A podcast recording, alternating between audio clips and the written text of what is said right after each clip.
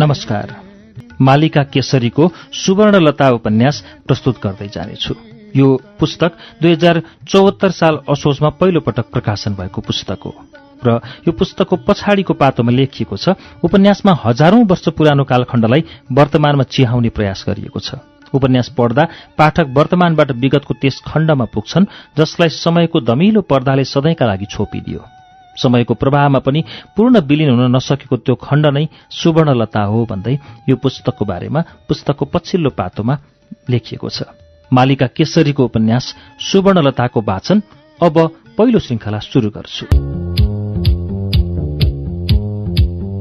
एकपछि अर्को घटनाक्रमको लामो सिलसिला थोरै खुसी धेरै त्रास।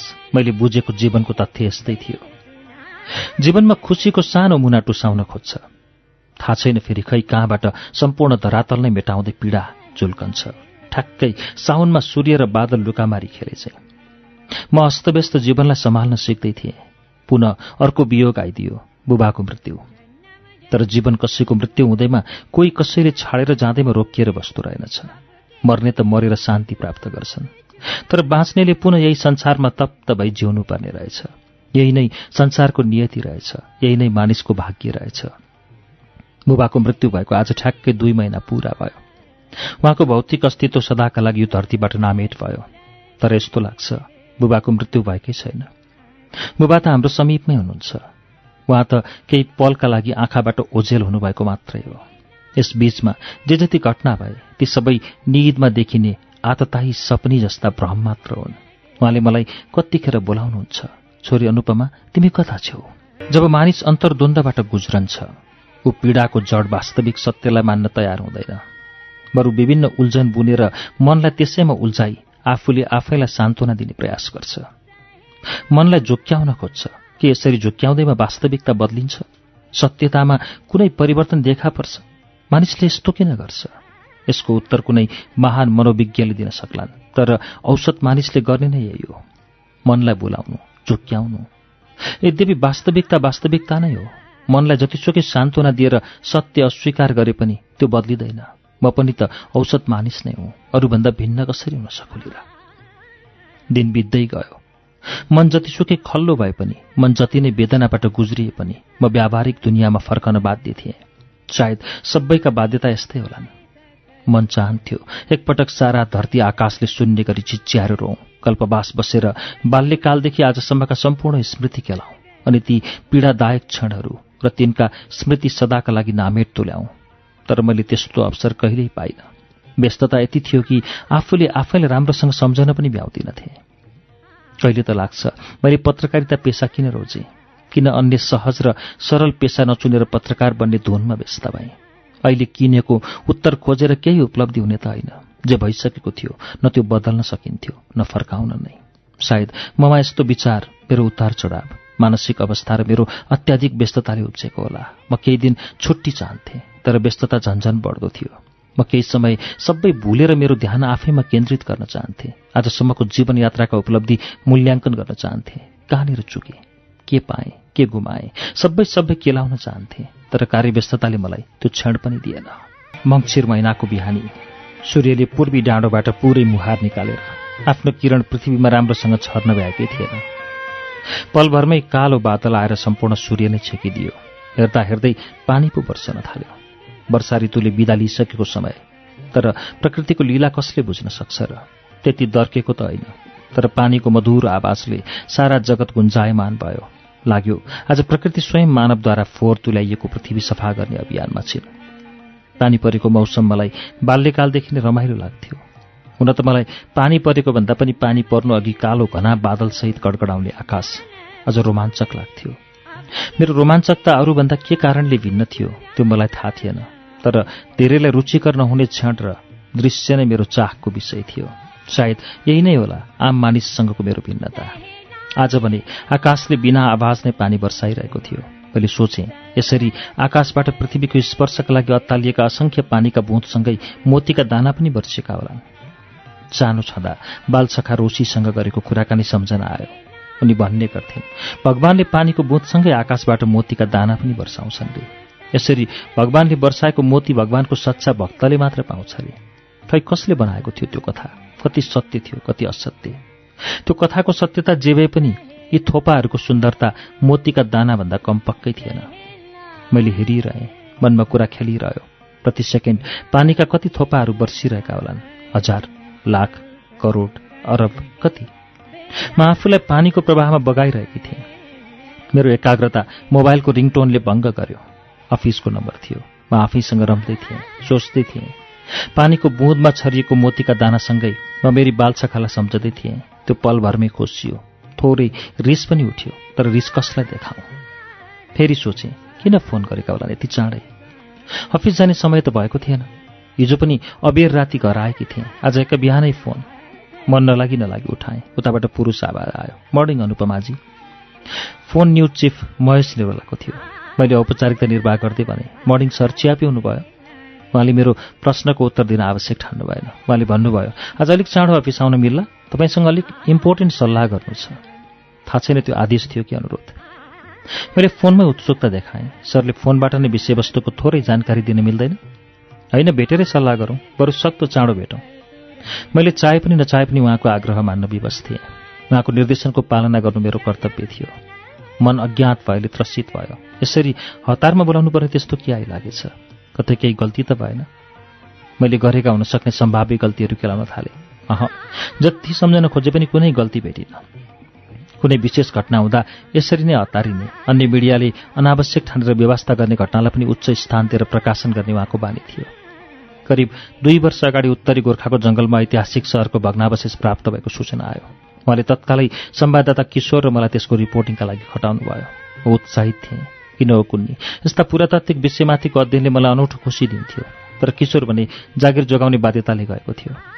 गाडी र पैदल यात्रामा चार दिन खर्चेर उक्त सूचना प्राप्त भएको स्थानसम्म पुग्यौँ।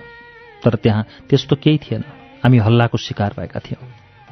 फेरि बाराको हलखोरिया जङ्गलमा एक युवकले बुद्धत्व प्राप्तिका लागि तपस्या गरिरहेको सूचना आयो। त्यसको रिपोर्टिङ गर्न पुनः मलाई नै खटाउनु भयो। त्यहाँको घटना पनि साँचो थियो। म करिब बिस दिन त्यो जङ्गलका बीचमा बसेर ती युवकको दिनचर्याको रिपोर्ट तयार गरेकी थिएँ। उहाँको रुचि यस्तै अनौठा लाग्ने घटनाको थियो। मैले अनुमान लगाएँ यसपालि पनि यस्तै कुनै घटना वा विषयवस्तु उहाँको हात लागेको हुनसक्छ। त्यस्तो के होला? मन अझ हतारियो। अफिसमा मभन्दा अनुभवी संवाददाता धेरै छन्। फेरि किन उहाँले मलाई नै यस्तो विषयको रिपोर्टिङ गर्न उपयुक्त ठान्नुहुन्छ थाहा छैन। झ्यालबाट बाहिर चियाएँ। अहिले पानी पर्न पुरै रोकिसकेछ। सायद मनमा पलाएको अज्ञात भएर कौतूहलताले होला। मलाई खाना तयार गर्नै मन लागेन। हिजोका जुठा भाँडा त्यसै असरल्ल थिए। माथिबाट घरबेटीको छोरो तल झऱ्यो। उमेरको हिसाबले मेरै आसपास थियो कि वा मभन्दा केही कम हुन सक्छ उसको नजर मेरो कोठातर्फ सोचियो। यसअघि पनि यस्तै कुत्सित नजर मतर्फ लगाएको मैले महसुस गरेकी थिएँ। सायद एक्लै केटी सम्झेर मनमा हे भावना पलाएको होला। मैले भित्रबाट उसलाई प्रष्ट देखेँ। थाहा छैन उसले देख्यो कि देखेन। साधारण हेराइ थिएन त्यो। उसको हेराइ मलाई एकाएक त्यो यौन पिपासु घृणित बुढोको सम्झना दिलायो घरबेटीको छोराले मेरो झ्यालमा कामुक नजर सोच्याइरह्यो। सिकारीसँग डराएर लुकेको शिकार चाहिँ म पर्दा पछाडि सास दबाएर लुकिरहेँ। उसले त्यसरी हेरेर उसको कुत्सित इच्छापूर्ति भयो वा उसले के पायो कुन्नी। केही बेर हेरेपछि ऊ मोटरसाइकल चढी बाहिरियो। त्रासले गर्दा मेरो मुटु अत्यन्त तीव्र गतिमा धड्किरहेको थियो। बदमासी उसको थियो नियतमा खोट उसको थियो र त्रस्त म हुनु परिरहेको थियो।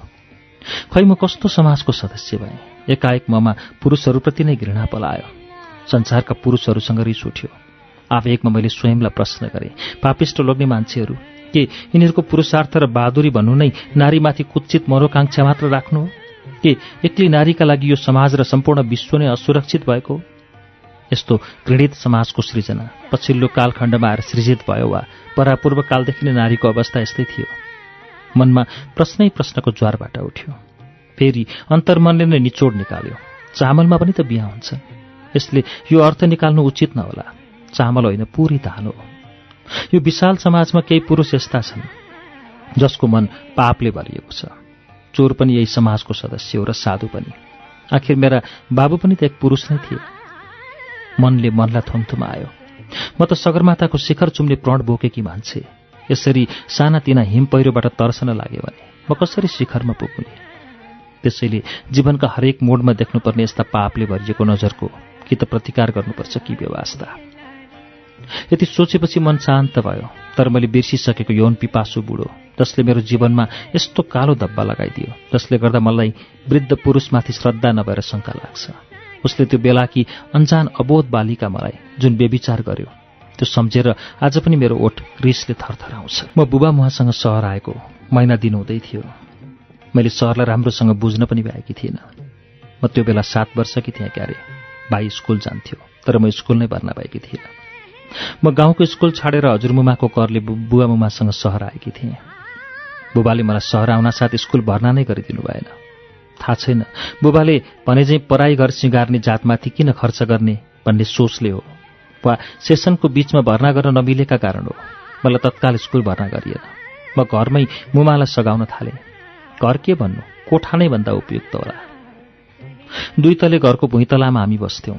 घरबेटीहरू माथिल्लो तलामा बस्थे। घरबेटीलाई देख्नासाथ बुबामुमा नतमस्तक हुनुभएको देखेर मलाई अनौठो लाग्थ्यो। किन त्यसरी झुक्नुपर्ने हो ती घरबेटी भन्ने मान्छेसँग?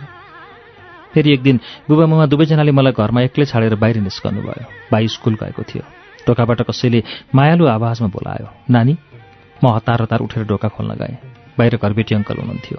उहाँको हातमा केही चक्लेट थिए। उहाँले बडो माया मिसिएको आवाजमा सोध्नुभयो चक्लेट खान्छौ? उहाँ र मेरो बुबाको मेरो उस्तै थियो होला। मेरै बुबाको कपाल सबै कालो थियो। तर उहाँको केही कपाललाई छाडेर अधिकांश कपाल सेत्तै भइसकेको थियो। त्यसैले उहाँको कपाल चामल र कालो तिल मिसाएको थुप्रो जस्तो देखिन्थ्यो। मैले स्वीकृतिमा खान्छु भन्न पनि सकिनँ खान्न भन्न पनि सकिनँ। मात्र उहाँको हातको चक्लेट हेरेर बसेँ। उहाँ बिस्तारै कोठाभित्र आउनुभयो। उहाँ हामी सुत्ने खाटमा बस्दै चक्लेट भएको हात मतिर बढाएर भन्नुभयो मैले यी चक्लेट तिम्रै लागि भनेर लिएर आएको खाऊ। म खुसी हुँदै उहाँको नजिक गएँ। उहाँको आँखामा हेरेँ। मैले त्यहाँ स्नेह र बादशाहले देखेँ। मलाई उहाँको आँखाको त्यो स्नेह बिल्कुल मेरी हजुरमुमाले मलाई गर्ने माया जस्तै लाग्यो। फेरि एकपटक झर्लक्क आँखा अगाडि हजुरमुमाको तस्विर नाच्यो। यतिखेर हजुरमुमा के गर्दै हुनुहुन्छ होला? सायद घरको आँगनमा बसेर मलाई नै सम्झिरहनु भएको होला। उहाँले पनि यसै गरी मलाई चक्लेट दिनुहुन्थ्यो। धेरै दिनपछि घरबेटी अङ्कलले दिनुभएको चक्लेटले मलाई उहाँको सम्झना दिलायो। मैले उहाँको हातबाट चक्लेट टिपेर खाएँ। चक्लेट वास्तवमै मिठो थियो।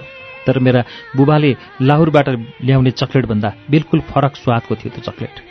उहाँले अनौठो चमक आँखामा ल्याएर मैले चक्लेट खाएको हेरिरहनु भयो जब मैले दोस्रो चक्लेट खानका लागि त्यसको खोल छोडाउँदै थिएँ उहाँले मेरो देब्रे हातमा समातेर भन्नुभयो आऊ नानी यहाँ बस्छ उहाँको आवाज मायालु थियो। उहाँको बोलीमा स्नेह भरिएको थियो। मैले घरबेटी अङ्कलको आँखामा हेरेँ। उहाँको आँखाको चाल अनौठा थिए। आँखाभरि अनौठो आवेग थियो। मैले केही बुझिनँ। मेरो बुबा समान मानिसले मायालु पारामा तानेर आफ्नो काखमा बसाल्नु भयो म बसिदिएँ। उहाँले चक्लेट खोल्नुभयो। बिस्तारै मेरो ओठलाई छुवाएर खुवाउनु भयो मैले खाइदिएँ। बिस्तारै उहाँका हात मेरो लुगाभित्र दौडिन थाले। ठिक त्यसरी जसरी हजुरमुमाले मलाई सुत्ने बेलामा मायाले सुमसुमाउनुहुन्थ्यो। उहाँका हात मेरा शरीरमा एक तमास दौडिरहे। मैले अनौठो मानेर उहाँलाई हेरिरहेँ। उहाँका ती व्याकुल आँखा। म चक्लेट खाइरहेकी थिएँ। कोही भर्याङ उक्लिएर माथि गयो। उहाँ निदबाट बिउजिए चाहिँ झस्कनु भयो बिस्तारै च्याल नजिक गएर पर्दाको चरबाट भर्याङतर्फ च्याउनु भयो अनि म भएको ठाउँमा आई। मेरो कानैनिर मुख ल्याएर भन्नुभयो मैले भोलि योभन्दा झन् ठुलो मिठो चक्लेट ल्याउँछु है। भाइ मुमा र कसैलाई पनि केही नभन है। म चक्लेटको आशामा आज्ञाकारी बालिका भने शिर हल्लाएर भने हुन्छ। उहाँले मेरो गालामा मुहाई खानुभयो। उहाँका दारीले मेरो गाला च्वास्स गोच्यो थोरै पीडा पनि भयो तर मैले केही भनिनँ। उहाँ बिस्तारै ढोका खोलेर बाहिर जानुभयो। तर उहाँले मुहाई खाँदा मेरो गालामा लागेको थुक चिस्सै थियो। गालामा दारीले घोचेको दुखाइ अझै बाँकी थियो। साँझ बुबा मुवा आउनुभयो। मैले दिउँसोका कुरा कुनै पनि उहाँहरूलाई भनिनँ।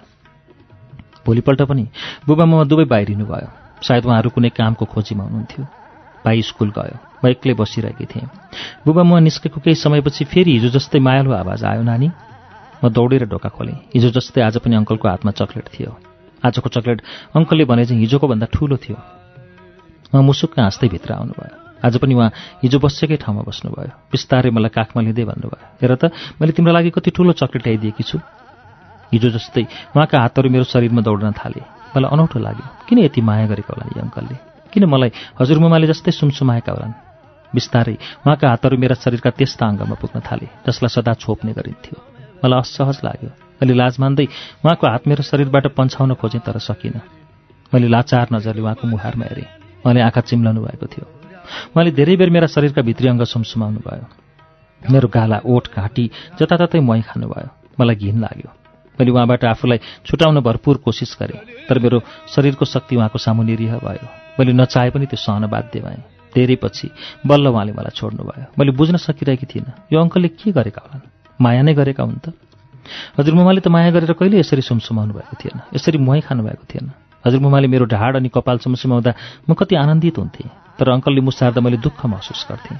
उहाँले बेला बेलामा बेसरी समात्नुहुन्थ्यो। त्यो अङ्कल र मेरी हजुरमुमाको सुमसुमाई बिल्कुल फरक थियो। मैले सोचेँ उहाँले मलाई माया गर्नुभएको होइन। त्यसो भए के हो त? हाम्रो कोठाबाट बाहिर निस्कनु अगाडि उहाँले हिजो जस्तै गाला र ओठमा मुहाई खानुभयो र भोलि फेरि झन् ठुलो चक्लेट ल्याइदिने लोभ देखाउँदै पारिनु भयो मलाई भने भोलि कहिले नआए पनि हुन्थ्यो चाहिँ लागिरह्यो।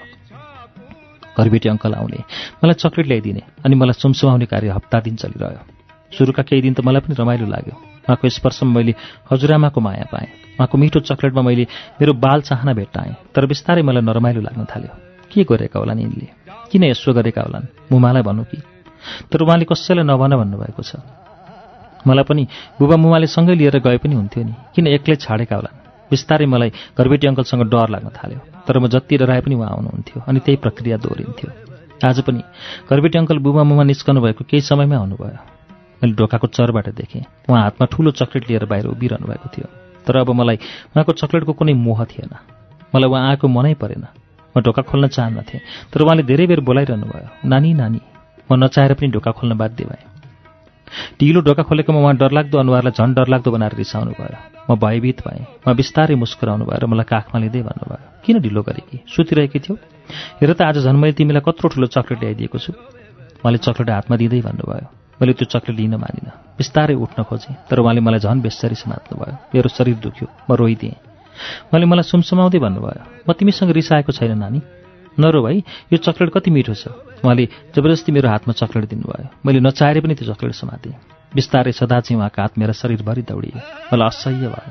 मैले उहाँका हात फाल्न चाहन्थेँ तर मेरो सामर्थ्य नै थिएन। सहनुभन्दा म अरू के नै पो गर्न सक्थेँ र। उहाँका हातहरू मेरो शरीरमा दौडिरहेका थिए। मैले ढोकामा देखेँ। मेरी मुमा हामीलाई नै हेरिरहनु भएको थियो। जब घरबेटी अङ्कलले मुमालाई देख्नुभयो उहाँ अक्क बक्काउनु भयो तत्कालै मलाई काखबाट ओह्रालेर केही नबोली बाहिरिनु भयो। म डरले निलिकाली भएँ। अब मलाई मुमाले के गर्नुहुन्छ? मुमा बिस्तारै नजिक आउनुभयो। म मानिस देखेर तर्सिएको बिरालोको बच्चा जस्तो पर पर सरेँ। उहाँ जति मेरो नजिक आउनुहुन्थ्यो म त्यति नै भयभीत हुँदै पर पर सर्दै गएँ। तर घरको भित्तो अचल अडिक भई बसिदियो। मेरो मनोदशा बुझेर पर सर्दै सरेन। म कोठाको भित्तोमा अडेस लागेर भयभीत नजरले मुमालाई हेरिरहेँ। मलाई लाग्यो अब मुमाले मलाई बेसरी कुट्नुहुन्छ। अह आमाले त्यसो गर्नु भएन मेरो सोच विपरीत। उहाँ त मलाई अँगालो हालेर रुन पो थाल्नुभयो। म पनि मुमालाई अँगालेर रोइदिएँ। आज बल्ल पहिले मेरो मनको सबै डर पखालेर रुन पाएँ। हामी दुवैजना रोइरह्यौँ। जब दिन ढल्कन लाग्यो बुबा भाइलाई लिएर आउनुभयो। हाम्रो हालत अत्यन्त दयनीय थियो। हाम्रो आँखा रुँदा रुँदा राता भएका थिए।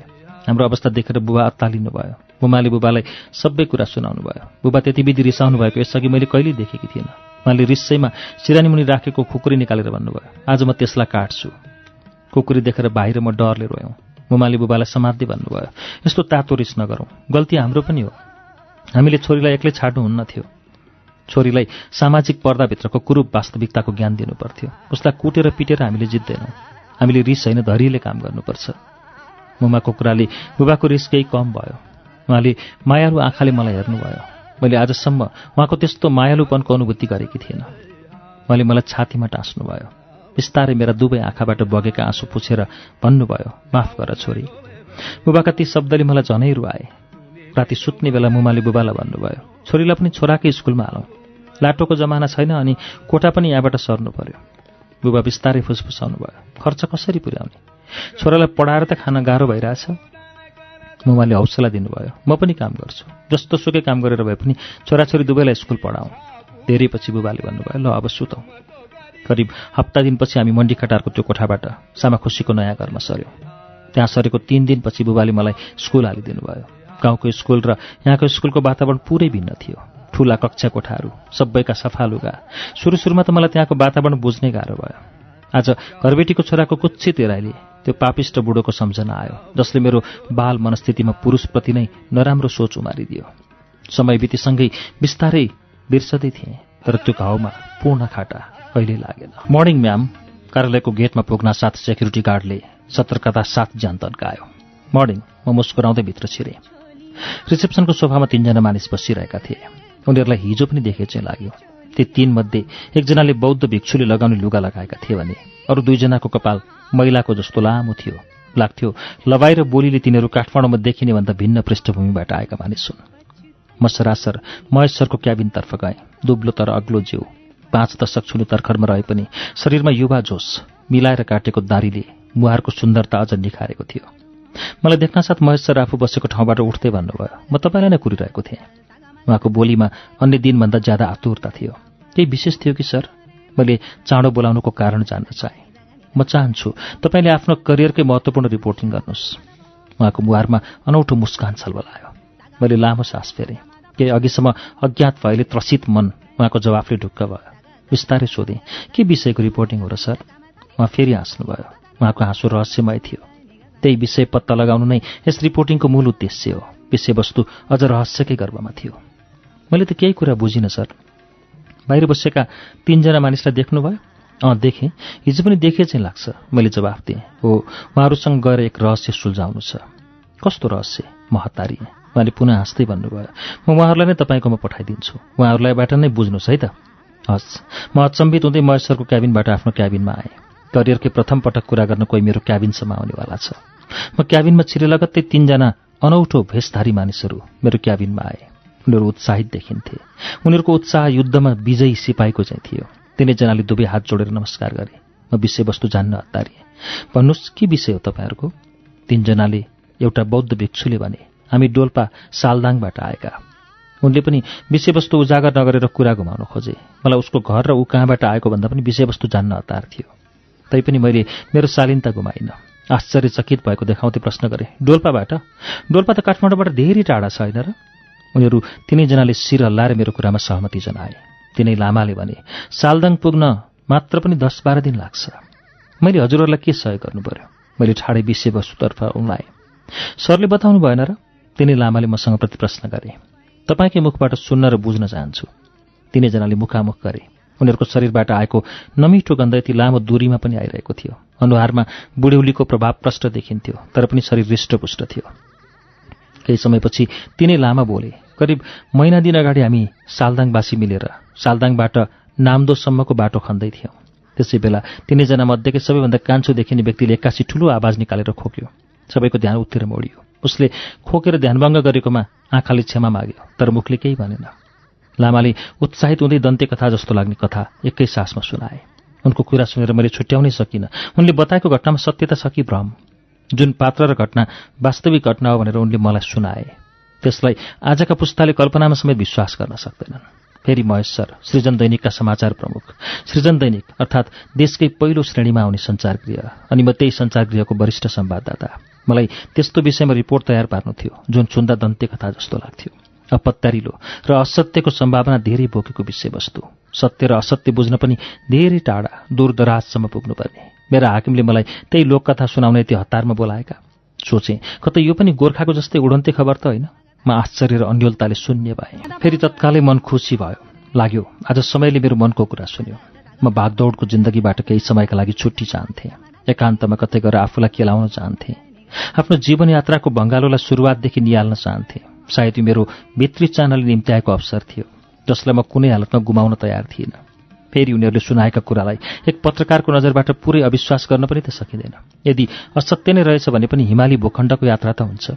फेरि हजारौं रहस्य आफ्नो गर्वमा लुकाएर मुस्कुराएको हिमखण्ड र त्यहाँको भूखण्डता यस्ता आश्चर्यपूर्ण घटना घटित हुन नसक्नुलाई सिधै अस्वीकार गर्न पनि सकिँदैन। अर्को कुरा यति लामो कष्टपूर्ण यात्रा गरी यहाँसम्म आएर एक बौद्ध भिक्षुले झुटो नबोल्नुपर्ने।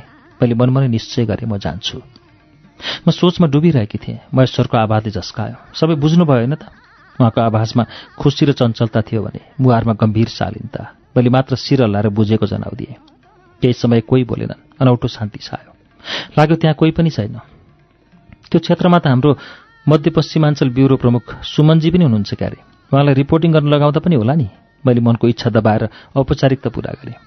मैले सुमनजीसँग कुरा गरेको थिएँ। हप्ता दिन अगाडि सडक दुर्घटनामा घाइते भए अस्पतालमा हुँदो रहेछ। त्यसैले यो जिम्मेवारी तपाईँलाई नै सुम्पने विचार गरेँ। म कार्यालयको जिम्मेवारी इन्कार गर्न सक्ने अवस्थामा थिइनँ। अर्को कुरा भित्री मनमा मलाई जानु पनि थियो। नयाँ भूगोलको यात्रा अनुभव सम्हाल्नु थियो। मनमा जमेका क्लेश र पीडा बाहिर निकाल्नु थियो। बिस्तारै सोधेँ कहिले जाने? मेरो प्रश्नले महेश्वरको मुहार हँसिलो देखियो। आजै मैले तपाईँहरूको यात्राको सेड्युल पनि बनाएको छु। धेरै दिनको यात्रा र चिसो ठाउँ भएकाले न्यानो लुगाको आवश्यक तयारी गर्नुहोला। हवाई टिकट के छ म बुझ्छु। महेश्वर मेरो क्याबिनबाट निस्कनुभयो।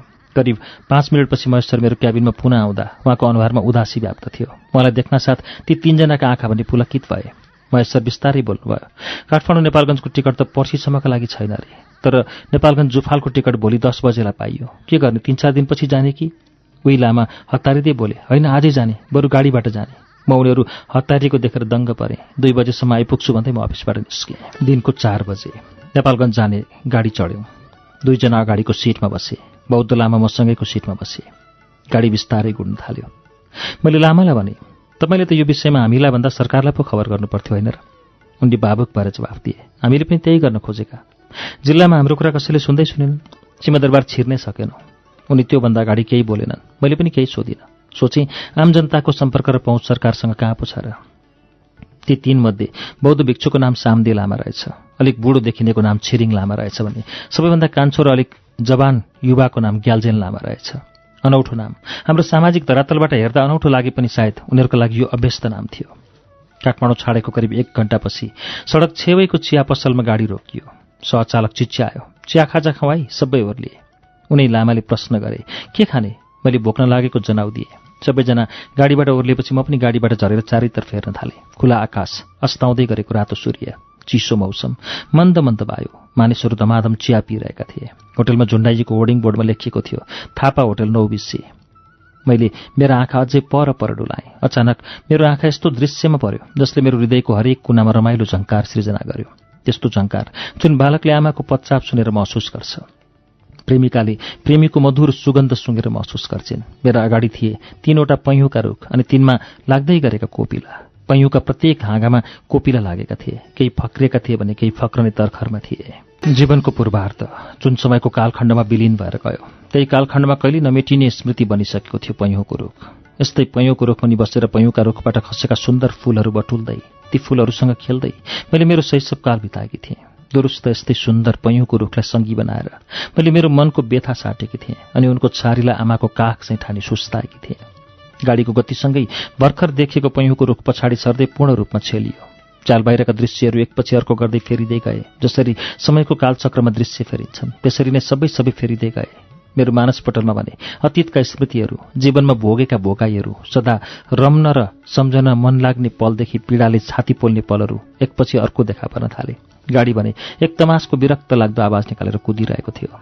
समयलाई रोकेर राख्ने सामर्थ्य कसैसँग छैन तर समयको बहावसँगै मानिसलाई प्राप्त हुने स्मृति र अनुभवलाई आफ्नै प्रवाहमा बगाएर लैजाने सामर्थ्य समयसँग पनि छैन। समयको कठोरतम प्रहारले पनि ती स्मृति नामेट हुँदैनन् बरु अझ ताजा र अविस्मरणीय बन्न पुग्छन्। मेरा पनि यस्तै स्मृति र बगाई छन् जुन सदा मसँगै रहनेछन् मसँगै बहनेछन् र एक दिन मसँगै जानेछन्। यो संसारबाट मैले लैजाने त्यही स्मृति हो त्यही याद हो त्यही सम्झना हो। आज यतिका वर्षपछि अचानक मेरो साक्षात्कार फुलै फुलले सिँगारिएको पैँहुको रुखसँग भयो। म बिस्तारै समयको त्यो कालखण्डतर्फ फर्कन थालेँ वा भनौँ मेरा स्मृतिका पानाहरू मैले पुनः पल्टाएँ जहाँ म दुलै झैँ सिँगारिएकी पैँहुको रुखको काखमा लडीबुडी खेलेर मेरो बाल्यकाल बिताएकी थिएँ। जुन समय इतिहासको गर्भमा विलिन भएर गयो त्यो बाल्यकाल त्यो पैँहुको रुख त्यो उन्मुक्त आँसु त्यो पीडादायक प्रतीक्षा त्यो मुटु घोच्ने वियोग सबै सबै त्यो डाँडाको उचाइ वरपरका अन्य डाँडाभन्दा अग्लो थियो। डाँडाको सबैभन्दा माथिल्लो भाग समथर थियो। त्यो समथर भूखण्डबाट चियाउँदा उत्तरदेखि पूर्वसम्म फैलिएको हिमाल बाहेक अन्य डाँडा होचा देखिन्थे। त्यो समथर जमिनको पूर्वी भागमा लहरै तीनवटा रुख थिए। ती तीनमध्ये एक थियो समीको रुख जसका आँगाहरू अन्य दुई रुखको भन्दा धेरै र परसम्म फैलिएका थिए। त्यस रुखलाई ढुङ्गाले घेरेर चौपारीको आकार दिएको थियो। मानिसहरू त्यस चौपारीलाई दमिनी चौपारी भन्थे। त्यो दमिनी चौपारीको पनि आफ्नै कथा थियो। समयको कुनै कालखण्डमा गाउँको एउटी दोजिया दमिनीले त्यही समीको रूपमा झुन्डिएर आत्महत्या गरेकी थिइन् रे। त्यही दिनदेखि त्यस रुखले नाम पायो नयाँ दमिनी चौपारी। थियो होला उनको पनि आफ्नै पीडा आफ्नै व्यथा। समीको रुखको देब्रेतर्फ करिब बिस हात जति परउँदो पैँयुको रुख जुन हरेक वर्ष चिसो मौसममा फुल्थ्यो। केही दिनका लागि फुल्ने त्यो रुखले सारा जगतको ध्यान आफूमा खिचेर आफ्नो सुन्दरताको वर्णन गर्न बाध्य पार्थ्यो। ठिक त्यसरी जसरी नारी सौन्दर्यले जीवनको दोस्रो दशकमा प्रवेश गर्ने क्रममा सारा समाजको ध्यान आफूमा खिच्ने गर्छ। समीको रुखको दाहिनेतर्फ करिब पच्चिस हातको दूरीमा अर्को विशाल रुख थियो नौसिरीको। जुन रुख उचाइ र फैलावटका हिसाबले पैँयौँ र समीको रुखभन्दा ठूलो थियो। नैसिरीले वसन्तमा आफूलाई निखार्दै सेतोमा गाडा बैजनी रङ मिसाएर सुन्दर फूल फुलाउँथ्यो। ती रुखमा फुलेका फूल र तिनका पत्रहरू छरिएको त्यहाँको भूखण्ड हिन्दू धर्मग्रन्थमा स्वर्गबाट पुष्पवृष्टि गरेको वर्णनसँग दुरुस्त मेल खान्थ्यो। ती रुखमुनि उभिएर केही बेर उभिएमा शिरभरि पर्ने फूलका पत्रहरूले त्यो पुष्पवृष्टि आफ्नै लागि गरिएको आवाज दिलाउँथ्यो। त्यो डाँडामा रहेको समथर भूखण्ड अनि ती तीन रुखको इतिहास कति लामो छ कसैलाई थाहा थिएन। घरकी सबैभन्दा बुढी मेरी हजुरमुमा बच्ची हुँदा पनि त्यो रुख त्यस्तै थियो अरे उहाँकी हजुरमुमा बच्ची हुँदा पनि त्यस्तै थियो अरे त्यहाँबाट उत्तरतर्फ देखिने धौलागिरी निलगिरी अन्नपूर्ण माछापुछ्रे हिमटाकुरा ती अग्ला हिमशिखर समान आफ्नो उचाइ बढाउने कोसिसमा रहेका पर्वतहरू र नागबेरी आकारमा बगेकी सेती नदीको इतिहास के हो? कुन कालखण्डमा त्यसको निर्माण भयो? त्यो त झन् कसलाई पो थाहा होला र? त्यसको सुरुवातदेखि आजसम्म कति जीवन फुल्यो होला? कति जीवन अस्त भयो होला? मात्र प्रश्न छ उत्तर कहीँ छैन। फेरि फर्कौँ त्यही चौर। जहाँ समथर मैदान थियो। मानिसहरू त्यसलाई दमिनी चौर भन्थे। सायद त्यो दमिनी चौपारीको आँगनमा भएकाले त्यसले नाम पाएको थियो दमिनी चौर। दमिनीको आत्महत्याले निवारण भएको नाम। यदि दमिनीले त्यो रूपमा झुन्डिएर आत्महत्या नगरेकी भए त्यसको नाम के हुन्थ्यो होला? कसैलाई थाहा छैन र थाहा पाउने चासो पनि छैन। त्यो दमिनी चौरको पूर्वतर्फ पचास हात जति ओह्रालो झरेपछि आउँथ्यो गणेश स्थान जुन गणेशको मन्दिरमा छानो थिएन। विशाल प्राकृतिक शिलालाई गणेशको प्रतीक मानेर ढुङ्गा माटोको गाह्रो लगाइएको थियो। हजुरमुमा भन्नुहुन्थ्यो त्यो गणेश मानेर पुज्ने गरेको शिला नजिकैको अर्को शिलामा प्राकृतिक रूपमै बाघ मुसा नाग र शिवका आकृति थिए।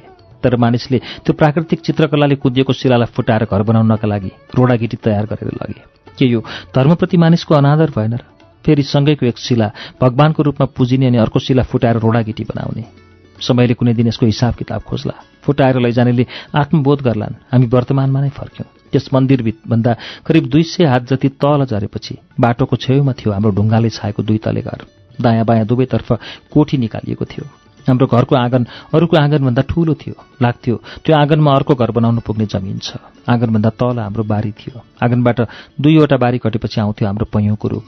उचाइको हिसाबले दमिनी चौरको जति अग्लो त होइन तर त्यसका फैलिएका आँगाहरू दमिनी चौरको पैँयौको भन्दा धेरै थिए। त्यो पैँयौको रुखभन्दा तलका बिसवटा जति बारीका पाटा सबै हाम्रा थिए। हाम्रो बारी सरिकै लकत्तै सानो समथर जमिन आउँथ्यो। सम्म परेको भूखण्ड भए पनि त्यहाँको जमिन ज दमिनी चौरको जस्तो मिलेको थिएन। त्यो जमिन केही भिरालो र कोल्टिएको थियो। सबैभन्दा सुरुको घर थियो पराजुली बाजेको। पराजुली बाजेले पुरेत्याइ गर्ने भएकाले मानिसहरू उनलाई पुरेत बाजे भनेर पनि बोलाउँथे। खै के कारण थियो कुन्नी? हाम्रो हजुरमुमा र त्यो परिवारका बिचमा बोलचाल थिएन। उनीहरू हाम्रो घरमा आउँथेन हामी उनीहरूको घरमा जान्थ्यौँ। पराजुली बाजेको घरबाट करिब बिस हातको दूरीमा ठकुरीका जम्मा जम्मी दस घर र नेवारका तीन घर थिए। केही मल्ल ठकुरी थिए भने केही हाम्रै कुलका दाजुभाइ थिए। साई ठकुरी छुट्टै अभिमान र अहमले भरिएका ठकुरी वंश बाबु साहेबहरू राजाका सन्तानले। हाम्रो घरमुनिको बस्ती कटेपछि आउँथ्यो सानो जङ्गल जसको नाम थियो नापारी अनौठो थियो त्यसको नाम नापारी। सायद नेवारी नाम हुनुपर्छ। हाम्रो घरबाट नापारी जङ्गल जाँदा बाटोमा पर्थ्यो डिकुस कुवा। डाँडाभरिका प्राणीको तिर्खा मेट्ने एकमात्र पानीको स्रोत थियो त्यो। नापारी जङ्गल बेसीसम्म फैलिएको थियो। बेसीमा बहेकी सानी क्याङदी नदी त्यो क्याङदी नदी तरेपछि आउँथ्यो सानो डाँडा जसलाई किमल डाँडा भनिन्थ्यो। कुमाल जातिको बसोबास रहेकाले त्यसको नाम कुमाल डाँडा हुँदै कालान्तरमा किमल डाँडा हुन गएको होला। त्योभन्दा पर थियो दुध जस्तै सेती नदी। अझ आँखालाई पर पूर्वतर्फ लैजाँदा देखिन्थे विभिन्न डाँडाहरू र अन्तमा देखिन्थ्यो हात्तीको आकृतिमा सुतेको गणेश सिमाल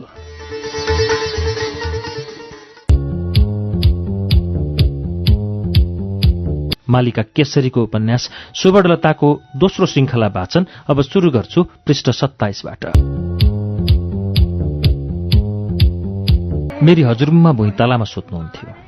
मुमा र मेरो बिस्तारा चोटामा थियो म मुमासँग सुत्थेँ। हजुरबुबा कहिले बित्नुभयो थाहा छैन।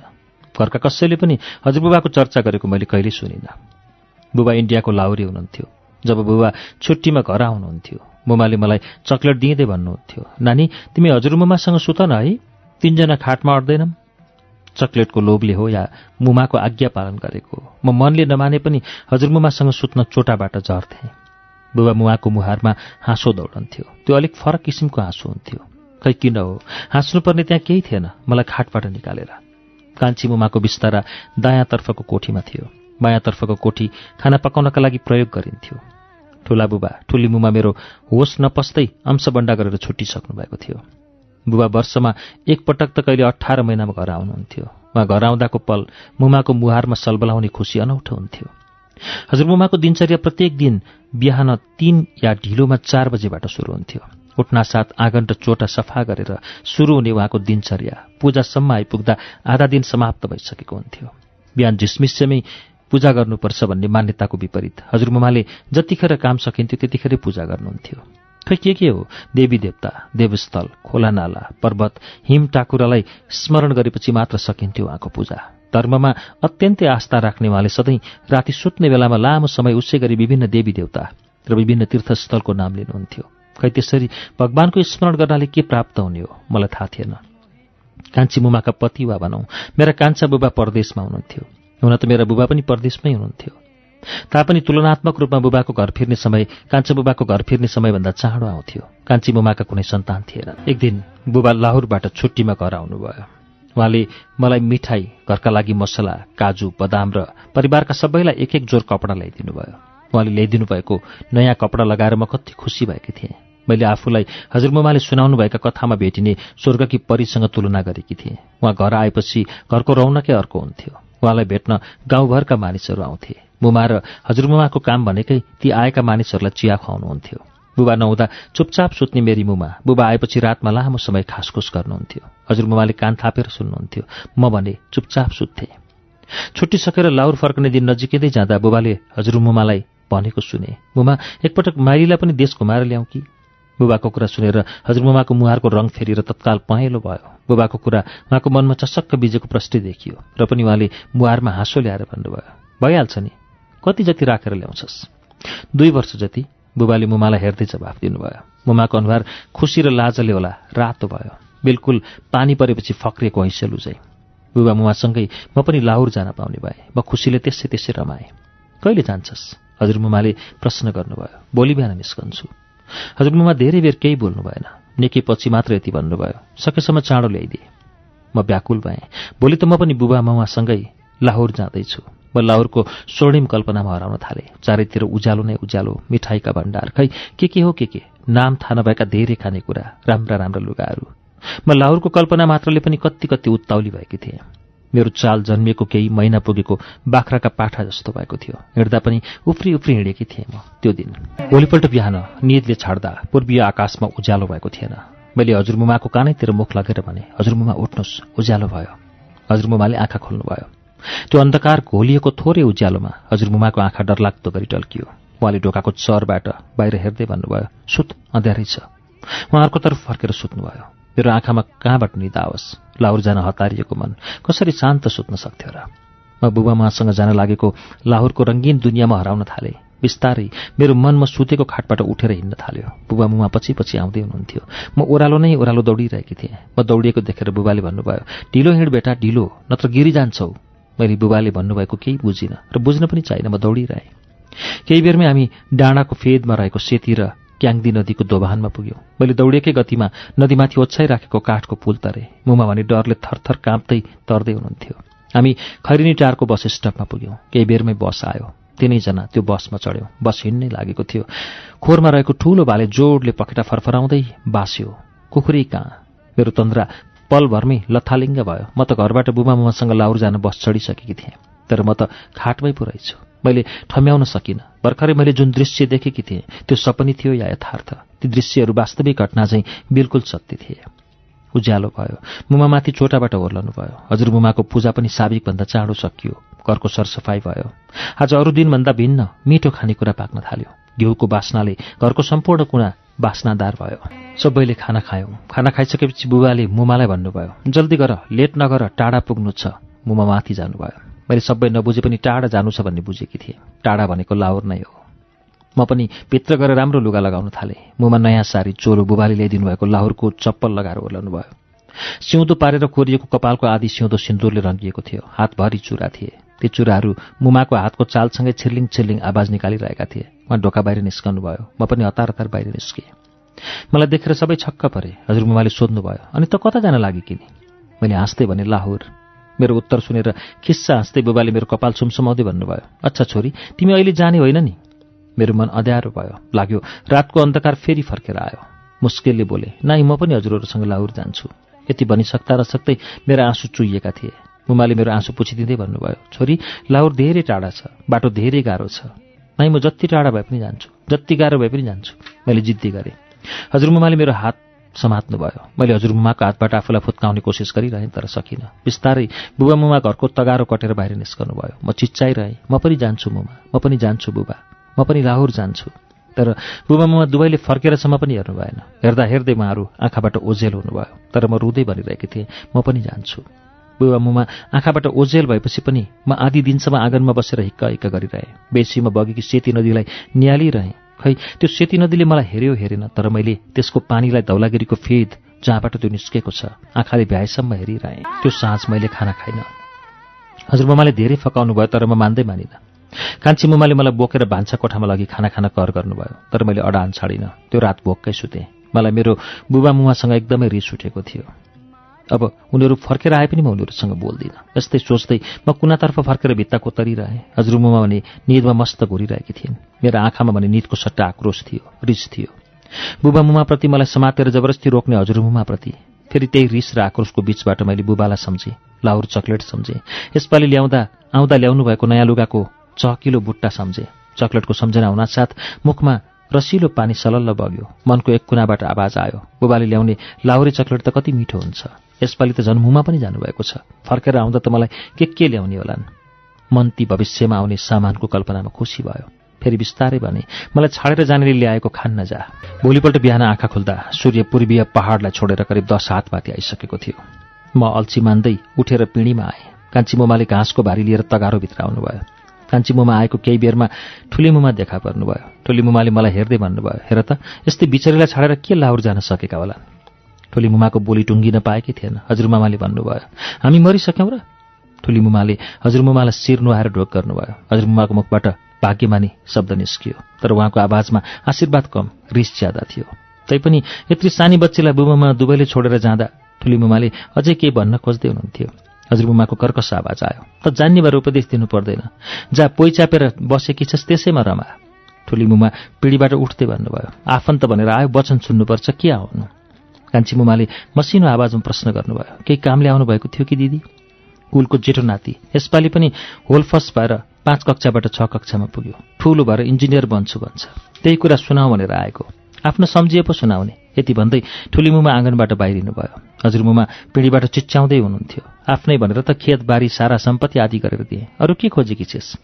उताबाट ठुलीमुमाले के भन्नुभयो कुनै दूरी टाढा भएकाले केही बुझिएन। म पिँढीको कुनामा बसेर सबै सुनिरहेँ हेरिरहेँ। तर केही बुझिनँ त्यो झगडा के का लागि थियो? किन बाजेका होलान् यी बुढीहरू? मानिस रिसाएपछि कति भयानक देखिन्छ। के साँच्ची मानिसका दुईटा स्वरूप हुन्छन्? एक रिसाउँदा देखाउने भयानक रूप अनि अर्को खुसी र सामान्य अवस्थामा देखाउने सुन्दर शालीन रूप। धेरै बेरपछि मेरो मुखमा हेर्दै हजुरमुमाले भन्नुभयो तेरो दाई राम्रो पढ्छ ज्ञानी छ। यसपालि होलफास भयो रे। त पनि ठुली भएपछि राम्रोसँग पढाइ ज्ञानी मुन्छे बन। उहाँका हातले मेरा कपाल मुसारिरहेका थिए। मैले आज्ञाकारी बच्ची बनी। शिर हल्लाएर हजुरमुमाको कुरामा स्वीकृति जनाएँ तर मुखबाट कुनै आवाज निस्किएन उहाँले मलाई छातीमा टाँस्नुभयो। मैले सोचिरहेँ ज्ञानी मुन्छे कसरी भन्ने हो? अनि मैले कसरी धेरै पढ्ने? धेरै भनेको कति? धेरै बेरपछि कान्छी मुमातर्फ हेरेर भन्नुभयो कान्छी एकपटक जेठुनाथीलाई बोलाइदिए त्यसलाई हेर्न मन लाग्यो। कुलको जेठुनाथी होलफस भएछ। हस्। कान्छी मुमाले आज्ञा तत्कालै शिरोधार्य गर्नुभयो। भोलि बिहान म खाना खाएर रोसीको बाटो हेरिरहेँ। हजुरमुमा र कान्छी मुमा आफ्नै धन्दामा व्यस्त हुनुहुन्थ्यो तर मेरो मन व्याकुल थियो हतारिएको थियो। कतिखेर दमिनी चौरमा पुग्ने अनि त्यो लाउरी डाँडा हेर्ने मलाई चुलबुलाएको मन सम्हालेर राख्नै गाह्रो भएको थियो। म सोच्दै थिएँ आज पनि लाउरी डाँडामाथि हिजो यस्तै बुबा मुहाको छवि देखिएला कि नदेखिएला? समय बित्दै गयो। जति समय बित्दै थियो मेरो छटपटी अझ बढ्दै थियो। म अझ व्याकुल भएकी थिएँ। तर रोसी घाम आकाशमा पुगिसक्दा पनि आइपुगिन। म कुरिरहेँ। जीवनमा प्रत्यक्ष जस्तो व्यग्रता कुनै कार्य गर्न हुँदो रहेनछ। मैले मेरो बाल मस्तिष्कमा प्रथम पटक यो कुरा बुझेँ। बिस्तारै काम पश्चिम आकाशतर्फ ढल्कन थाल्यो तर पनि रोसी आइन। म तगारो नजिकै उभिएर रोसी आउने बाटो हेरिरहेँ तर ऊ आउने बाटो शून्य थियो।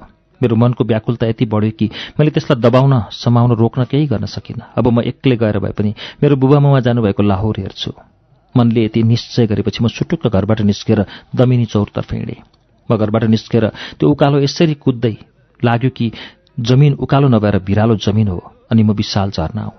म यति चाँडै त्यो दमिनी चौपारीमा पुगेँ। मेरो त्यो बेलाको दौडको गति कति थियो मैले कहिले अन्दाज लगाउन सकिनँ।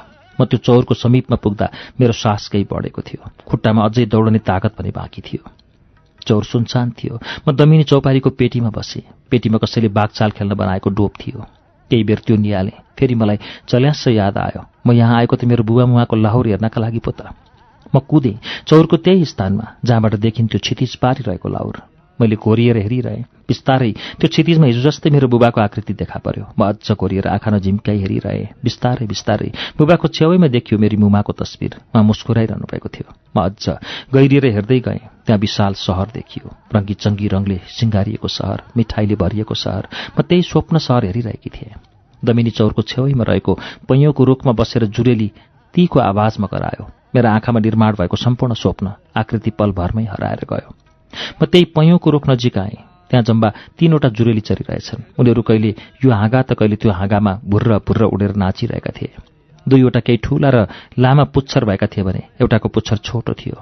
मैले अन्दाज लगाएँ तिनीहरू एकै परिवारका होलान्। लामा पुच्छरका बुबा मुमा होलान्। छोटो पुच्छर भएकी छोरी थिए कि? वा छोरा पो हो कि? होइन छोरी नै होली मैले तिनीहरूको त्यो रमाइलो खेल हेरिरहेँ। ती तीनमध्ये त्यो छोटो पुच्छर भएको जुरेली चरी मेरो नजिकै आयो। बिस्तारै मुखले भुइँबाट केही टिप्दै आवाज निकाल्यो। मलाई लाग्यो उसले मलाई केही सोधेको छ। उसले भनिरहेको छ मेरा त बुबा मुमा मसँग छन् तिम्रा खै त? जब मनले यही नै सोधेको होला भन्ने अन्दाज लगायो किनकिन मेरा आँखा त्यसै रसाएर आए। केही क्षण पश्चात त्यो जुरेलीको परिवार त्यहाँबाट धेरै पर उडेर गयो। जबसम्म मेरो आँखाबाट उनीहरू ओझेल भएनन् मैले उनीहरूको उडेको हेरिरहेँ। फेरि त्यहाँ शून्यता छायो शब्दविहीन शून्यता। मैले त्यो शून्यता एकान्तमा हराउँदै ती तीन रुखलाई हेरिरहेँ। मैले धेरै बेर गरेर एक एक गरी ती तीन रुखलाई हेरिरहेँ अनि बिस्तारै त्यही दमिनी चौपारीको ढुङ्गामा ढल्किएँ जसरी म मुमाको काखमा ढल्कने गर्थेँ। जब म मुमाको काखमा ढल्कन्थेँ मुमाले मायाले मेरो कपाल छुमछुमाउनुहुन्थ्यो। म मुमाको त्यही प्रेमपूर्ण स्पर्शको सम्झना गर्दै समयको भेदमा ढल्किरहेँ। धेरै बेरपछि त्यो समीको रुखको मध्य भागबाट सम्पूर्ण सेतो पहिरन धारण गरेकी एक सोह्र सत्र वर्ष जतिकी युवती बिस्तारै बाहिर आइन्। म जससँग भएँ उठ्न खोजेँ। उनले मधुर आवाजमा भनिन् नानी नडराऊ म केही पनि गर्दिनँ। उनको कुराले मेरो डर केही कम भयो। उनी मेरो छेउमा बसिन् मिलेका आँखा सुन्दर नाक अग्लो जिउडाल उनी अत्यन्त राम्री थिइन्। उनले बिस्तारै मेरो कपाल सुमसुमाउँदै भनिन् मसँग नडराऊ म तिमीलाई केही पनि गर्दिनँ मात्र एकछिन कुरा गर्छु मेरो डर अझै बाँकी थियो। मैले भयमिश्रित आवाजमा सोधेँ तपाईँ को हुनुहुन्छ? उनले सुन्दर अनुहार अझ उज्यालो तुल्याएर बिस्तारै भनिन् म यही दमिनी चौपारी कि दमिनी? म तर्सेँ। हजुर ममाले भन्नुभएको सम्झेँ। यस चौपारीमा त धेरै वर्ष अगाडि एक दमिनी झुन्डिएर मरेकी थिइन् रे। फेरि उनी कसरी? मैले काँपेको आवाजमा भने भूत। उनले भनिन् म भूत होइन नानी। म आत्मा हुँ। दुःखी अपहेलित आत्मा। मलाई उनको भूत होइन भन्ने कुराले केही राहत मिल्यो। डर पनि केही कम भयो। थोरै डर मिश्रित आवाजमा सोधेँ तपाईँको घर कहाँ हो नि? धेरै वर्ष पहिला मेरो घर तिम्रो घरभन्दा अलिक माथि थियो।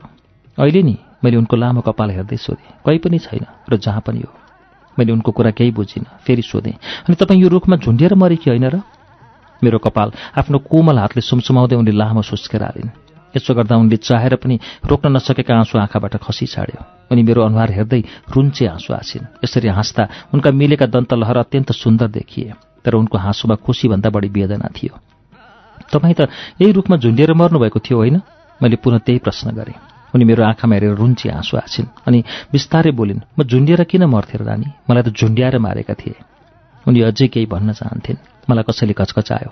मैले आँखा उगारेँ। चारैतिर रातको गाडा अन्धकार छरिएको थियो। म दमिनी चौपारीको पेटीमा निधाइरहेकी रहेछु। हजुरमुमाले मलाई चकचकाइरहनु भएको थियो।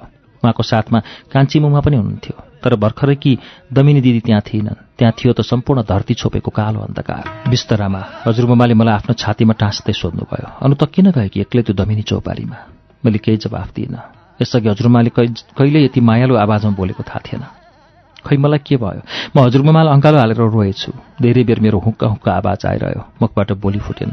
उहाँले मेरो कपाल सुमसुमाउँदै भन्नुभयो भोलि हामी तेरा बुबा मुमालाई चाँडै घर फर्काउनु भनेर चिठी लेख्ने है। हजुरमुमाको कुराले त्यो गाढा अन्धकार रात्रि पनि रङ्गी बिरङ्गी झिलिमिलीले प्रकाशमय भयो चाहिँ लाग्यो। त्यही रङ्गीन प्रकाशको पुञ्जबाट मैले देखेँ। मेरा बुबा मुमा ढोका खोलेर भित्र छिर्दै हुनुहुन्छ। धेरै बेर मैले मेरा आँखा अगाडि फैलिएको रङ्गीन उज्यालोलाई हेरिरहेँ। न हजुरआमा केही बोल्नुभयो न म केही बोलेँ। मैले त्यो रङ्गीन उज्यालोको मध्य भागमा बुबा मुमालाई देखेँ। निकै समयपछि मैले हजुरआमालाई बिस्तारै भने हजुरमुमा आज मैले दमिनी चौपारी कि दमिनीलाई भेटेँ नि। मेरो कुराले हजुरमुमा सुतिरहेको ठाउँबाट जुरुक्कै उठ्नुभयो। उहाँले निभाएको टुकी बत्ती बालेर मलाई विस्मयकारी नजरले हेर्नुभयो। जीवनको उत्तरार्धमा यात्रा गरिरहेकी हजुरमुमाको आँखामा भयानक त्रास मडालिएको थियो। उहाँले नजिकैको करुवाबाट लगातार लामो समय पानी पिउनुभयो अनि बोलाउनु भयो कान्छी कान्छीमुमाको हजुर आवाज र आगमन लगभग एकैपटक भयो। यस्तो लाग्यो कान्छीमुमा हजुरमुमाले कतिखेर बोलाउनुहुन्छ र हाजिर हुने भन्ने पूर्ण तयारीमा हुनुहुन्थ्यो। कान्छी मुमाको अनुहारमा हेर्दै हजुरमुमाले भन्नुभयो हेर्न यसले के भन्छे? कान्छी मुमाले मलाई हेर्दै सोध्नुभयो के हो र नानु? मैले सहज भावमा उत्तर दिएँ। मैले अघि माथि दमिनी चौपारीमा चौपारीकी दमिनी दिदीलाई भेटेँ। अब तर्स नेपालो थियो कान्छी मुमाको। उहाँका आँखा बिल्कुल त्यस्तै भए जस्तो हजुर मुमाका भएका थिए। केही काँपेको आवाजमा कान्छी मुमाले सोध्नुभयो कहाँ भेट्यो र दमिनीलाई? म नि चौपारीमा सुतिरहेकी थिएँ। सेतो लुगा लगाएर दमिनी दिदी रुखबाट निस्कनु भयो अनि हामीले कुरा गऱ्यौँ। मैले यथार्थ बताएँ। के भनिन् त दमिनीले? कान्छी मुमाले पुनः प्रश्न सोध्नुभयो। मैले धेरै बुझेको मान्छेले भने चाहिँ भने थाहा छ हजुरहरूलाई उनी झुन्डिएर मरे कि होइनन् रे। अनि के भएको रे त? हजुरमुमाले हतार हतार प्रश्न गर्नुभयो। उनलाई त झुन्ड्याएर मारेको रे नि। मैले हजुरमुमालाई हेर्दै भने कसले र कहिले मारेका रे नि? हजुरमुमाले उत्सुक हुँदै प्रश्न गर्नुभयो।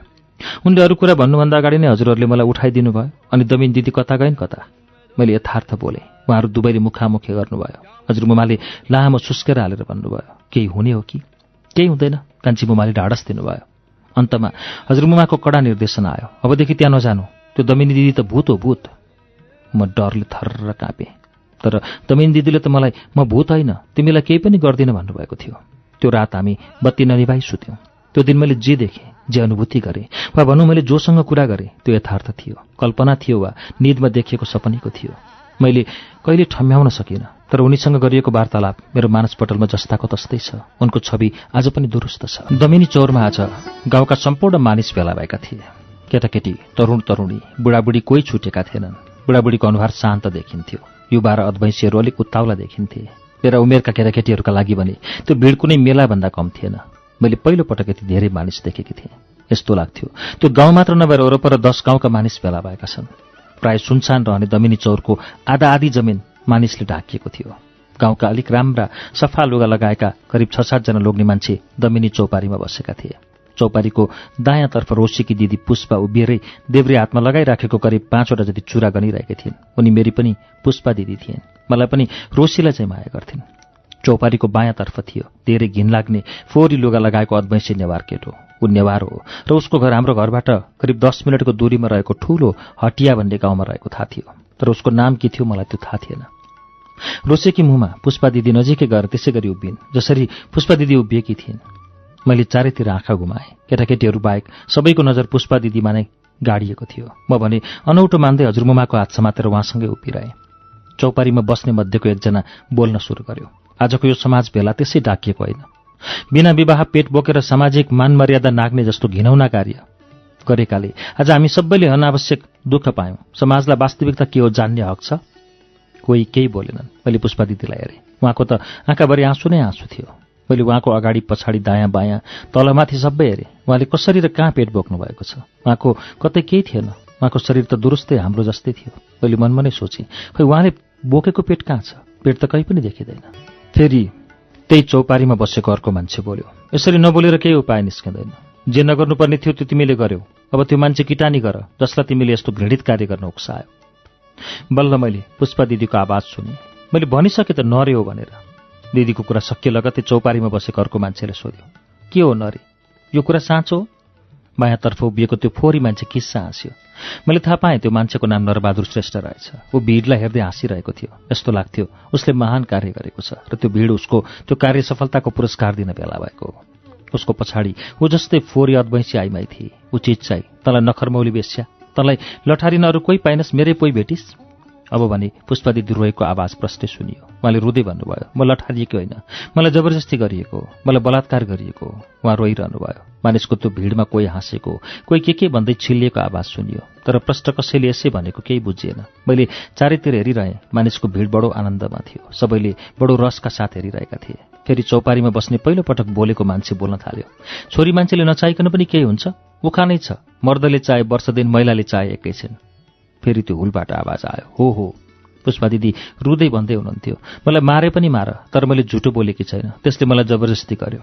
उहाँले यति के भन्न भ्याउनु भएको थियो? नरी नेवारकी श्रीमती आएर पुष्पा दिदीलाई दुवै हातले कपाल समाति भुइँमा लडाएर लात्ते लात्तीले पेटमा हाने एकछिन त सबैजना अक्क न भक्क भए। फेरि चार पाँचजनाले उनीहरूलाई छुट्याए। ती नेवार्ने चिच्चाइरहेकी थिइन्। तँलाई नखरमाउली त बेस्या। तैँले मेरै पोइ भेटिस् तेरो उम्लिएको बैंस बोक्न। अहिले चाहिँ पुष्पा दिदी रुनुभएको थिएन। उहाँ पनि चिच्याउनु भयो तै होलिस् नि बेसिया तेरै पहिले मलाई जबरजस्ती गरेको थियो। उहाँले यति भनिसक्दा नसक्दै दमिनी चौपारीमा बस्ने अर्को मान्छेले भन्यो यस्तो कहाँ गर्यो? कहिले गर्यो सबै भन्। म घाँस काट्न गएकी थिएँ। खै कताबाट आएर मलाई च्याप्प समातेर भुइँमा लडायो। उहाँको कुरा सकिन पाएकै थिएन भिडबाट कसैले सोध्यो कहाँ समातेर लडायो? पुष्पा दिदी केही बोल्नु भएन। फेरि चौपारीमा बसेको मान्छेले त्यही प्रश्न दोहोऱ्यायो कहाँ समात्यो? यसपटक भने उहाँले उत्तर दिनुभयो पछाडिबाट समातेर लडायो अनि मुखमा कपडा कोच्यो। त्यसपछि पनि त्यो चौपारीमा बसेका मान्छेहरू र जम्मा भएका मान्छेहरूले हाँसी हाँसी धेरै कुरा सोधिरहे।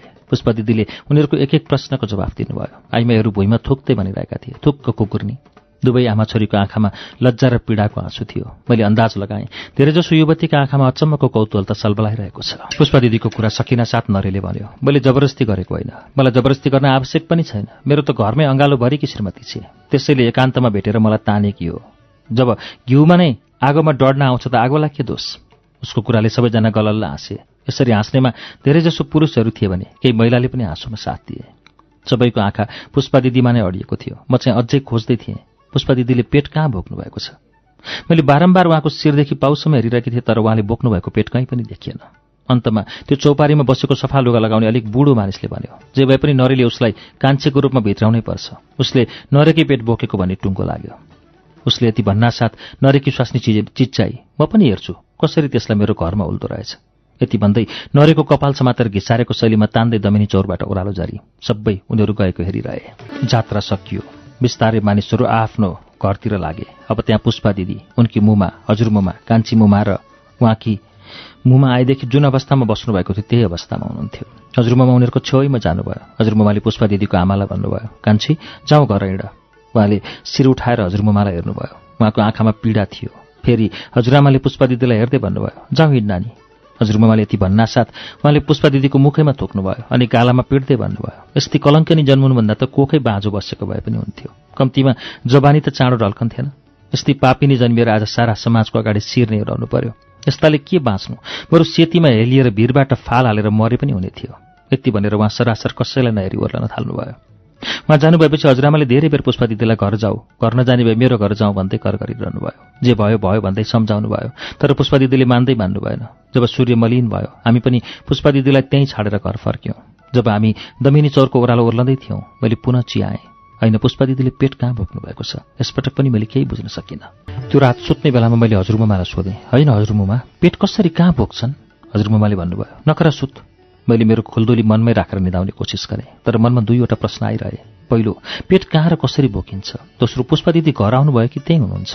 यदि त्यहीँ हुनुहुन्छ भने पक्कै दमिनी चौपारीको दमिनी दिदी र पुष्पा दिदी कुरा गर्दै हुनुहुन्छ होला। भोलिपल्ट कान्छी मुमाले हजुरमुमालाई भन्नुभयो पुष्पा त गाउँमा कतै छैनन् रे ह? हजुरमुमाको अनुहार अचानक बिग्रियो। हजुरमुमा हतार हतार पुष्पा दिदीको घरतर्फ झर्नुभयो म हजुरमुमाको पछि पछि लागेँ। हामी अहिले पुष्पा दिदीको घरको आँगनमा थियौँ। आँगनभरि फोहोर थियो। पिँढीको एक कुनामा पुष्पा दिदीकी आमा झोक्राएर बस्नुभएको थियो। अर्को कुनामा रोसी बसिरहेकी थिइन्। मलाई देख्न साथ रोसी मुसुक्क हाँसिन्। म पनि जवाफमा हाँसिदिएँ तर उनकी आमाले हामी आएकोमा कुनै प्रतिक्रिया नै जनाउनु भएन। हजुर मुमाले भन्नुभयो खै त पुष्पा मैले त उनी घर नै आएकी छैनन् भन्ने हल्ला सुन्दैछु नि। त्यस्तो कलङ्किनी किन आउनु पर्यो आएकी भए मैले नै घाँटी निचोरिदिन्थेँ। जहाँसुकै जाओस् मरोस् कि बाँचोस्? उहाँ आँसु पुस्दै भित्र जानुभयो। हामी बाहिर कुरिरह्यौँ तर उहाँ भित्रबाट बाहिर निस्कँदै निस्कनु भएन मानिसहरू भन्ने गर्थे डल्ले लाउरेनी मुखले पुष्पा मरोस् भन्दै हिँडे पनि एक्लै जङ्गलै जङ्गल भिर पाखा चार्छिन्। सायद पुष्पाको खोजीमा होला। पुष्पा दिदी त्यसपछि कहिल्यै फर्केर आउनु भएन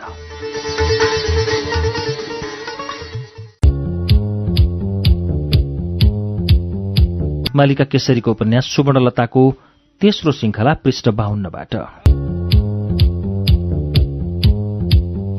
पुष्पा दिदी गाउँबाट हराएको करिब पन्ध्र दिनपछि हजुरमुमाले गाउँकै एकजना कान्छा बा भन्ने मान्छे बोलाएर बुबा मुमालाई चिठी लेखाउनु भयो उहाँले चिठीमा मैले धेरै सम्झेको मिलाएर चाँडोभन्दा चाँडो आउनु भनेर लेख्न लगाउनु भयो मेरो मन फुरुङ्ग भयो। यो चिठी पाएपछि त बुबा मुमा पक्कै आउनुहुनेछ। बुबा मुमासँगको भेट आहा कति रमाइलो। मैले खुसीले फुर्कँदै ती कान्छा बा भन्ने मान्छेलाई सोधेँ कान्छो बा लाहुरमा चिठी कति दिनमा पुग्छ? उहाँले केही बेर सोचेर भन्नुभयो। लाग्छ महिना दिन जति। लाउरबाट मान्छे आउन कति लाग्छ नि? मैले फेरि सोधेँ। हप्तादेखि दस दिन लाग्ला कि? उहाँले अन्दाज लगाउनु भयो मैले औँला बाँचेर दिन गने। अबको एक महिना दस दिनमा बुबा आमा घर आइपुग्नुहुन्छ। बुबा मुमा आउने दिनको कल्पना मात्र पनि कति रमाइलो र खुसीले भरिपूर्ण हुँदो रहेछ। प्रतीक्षा पनि कति मिठो। मेरा दिनहरू कहिले बुबा मुमाको घर फर्कने दिन गनेर कहिले घरमाथिको दमिनी चौर र त्यहाँकी दमिनी दिदीको कल्पनामा त कहिले पुष्पा दिदीले बोक्नु भएको पेट सम्झेर बितिरह्यो। त्यो दिन हामीले पुष्पा दिदीलाई छाडेर आएदेखि उहाँ हराउनु भयो। मैले सोचेँ उहाँलाई पक्कै पनि दमिनी चौपारी कि दमिनी दिदीले आफूसँगै लगेको हुनुपर्छ। बिस्तारै मानिसहरूले पुष्पा दिदीलाई बिर्सिए यस्तो लाग्थ्यो। पुष्पा नाम लिएर कहिल्यै कोही यो समाजमा जन्मेकै थिएन। मैले पनि पुष्पा दिदीलाई सम्झन छाडेँ तर बुबा मुमाको सम्झना भने हरेक दिन आइरहन्थ्यो। दिन महिना वर्ष हुँदै बिते मेरा समय। बुबा मुमा घर फर्किनु भएन। सूर्य उदायसँगै मलाई लाग्थ्यो आज त मेरा बुबा मुमा लाहुरबाट आइपुग्नुहुन्छ। तर सूर्योदयसँगै उदाउने आशा सूर्यास्तसँगै चेलाएर जान्थ्यो। बुबा मुमा कहिल्यै आउनु भएन कहिल्यै फर्किनु भएन एक दिन मैले हजुरमुमालाई सोधेँ हजुरमुमा किन बुबा मुमा फर्केर नआउनु भएको हाम्रो चिठी नै पुगेन कि हजुरमुमाले मतर्फ हेर्दा पनि नहेरी जवाफ दिनुभयो बसको टिकट नै पाएनन् रे टिकट पाउनासाथ आउँछन् रे। त्यो दिनदेखि म पनि हजुरमुमासँगै भगवानको पूजा गर्न थालेँ। मैले भगवान्लाई दुवै हात जोडेर भन्थेँ हे भगवान् मेरा बुबा मुमालाई चाँडै टिकट देऊ न है। मेरो प्रार्थना सुनेर भगवान्ले त कहिले कुनै प्रतिक्रिया दिएनन् तर हजुरमुमाको आँखामा आँसु टिलिपी लागेको धेरै पटक देखेँ। फेरि एक दिन हजुरमुमाले मलाई नयाँ सफा लुगा लगाइदिनु भयो त्यो बिहान हामीले साबिकभन्दा चाँडो खाना खायौँ अनि हजुरमुमाले भन्नुभयो आज तँलाई स्कुल भर्ना गर्नु पर्यो धेरै राम्रोसँग पढाइ म छक्क परेँ। त्यो दिन हजुरमुमाले मलाई दमिनी चौपारीबाट करिब पाँच मिनट जतिको दूरीमा रहेको दैचा स्कुलमा लग्नुभयो। त्यहाँ मलाई एक कक्षामा भर्ना गरियो। मलाई स्कुलमा नै छाडेर उहाँ फर्कन लाग्नुभयो। मैले आँखाभरि आँसु पार्दै रुँदै भने म पनि जान्छु हजुरमुमा स्कुल छुट्टी भयो। म बिस्तारै बिहान आएको बाटो हुँदै करा गएँ हजुरमुमा तगारोमा बसेर मलाई नै हेर्दै हुनुहुन्थ्यो। मलाई देख्न साथ भन्नुभयो मेरो नाति नै दिन बित्दै गयो। बिस्तारै मलाई स्कुल त घरभन्दा रमाइलो लाग्न थाल्यो। मैले भन्न बिर्सेको मभन्दा एक कक्षा माथि मेरी सङ्गी रोसी पनि पढ्थिन्। स्कुलमा मेरा तीनजना मिल्ने साथी बनेका थिए। निर्माया श्रेष्ठ बिन्दा श्रेष्ठ र रामकृष्ण पराजुली। निर्माया र बिन्दाको घर त्यही माथि हटियामा थियो जहाँ त्यही फोरी नरी नेवारको घर थियो भने रामकृष्णको घर तलको ठकुरी बस्तीमा थियो। हजुरमुमा र उसको परिवारको बीचमा बोलचालै नभएकाले सुरु सुरुका दिनमा त हामी पनि बोलेनौँ। फेरि खै कसरी? हामी त मनमिल्ने साथीमा बदलिएछौँ। ठुला मान्छे नबोले पनि हामी साथी बन्यौँ। ऊ स्कुल जाने बेलामा घरमाथिको गणेशको मन्दिर नजिकै कुरेर बस्थ्यो। त्यहाँबाट हामी सँगै जान्थ्यौँ। फेरि फर्कँदा पनि हामी त्यही मन्दिरसम्म हाँस्दै फर्कन्थ्यौँ अनि त्यहाँबाट छुट्टिएर चुपचाप केही अघि पछि भएर हिँड्थ्यौँ। बिस्तारै मैले लेख्न पढ्न सक्ने भएँ। सर मिसले भन्नुहुन्थ्यो मेरा अक्षर स्कुलभरिमा सबैभन्दा राम्रा छन् रे। आफ्नो प्रशंसा सुन्दा खुसी लाग्थ्यो। सोच्थेँ म कतै हजुरआमाले भने चाहिँ ठुलो मान्छे त बनिन समय बित्दै गयो। समयले अर्को वर्ष पनि बितायो। बुबाले भन्नुभएको दुई वर्ष पुग्यो। म उत्साहित भएँ। मन विश्वस्त भयो। अब त पक्कै बुबा मुवा आउनुहुन्छ मैले हजुरमुमालाई उत्साहित भएर सोधेँ अब त बुबा मुमा आउनु समय भयो होइन हजुरमुमा? हजुरमुमाले मेरो चिउँडोलाई उहाँको खस्रो हातले उचाली। लामो सुस्केर हालेर भन्नुभयो तेरो बुबा मुमा अझै एक वर्ष नआउने रे। मलाई विश्वासै लागेन। होइन हजुरमुमा बुबाले त दुई वर्षमा नै आउने भन्नुभएको थियो होइन र? मेरा आँखाबाट पीडाका आँसु चुइए म भक्कानिएर रोएँ। उहाँले मलाई छातीमा टाँस्नुभयो। म धेरै बेर उहाँको वृद्ध जीर्ण शरीरमा शिर राखेर रोइरहेँ। आज मलाई हजुरमुमा हजुरमुमा जस्तै लागेन। मलाई उहाँ मुमा जस्तै लाग्यो। मुमा पनि होइन मुमा त निर्दय हुँदो रहेछन्। मलाई एक्लै छाडेर गए। फर्केर पनि आइनन्। मुमाभन्दा पनि अरू नै कोही नाता वा साइन हो जसले वास्तवमै माया गर्छ जसले छोडेर जाँदैन त्यही। एकछिनपछि हजुरमुमाले मेरो कपाल सुमसुमाउँदै भन्नुभयो जसलाई धेरै माया गरिन्छ उसैले धेरै पीडा दिन्छ। त्यसैले मोह माया नै त्याग्नुपर्छ। मोह माया त दुःखको कारण हो त्यसबाट सिक्नुपर्छ। मैले हजुरमुमाले भनेको केही बुझिनँ। एकपटक हजुरमुमाको अनुहारमा हेरिरहेँ। उहाँले हाँस्दै भन्नुभयो आज राति तँलाई रमाइलो कथा सुनाउँछु। जा गएर खाजा खा। कथा सुन्ने। मन तत्कालै हलुका भयो। मनले भन्यो अबदेखि मैले बुबा मुमा आउने दिन गर्नै छाडिदिन्छु। जहिले सुके आउन्। म बिस्तारामा हजुरमुमालाई कुरिरहेकी हुन्थेँ। उहाँले सुनाएका कथा कति बुझ्थेँ कति बुझ्दिनथेँ। तर उहाँका हरेक कथाले मिठो निद भन्ने लाग्थ्यो। दिन हजुरमुमालाई सोधेँ म कति वर्ष कि भएँ हजुरमुमा? अब छ वर्ष पुग्न लागिस् हजुरमुमाले मलाई हेर्दै जवाफ दिनुभयो अनि हजुर नि म त आउने साउनमा त्रिसठी वर्ष कि हुन्छु। तपाईँ त कति ठुली हुनुहुँदो रहेछ मैले भने उहाँ हाँस्नुभयो यसरी हाँस्दा उहाँको एउटा दाँत जो अरूभन्दा अलिक लामो थियो त्यो नराम्रो देखियो। तर मलाई हजुरमुमा कहिल्यै नराम्री लागेन। उहाँ जति राम्री त यो संसारमा कोही पनि छैन। मेरी मुमा पनि हुनुहुन्न म पनि छैन। हजुरमुमा र म पिँढीमा बसिरहेका थियौँ। समय बिस्तारै दिनतर्फ ढल्काँदै थियो। आँगनमा ठुलो बुबा झुल्काउनु भयो हजुरमुमाले बस्नलाई चकटी दिँदै सोध्नुभयो केटाकेटी सन्चै छन्? अब हाम्रो अंशभण्डा गर्नु पर्यो ठुलो बुबा सन्चो बिसन्चो भन्दा पनि अर्कै कुरा गर्न आउनुभएको रहेछ। मैले ठुलो बुबाले के कुरा गर्नुभएको बुझिनँ। हजुरबाबा बिस्तारै बोल्नुभयो। तैँले पाउने जति सबै दिएकै छु। बाटोघाटो पारेर राम्रो राम्रो जग्गा भोग तैँले नै गरेको छस्। फेरि कुन अंशको कुरा गर्न आइरहन्छस्? छोरा भएपछि जसले पनि पाउँछ आफ्नो भाग तर तिमी जस्तै आमा त कसैका पनि छैनन्। आफ्नै छोराहरूमा पनि विभेद गर्न सक्ने। ठुला बुबा बसेको ठाउँबाट उठ्दै भन्नुभयो। अब भने हजुरमुमाको धैर्य समाप्त भयो। उहाँको त्यो रूप ठ्याक्कै मेघ गर्जनसहित वर्षन तयार आकाश जस्तो थियो। मैले हजुरमुमा त्यसरी रिसाएर बोलेको यसअघि कहिल्यै देखेकी थिएन। जसले आफ्नो कुनै कर्तव्य पालन गरेको छैन त्यसैले मलाई कर्तव्यको पाठ पढाउने। छोराछोरीको कर्तव्य बुबामुमाको पैतृक सम्पत्तिमा आँखा काट्नु मात्र होइन। बुबामुमाको बुढेसकालमा सहारा बन्नु पनि हो। कहिले तैँले पितृ कर्तव्य के हो पालन गरेको छस्? कुरा गर्छस् पत्तेपातको चारजना मान्छे लिएर आइज छिनोफानो गरौँ। मैले कहाँ कहाँ पक्षपात गरेँ? सबैभन्दा धेरै तँलाई पढाएको हो। तँलाई पढाउनका लागि कस्तो दुःख गर्यो यो समाजले पनि हेरेका होलान्। अहिले मास्टर भएको छस्। किन आपिस त्यसको बदलामा? पक्षपातको कुरा गर्छस्? अब यी यही धोती बाँकी छ। यही लगेर बेच सय पचास आउला। ला लैजा। उहाँले आफूले लगाएको धोती खोल्न थाल्नुभयो। ठुलो बुबा के के बरबराउँदै बाहिरिनु भयो ठुलो बुबा निस्केपछि पनि धेरै बेर हजुरमुमा रिसाइरहनु भयो के के गाली गरिरहनु भयो मैले केही बुझिनँ। धेरै पछि मलाई हेर्दै भन्नुभयो जा भित्र गएर खाजा खा। भोक लाग्यो होला तँलाई। ठुलो बुबा र हजुरमुमा बीच झगडा परेको दुई दिनसम्म हाम्रो घरमा अनौठो शून्यता छायो। हजुरमुमा खै के सोचेर कुनै टोलाउनु मात्र हुन्थ्यो। खाना खानुहुन्थ्यो दिनभर त्यसै बस्नुहुन्थ्यो सुत्नुहुन्थ्यो। राति अबेरसम्म कहिले मतर्फ त कहिले अर्कोतर्फ कोल्टे फेर्नुहुन्थ्यो। म निदाउँथेँ उहाँ कतिखेर निदाउनुहुन्थ्यो थाहै हुन्थेन। झगडा परेको तेस्रो दिन। आकाश अरू दिनभन्दा सफा थियो। उत्तरमा चम्किरहेका हिमटाकुरा वरपर मलेबाका जोडीहरू कावा खाइरहेका थिए। सायद प्रियवरसँग उठ्दै हिमशिखरको अनुपम सुन्दरताको आनन्द लिइरहेका थिए। हामी आज घरै थियौँ। मनमा अनौठो स्फूर्ति थियो। दमिनी चौरको सम्झनामा मन चञ्चल हुँदै थियो। तर हजुरमुमाको कडा निर्देशनका अगाडि मेरो इच्छा निरीह थियो दमित थियो। म चाहनाको उच्च अभिलाषा बोकेर त्यसै थुनिएकी थिएँ। कोही तगारो नागेर आँगनमा आए। तिनैजनाका आँखा त्यता मोडिए। आँखाले जे देख्यो त्यसलाई दिमागले विश्वासै गर्न सकेन। लाग्यो जे दृश्य आँखाले देखिरहेको छ त्यो त क्षतिजबारीको लाहुर हेर्दा सृजना भएका यस दृश्य जस्तै हुन्। मेरो कल्पनाको उपज हो। मात्र मानव दृष्टिभ्रम जसलाई मन मस्तिष्कले विश्वास नै गर्न सक्दैन। नसोचेको घटना अचानक भइदिँदा त्यसको सत्यतामा नै अविश्वास पैदा हुँदो रहेछ। मैले त्यो बेला यस्तै अनुभव गरेँ। यसरी मलाई दिग्भ्रमित तुल्याएर मुस्कुराइरहेको दृश्य थियो मेरै बुबा मुवाको। उहाँहरूको सम्झना र प्रतीक्षामा मैले यी वर्षहरू कति कष्टकर तवरले बिताएँ भन्ने मलाई मात्रै थाहा छ।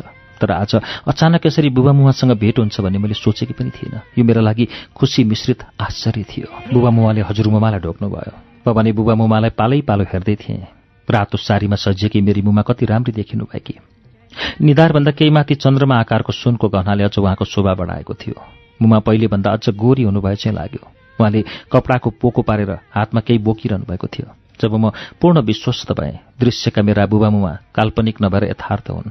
म दौडिएर मुमालाई अङ्कमाल गर्न गएँ। मुमाले भन्नुभयो पख है पख।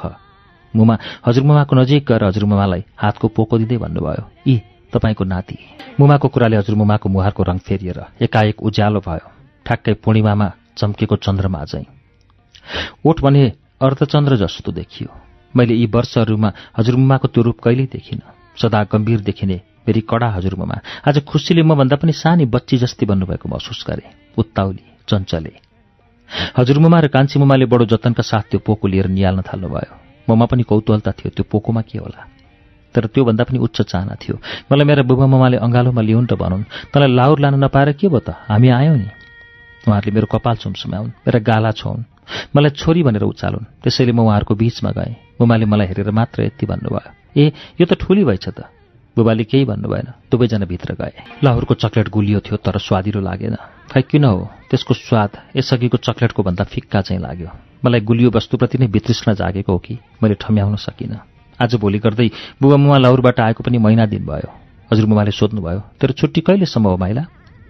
मेतो पेन्सन आएको बुबाले जवाफ दिनुभयो। बुबाको कहिलेकाहीँ बोलीमा हिन्दी शब्द मिसाउनुहुन्थ्यो। त्यसैले सुरु सुरुमा त मैले बुबाले भन्नुभएको कुनै कुरा त आदि मात्र बुझिदिन्थेँ। हजुरमुमा छक्क परेर बुबाको मुखमा हेरिरहनु भयो म सुबेदार भएँ मुमा बुबाले फेरि भन्नुभयो। बुबा सुबेदार भएर पेन्सन निस्केर आएको सुनेर हजुरमुमा औधी खुसी हुनुभयो। मैले त्यसको कारण बुझिनँ। हजुरमुमा खुसी भएपछि म त त्यसै खुसी हुने नै भएँ। आज यतिका वर्षपछि मात्र मैले त्यो खुसीको भेद थाहा पाउन सफल भएँ। हजुरमुमाको त्यो खुसी त अब छोरा सधैँ साथमा हुन्छ भनेर पो रहेछ। मुमाको काखमा पोको परेर आएको। त्यो सानो मुन्छेले ससाना खुट्टा बाङ्गो टिङ्गो टेक्दै आँगन र घरभित्र बाहिर दौडिएको दृश्य अत्यन्त रमाइलो देखिन्थ्यो। म उसको पछाडि पछाडि दौडन्थेँ। खै किन हो? मलाई उसको पछाडि दौडिँदा उसको कोमल हातले स्पर्श गर्दा अत्यन्त रमाइलो लाग्थ्यो। उसले तोते बोलीमा बोलाएको दिदी शब्द कति मधुर थियो। म त्यसको व्याख्या गर्न सक्दिनँ। लाहुरबाट आउँदा नै दुई वर्षको त्यो मेरो सानो भाइ हिँड्दा लड्थ्यो। ऊ लड्दा गाली भने मैले खानु पर्थ्यो ऊ आफै लडे पनि दोष मलाई आउँथ्यो। मैले नै धकेलेर लडाएँ चाहिँ। शनिबारको दिन थियो क्यार। त्यो दिन स्कुल पनि बिदा थियो। म आँगनको डिलमा बसेर पूर्वी हिमालमाथिको आकाशमा उडेका चराका जोडीलाई चियाइरहेकी थिएँ। अचानक भाइ दौडेर आयो र मलाई पछाडिबाट धकेल्यो। मैले आफूलाई अड्याउनै सकिनँ। म त त्यहाँबाट तल्लो गरामा खसेँ। म मात्र खसिनँ। मलाई धकेल्ने भाइ पनि सँगसँगै खस्यो। ऊ माथि पर्यो। उसलाई त त्यति दुखेन होला तर मेरो त सारा शरीर दुख्यो। म पीडा खप्न नसकेर रोएँ। भाइ र मेरो रुवाईले त्यो वातावरण नै रोदनमय बन्यो। मुमा दौडेर आउनुभयो। उहाँले भाइलाई उठाउनु भयो भाइलाई काखमा लिएर सुमसुमाउनु भयो म अझ त्यही अवस्थामा लडिरहेकी थिएँ। त्यति अग्लो भागबाट थचारिएको मेरो कोमल शरीर त्यसमाथि भाइको शरीरले पनि थिचेको।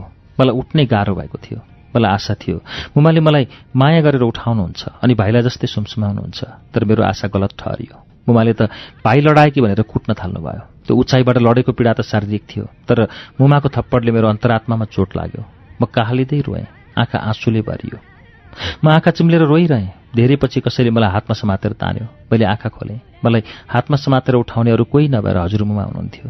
उहाँले सकि नसकि मलाई बोकेर माथि आँगनमा ल्याउनु भयो मेरा धुला लागेका कपडा टक्टेकाउनु भयो र बुबा मुमालाई हेर्दै भन्नुभयो मेरी नातिनी बदमास छैन। यसले भाइलाई लडाएकी होइन। भाइले नै धकेलेको हुनुपर्छ। र जसरी लडे पनि यो पनि त बच्ची हो। छ वर्ष पुगेकी छैन। यसलाई पनि त उठाउनुपर्छ नि। हजुरमुमा त्यो दिन मेरो पक्ष लिएर लामो समय फतफताइरहनु भयो। बुबामुमा केही बोल्नु भएन। प्रकृतिले शीतल पथतर्फ पाइला बढाइसकेको जानकारी घरमुनिको पैँयोको रुखले दिँदै थियो। पैँयुका हरेक हाँगा कोपिलाले ढाकिएका थिए। कोही फक्रने तयारीमा थिए त केही फक्रिसकेका थिए। बुबा बन्चहरू लिएर बारीतिर झर्नुभयो मेरो ध्यान बुबातर्फ भन्दा पनि फुलै फुले ढाकिएको पैँयुको रुखमाथि थियो। बुबा पैँयुको रुख नजिकै जानुभयो। उहाँले केही बेर त्यो रुखलाई तलदेखि माथिसम्म हेर्नुभयो। म आँगनमा बसेर एक तमास्दै पैँयुलाई हेरिरहेकी थिएँ। बुबाले पैँयोको रुखलाई काट्न थाल्नुभयो। म झसङ्ग भएँ। यस्तो लाग्यो हजारौँ तिखा काँडाहरू मेरो जिउमा उनिए। म रुँदै चिच्चाएँ बाबा त्यो रुख नकाट्नुहोस् त्यसलाई दुख्छ म रुँदै चिच्याउँदै बुबा भएको ठाउँमा पुगेँ। त्यतिन्जेलमा करिब दस चोट पैँयोको फेदमा लागिसकेको थियो। बुबाले अनौठो मानेर मलाई हेर्नुभयो। मेरो रुवाई सुनेर मुमा हजुरमुमा कान्छी मुमा तिनैजना हतारिँदै आँगनमा आउनुभयो। पैँयोको फेद जहाँ बुबाको बन्चरोको चोट परेको थियो। त्यो घाउबाट उसको खैरो रङको रगत बगिरहेको थियो। के भयो छोरी? किन रोए कि बुबाले सोध्नुभयो मैले रुँदै भने त्यो रुख नकाट्नुहोस् हेर्नुहोस् त कस्तो राम्रो फुल फुलेको छ। बुबाले हाँस्दै भन्नुभयो अच्छा छोरी यसले बारीलाई सेप बनायो। अर्को वर्ष त फेरि ठुलो भइहाल्छ नि। उहाँले काट्नका लागि फेरि बन्चर उठाउनु भयो मैले मान्दै मानिनँ। माथि आँगनबाट हाँस्दै हजुरमुमाले भन्नुभयो छाडिदिन काट त्यो रुखलाई त्यो पैँउ त हो त्यसको साथी हो। हजुरमुमाको आदेशले हो कि मेरो हटले हो? अन्तमा बुबाले भन्नुभयो ल छोरी नरौ म काट्दिनँ। आँगनबाट हाँसो सुनियो तर मैले त्यो हाँसो कसको थियो छुट्टाइन। मलाई त्यो हाँसोको वास्ता पनि थिएन। मलाई वास्ता थियो त मात्र पैँयोको फेदमा बुबाले बनाइदिनु भएको चोटको अनि त्यहाँबाट बगेको पैँयोको रगतको। दिन बित्दै गयो। लाउरबाट फर्केको करिब दस महिनापछि एक दिन बुबाले हजुरमुमालाई भन्नुभयो अब बेटा पनि ठुलो भयो। बेटालाई अब स्कुल दाखिला गर्नुपर्ने। गाउँको स्कुलको पढाइ त यस्तै हो। उसलाई सहरको स्कुलमा दाखिला गर्नु पर्ला कि? बुबाको आवाजमा केही असहजता महसुस गर्न सकिन्थ्यो। तेरो कुरो ठिकै हो। लाउन खान जस्तो भए पनि बालकलाई शिक्षा र संस्कार राम्रो दिनुपर्छ। स्कुल र पढाइ त यहाँको पनि राम्रै छ नि। भाइलाई पनि दिदीको स्कुलमा नै हालिदिए। सँगै आउँछन् सँगै जान्छन्। हजुरमुमाले मलाई हेर्दै भन्नुभयो। हजुरमुमाले उत्तरको प्रतीक्षा गर्दै धेरै बेर बुबाको अनुहारमा हेरिरहनु भयो तर बुबाले केही भन्नु भएन फेरि हजुरमुमाले नै भन्नुभयो ठिकै छ। सानालाई पनि माथिको दैचा स्कुलमा भर्ना गरिदिए। त्यहाँ पाँचसम्म पढ्छन्। त्यसपछि अन्त सारी भइगयो नि त। हजुरमुमाले भाइलाई साना भनेर बोलाउनुहुन्थ्यो। फेरि पनि बुबा केही बोल्नु भएन धेरै बेर चुपचाप बस्नुभयो। धेरै पछि बुबाले बिस्तारै भन्नुभयो मुमा बेटीलाई त्यही दैचा स्कुलमै पढाउनु पर्ला। बेटालाई सहरको बोर्डिङ स्कुलमा दाखिला गर्नु पर्ला। पराई घर जाने जातलाई जति गरे पनि पराईकै घर सिँगार्ने हुन् क्यारे? हजुरमुमाले मलाई र बुबालाई पालै पालो हेर्नुभयो। बुबाको कुराले हजुरमुमाको आँखामा तत्कालै रिस र आक्रोशको विशाल छाल देखियो। धेरै बेर आक्रोशपूर्ण नजरले बुबालाई हेरेपछि संयमित हुँदै बिस्तारै भन्नुभयो यो जमानामा नि छोराछोरी बीच भेदभाव गर्न सुहाउला र? भेदभाव होइन। खर्चले पनि त पुग्नु पर्यो। दुवैलाई सहरमा लगेर बोर्डिङमा पढाउनु। बुबाले निराश आवाजमा भन्नुभयो खर्च पुर्याउन सकिँदैन भने दुवैलाई सरकारी स्कुलमा हालिदिए। दुवै दिदीभाइ सँगसँगै पढ्छन्। बोर्डिङ स्कुल हाल्ने भए दुवैलाई हाल्नुपर्छ। छोरा र छोरीमा विभेद गर्ने सोच्नु पनि हुन्न। बुबा एक तमास सेती नदीलाई हेरेर बसिरहनु भयो त्यसपछि केही नबोली आँगनबाट बाहिरिनु भयो हजुरमुमा र म बुबा भएको जानुभएको हेरेर बस्यौँ। मैले हजुरमुमाको आँखामा टिलिपिलाएको आँसु देखेँ। मैले थाहा नपाऊँ भनेर होला। उहाँले अर्कोतर्फ फर्केर आँसु पुस्नुभयो। त्यसको हप्ता दिनपछि बिहानको खाना खाएर बसिरहेका थियौँ। बुबाले हजुरमुमालाई भन्नुभयो मुमा हामी कल सबेरै काठमाडौँ जान्छौँ। हजुरमुमाले बिस्तारै सोध्नुभयो किन र? बेटालाई काठमाडौँमा लगेर स्कुल दाखिला गरौँ कि भन्ने सोचेँ मुमा? बुबाले भुइँतिर हेर्दै भन्नुभयो केही बेर टोलाएपछि हजुरमुमाले बिस्तारै भन्नुभयो दुवै दिदीभाइलाई एउटै स्कुलमा हालिदिए। नानी यहीको स्कुलमा पढ्छे। हजुरलाई पनि साथी हुन्छ। बुबाले यसो भनिरहँदा उहाँका आँखा झुकेका थिए। उहाँको बोली झुट बोलेको अपराधीको चाहिँ थरथर आएको थियो। बुबाको बोली सकिए लगत्तै हजुरआमाले भन्नुभयो। झोलले त गलो लाग्यो चौटाले। फेरि केही बेर रोकिएपछि हजुरमुमाले भन्नुभयो छोराहरूले त छाडेर गए। जसको कर्तव्य हुन्छ उनै पन्छिन खोज्दैछ भने त्यो बिचरीलाई के को बाध्यता? त्यसो भए के म नजाउँ त? बुबाको आवाजमा गुर्क्याइ थियो। मैले त्यसो भनेको छैन तिमीहरूको राम्रो हुन्छ प्रगति हुन्छ भविष्य सप्रिन्छ भने यहाँ त के? म जङ्गलमा पनि एक्लै बस्न तयार छु। हजुरमुमाले यसो भनिरहँदा उहाँको दुवै आँखामा आँसु टिल्पिलाए। केही थोपा आँसु त आँखामा अडिन नसकेर झरी पनि हाल्यो। उहाँले सारीको फेरले बाँकी आँसु पुस्नुभयो धेरै बेरपछि बुबा बोल्नुभयो दुवैले लगेर सहरको त्यस्तो महँगीमा पढाउन मेरो पेन्सनले पुग्दैन। बुबाको कुरा सकिनासाथ हजुरमुमाले मलाई बिस्तारै काखबाट तल उतार्नुभयो र केही नबोली भित्र जानुभयो। हामी उहाँभित्र जानुभएको हेरिरह्यौँ। सबैको मुहारमा प्रश्न थियो किन हजुरमुमा जुरुक्क उठेर भित्र जानुभयो? करिब पाँच मिनटपछि बाहिर निस्कँदा उहाँका हातमा सानो मखमली कपडाले लपेटेको पोको थियो। पोको फुकाएर छेउमा राख्दै भन्नुभयो मेरा यति गहना छन्। म बुढीलाई यसको के आवश्यकता? यसलाई बेचेर भए पनि नातिनीलाई पढाओ। यो ज्ञानी छे यो ठुली मुन्छे हुन्छ मैले त यही ठुली भयो कि देख्न नपाउला तर तिमीहरू यसको प्रख्याति देखेर सुनेर भोगेर अभिमानको श्वास लिनेछौ। यो बुझ के छे? ठुलो हुने लक्षण के छे? यसलाई पढाओ। यो सबै गहना बेचेर भए पनि पढाओ। यतिले पुग्दैन भने मेरो जिउनी राखेको चामगैरीको खेत बेचेर भए पनि पढाओ। हजुरमुमाको कुराले मुमाको आँखबाट तुरुक्क आँसुका थोपा चुइए तर मैले केही बुझिनँ। हजुरमुमाले के भनेकी हुन्? प्रख्याति भनेको के हो? अभिमानको श्वास कसरी लिने हो? मात्र हजुरमुमाले पिँढीमा फुकाएको सुनको पोको हेरिरहेँ। उहाँसँग त सुनका गहना पनि रहेछन्। उहाँले ती लगाएको मैले कहिले देखिनँ। बुबाले धेरै बेर हजुरमुमाको गहना हेरेपछि पोको बनाएर हजुरमुमालाई नै फिर्ता दिँदै भन्नुभयो। मुमा मैले हजुरको मन दुखाउन खोजेको होइन। सहरको महँगीमा मेरो थोरै तलबले दुवैलाई लगेर व्यवस्था गर्न सम्भव देख्दिनँ। फेरि सहर मेरो परिचित स्थान पनि त होइन। त्यसैले म पहिला सहरमा राम्रो व्यवस्था मिलाएर आउँछु अनि छोरी लैजाउँला। हजुरमुमाले बुबाको मुहार एक तमास हेरिरहनु भयो तर केही भन्नु भएन। धेरै पछि यति मात्र भन्नुभयो। बेला बेलामा आओ यो छोरीमाथि अन्याय नगर। अरू त के भनौ र? देश विदेश त नै घुमेको छस् समय र समाजलाई तैँले नै बुझेको छस्। मेरो केही चिन्ता नगर। मेरो मन खुसी भयो। आहा म हजुरआमासँगै बस्न पाउने भएँ। जीवनमा कुनै पल बुबा मुमासँग जान नपाएर तडपिएकी म। खै कतिखेर हजुरमुमाको यति नजिक आइपुगेछु थाहै भएन। भोलिपल्ट बुबा मुमा सहर जाँदै गर्दा बिस्तारै बुबा तगारो काटेर बाहिर जानुभयो। बुममाले मेरो कपाल सुमसुमाउँदै भन्नुभयो हजुरमुमालाई दुःख नदेऊ है राम्रोसँग पढ। उहाँले यति भन्दा नभन्दै उहाँका आँखामा टिल्पी लागेको आँसु चुइयो भाइ भने रमाइरहेको थियो नयाँ लुगा लगाउन पाएको खुसी होला सायद। मुमाको आँसु देखेर मन थोरै खल्लो भयो तर म खुसी थिएँ किनकि म त हजुरमुमासँगै बस्ने भएँ। त्यो दिन हजुरमुमा र मैले बुबामा गएको हेरिरह्यौँ। जब उहाँहरू हाम्रो आँखाबाट ओचेल हुनुभयो उहाँले मेरो मुहारमा हेर्दै सोध्नुभयो तँलाई नरमाइलो लाग्यो? मैले फिस्सा हाँस्दै भने छैन। उहाँ हाँस्नु मात्र भयो अरू केही पनि भन्नु भएन समय बित्दै गयो। बुबा मुमा र भाइ सहर पसेपछि घरमा एक प्रकारको शून्यता छायो। केही दिन त मलाई पनि नरमाइलो लाग्यो तर यो नरमाइलो बुबासँग लाहोर जान नपाउँदाको नरमाइलो थिएन। वास्तवमा म भित्रभित्र खुसी थिएँ। म त हजुरमुमासँगै थिएँ। उहाँको साथमा थिएँ। उहाँको नजिकै थिएँ। दिन हप्ता महिना हुँदै समयले आफ्नो यात्रा अगाडि बढायो। म बिस्तारै स्कुलमा रम्न थालेँ। स्कुलका साथीहरूसँगको त्यो रमाइलो घरमा हजुरमुमाको स्नेह जीवन खुसीले भरिपूर्ण थियो। उहाँका ती रमाइला तिलस्मी कथाहरू अनि मेरो त्यो चञ्चल बाल उत्साह। म कति खुसी थिएँ हजुरमुमाको मुहार हाँसेको मैले कमै देख्थेँ। यस्तो लाग्थ्यो। उहाँभित्र पीडाको विशाल भुमरी मडारिएको छ। एक दिन म स्कुलबाट दौड्दै फर्केँ सधैँ हजुरमुमा मेरो बाटो हेरेर पिँढीमा बसिरहनुहुन्थ्यो तर अनौठो आज पिँढी रित्तो थियो। म भित्र गएँ। उहाँ त बिस्तरामा टुसुक्क बसेर रोइरहनु भएको रहेछ।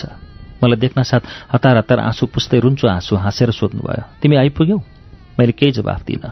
मेरो आँखा त उहाँको रुन्चे मुहारमा थियो। मैले बिस्तारै सोधेँ के भयो हजुरमुमा किन रुन्नु भएको? उहाँ मेरो अनुहार हेरेर फिस्सा हाँस्नुभयो। धेरै बेर रुन्चे आँसु हाँसेपछि मेरो कपाल सुमसुमाउँदै भन्नुभयो तिमी सानै छौ एक दिन तिमीले सबै बुझ्नेछौ छोरी। मैले उहाँ रुनुको कारण बुझ्न खोजेँ तर मबाट कतै गल्ती त भएन। म नबोलेर चुपचाप लागिरहेँ। धेरै बेर नबोलिकन बसेको हुनाले होला। उहाँले मलाई बिस्तारै काखमा लिँदै भन्नुभयो यो संसारमा हामी जे चाहन्छौँ त्यो पुरा हुन्छ नै भन्ने छैन। यदि हामीले चिताएको सबै पुरा हुने भने संसारको अस्तित्व नै रहँदैन। त्यसैले हामीले यो सोच्नुपर्छ अभाव नै जीवनको पर्याय हो। सबै कुरा भगवान्का त पुरा हुँदैन भने हामी त मान्छे हौँ। त्यसैले हामीले सन्तोषपूर्ण जीवन जिउनुपर्छ। यसको मतलब यो होइन कि हामीले कुनै कर्मै नगरी भाग्यवादी भएर जहाँ जाला जोगी भातै खाला जस्तो गर्नुहुन्न। हामीले कर्म गर्नुपर्छ तबसम्म प्रयास गर्नुपर्छ जबसम्म हार प्रमाणित हुँदैन। त्यही प्रयासको सिलसिला नै जीवन हो। उहाँले के भन्नुभएको मैले बुझिनँ तर मैले यति बुझेँ हामीले चाहेका सबै कुरा प्राप्त हुँदैनन्। उहाँ मेरो अनुहारमा हेरेर पुनः फिस्सा हाँस्नुभयो। असोच महिना लाग्यो।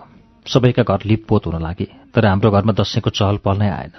सम्पूर्ण पात गुमाएर एक्लो ठडिएको रुख चाहिँ हाम्रो घर फुङ्ग रो रङ उडेको पुरानो देखियो।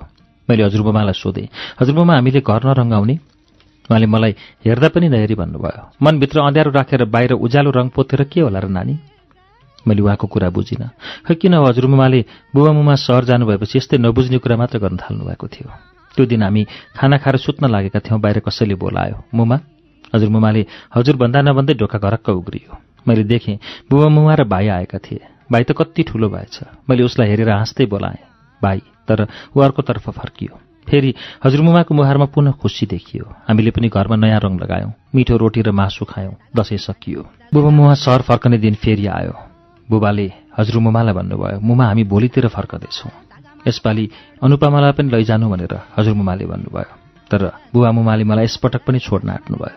हजुरमुमाले एकपटक बुबाको मुखमा हेरेपछि बोल्न थाल्नुभयो। मैले ठानेकी थिएँ। तिमीहरू तिनजना दाजुभाइमा सबैभन्दा ज्ञानी र बुझ्छ कि त छस्। मेरो त्यो सोच भ्रम मात्र रहेछ।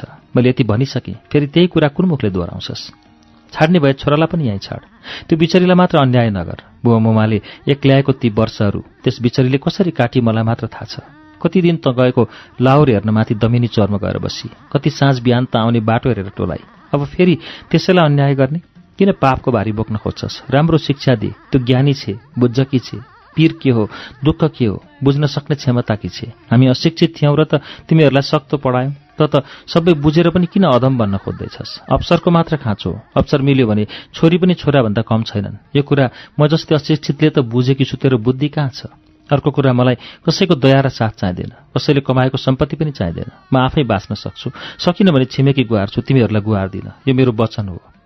हजुरमुमा अरू पनि के के भन्दै फतफताइरहनु भयो धेरै लामो समय बुबा र हजुरमुमाले वाद प्रतिवाद गरिरहे। मैले धेरै त बुझिनँ तर हजुरमुमाको आँखामा टिलपिल गरेको आँसु देखेर लाग्यो। मेरा बुबा खराब रहेछन्। यस्तै ममतामय हजुरमुमालाई रुवाउने।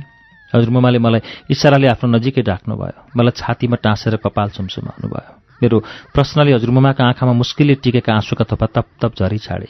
उहाँको मुखबाट हिक्क हिक्क आवाज आएको सुनियो। चारैतिर आँखा दौडाएँ। आँगनको अर्को कुनामा मुमा हुनुहुन्थ्यो। उहाँका पनि आँखा रसाएका थिए तर बुवा त्यहाँ हुनुहुन्नथ्यो बिहानको करिब सात बजी हजुरमुमा बिस्तारै उठ्नुभयो। उहाँको उठाइमा रहरभन्दा पनि बाध्यता थियो। उहाँको शारीरिक चाल देखेर लाग्थ्यो। उहाँ रातभर बिस्तारामा आराम नगरेर कुनै अनकन्टार पहाडमा एक्लै उक्लाउनु भएको छ। मनको पहाड द्वन्द्वको पहाड बिछोड अनि ग्लानीको पहाड त्यो पहाड उक्लदा उक्लदै थकित र क्लान्त उहाँको जीर्ण शरीर सकि नसकी घस्रदैछ हजुरमुमाले बिस्तारै मेरो कपाल सुमसुमाउँदै भन्नुभयो नानी उठ। म त अघि नै उठिसकेकी थिएँ। उहाँको आवाज आउनासाथ जुरुक्क उठे उहाँ मलाई हेर्दै मुस्कुराउनु भयो बिस्तारै मेरो शिर आफ्नो छातीमा टाँस्दै भन्नुभयो मेरी नातिनी मेरी अनु। उहाँका खस्रा हातले जामाभित्रबाट मेरो ढाड मुसार्नुभयो। म अझ पुलकित भने धेरै लामो समय हामी त्यसरी नै बस्यौँ। माथि चोटाबाट भाइले बोलायो मुमा आज हामीले अरू दिनभन्दा चाँडो खाना खायौँ। खाना खाइसकेपछि बुबाले भन्नुभयो आज हामी काठमाडौँ जाँदैछौँ। बुबाको कुराले हजुरमुवाको अनुहारको रङ नै उड्यो। उहाँ जहाँको त्यहीँ निशब्द ढुङ्गा जस्तो खडा हुनुभयो। मैले हजुरमुवाको आँखामा हेरेँ त्यहाँ नैराश्य थियो वेदना थियो विरह थियो। धेरै पछि बिस्तारै सोधेँ के भयो हजुरमुमा केही भएको छैन? मैले मसिनो जवाफ दिनुभयो। मुमाले भाइलाई नयाँ लुगा लगाइदिनु भयो बुबा मुमा दुवैजना सफा राम्रो लुगा लगाएर तयार हुनुभयो। हाम्रो घरको वातावरण अनौठो थियो। सबैको मनमा वेदना व्याप्त थिए। कोही कसैसँग बोलेका थिएनन्। बुबा पिँढीमा बसिरहनु भएको थियो। मुमा भाइसँग अलिक पर उभिनु भएको थियो। हजुर मुमाले मुमालाई सोध्नुभयो भाइले छोरीलाई किन तयार नपारेकी त? मुमा केही बोल्नु भएन। बुबाले अन्तिम प्रयास गर्दै झिनो आवाजमा भन्नुभयो बेटीलाई अहिले नलैजाउँ कि मुमा? मेरो मन खुसी भयो। आहा म त हजुरआमासँगै बस्न पाउने भएँ। मेरी प्यारी हजुरमुमा मेरी स्नेही हजुरमुमा जीवनको कुनै कालखण्डमा म बुबा मुवासँग लाहुर जान नपाएर कति रोएकी थिएँ। तर समयको प्रभावमा बग्दा बग्दै म हजुरआमाको यति नजिक आइपुगेछु उहाँबाट टाढिनु पर्दा मन अत्तालिँदो छ।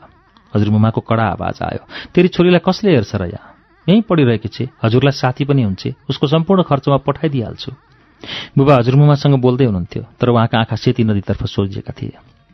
तेरि छोरीलाई म किन राखौँ यहाँ? त जहाँ जान लागेको छस् त्यहीँ लैजा। छोरालाई जुन स्कुलमा पढाउँछस् त्यहीँ पढा। छोराछोरीको शिक्षा दीक्षा र लालन पालनमा कुनै भेदभाव नगर। नभए तँलाई समाजले र समयले धिक्कारनेछ। हजुरमुमाको आँखामा आँसु देखियो। बुबा केही बोल्नु भएन। उहाँको नजर अझै पनि सेती नदीतर्फ नै थियो। आज मलाई मेरो बुबा साँच्चै नराम्रो लाग्यो? प्यारी हजुरमुमालाई रुवाउने। मेरो शरीरमा ताकत भएको भए म मेरी हजुरआमालाई रुवाउनेसँग युद्ध गर्ने थिएँ। धेरै पछि मुमालाई हेर्दै बुबाले भन्नुभयो तयार पार त्यसलाई। बुबाको आदेशमा हजुरमुमा र म दुवैको आँखामा खुसी छचल्कियो मैले देखेँ दुवै अभिभावकको आँखामा खुसी नाचिरहेको थियो। त्यो खुसीको मात्रा मुमाको आँखामा भन्दा हजुरमुमाको आँखामा धेरै थियो अति धेरै। तर त्यो खुसीको एक कुनामा मैले नमिठो पीडा लुकेको देखेँ। त्यहाँ वियोग पनि विरहको पीडा थियो। प्यारी नातिनीसँग टाढिँदाको नमिठो रोदन थियो। मेरो मन चिरिक्क चिरियो। अब म मेरो प्यारो स्कुल मेरा साथीहरू दमिनी चौर अनि त्यहाँका ती रुखहरू सबैसँग बिछुडिनुपर्छ। सबैभन्दा दुःखको कुरा त अब मेरी हजुरआमासँग टाढिनुपर्छ। मन अमिलो भयो। मलाई चिच्चै चिच्चै भन्न मन लाग्यो। म जान्न हजुरमुमा म जान्न हजुरसँगै बस्छु। तर मुखले केही बोलिन चुपचाप उभिरहे। हामी बिछोडको अन्तिम समयमा थियौँ। म दोधारमा थिएँ। मैले यो समयमा कस्तो प्रतिक्रिया जनाउनु पर्ने हो? म बुबा मुवासँग जान पाउँदा खुसी हुनुपर्ने कि हजुरमुमासँग बिछोड्दा दुःख हुनुपर्ने? अन्तमा मैले निश्चय गरेँ। मलाई सबैभन्दा माया गर्ने हजुरमुमाले बुबाको साथ पठाउन यति धेरै सङ्घर्ष गर्नुभएकाले पक्कै पनि म बुबासँग जान पाउँदा खुसी हुनुपर्छ होला। तैपनि मनले स्वयंलाई प्रश्न गरिरह्यो किन हजुरमुमा मलाई तिमीबाट टाढा पठाए कि? मैले हजुरमुमालाई हेरिरहेँ तर मुखबाट कुनै शब्द निस्किएन एकहोरो सबैभन्दा सुन्दर मेरी हजुरमुमाको अनुहार हेरिरहेँ। बुबाको रिसमिश्रित आवाज आयो खुरुखुरु नआएर के हेरेर बसेँ कि? म झसङ्ग भएँ। एकाएक शरीरभरि बिजुलीको झड्का लागे जस्तो भयो। अब मैले जीवनमा रहरसँग सम्झौता गर्नै पर्ने समय आयो। त्यो दिन मैले नयाँ पथमा पाइला बढाउँदै जीवनयात्रामा प्रथम सम्झौता गरेँ। धेरै वर्षपछि बल्ल बुझेँ मान्छेको जीवन यस्तै सम्झौता नै सम्झौतामा चल्दो रहेछ। सानो भाइले हजुरमुमालाई बाई बाई गर्यो। सबैले उसैलाई हेरे।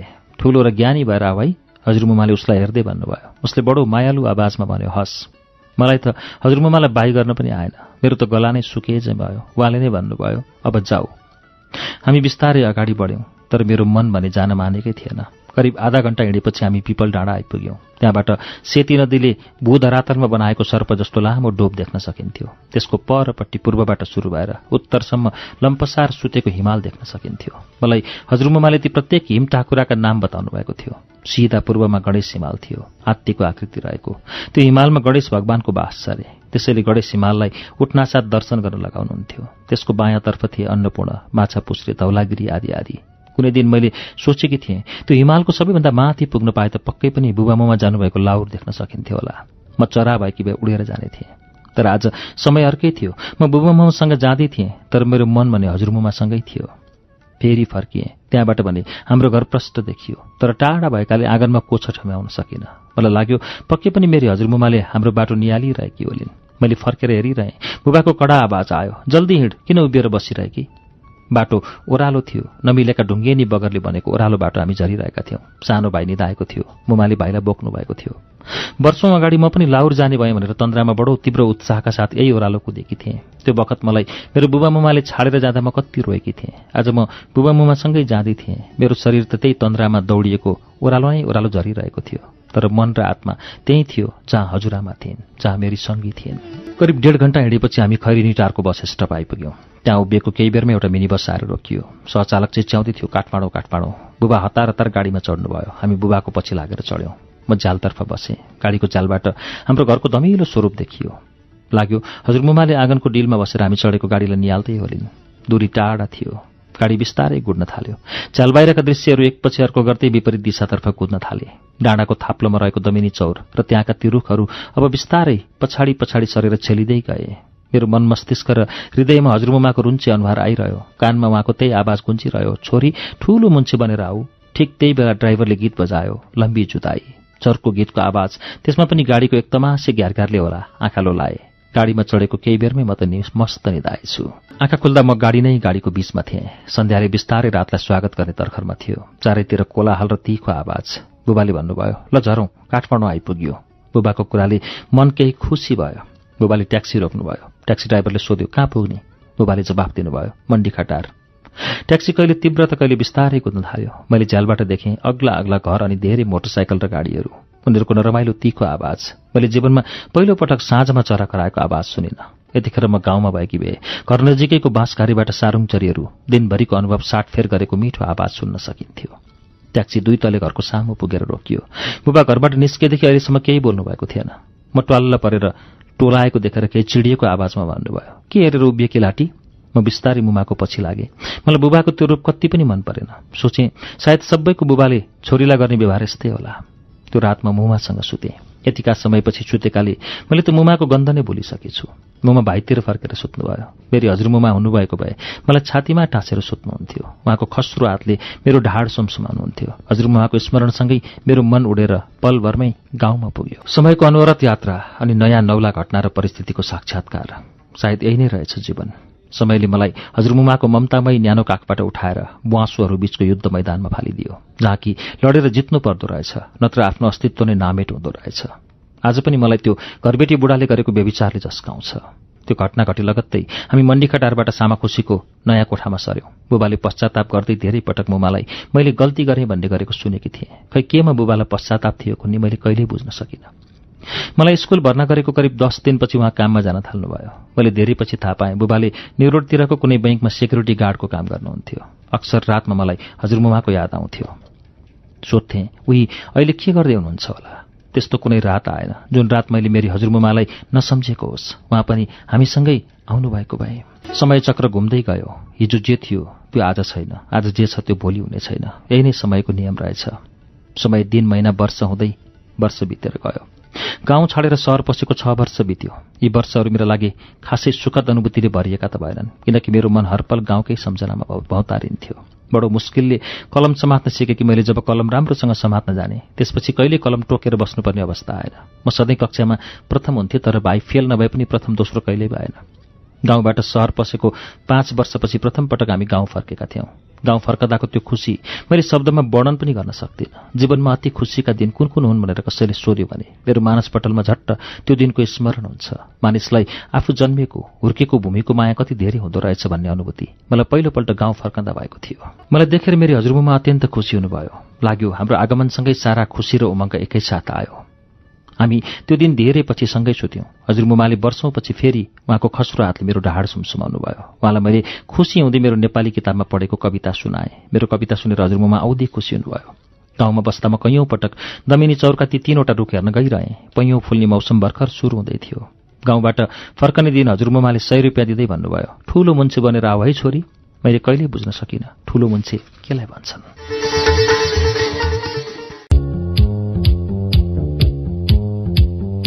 मालिका केसरीको उपन्यास सुवर्णलताको चौथो श्रृङ्खला वाचन अब सुनाउँछु पृष्ठ बयासीबाट।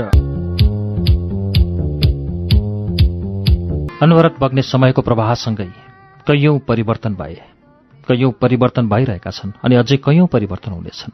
समयको यही यात्रामा बहकिँदै उचालिँदै पछारिँदै म गाउँको दूर दराजबाट यहाँ आइपुगेँ। मेरी हजुरमुमा जसको स्नेह एवं माया मेरो अन्तर्हृदयमा कहिले नमेटिने स्मृति बनेर रहिरह्यो। जो सदा ताजा छ अमुक र अमूल्य छ। म आशावादी छु एक दिन हामीलाई जसरी समयले भौतिक रूपमा टाढा बनायो त्यसरी नै नजिक ल्याउनेछ। हुन त म हजुरआमाबाट सयौं किलोमिटर टाढा छु र पनि मैले उहाँको अनुभूति गर्न सक्छु। उहाँले फेरेका श्वासको गति महसुस गर्न सक्छु। समयसँगै मेरा हातकोटा पहिलेका जस्ता झिना रहेनन्। छातीमा अनौठा गिर्खा बढ्न थाले।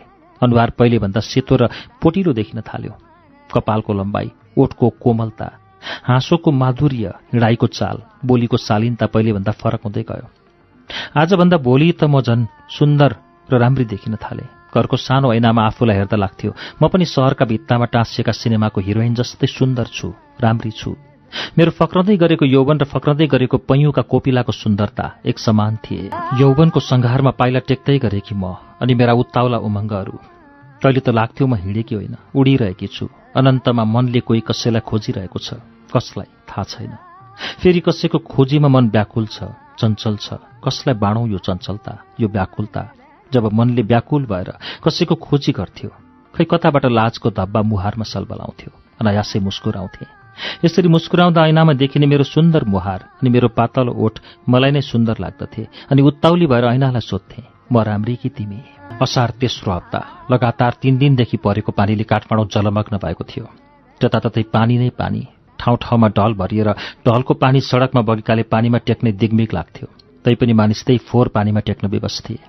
अँ त झरीको त्यो दिन चारैतिर पानी नै पानी जलमग्न काठमाडौँ। मानिससँग रिसाएकी प्रकृतिले काठमाडौँलाई जलमा डुबाएर सजाइदिन लागेकी जस्तै।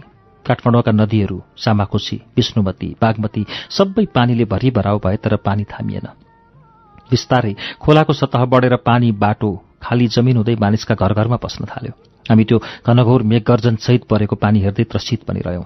हाम्रो अन्तिम दिन आजै हो जस्तो लाग्यो।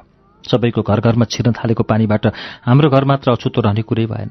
मुमा म र भाइ त्यो दर्केको पानीमा रुच्दै वरपर भेटिएका ढुङ्गा इँटाले बारेर पानी छेक्ने कोसिस गर्यौं।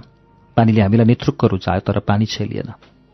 हामीले बनाएको पर्खाल नागेर पानी हाम्रो घरभित्र पस्न थाल्यो। हामीले घरभित्रबाट ढोका बन्द गरी त्यसका चरहरूमा कपडा र बोरा कोच्यौं तर पानीले हामीलाई पिछा गर्न छाडेन। ढोकाको चरबाट छिरेको पानीले कोठा ताल चाहिँ भयो हामी लाचार भनेर हेरिरह्यौं। हेर्दा हेर्दै पानी घुँडा घुँडासम्म आउन थाल्यो। बुमाएर मैले लुगा र खाने सामान खाटमाथि राखेर पानीबाट जोगाउने कोसिस गर्यौं तर सबै व्यर्थ न पानीभित्र आउन छाड्यो न आकाशबाट पानी वर्षन रोकियो। बिस्तारै रात पर्यो।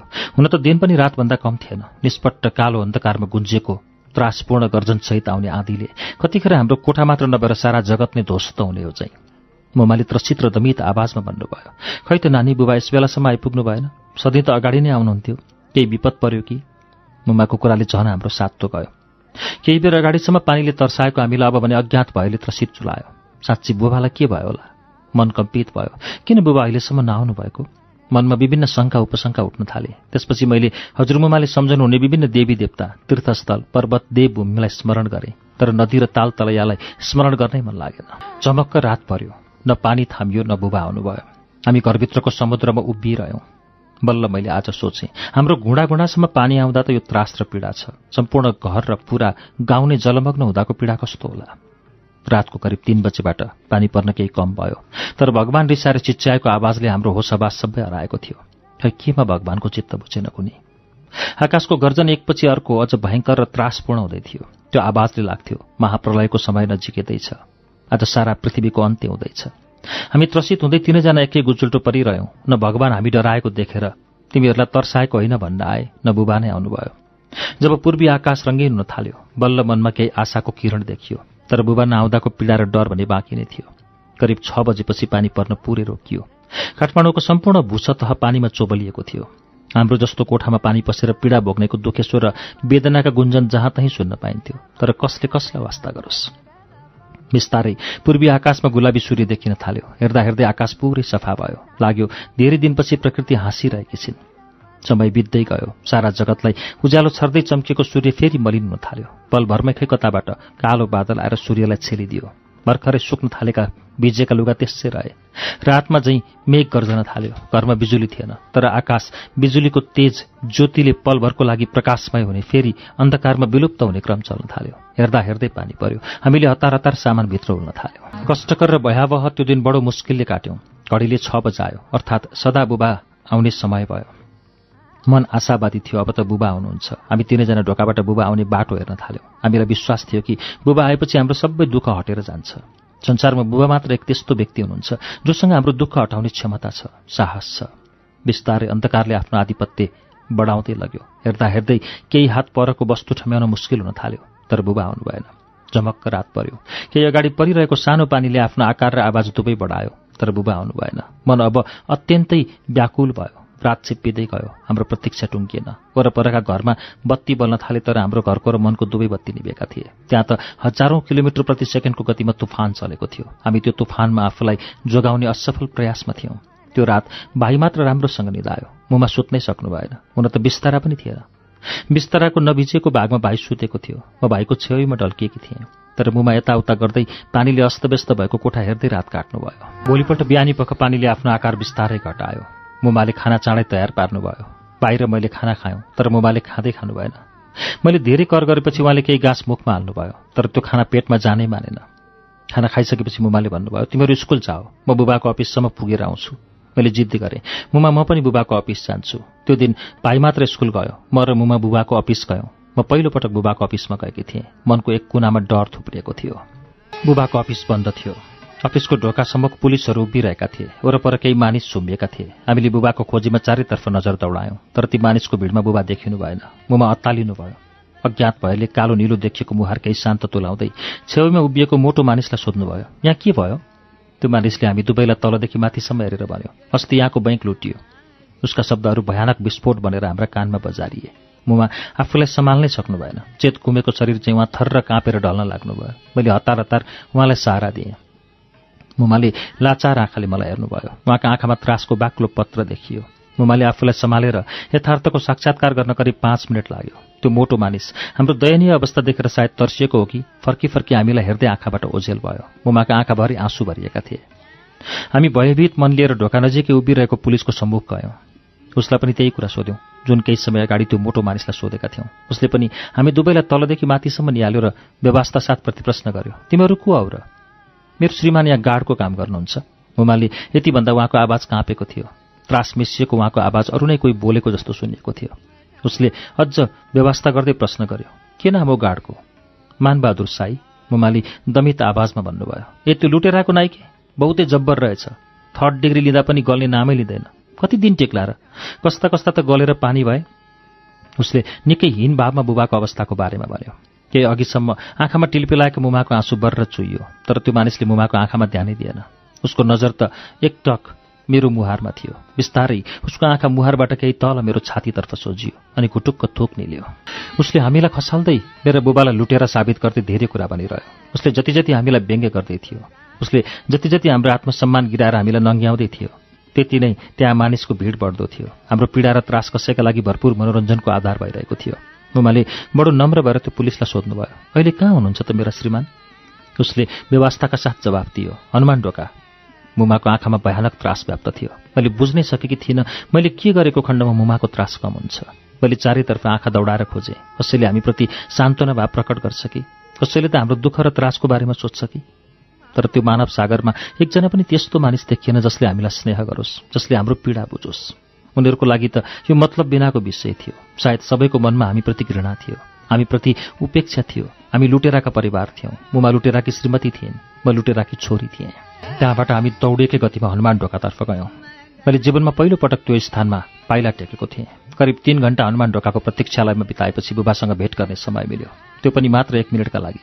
त्यो प्रतीक्षाको प्रत्येक सेकेन्ड एक युग बराबर थियो। तन मन पीडाले यसरी छटपटाएको थियो। लाग्थ्यो यदि यो कष्टकर पल अझै केही समय लम्बिने हो भने हाम्रो प्राण पखेरु यहीँ उड्नेछ। बुबालाई एकजना पुलिस अगाडि र एकजना पुलिस पछाडि गरेर हामी भएकोतिर ल्याइयो। बुबाको दयनीय अवस्था मुहारका ठाउँ ठाउँमा भएको निलडाम हिँड्दा खुच्याइएका पाइलाले उहाँमाथि भएको शारीरिक यातनाका बारेमा चिच्चाइ चिच्चाइ बताइरहेका थिए। हामी आम्ने सामने थियौँ। बुबाले केही मिनट मुमा र मलाई हेरिरहनु भयो उहाँका शब्दै फुटेनन्। आँखाभरि छछल्किएको आँसुले उहाँको पीडा व्यक्त गरिरहेको थियो। मैले देखेँ बुबाको हातमा त एक अपराधीलाई चाहिँ हातकडी लगाइएको थियो। उहाँले दुवै हातले आँखामा भरिएको आँसु पुस्दै भन्नुभयो के भयो के भयो? त्योभन्दा बढी उहाँका शब्द निस्किएन शब्दको ठाउँमा उहाँको हिक्क हिक्क आवाज थियो। कस्तो नमिठो आवाज हृदय विदारक आवाज।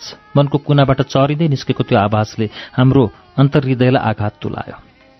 धेरै बेर हिक्क हिक्क आवाज निकालेपछि बुबाले हिक्क हिक्क मिश्रित स्वरमै भन्नुभयो अस्ति अचानक पाँच छजना नकाब लगाएका मानिसहरू आए। मेरो शिरमा केले हाने कुन्नी? म कति समय बेहोस भएँ थाहा छैन। होस खुल्दा म अस्पतालमा थिएँ। बैङ्कमा चोरी भएछ। त्यो चोरीको दोष मलाई लगाएका छन्। म निर्दोष छु गौरी। म निर्दोष छु। सुनेको थिएँ खाएको विष मात्र लाग्छ। तर मैले त विष खानु त परै जाओस्। विषसम्म नछोई विषको चपेटामा पर्न लागे। बुबा भक्कानेर रुनुभयो। उहाँले आफ्नो शिर मुमाको काँधमा राख्नुभयो। मैले नजिकै गएर बुबाको हातकडी लगाइएको हात हेरेँ। हातमा हतकडीले रातो डोब बनाएको थियो।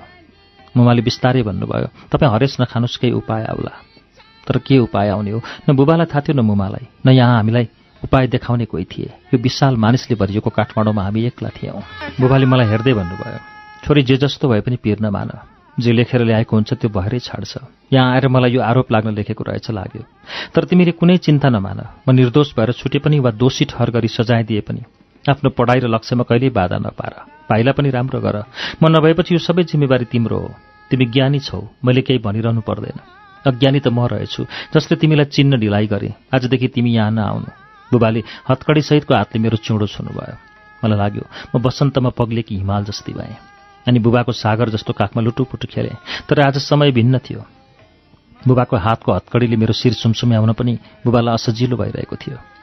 बुबा केही भन्न खोज्दै हुनुहुन्थ्यो। कतैबाट कडा आवाज आयो। समय सकियो। एकजना पुलिसले बुबालाई घिच्याएको शैलीमा तान्दै भित्र लिएर गयो। हामी त्यहीँ उभिएर बुबा जानुभएको हेरिरह्यौँ हेरिरह्यौँ। भोलिपल्टका प्राय जसो प्रमुख पत्र पत्रिकामा बुबाको फोटोसहितको समाचार छापियो। फोटोमाथि ठूलो अक्षरमा समाचारको शीर्षक लेखिएको थियो। Bank डकैतीका Nike. बैङ्क लुट अनुसन्धानको अन्तिम चरणमा कहाँ होला लुटको धन? सुरक्षा गार्ड नै लुटेराका नाइके आदि आदि। धर्मले पूर्वजन्मको फल भावी जन्मको उपलब्धि पापीका लागि सजाय र पुण्यात्माका लागि पुरस्कार आदि व्यवस्था गरेको पाइन्छ। तर मेरो बुबाले कुन चाहिँ पापको सजाय भोग्दै हुनुहुन्थ्यो मैले कहिल्यै पत्ता लगाउन सकिनँ। धर्मको ठेकेदार द्वारा रचना गरिएका पुस्तकमा लेखिएको पाइन्छ अन्यायको जहिले पनि पराजय र न्यायको विजय हुन्छ। अन्यायमा परेकालाई न्याय दिनका लागि विभिन्न धर्मावतारको जन्म हुन्छ। तर मेरो बुबाले कुन चाहिँ पाप गरे र बिना अपराध सजाय भोग्नु पर्यो? बुबालाई करिब दुई महिनापछि जेल चलान गरियो। बुबाले रुँदै दुई हात जोडेर आफ्नो निर्दोषताका बारेमा बताउनु भयो तर कानूनले उहाँलाई दोषी देख्यो जाली देख्यो भयानक लुटेरा देख्यो उहाँलाई सात वर्षको जेल सजाय सुनायो। बुबा आफ्नो बालबच्चाको उज्जवल भविष्यका लागि डाँडाकी घाम भएकी हजुरमा उहाँलाई छाडेर सहर जानुभएको थियो। सहरले त उहाँलाई भयानक आक्षेप लगाइदियो। न त्यो आक्षेपको कालो दाग पानीले धोएर जान्थ्यो न आँसुले। उहाँलाई अदालतबाट दोषी साबित गरेर जेल लैजाँदै गर्दा केही मिनट भेट गर्न पाएका थियौँ। उहाँको अनुहार कठोर थियो। उहाँका आँखामा आँसु थिएनन्। उहाँले मलाई भन्नुभएको थियो छोरी पीर नगर सङ्घर्ष गर। यस्ता प्रहार हाम्रो जीवनमा हरेक क्षण आइलाग्छन् तर प्रहारसँग डराएर प्रयास गर्न नछाड। उहाँले यति बोलेपछि पुलिसले उहाँलाई समातेर भ्यानमा हालेर जेल लग्यो। बुबा जेल जानुभएपछि हामीलाई घरबेटीले घर छाडेर जानका लागि धेरै दबाब दिए। चिन्जानका मानिसले हामीलाई गर्ने व्यवहारमा पनि धेरै परिवर्तन थियो। स्कुलका शिक्षक शिक्षिकाको आँखामा एक प्रकारको शङ्का थियो। केही पर बसेर हामीलाई देखाउँदै हाम्रो कुरा गर्दा हामीलाई कति असह्य हुन्थ्यो जसलाई मापन गर्ने कुनै यन्त्र यस वैज्ञानिक युगमा बनेकै छैन। यदि यस्तो यन्त्र बनेको भए हाम्रो पीडाको तौल संसारको सबैभन्दा गह्रौँ हुने थियो। भाइले त दुई तिन पटक आफ्ना साथीसँग झगडा पनि गर्यो। बुबा जेल चलान भएपछिको हप्ता हामीले यति कष्टका साथ बितायौँ। लाग्यो यो संसारका सारा दुःख भोग हामी तिनजनाले गरिरहेका छौँ। त्यो पीडा त्यो सामाजिक दुर्व्यवहार र त्यो गिद्धे आँखा। बुबा जेल चलान भएको दस दिन बित्यो। हामी शून्य घरमा बसिरहेका थियौँ। घरबेटीको सानो छोरा आएर भन्यो तपाईँको फोन आएको छ। मुमाले अनौठो नजरले हेर्नुभयो कसको होला त फोन? हामी अप्ठ्यारो मान्दै माथि गयौँ। हेलो? मुमाले घरबेटीको फोन समातेर सङ्कोच मान्दै भन्नुभयो। उताबाट आवाज आयो दिदी फोन गाउँबाट कान्छी मुमाको थियो। भेट नभएको पनि धेरै वर्ष भएको थियो। समयसँगै सम्झना बिलाएर जाँदा रहेछन्। जब एकाएक कल्पना नगरेको मानिससँग साक्षात्कार भयो मुमाको अनुहारमा धेरै दिनपछि हाँसोको फिक्का आवाज हुल्कियो। उहाँले हाँस्दै भन्नुभयो नानी सन्चै छौ? यसपटक उताबाट के जवाफ आयो मैले सुनिनँ। म मुमाभन्दा केही टाढा थिएँ। मुमाको मुहारमा आएको परिवर्तन देखेर अनुमान लगाएँ। उताबाट जे आवाज आयो त्यो पक्कै सुखद थिएन। मुमाको मुहारको रङ तत्कालै फेरिएर वर्षनु अघिको बादल जस्तो देखियो। घनघोर कालो। लाग्यो केही बेरमै पानी तप्प चुइन्छ धेरै बेर उताको आवाज सुनेपछि मात्र यति सोध्नुभयो। कहिले? मुमा फोन राखी केही नबोली तल झर्नुभयो। उहाँको पाइला र हिँडाइ भाव शून्य थिए। बिल्कुलै बुबालाई बिना अपराध दोषी करार गरेर जेल लैजाँदै गर्दाको जस्तो। तल आएपछि मुमा भक्कानिएर रुनुभयो। मुमा रुनु भएपछि हामी अत्तालियौँ। मन अज्ञात भएर त्रसित भयो। बाहिर मैले मुमालाई सोधिरह्यौँ मुमा के भयो? के भयो भन्नुहोस् न। मुमाले केही भन्नु भएन मात्र रोइरहनु भयो। उहाँको आँखाबाट आँसुका धारा बगिरह्यो। हामीले मुमाको आँसु पुस्दै प्रश्न गरिरह्यौँ मुमा के भयो? भन्नुहोस् न के भयो? धेरै बेर रोएपछि उहाँले आँसु पुस्दै भन्नुभयो। फेरि हजुरमुमाले हिजो हामीलाई छाडेर परलोक जानु परे म स्तब्ध भएँ। लाग्यो म मनै छैन। मेरो शरीर र आत्माको बिछोड भएको छ। म एक्लिएकी छु नितान्त एक्ली। चारैतिर शून्यता नै शून्यता छ। मलाई मुमाको कुरामा पत्यारै लागेन। मनले भन्यो मेरी मुमाले आज पहिलोपटक भद्दा मजाक गर्दैछिन्। हजुरमुमा मसँगै हुनुहुन्छ। उहाँको स्पर्श कथा माया सबै सबै ताजै छन्। यथार्थ मनले नमाने पनि बदिँदैन। न सत्यबोध नगरी बस्न सकिन्छ। हजुरमुमाको देहान्त भएको कुरा मनले जति अस्वीकार गरे पनि सत्य त्यही थियो। वास्तविकता थियो। मेरी प्यारी हजुरमुमा शिक्षाको महत्त्व बुझेकी हजुरमुमा उहाँ मलाई एक्लै छाडेर सदा सदाका लागि नयाँ यात्रामा निस्कनुभयो। कहिल्यै नफर्किने यात्रा। अब हाम्रो भेट कहिल्यै नहुने कल्पेर मन अमिलो भयो। आँखाबाट बर्र आँसु खसिरहे समयले जे गराउँछ त्यसलाई भोग्नु नै पर्ने जीवन रहेछ। हामी पनि एकपछि अर्को गर्दै दुःख भोग गर्दै थियौँ। एका बिहानै उठेर मुमा कतै जानुभएको थियो। कहाँ जानुभयो थाहा छैन। उहाँ दिनको करिब दुई बजीतिर फर्केर आउनुभयो। आज धेरै पछि मुमाको आँखामा चमक र खुसीको सानो झिल्को थियो। उहाँको मुहारमा धेरै पछि सलबलाएको खुसीले मन प्रफुल्लित भयो। उहाँले उत्साह मिसिएको आवाजमा भन्नुभयो आज हामी घर सर्ने। हाम्रो नयाँ घर। तीन तलामा ठडिएर गालाभरि बैजनी रङ पोतेर मुस्कुराएको थियो। घरको गेटसँगै बनाइएको दुईवटा कोठा हाम्रा थिए। सानो फुलबारी। आँगनमा पार्क गरिराखेको गाडीले त्यो घरको सम्भ्रान्तता व्यक्त गरिरहेको थियो। सबै सामान सारेपछि मुमाले भन्नुभयो अब तिमीहरूको स्कुल पनि फेर्नु पर्यो। मुमाले केही पर उभिएकी महिलालाई देखाउँदै भन्नुभयो उहाँ हाम्रो म्याडम। म्याडमले मलाई कामको पैसा पनि दिनुहुन्छ। साथै तिमीहरूको पढाइ खर्च पनि उहाँले नै तिरिदिनुहुन्छ। हामी खुसी भयौँ। यो संसारमा उनी जस्ता दयालु मानिस पनि रहेछन्। मैले अन्तर्हृदयबाट नै कृतज्ञता प्रकट गरेर ती महिलालाई हेरेँ। केही दिनपछि थाहा पायौँ ती महिलाको परिवारका सबै सदस्य पति र छोरा विदेशमा बस्दा रहेछन्। फेरि मुमाले उनको घरको सम्पूर्ण काम गरिदिने र त्यसको बदलामा हाम्रो पढाइ खर्च र थोरै रकम दिने सहमति भएको रहेछ। मैले जीवनमा पहिलोपल्ट मुमालाई सम्मानपूर्ण नजरले हेरेँ मुमा भने काममै व्यस्त हुनुहुन्थ्यो। दिन महिना वर्ष हुँदै समय अगाडि बढिरह्यो। समयले साक्षात्कार गराएको मेरो जवानीको कोपिला बिस्तारै फक्रदै थियो प्रत्येक दिन मेरो शारीरिक सुन्दरतामा अझ निखार आउँदै थियो। समयसँगै शरीरको मोहकता कपालको चमक आँखाको लय हिँडाइको चाल बोलीको माधुर्य ओठको कोमलता छातीको उभार सबै सबैमा परिवर्तन देखा पर्यो। मनमा कता कता विपरीत लिङ्गीप्रतिको आकर्षण उनीहरूको हेराइको चाह अनि युवा पुरुष समीप हुँदा उनीहरूबाट निस्कने पुरुष गन्धको महत्ता मधुर र मिठो लाग्न थाल्यो। तर सबै मिठो लाग्ने खाना र राम्रो वस्तु कहाँ पो प्राप्त हुन्छ र मानिसलाई? सबै नजिकिएको र प्राप्त भएको वस्तु मिठासपूर्ण कसरी हुन सक्छ र? मुसल र ओखल नजिकिएर कहिले पो ओखलले आनन्द ल्याला त्यस्तै थियो मेरो जवानीको प्रवेश पनि। मनमा चाहना थिए उत्साह थिए। तर त्यो माथि एक पत्र पीडाको थियो अभावको थियो डरको थियो। म पनि डरका ती सम्पूर्ण पत्रहरू पन्छाएर खुला आकाशमा स्वच्छन्द उड्न चाहन्थे। म पनि हाँस्न चाहन्थे तर सबै चाहना पूरा भएको दिन कसको पो आउँछ र? मैले विशिष्ट श्रेणीमा एसएलसी पास गरेँ। एसएलसी पास गरेको दिन हो। मुमा वर्षौँपछि मुस्कुराउनु भएको। बुबा जेल परेपछि त उहाँ दिल खोलेर हाँस्नै बिर्सनु भए चाहिँ थियो। समय अघि बढ्दै गयो। हेर्दा हेर्दै बुबा जेल जानुभएको पनि तीन वर्ष बित्यो। ती वर्षमा मैले मुस्किलले बुबालाई तीन पटक भेटेँ। प्रथम पटक हजुरमुमा बित्नुभएको दुःखद खबर सुनाउन म मुमासँगै गएकी थिएँ। हजुरमुमाको मृत्युको खबरले उहाँको बिग्रेको अनुहारको स्वरूप जब मेरो अन्तर्हृदयमा कोरिन्छ मेरो आँखा त्यसै रसाएर आउँछन्। कहाँ हो कहाँ? कसैले कोपरे चाहिँ मनभित्र कता कता सूर्यभन्दा तेज वस्तु जलिरहे चाहिँ मन पोलिरहन्छ। त्यसै कारण मैले जेलभित्रका भेटहरूको स्मरण नै गर्न चाहन्न।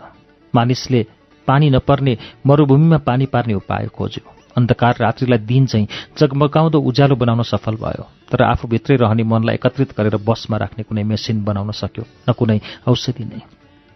जेल परेको करिब दुई वर्षपछि म फेरि मुमासँग बुबालाई भेट्न गएँ। भित्रबाट कैदीको लुगा लगाएको निरीह रोगी पुरुष हाम्रो अगाडि आयो। मैले आजसम्म पुरुषको त्यति दुर्बल शरीरको हेक्का नै राखेको रहेनछु। मैले विरक्त मान्दै त्यही जीर्ण शरीरधारी पुरुषको मुहारमा आँखा गाडिरहेँ। उसले आफ्नो जीर्ण शरीरलाई बडो मुस्किलले उभ्याइरहेको थियो। मेरो मन दिग्भ्रमित भयो भाव शून्य भयो। सत्य के हो? छुट्याउने सामर्थ्य पनि रहेन। एक मनले भन्यो उनी निरीह र रोगी पुरुष जो हाम्रो अगाडि उभिएको छ उनै मेरा बुबा हुन्। उनै मेरा जन्मदाता हुन्। तर अर्को मनले भन्यो उनी मेरो बुबा हुनै सक्दैनन् मेरो बुबा त बलियो शरीरको हुनुहुन्थ्यो। मोटो त होइन तैपनि बलिष्ठ पाखुरी थियो हँसिलो मुहार थियो।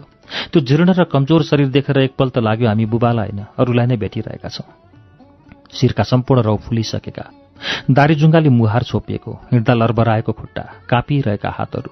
जब मेरो आँखाबाट बगेका पानीले गाला पोलेको अनुभूति भयो मैले आफूलाई सम्हालेँ। आँसु पुछेको देखेर बुबाले मात्र यति सोध्नुभयो कति कक्षामा पुग्यौ छोरी? मैले मुस्कुराउने कोसिस गर्दै भने आइए सकियो। मेरो जवाफले उहाँको मुहारका खुसीका थोरै तरङ्ग देखिए। उहाँले भित्तातिर फर्केर भन्नुभयो अबदेखि मलाई भेट्न नआउनु। यति भनेर उहाँ हामीसँग केही नबोली सरासर भित्र जानुभयो। हामी एक तमासले उहाँ गएको हेरिरह्यौँ। जेलको त्यो नर्कमा बुबालाई एक्लै छाडेर घर पुग्दासम्म मुवाको आँखाबाट अविरल आँसु बगिरहेको थियो। मानिसहरूले हाम्रो आँसु देखेर खासखुस त गरे तर हाम्रो पीडाको बारेमा कसैले सोधेनन्। घर पुग्दा भाइ कलेजबाट आइसकेको थियो। मुमाको आँसु र रुवाई दुवै थामिएको थिएन। भाइले सोध्यो के भयो? मुमा केही बोल्नु भएन। मैले जवाफ दिएँ हामी बुबालाई भेट्न गएका थियौँ। धेरै बेर ऊ केही पनि बोलेन। धेरै पछि हाम्रो छेउमा आएर भन्यो बुबाले लुट्नुभएको पैसा कहाँ राख्नु भएको छ सोध्नु भएन? त्यो पैसा भए त हामीले यस्तो दुःखको जिन्दगी जिउनु पर्दैन थियो नि। यसो भन्दा उसका आँखामा थोरै आशाका किरण सल्वलाएका थिए। भाइको कुराले मुमाको रुवाईको डाँको झन् बढ्यो। उहाँले रुँदै भन्नुभयो तैँले बुबालाई चिनेकै रहेनछस्। तँलाई के लाग्छ? बुबाले चोरी गर्नुभयो? मुमा झन् बेसरी रुनुभयो भाइ केही नबोली बाहिरियो। म कसलाई के भनौँ मुमाको शिर समात्दै भने नरुनुहोस् मुमा नरुनुहोस् तर मेरो कुरा मुमाले मान्दै मान्नु भएन गाडी आफ्नै रफ्तारमा कुदिरहेको थियो। नेपालगञ्ज पुगेर आराम गर्ने उद्देश्यले हतारिएको उसको गति एकनाश थियो। तर मेरो मन अतीतका स्मरणमा कहिले अत्यन्त तीव्रता कहिले बिस्तारै बगिरहेको थियो। बाहिरको अन्धकार रात्रि गाडीको एक तमासको विरक्त लाग्दो आवाज। सडक छेउका घर टहरामा बलेका बत्तीहरू एकपछि अर्को गर्दै पछाडि सर्दै जाँदै थिए। अचानक गाडी रोकियो। फेरि सहचालकको तीखो आवाज आयो। खाना खाने ठाउँ? सबै खाना खान हतारिए उनले के ठाउँ भने मैले त्यो बुझिनँ। मात्र यति थाहा थियो बुटोल कटिसकेछ।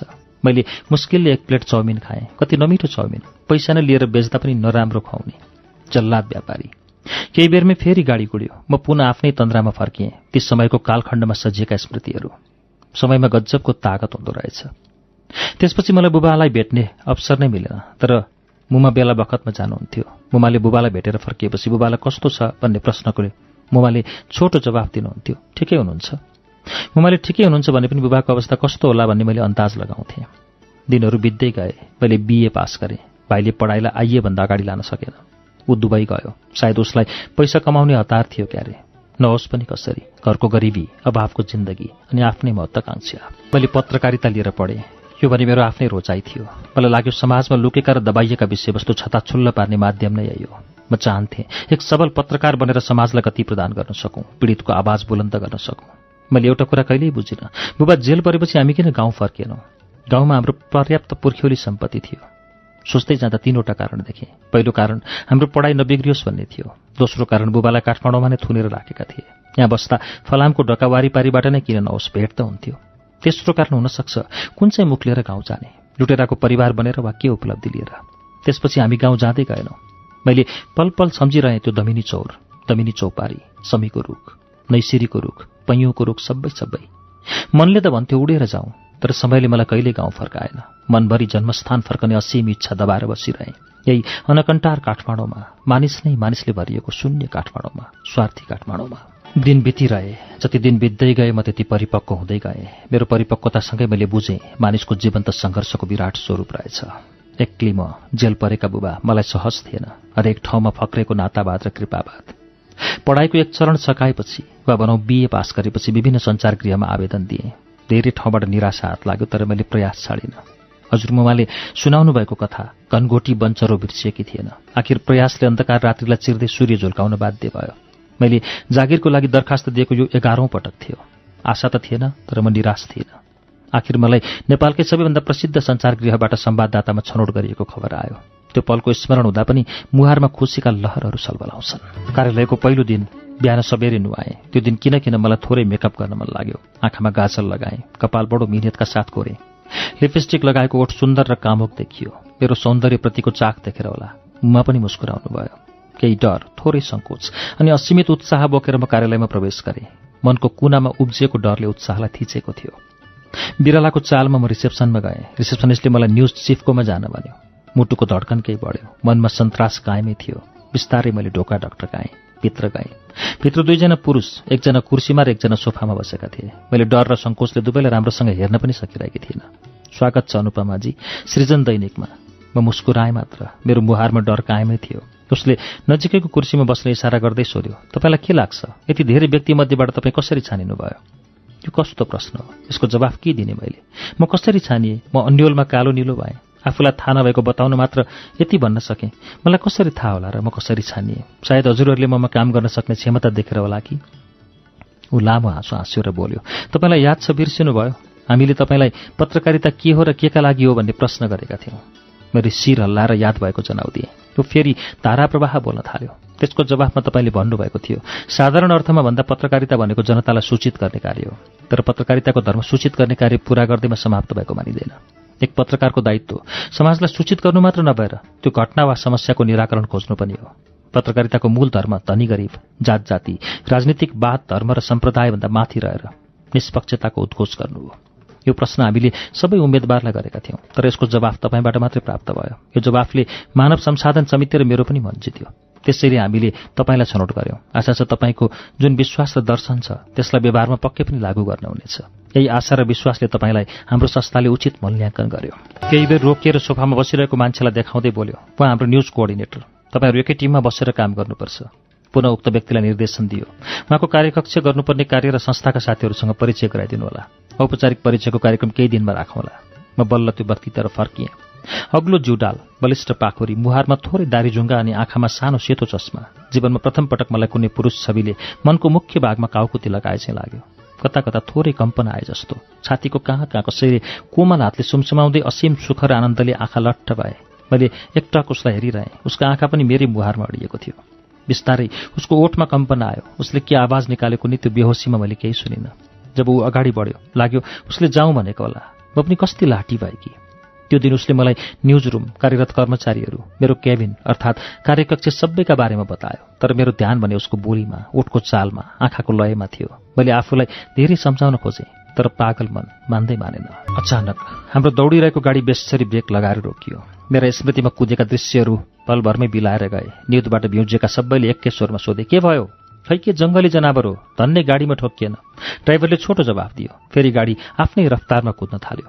गाडीको ब्रेकसँगै पलभरका लागि रोकिएको मेरो अतीतका स्मृति पुनः एकपछि अर्को देखा पर्दै गए।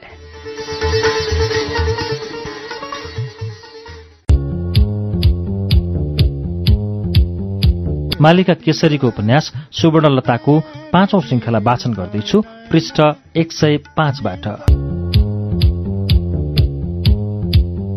म नेपालको सबैभन्दा ठूलो दैनिक पत्रिकामा पत्रकारको रूपमा जागिरे भएको थाहा पाएर मुमा कति खुसी हुनुभयो म त्यसको व्याख्या शब्दमा गर्न सक्दिनँ। किनकि खुसी र दुःखको अनुभूति दुवै भावना हुन्। त्यसपछिको मेरो दैनिकी कार्यालय जाने विभिन्न विषयवस्तुमा समाचार तयार गर्ने हुन थाल्यो। समाचारको सिलसिलामा नयाँ नयाँ ठाउँमा जानु पर्थ्यो। यसरी नयाँ ठाउँ नयाँ मान्छेसँगको भेटघाट र कुराकानी अत्यन्त रमाइलो थियो। त्योभन्दा पनि रमाइलो मेरो साथमा हुनुहुन्थ्यो मेरो न्युज कोअर्डिनेटर विक्रम थापा। हुन त उहाँको काम हामी जस्तो फिल्डमा जाने थिएन। तर पनि मलाई रिपोर्टिङ गर्न सिकाउने बाहनामा उहाँ मसँग धेरै समय बिताउनुहुन्थ्यो। खै किन हो? मलाई उहाँको साथले अनौठो उत्साह थप्थ्यो। मनको एक कुनामा रमाइलो खुसी छाउँथ्यो। मन खुसीले रमाउँथ्यो। मैले त उहाँसँगको पहिलो भेटमै आफूलाई बिर्सिएकी थिएँ आफूलाई हराएकी थिएँ। अफिस निस्कनु अघि मेकअप गर्दै सोच्थेँ के म राम्री देखिएकी छु? म पनि के भयो कि उहाँ साथमा हुनासाथ गरुडको छाया परेकी नाग जस्तो लट्ठ हुने बेहोसीपनले वर्तमानको होस नै नहुने। मन अनन्तमा हराइरहने। तर यसरी आफूलाई बिर्सेर कसैमा हराउँदा पनि कति आनन्द कति खुसी मिल्ने। मैले जीवनको पहिलो पारिश्रमिक पाएँ। मन अत्यन्त हर्षित भयो। त्यो दिन विक्रम सर र म एक रेस्टुरेन्टमा गएर कफी पियौँ। त्यो दिन अझ अर्को अनौठो घटना घट्यो। विक्रम सरले मेरो हात समात्दै भन्नुभयो मलाई तिमी अत्यन्त मनपर्छ। उहाँको कुराले मेरा आँखा लाजले निहुरिए। गालामा सम्पूर्ण रक्त थुप्रिएर हो कि खै किन हो?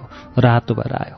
मैले मेरो खुसी रोक्नै सकिनँ। मुहार जति शान्त राख्न खोजे पनि मुहारमा खुसीको सङ्केत गर्दै मुस्कान सलबलायो। लाग्यो मैले मेरो जीवनको जड भेटाएँ। मेरो जवानीमा प्रवेश गर्दै गरेको मन। त्यो रात सारा संसार निदमा लिप्त हुँदा पनि मेरो आँखामा निदको अंशसम्म आउन तयार भएन। म निदलाई स्वागत गर्दै दायाँ कोल्टे बायाँ कोल्टे फर्किएँ। तैपनि आँखामा निदको लेससम्म झुल्किएन। बल्ल बुझेँ मानिसलाई दुःखको अनुभूतिले मात्र होइन खुसीको अनुभूतिले पनि सुत्न दिँदो रहेनछ। निद नलागेपछि म घरबाट बाहिर निस्केर अन्धकार रात्रिको खुला आकाश हेर्न थालेँ। आकाश जुन विहीन थियो। औँसी थियो वा अन्य मलाई थाहा छैन तर आकाश पूर्ण कालो थियो। ताराहरूको मधुरो ज्योति सारा संसारलाई प्रकाशमय बनाउन काफी पक्कै थिएन तर प्रेमको उन्माद भरिएको मनले आकाशलाई पूर्ण प्रकाशमय देखिरहेको थियो। त्यही प्रकाशमय आकाशको बीच भाग जहाँ चन्द्रको बास हुन्छ त्यहाँ त आज विक्रम सरको मुहार हाँसिरहेको थियो। मैले पनि त्यही मुहारलाई हेरिरहेँ। मलाई हेरेर हाँस्दै त्यो मुहारले सोध्यो के भयो तिमीलाई? किन नसुते कि? म पनि आऊ? म लाजले पानी पानी भएँ। म पनि के भएँ कि? त्यो अन्धकार आकाशमा के के देख्न थालेँ कि? सायद म मायामा परे पाएर। मलाई लाग्यो मानिसको जन्म दुःख भोग गर्नका लागि मात्र होइन। मानिस त सुख प्राप्तिका लागि पो जन्मिन्छ। मानिसको जीवनमा त खुसी नै खुसी छ। प्राप्तिको खुसी कसैको साथको खुसी। कति सुन्दर रहेछ संसार। मैले चारैतिर खुसी र सुन्दरता खोजेँ। फेरि मनले निश्चय गर्यो अब म मेरो बुबाको निर्दोषता र न्यायका लागि लड्छु। म त्यो रात खुसी र विद्रोहको अन्तर्द्वन्द्वमा बकिँदै पुरै रात छर्लङ्ग काटेँ। यथार्थको संसार कल्पनाको रङ्गीन संसारभन्दा भिन्न थियो। जीवनको वास्तविकता जसलाई मनले कल्पनै चाहन्न जसलाई मनले सम्झनै चाहन्न तर त्यही सम्झनै नचाहेको तथ्य नै जीवन थियो मेरो वास्तविकता। मेरा बुबा लुटको आरोपमा जेलमा थिए। मुमा र म अर्काको घरमा दासी जस्तै बसेका थियौँ। सोचेँ मैले मुमालाई पाल्न सक्छु। अब मेरो मुमालाई छुट्टै घरमा राख्छु। यति सोचेर मैले गौशाला नजिकै कोठा लिएँ। मुमालाई थाहा नदिई मैले आवश्यक सबै सामान किने। जब सबै तयार भयो मैले मुमालाई खुसी हुँदै भने मुमा अब हामी नयाँ ठाउँमा बसौँ। यसरी दासी जस्तो अर्काको काम नगरौँ। मैले कोठा खोजेर राखेकी छु। मलाई आशा थियो मेरो कुराले मुमा औधी खुसी हुनुहुन्छ तर म गलत थिएँ। मुमा न खुसी हुन सक्नुभयो न दुखी। दुखी नै हुनुभएको म मान्दिनँ। मेरो प्रस्तावले उहाँको आँखामा पनि खुसीका लहरहरू सल्बलाएका थिए। मेरो सफलता र आत्मनिर्भरताको खुसीले उहाँको मुहारमा शान्तिको दीप पक्क बलेको थियो। तर मुमा ती म्याडमलाई छोडेर मसँग बस्न जानै मान्नु भएन मैले सम्झाउनु भयो। जसले हामीलाई सारा समाजले छिछि र दुरदुर गर्दा साथ र शरण दिएको छ त्यस्ता कलियुगका भगवान्लाई थोरै राम्रो हुनासाथ चटक्क छाडेर कसरी जाने? यो त मानव धर्म भएन। उनी एक्लै छन्। उनलाई पनि हाम्रो साथको खाँचो छ। मलाई थाहा छ तिम्रो साथीभाइको बिचमा हाम्रो यो अवस्थाले नराम्रो असर पर्न सक्छ। त्यसैले तिमी त्यहीँ बस म उहाँसँगै बस्छु। मैले गल्ती महसुस गर्दै भने म मुमालाई छाडेर कसरी एक्लै बस्छु? हुँदैन। म पनि यहीँ बस्छु हजुरसँगै। बुबा मुमासँगै बुबा मुमाको अवस्था जस्तो छ। त्यसरी नै बस्दा लाज लाग्ने छोराछोरी जति नै ठूलो ओहदामा पुगे पनि जति नै सामाजिक सम्मान पाए पनि ऊ त तुच्छ हुन्छ। उसको प्राप्ति नदीलाई बालुवा दान दिएर प्राप्त गरेको सम्मान बराबर हुन्छ। म हजुरलाई छाड्न सक्दिनँ। हजुरसँगै बस्छु। तर मुमाले मान्दै मान्नु भयो तिमी महान विचारकी छौ। यो मैले बुझेकी छु छोरी। तर मैले यो पनि बुझेकी छु। हाम्रो पारिवारिक स्थिति र वातावरणले तिम्रो पेसालाई असर पर्न सक्छ। त्यसैले तिमी यहाँ बस्छ त्यहाँ बस्छ जहाँ भए पनि मेरो माया र आशीर्वाद तिमीमा सधैँ छ। मलाई आज पनि पछुतो लाग्छ। मैले जीवनमा सबैभन्दा ठूलो गल्ती त्यही गरेँ। मैले मुमासँग सोध्दै नसोधी घर सर्ने निर्णय गरेँ। मेरो गल्तीको सजाय आखिर मैले पाएरै छोडेँ। मैले मुमालाई मसँगै जान वा मलाई पनि त्यहीँ बस्न अनुमति मागिरहेँ तर मैले मुमाको मन बदल्नै सकिनँ। म मेरो आफ्नै कारणले मुमाबाट छुट्टै बस्न बाध्य भएँ। कति पीडामयी कदम थियो त्यो मेरो लागि। पत्रकारिताको धर्मनिर्वाह गर्ने क्रममा मलाई विभिन्न अनुभव हासिल गर्ने मौका मिल्यो। यस क्रममा मैले समाजको वास्तविक चरित्र बुझ्ने मौका पाएँ। यसरी सामाजिक घटना परिघटनाको रिपोर्ट गर्ने क्रममा केही महिना अगाडि मेरो एकजना त्यस्ती महिलासँग भेट भयो जसलाई मैले सदा साहस र शक्तिको प्रतिमूर्तिको रूपमा लिन्छु। उनले खुलेर समाज र आडम्बरी आफन्तको वास्तविक तस्विर देखाएकी थिइन्। उनी समाजको त्यो ऐना बनिन् जसमा समाजको खोक्रो आडम्बरी तस्विर छरपष्ट देखिएको थियो। मगर थर्की एक महिला जसले पत्रिकामा आफ्नो तस्विर प्रकाशित गर्ने माग गर्दै कबुल गरेकी थिइन्। म एक बेस्या हुँ म झस्किएँ समाजमा सबैभन्दा घृणित मानिएको पेसा जुन आमतौरमा सतहमा आएर खुल्न चाहँदैनथे उनी त्यही लुकेको वास्तविकता छताचुल्ल पार्ने अभियानमा थिइन् उनको कथा थियो पश्चिम नेपालमा जन्मिएकी उनको एक भाइ थियो। सानैमा बाबुआमाको मृत्यु भएकाले भाइको जिम्मेवारी पनि उनमा थपिएको थियो। एक त कलिलो उमेर त्यसमा एक महिला के गर्न सक्थिन् र? भाइ करिब सात वर्षको थियो उनी तेह्र वर्षकी थिए। सहरको स्वार्थीपन उनी उनीहरूको बाध्यता नजानेको केही थियो न चिनेको कोही थियो। दिन बित्दै गयो। उनले सानो होटलमा भाँडा माझेर दुईजनाको पेट भर्ने भरपूर कोसिस गरिन् भाइले स्कुल जाने बच्चालाई देखाउँदै भन्थ्यो दिदी म पनि स्कुल जान्छु। उनी आँसु चुहाउँथिन् भाइको स्नेहका लागि आफ्नो जिन्दगीका लागि बाध्य पार्ने समयको यस क्रूर कालचक्रका लागि। जेनतेन पेटमा चारो त परेको थियो तर त्योभन्दा माथि उनले सोच्नै सक्दिनथिन्। फेरि एक दिन त्यही होटल चाउले बडो मायालो आवाजमा बोलाएर भन्यो तिमीले आजदेखि भाडा नमाज यो अङ्कलसँग जाऊ। उसले यति भनेर दुई हजार रुपियाँ हातमा हालिदियो। महिना दिन भाडा माझेको जम्मा पन्ध्र सय दिने साउले अचानक दुई हजार दियो। उनी छक्क पर्दै त्यो अपरिचित मानिसका पछि लागिन्। उनीहरू त्यही होटलको कोठामा गए। उनलाई थाहा थिएन त्यहाँ गर्नुपर्ने के थियो। उनी कोठाभित्र छिर्नासाथ त्यो मान्छेले बाघले बाख्रो झम्टिए चाहिँ झम्टियो। उनले आफूलाई सुम्पनु सिवाय के नै पो गर्न सक्थिन् र उनी लाचार भइन्। उनीमाथि क्विन्टलभन्दा ठूलो शरीर उफ्रिरह्यो। उनले मात्र होटल साउली दिएको हजारको दुईवटा नोट सम्झिरहे। आदिकालदेखि अस्तित्वमा रहेको पेसाको उनी एकमात्र पात्र बनिन्। अब उनीसँग भाइलाई पढाउने यथेष्ट रकम थियो। उनले भाइलाई सम्भ्रान्तका सन्तान पढ्ने स्कुलमा भर्ना गरिन्। शुल्क महँगो थियो। त्यसको पूर्तिका लागि सुत्नुपर्ने मानिसको सङ्ख्या बढ्दै गयो। उनले त्यसलाई स्वीकार गरिन् तर यो कदापि शारीरिक भोग थिएन। त्यो त भाइको भविष्यका लागि गरिएको त्याग थियो। भाइको उज्जवल भविष्यको रङ्गीन किरण जुन किरणको परिकल्पनामा उनी मुस्कुराउन सक्थिन्। उनीसँग शारीरिक आवश्यकता पूर्तिका लागि हजारौं मानिस आए। वकिल डाक्टर इन्जिनियर राजनीतिज्ञ पुलिस सरकारी हाकिम। विद्यार्थी सबैको इच्छा पूर्ति गर्दै गए मात्र त्यही भाइका लागि।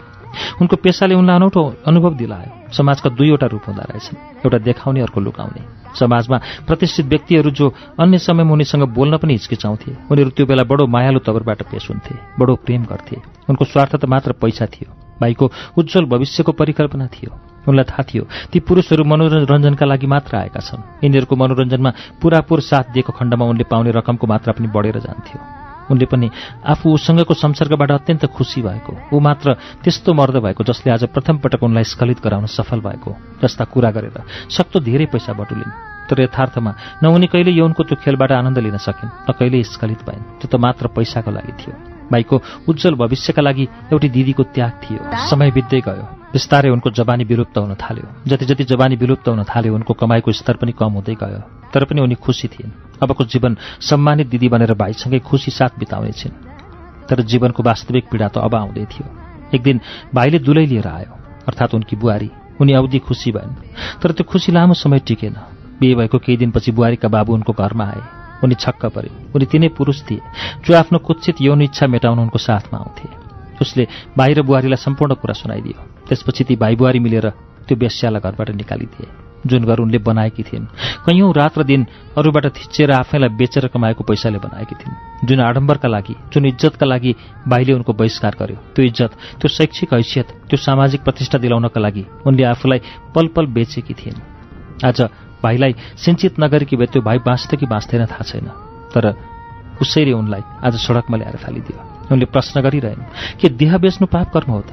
यदि पाप हो भने संसारको त्यस्तो कुन स्थान होला जहाँ देह व्यापार नभएको होस्? स्वरूपमा फरक छ। संसारमा त्यस्तो को होला जसलाई देहको भोक नलागेको होस्? म उनको तर्कशक्ति देखेर अचम्बित पाएँ उनले बताइन् संसारका हरेक नरनारी बेस्या हुन्। जब यौन कार्य सन्तान उत्पादनका लागि नभएर मनोरञ्जनका लागि गरिन्छ भने त्यो भोग हो। वेश्यावृत्ति नै हो। यो संसारमा जन्म लिने पशु किरा फट्याङ्ग्रा बाहेक हरेक मानवले यौन कार्य मनोरञ्जनका लागि गर्छन्। के उनीहरू बेस्या भएन? मैले त्यही कार्यबाट धन कमाएँ। म मात्र कसरी बेस्या? उनले प्रश्नै प्रश्न सोधिरहन् तर उनलाई कसैले उत्तर दिएन। मैले तयार पारेको आलेख उनको फोटोसहित छापियो। त्यसपछि समाजका प्रभुत्व वर्गको चोरीफोरी सुरु भयो। कसैले यसलाई नारीको अपमानको रूपमा लिए कसैले फोटो प्रकाशित गरेर नारीलाई समाजमा बाँच्नै मुस्किल पार्ने काम भएको ठहर गरे कसैले समाज बिगार्ने त्यस्ता वेश्यालाई कानून बनाएर फाँसी दिनुपर्ने माग राखे।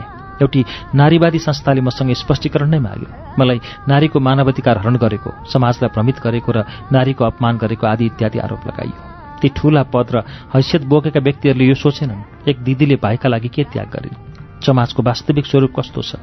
यो सबै कार्य उनको रहरको थियो कि नियति? खै उनको मानव अधिकार? खै त उनको बाँच्न पाउने अधिकार? खै त उनको आत्मसम्मान? यस विषयमा कसैले सोचेनन् किनकि उनी बेस्या थिए। समयसँगै झाँगिएको हाम्रो प्रेमको अनुभूति कहिले रोकिएन। त्यो त अझ बृहत अझ विशाल हुँदै थियो। त्यसका हाँगाहरू पल प्रतिपल वरपर धेरै परसम्म फैलिँदै थिए। अझ बढ्दै थिए। मैले त विक्रम शर्मा नै आफ्नो संसार बुनेकी थिएँ। मेरो खुसीको हरेक अंशमा उहाँलाई नै भेट्न थालेकी थिएँ। फेरि एक दिन अर्थात् सारा विश्व नयाँ इस्वीमा प्रवेश गर्नेवाला थियो। उहाँले मलाई थोरै डराउँदै धेरै लजाउँदै सोध्नुभयो अनु हामीले नयाँ वर्षको कुनै कार्यक्रम नराख्ने म उत्साहित भएँ। उहाँको आँखामा हेर्दै भने के कार्यक्रम राख्ने भन्नुहोस् न म त तयार छु। उहाँले मुख मेरो कहाँनिर ल्याएर भन्नुभयो आज नगरकोट छौँ। भोलि बिहानीको सूर्योदयसँगै बसेर हेरौँला। उहाँको कुराले म लाजले पानी पानी भएँ बिना बिहे पुरै एक रात सामाजिक बन्धन र लोकलाजले मन थर र काँप्यो। फेरि मुखबाट अनायास निस्कियो। हुन्छ कतिखेर जाने? मेरो जवाफले उहाँ यति खुसी हुनुभयो। मैले धेरै बेर उहाँको मुहारमा दौडिरहेको खुसी हेरिरहेँ। एक लाठीले अचानक झिलिमिली सहर देखे जाए। फेरि अचानक उहाँले खुसी र उन्मादले हाँसिएको उहाँको ओठ मेरो ओठमा ल्याएर बिसाइदिनु भयो मैले केही विरोध गरिनँ। उसो त विरोध गर्ने चेत पनि त हुनु पर्यो हामी नगरकोट पुग्दा सूर्यले पृथ्वीलाई विदाई गर्नै आँटेको थियो। वा भनौँ त्यो वर्षको अन्तिम दिन थियो। हुन त समय मिति तारिक जे भने पनि मानिसले बनाएको। सूर्य आफ्नो गति र धर्म अनुसार चलेको छ। सम्पूर्ण चराचर भूमण्डल र ब्रह्माण्ड नै आफ्नै गतिमा चलेको छ। मात्र हामीले बुझ्नको लागि बनाएको एक नीति त हो मिति र गते। हस्ताउँदो सूर्यले फैलाएको सुनका कर्ण मिश्रित किरणमा उहाँको सुन्दरता अझ सौम्य र सुशील देखियो। मेरा आँखा उहाँको मुहारमा अडिरहेको थियो। उहाँले मेरो दाहिने हातलाई दुवै हातले समातेर गाउनुभयो। सन्ध्याको यो गोधुलीमा तिम्रो मधुर स्पर्शले उन्मुक्ततामा रमेका तिम्रा रेशमी कपालले तिम्रो हावामा बहिरहेको तिम्रो मिठो सुवासले मेरी अनुमलाई सम्हालिनै गाह्रो भयो तिम्रो नयनको कटाक्षले। हामी त्यो एकान्तमा उन्मुक्त पन्छी चाहिँ प्रकृतिको मधोस तुल्याउने छट्टासँग जिस्किरह्यौँ। त्यहाँ वातावरण त्यस्तै थियो। त्यो रात मेरो साथ र समीप पाएर उहाँ अति खुसी हुनुहुन्थ्यो। उहाँ खुसी भएको देख्दा म खुसी नहुने कुरै थिएन। त्यो रात मैले उहाँलाई नववर्षको शुभकामना स्वरूप मेरो जीवनको सबैभन्दा अमूल्य उपहार दिएँ। थाहा छैन मेरो उपहारको मूल्य के थियो? मैले यो पनि विचार गरिनँ यो उपहार दिन उपयुक्त थियो वा थिएन? मलाई केही पनि थाहा छैन मैले जे गरेँ त्यसले समाजको वचन र सामाजिक पर्खाल नाग्यो वा त्यो उपहारले मायाको फुललाई अझ रमर तुलायो। हामीले त्यो दिन समाजले कोरेको जीवन दर्शनको परिभाषाभन्दा भिन्न परिभाषा कोर्यौँ मनमा किञ्चित पाप र पश्चातापको मुना पलायो तर मनले नै सम्झायो। जुन कार्य गरेर मानिसलाई पश्चाताप लाग्दैन बरु खुसी मिल्छ भने त्यो कसरी गल्ती हुन सक्छ? गल्ती र पाप त मनको सोच रहेछ। यदि मनमा कुनै कार्य गरेर गल्ती वा पापको अनुभूति हुँदैन भने त्यो पाप नै होइन। मानिसलाई कुनै पनि नयाँ काम गर्न प्रथम पटक मात्र असहज लाग्दो रहेछ। बच्चाको नाम पहिलो पटक नामकरण गर्दा सायद बुबा आमालाई नै त्यो नाम नमिल्दो नौलो र असहज लाग्दो तर समयसँगै सबै सहज हुँदो रहेछ। त्यसपछिका दिनहरूमा हामीले कैयौँ रात साथमा बितायौँ। हामी बिचमा बाँकी भन्ने केही रहेन। म पूर्ण रूपमा उहाँमा समर्पित भएँ। हिमालबाट हतारिँदै झरेकी नदी जसरी। समुद्रमा पुगेर शान्त हुन्छ। म पनि त्यस्तै थिएँ। उहाँ अफिसपछि घर नगई मेरो कोठामा आउनुहुन्थ्यो। मैले खाना बनाएर खुवाउँथेँ। उहाँलाई खाना खुवाउन पाउँदा के विधि खुसी भएकी म? दिनदिनै बित्यो। समयले तीन महिना हुँदै वर्ष पनि बित्यो। यी बीचमा म मायाको त्यो रङ्गीन संसारमा रमेँ जहाँ मैले सारा पीर व्यथा बिर्सेँ। मात्र उहाँमा समर्पित मेरो जीवन। उहाँका लागि जन्म लिएकी जस्ती म। एक दिन उहाँ अचानक विदामा बस्नुभयो। मन अचानकको बिछोडले भयभीत भयो अत्तालियो तडपियो। उहाँको फोनमा कैयौँ पटक फोन गरेँ तर फोन स्विच अफ थियो। म सारा राज्य हारेको राजा जस्तो भएँ। अफिसमा बुझे कराएसी बिदा बस्नुभएको छ। म पनि कस्ती हुन्छु। यति नजिक भएर पनि उहाँको घर परिवारको बारेमा सोध्नै बोलिछु करिब बिस दिनपछि अफिस पुग्दा देखेँ। सबैजना उहाँको वरिपरि झुम्बिएका थिए। अचानक उहाँलाई पाएर मन खुसीले नाच्न लाग्यो। त्यो बेला म जस्तो अन्धभक्त जस्तो भएकी थिएँ। जसले ढुङ्गालाई देउता मानेर पूजा गर्दा गर्दै अचानक स्वयं भगवान् प्रकट हुँदा भक्त जस्तो मनस्थितिमा पुग्छ। म त्यस्तै भएकी थिएँ। मेरो मुखबाट कुनै शब्द निस्केन मात्र उहाँलाई हेरिरहेँ। कसैले उहाँलाई बधाई दिँदै सोध्यो खै त बिहेको पार्टी नदिने? विक्रम सरले हाँस्दै भन्नुभयो भइहाल्छ नि आजै दिउँला। उहाँको कुराले मैले केही सोच्नै सकिनँ। उहाँ बिदा बस्नुभएको त बिहेका लागि रहेछ। मैले नचाहँदा नचाहँदै आँखाबाट केही थोपा आँसु बगी छाडेँ म विगतको सम्झनामा बहकिँदै थिएँ। शौचालक तिखो आवाजमा चिच्चायो नेपालगञ्ज आइपुग्यो सबैजना झर्नुहोला। सबै यात्रु आफ्नो सामान खोज्न थाले। जीवनमा भोगेको सबैभन्दा तितो र पीडादायी क्षणको भड्खालोमा बहेकी मलाई। होस् नै भएन मेरा झोलाहरू कहाँ छन्? म कहाँ आइपुगेँ? उनीहरूले नै मेरा सबै सामानहरू झोला क्यामेरा र क्यामेरा चार्ज गर्न ल्याएका सोलर प्यानल र ब्याट्री सबै बोके। म बेहोसीमा नै गाडीबाट ओर्लिएँ। उनीहरूले ट्याक्सी रोके। करिब पन्ध्र मिनटमा ट्याक्सी एउटा घर अगाडि पुगेर रोकियो। त्यही लामा लुगा लगाउनेले भने यो घर हाम्रो आफन्तको हो। केही बेर यहाँ आराम गरौँ। भोलि बिहान दस बजे जुफालको प्लेन चढ्नुपर्छ। मलाई सानो कोठा देखाउँदै त्यो बौद्ध लामा बडो नम्रताको साथ बोले केही बेर आराम गर्नुहोस्। हजुरको ज्यान थाक्यो होला। उनी मलाई हेरेर मुस्कुराउँदै टाढिए। म लगाएको केही नफेरी खाटमा त्यहीँ पट्टी भोलिपल्ट आँखा खोल्दा परिपक्व सूर्य मुस्कुराइरहेको थियो। रातभरको यात्राले थाकेकोले होला। जिउमा आलस्य थियो। म अल्छी मान्दै उठेँ। अचम्म ती लामाको मुहारमा थकावटको कुनै भाव थिएन। खाना तयार थियो। हिजोदेखि राम्रोसँग केही नखाएकोले होला। बोक भित्रैदेखि जुरुमुराएर आयो। तैपनि मैले संयमता गुमाइन। खाना खाएर नेपालगञ्जको एयरपोर्टतर्फ निस्किँदै गर्दा सानै सुन्दर बालिकाले बडो मायालु पारामा हात हल्ल्याएर बाई भने मैले अन्दाज लगाएँ उनी त्यो घरकी नातिनी हुनुपर्छ मलाई वर्षौँ अगाडि जब हामी काठमाडौँ आउनका लागि निस्केका थियौँ भाइले हजुरआमालाई बाई गरेको सम्झना आयो। हवाई जहाजबाट करिब आधा घण्टा यात्रा गरेपछि हामी डोल्पा जिल्लाको जुफाल विमानस्थलमा ओर्लियो। डोल्पा जिल्ला एक्काइसौँ शताब्दीमा पनि सडक यातायातले नछोएको जिल्लाको रूपमा परिचित थियो। तर हालसालै आन्तरिक सडकको विस्तार भए पनि मुख्य सडक सञ्जालसँग जोडिन बाँकी रहेछ। विमानस्थलबाट बाहिर निस्कन साथ एक हुल खच्चड हाम्रो अगाडिबाट गए। सामान ढुवानीको एक कतिलो विकल्पको रूपमा रहेछ खच्चड। आधुनिकताबाट टाढा लुकेको डोल्पा मानव निर्मित भौतिक सुख सुविधाको त चरम अभाव थियो तर हिमाली चिसो हावा वरपर देखिने मनोरम हिमश्रृङ्खलाले त्यो भूमिको अलौकिकता वर्णन गरिरहेको थियो। त्यहाँ करिब आधा घण्टा बसेपछि हाम्रो यात्रा सुरु भयो। अनभिज्ञ गन्तव्य अपरिचित भूमि। कता कता डर पनि लाग्यो तर मन उत्साहित थियो। करिब एक घण्टाको यात्रापछि हामी डोल्पा जिल्लाको सदरमुकाम दुनै पुग्यौं। काठमाडौँभन्दा भिन्न संस्कृति र रहन सहनयुक्त मानव बसोबास भएको दुनैमा सहरी झल्को दिने बिजुली बत्ती र सञ्चार सुविधा रहेछन्। बोर्डिङ स्कूल लेखेका एक दुईवटा होर्डिङ बोर्ड पनि दुनैमा देखियो। दुनैमा बसोबास गर्ने बाहुल्य जनसङ्ख्या ब्राह्मण क्षेत्री रहेछन्। ढुङ्गेनी बाटो हुँदै हामी अगाडि बढ्दै गयौं। अलौकिक भूबनोट हिमाली चिसो आवा लाग्यो म स्वर्गको धेरै नजिक छु। दुनैबाट हिँडेको करिब एक घण्टापछि हामी सुलीकाड आइपुग्यौँ। त्यहाँ सेफोक सुन्डो नेसनल पार्कमा स्वागत छ भनी लेखिएको बोर्ड झुन्डाइएको रहेछ। बल्ल मन रोमाञ्चक भयो।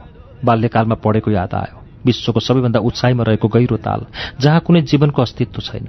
स्वच्छ निर्मल ताल करिब एक सय चालिस मिटरभन्दा गहिरो ताल। मन अर्कोतर्फ मोडियो। किन त्यति ठूलो ताल भएर पनि जीवनविहीन भएको होला? किन कुनै जीवन फुल्न नसकेको होला? म सोचिरहेँ मैले निष्कर्ष निकालेँ त्यो ताल धरतीका जीवका लागि नभएर स्वर्गमा विचरण गर्ने देवताका लागि हो। सायद धरतीको जीवले दूषित तुल्याउने भएकाले त्यसलाई जीवविहीन बनाइएको होला। कञ्चन सानी नदीको किनारै किनार हामी तेर्सो बाटो हिँडिरह्यौँ। करिब आधा घण्टा हिँडेपछि सानो बजार आयो। मैले त्यस ठाउँको नाम बुझ्न खोजिनँ। लामो हिँडाले थाकेकाले होला। हामीले त्यहाँ केही बेर विश्राम गरी चिया पिएर यात्रा अगाडि बढायौँ। बिस्तारै दिनले सन्ध्यालाई निम्तो दिँदै सूर्यले आफूलाई पहेँलो रङमा परिवर्तन गर्न लाग्यो।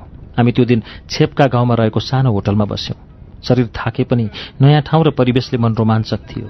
म विगतका सारा दुःख बिर्सिएर वर्तमानमा रमिरहेकी थिएँ। कतिखेर निधाएछु थाहै भएन। भोलिपल्ट बिउजँदा पूर्वी आकाशमा मधुरो उज्यालो बढ्दै थियो।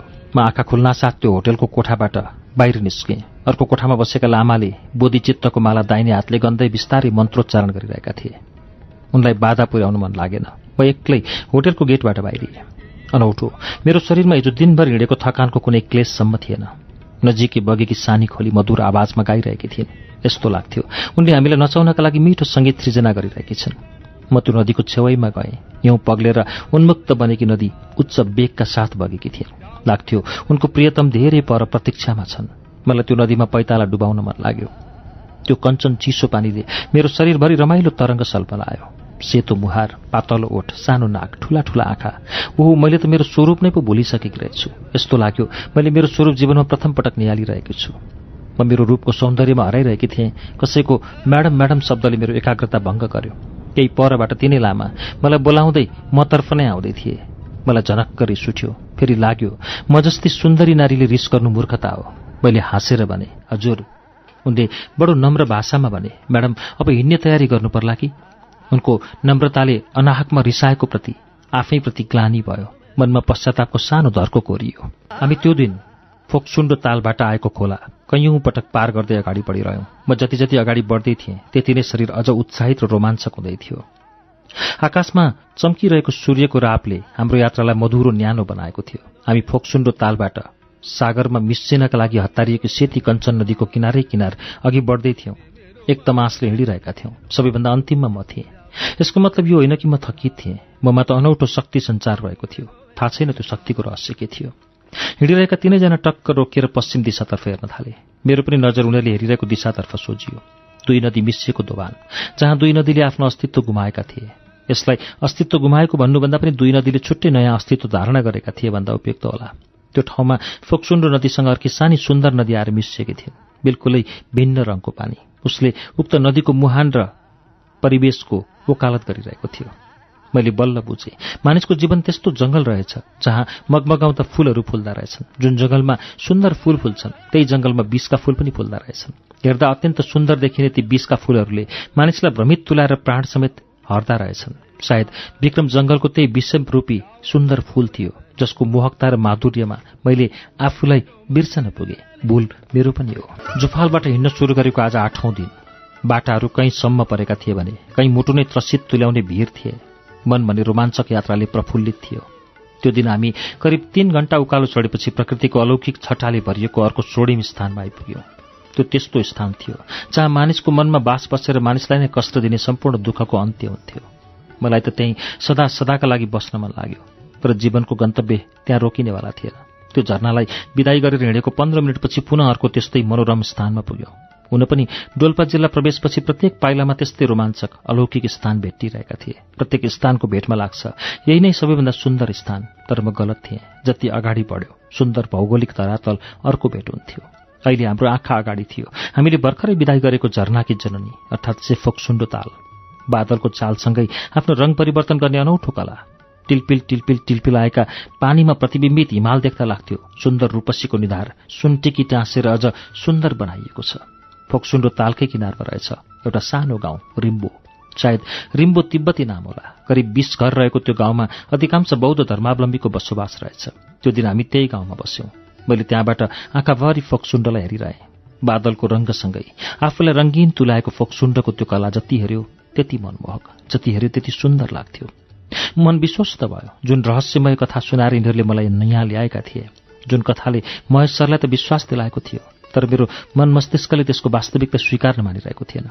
बिस्तारै अब मन विश्वस्त हुँदै थियो। त्यस्तो अलौकिक स्थानमा उनीहरूले बताएको रहस्यको सम्भाव्यता नकार्न सकिँदैन। जब मनले उनीहरूले बताएको रहस्यलाई यथार्थमा हुन सक्ने स्वीकार गर्यो मन अतालियो। कतिखेर पुगिन्छ त्यो रहस्य सामु? तर मलाई कति समय लाग्छ सोध्न मनै लागेन। मसँग दुवै चिज थियो। एक समय अर्को स्वर्ग जस्तो भूधरातललाई धेरैभन्दा धेरै निहाल्ने इच्छा। भोलिपल्ट मेरो आँखाले निदलाई विदाई गर्दा पूर्वीय आकाशमा उज्यालोको मधुर लालीमा छाउँदै थियो। करिब सात बजे पुनः यात्रा सुरु गर्यौं। त्यो दिन करिब दुई घण्टा उकालो उक्लेपछि हामी चोकला पोक आइपुग्यौं। त्यहाँबाट अगाडिको बाटो उकालोभन्दा पनि तेर्सो थियो। दुवैतर्फ हिमाल मुस्कुराइरहेका थिए। देब्रतर्फको हिमाल प्रसिद्ध कान्जिरोवा हिमाल रहेछ भने दाहिनेतर्फको हिमालका बारेमा मैले प्रश्न नै राखिनँ। मात्र त्यसको सुन्दरता आँखाभरि सम्हालेर अगाडि बढिरहे। कान्जिरोवा हिमाल कटेपछिको भूखण्डमा एउटा पनि ठूलो आकारको रुख भेटिएन। मात्र हरियो घाँसले सिँगारिएको समथर घाँसे मैदानमा साना साना रुखका पोथ्रा थिए। त्यो घाँसे मैदान पार गर्दै गर्दा त्यही लामा लुगा लगाउने व्यक्तिले जमिनबाट खै के हो टिपेर तिब्बती भाषामा बोले उनीहरू तिनैजना त्यो हेर्न झुम्बिए। म पनि उत्सुक हुँदै उनीहरूको नजिक गएँ। ती लामाको हातमा सानो मानिसको हात जस्तो वस्तु थियो। मैले आश्चर्य मान्दै सोधेँ यो के हो? उनले छोटो उत्तर दिए पाँच औँले। अनि यो के काम लाग्छ? मैले आफ्नो अनभिज्ञता प्रकट गरेँ। उनले बिस्तारै भने यो ठुलो औषधि हो। योभन्दा अरू उनले केही भनेनन् मैले पनि अरू सोध्न चाहिनँ त्यो पाँच औले उनीलाई फिर्ता दिएर हामी पुनः अघि बढ्यौँ। हामी आज चार घण्टा बिना विश्राम हिँडिरह्यौँ। हामी अहिले बौद्ध धर्मावलम्बीको महान धर्मस्थल छेगुम्पाको आँगनीमा थियौँ। छेगुम्पा डोल्पा जिल्लाको मात्र नभएर सम्पूर्ण बौद्ध धर्मावलम्बीका लागि महत्वपूर्ण तीर्थस्थल रहेछ। हामीले गुम्बामा रहेको बुद्धको मूर्तिलाई मनदेखि प्रणाम गरेर यात्रा अघि बढ्यौँ। करिब आठ घण्टा हिँडेपछि पाँचवटा घर भएको सानो बस्ती देखियो। तिनी लामाले तिब्बती भाषामा कुरा गरेर एक घरमा बास बस्ने व्यवस्था मिलाए।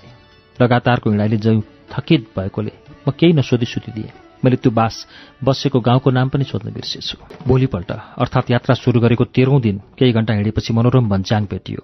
त्यो भन्ज्याङलाई सेला भन्ज्याङ भनिँदो रहेछ। त्यहाँबाट चारैतर्फ मुस्कुराएका हिमाली शिखरहरू ती शिखरसँग कुहिरो लुकामारी खेलेको दृश्य अत्यन्त मनमोहक थियो। हामी हिँड्दै थियौँ। बाटोमा मानिसको एक समूह देखा पर्यो। उनीहरूलाई देख्नासाथ मसँगै आएका तिनैजना खुसी हुँदै तिब्बती भाषामा के कुरा गरेको नि सबैभन्दा लामो समय कुरा गरेर कुरासँगै हाँसिरहे। अब हामी करिब दसजनाको समूह बनेर अगाडि बढ्न थाल्यौँ। हामी अबको पन्ध्र मिनटमा हाम्रो गाउँ सालदाङ पुग्छौँ। ती मानिसको समूहबाट एकजनाले भन्यो मन खुसी भयो। अब चाँडै नै लक्ष्यबिन्दुमा पुग्दैछु तर फेरि तत्कालै मन खिन्न भयो। शरीर थाके पनि मलाई त्यो सुन्दर भुवन स्वर्गकी प्रकृतिको यात्रा गर्नु थियो। हामी उनीहरूको गाउँमा पुग्दा सूर्य डुबिसके पनि मानिस चिन्न सकिने उज्यालो बाँकी नै थियो। मैले त्यो गाउँलाई हेरेँ। फरक विधि प्रयोग गरेर निर्माण गरिएका घरहरू। प्रत्येक घरमाथि दाउराको चाङ लगाइएको सिमेन्टेड घरका छत चाहिँ देखिने। ती घरहरू सबै ढुङ्गा माटो प्रयोग गरेर बनाइएका थिए। करिब बिस घर हुँदा हुन्। म त कुशल चित्रकारले निर्माण गरेको सुन्दर चित्रकारिता चाहिँ लाग्ने प्राकृतिक सुन्दर भूखण्डको सुन्दरता रम्दा रम्दै मानव निर्मित भौतिक संरचनाको खासै हेक्का नै राखेको रहेनछु। त्यो गाउँमा सानो गुम्बा पनि रहेछ। मैले अनुमान लगाएँ गाउँका सबैजना बौद्ध धर्मावलम्बी होलान्। हामी आएको थाहा पाउना साथ गाउँका केटाकेटी युवा युवती बुढाबुढी सबै चुम्बिए। मैले सङ्ख्या त गनिन करिब सय वा त्योभन्दा ज्यादा नै थियो होला। सबैमा उत्सुकता थियो। उनीहरूले बडो खुसी साथ मलाई हेरे। मेरो झोला मेरो लुगा सबै हेरे। मलाई साङ्गे लामाको घरमा बस्ने व्यवस्था मिलाएका रहेछन्। जति अनौठो रहस्य बोकेको त्यो स्थान र त्यहाँको वातावरण थियो। त्यति नै अनौठो रहस्यले भरिएको छ। त्यहाँको सामाजिक चलन। मलाई त्यो हिमाली क्षेत्रको हरेक वस्तु र वातावरण रहस्यमय लाग्न थालेको थियो। त्यहाँको हावा त्यहाँको मानिस प्रकृति ढुङ्गा माटो सबैमा रहस्यमय कथा लुके चाहिँ लाग्थ्यो। यस्तै अनौठो र रहस्यले भरिएको सामाजिक व्यवस्थाको साक्षात्कार साङ्गेका घरमा भयो। साङ्गेका बाबुहरू दुई दाजुभाइ रहेछन्। उनी कान्छो भाइका छोरा रहेछन् तर आमा भने एउटै। दाजुभाइको एउटै श्रीमती हुने अनौठो चलन। एक महिलाले धेरै पुरुषको श्रीमती हुनुपर्ने बाध्यता त्यो समाजको संस्कार। साङ्गेका पनि तीन दाजुभाइ रहेछन्। जेठो दाजु व्यापारका लागि बाहिर बस्दा रहेछन्। कान्छो भाइ बाह्र वर्षको रहेछ। उनीहरूका पनि श्रीमती साझा रहेछन्। सुन्दा पनि अनौठो लाग्ने संस्कार थियो। बहुपति प्रथा। तर महिलाको उच्च दर्जा र स्थान रहने घरको सम्पूर्ण राखन धरणमा महिलाको पूरा अधिकार रहने। महिलाले नै फलानो दाजु वा भाइको फलानो छोरो वा छोरी भनिदिएको भरमा छोराछोरी स्वीकार गर्ने चलन अनौठो थियो। म निचोडमा पुग्न सकिनँ बहुपति प्रथा महिलाको लागि सम्मान थियो कि शोषण? मन भने भोलि बिहान हुने महान रहस्यको साक्षात्कार सम्झेर अझ रोमाञ्चक भयो। त्यो रात न्यानो बिस्तारामा मस्त निताएँ सपनीमा मैले मेरो बाल्यकालको दमिनी चौर देखेँ। त्यहाँको तिनैवटा रुखमा फूल र फलहरू लटरम्म फलेको देखेँ। हराभरा देखेँ। चारैतिर हरिएको छरिएको थियो। हरियो र सुन्दर रङ। प्रत्येक घरको छत र आँगनमा लहराएका तोरणमा लेखेका बुद्ध मन्त्रहरू साँच्चैकै उनीहरूकै मान्यता अनुसार हावामा लहरिँदै बहँदै टाढा टाढा पुगेका थिए। म उठेर घर बाहिर टहलिँदै थिएँ। दोर्जेकी श्रीमतीले भनिन् खाना तयार भयो खाउँ हामी सबैले खाना खायौँ। मलाई काठमाडौँबाट लिएर आउने तिनजना र केही नयाँ अनुहार गरी जम्मा जम्मी बाह्र मानिस भेला भए। उनीहरूले मलाई उक्त स्थानमा लिएर जाने तयारी गर्न थाले जहाँ त्यो रहस्य थियो जुन रहस्य उजागर गर्न म आएकी थिएँ। हुन त मैले काठमाडौँ छँदा उनीहरूको उक्त रहस्य कथामाथि नै शङ्का गरेकी थिएँ। म त हिमाली क्षेत्रको यात्रा हुने काठमाडौँको कोलाहल र तनावपूर्ण जीवनबाट केही समयका लागि छुटकारा पाउने आशामा आएकी थिएँ। कति समय लाग्छ पुग्न? मैले हतारिँदै प्रश्न गरेँ। अब एक घन्टा जति। मलाई काठमाडौँबाट लिएर आउने लामाले उत्तर दिए। के तपाईँहरूले सुनाउनु भएको घटना सत्य नै हो नि? मैले तिनै लामाको मुहारमा हेरेर सोधेँ। उनले खै के सोचेको नि एकपटक मेरो मुहारमा हेरेर बोले बिल्कुल सत्य हो। कसले पहिला देख्यो त उहाँलाई? मैले अझ कुरा कोट्याएँ। हामी सबै गाउँले मिलेर बाटो खन्दै थियौँ किनकि त्यहाँको पुरानो बाटो हिँड्न अत्यन्त गाह्रो थियो। तर नाम्दो गाउँसम्म जानका लागि सबैभन्दा छोटो बाटो त्यही थियो। बाटो खन्दै गर्दा ठुलो ढुङ्गो भेटियो। म र ग्याल्जेन मिलेर त्यो ढुङ्गा फुटायौँ। ढुङ्गा फुट्ना साथ त्यहाँ त गुफा देखियो। हामी अनौठो मान्दै भित्र गयौँ। भित्र त देवीको स्वरूप देखियो। हामी तर्सियौँ डरले भाग्यौँ। कसैले पनि भित्र जाने आँट गर्न सकेन। फेरि म र ग्याल्जेन भित्र गयौँ। हामीलाई डर लागेको थियो। तैपनि खै कहाँबाट हिम्मत आएको नि भित्र गएपछि हामीले देख्यौँ उहाँ त भगवान् पो रहेछ। त्यसपछि हामी डराउन छाडेर उहाँको वरिपरि सुरक्षा दियौँ। उसले तिब्बती लवज मिसाउँदै नेपालीमा भने जुन कथा उनले मलाई काठमाडौँमै सुनाइसकेका थिए। हामी सबैजना उकालो चढ्न थाल्यौँ। मनमा छाएको उत्साहले होला। मलाई थकाइ महसुस नै भएन। त्यो जङ्गल बिचमा सानो गोरेटो रहेछ। त्यसका ताजा ढुङ्गा माटो मैले लख काटेँ त्यो त्यही बाटो जो उनीहरूले खनेका थिए। अब भने म पुरै विश्वस्त भएँ। उनीहरूको बनाइमा सत्यता छ। मन अझ व्याकुल भयो। म उनीहरूभन्दा चाँडो हिँड्न थालेँ। हामी उनीहरूले खनेको गोरेटो बाटो हुँदै अगाडि बढिरह्यौँ। मैले त्यो जङ्गलमा कस्तुरी घोरल र नाम थाहा नभएका विभिन्न जङ्गली जनावर सँगै रमाउँदै हिँडेको हिमचुत्वा देखेँ। अचम्म मैले त सुनेको थिएँ हिमचुत्वा त रातमा शिकारका लागि निस्कन्छ। थार घोरल कस्तुरीको शिकार गर्छ। यहाँ त उनीहरू सँगसँगै हिँडिरहेका थिए। म आश्चर्य मनमा लिएर त्यो उकालो उक्लिरहेकी थिएँ। ठिक मेरो दुई हात जति अगाडि सुन्दर रङै रङले सिँगारिएको एक जोडी चरा आएर नाच्न लागे। अनि तिनीलाई मलाई सोधेँ यो रङले रङले सिँगारिएको चरा डाँफे होइन? उनले हाँस्दै भने हो यही हो डाँफे। चिडियाखानाको बन्द कोठामा कैदी चाहिँ झोक्राएर बसेको डाँफे र आज मेरो अगाडि उन्मुक्त नाचिरहेको डाँफे बिल्कुल फरक थियो। मैले चिडियाखानामा देखेको डाँफे मृत्युको प्रतीक्षामा थियो भने यो डाँफे जीवनको उमङ्गमा रम्दै थियो। उसका शरीरभरि पोखिएको रङहरूले अझ उसको उमङ्गमा रौनक थपेको थियो। काश हाम्रो जीवन पनि डाँफेको रङ चाहिँ रङ्गीन भइदिए। हामी अहिले त्यही रहस्यमय कथा बोकेको गुफाको द्वारमा थियौँ। गाउँका केही मानिस गुफा बाहिर अस्थायी टहरा बनाएर सुरक्षा दिइरहेका थिए। त्यहाँको वातावरणमा अलौकिक मधुर ओम ध्वनि गुन्जायमान भइरहेको थियो। हुन त त्यो ध्वनि प्रष्ट थिएन। तर सङ्गीतको मधुर झङ्कार चाहिँ त्यो मधुर ध्वनि त्यहाँको हावामा तैरँदै अनन्तसम्म फैलिरहेको थियो। म वास्तविकता बुझ्न हतारिए काठमाडौँबाट अविश्वास मनमा लिएर हिँडेकी म। अहिले यथार्थको सम्मुख थिएँ। वास्तविकताको अगाडि थिएँ। मलाई लिएर काठमाडौँबाट आएका लामाले भने जाउँ भित्र।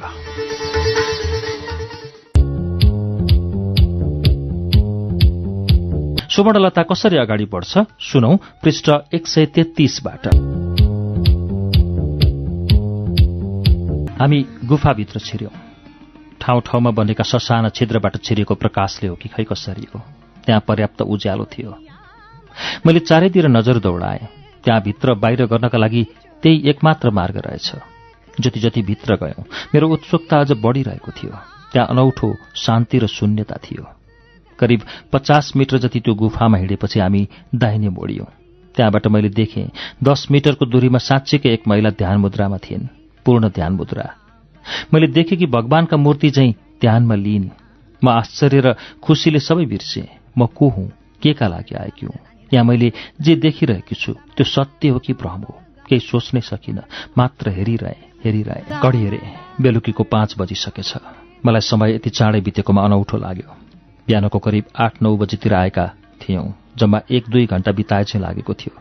तर कति चाँडो यति लामो समय व्यतीत भइसकेछ म छक्क परेँ। मैले आँखा चिम्लिएर नमन गरिरहेका सबैलाई हातले हल्लाएर न्युझाएँ बाहिर अँध्यारो हुँदै थियो। तर गुफाभित्र भने पर्याप्त उज्यालो फैलिएको थियो। खै त्यो उज्यालोको स्रोत के थियो कुन्नी हामी बाहिर निस्क्यौँ। मैले उनीहरूलाई भने आज म यहीँ बस्छु। तर उनीहरू मान्दै मानेनन्। मैले मेरो मोबाइल हेरेँ अनौठो। यहाँ मोबाइलको नेटवर्क देखियो। जब हामी दुनैबाट डोल्पाको पहाड उक्लन थाल्यौँ मोबाइलको नेटवर्क थिएन। त्यसैले मैले मोबाइल हेर्नै छाडेकी थिएँ। मैले हतार हतार महेश सरलाई फोन लगाएँ। फोन एक घन्टीमै उठ्यो। मैले कति दिनदेखि तपाईँसँग सम्पर्क गर्न खोजेकी थिएँ। तपाईँको फोन सम्पर्क बाहिर थियो। पुग्नुभयो? उहाँले हतारिँदै सोध्नुभयो। म आइपुगेँ सर। डोल्पाको पहाड उक्लन लागेपछि मोबाइलको नेटवर्क नै थिएन।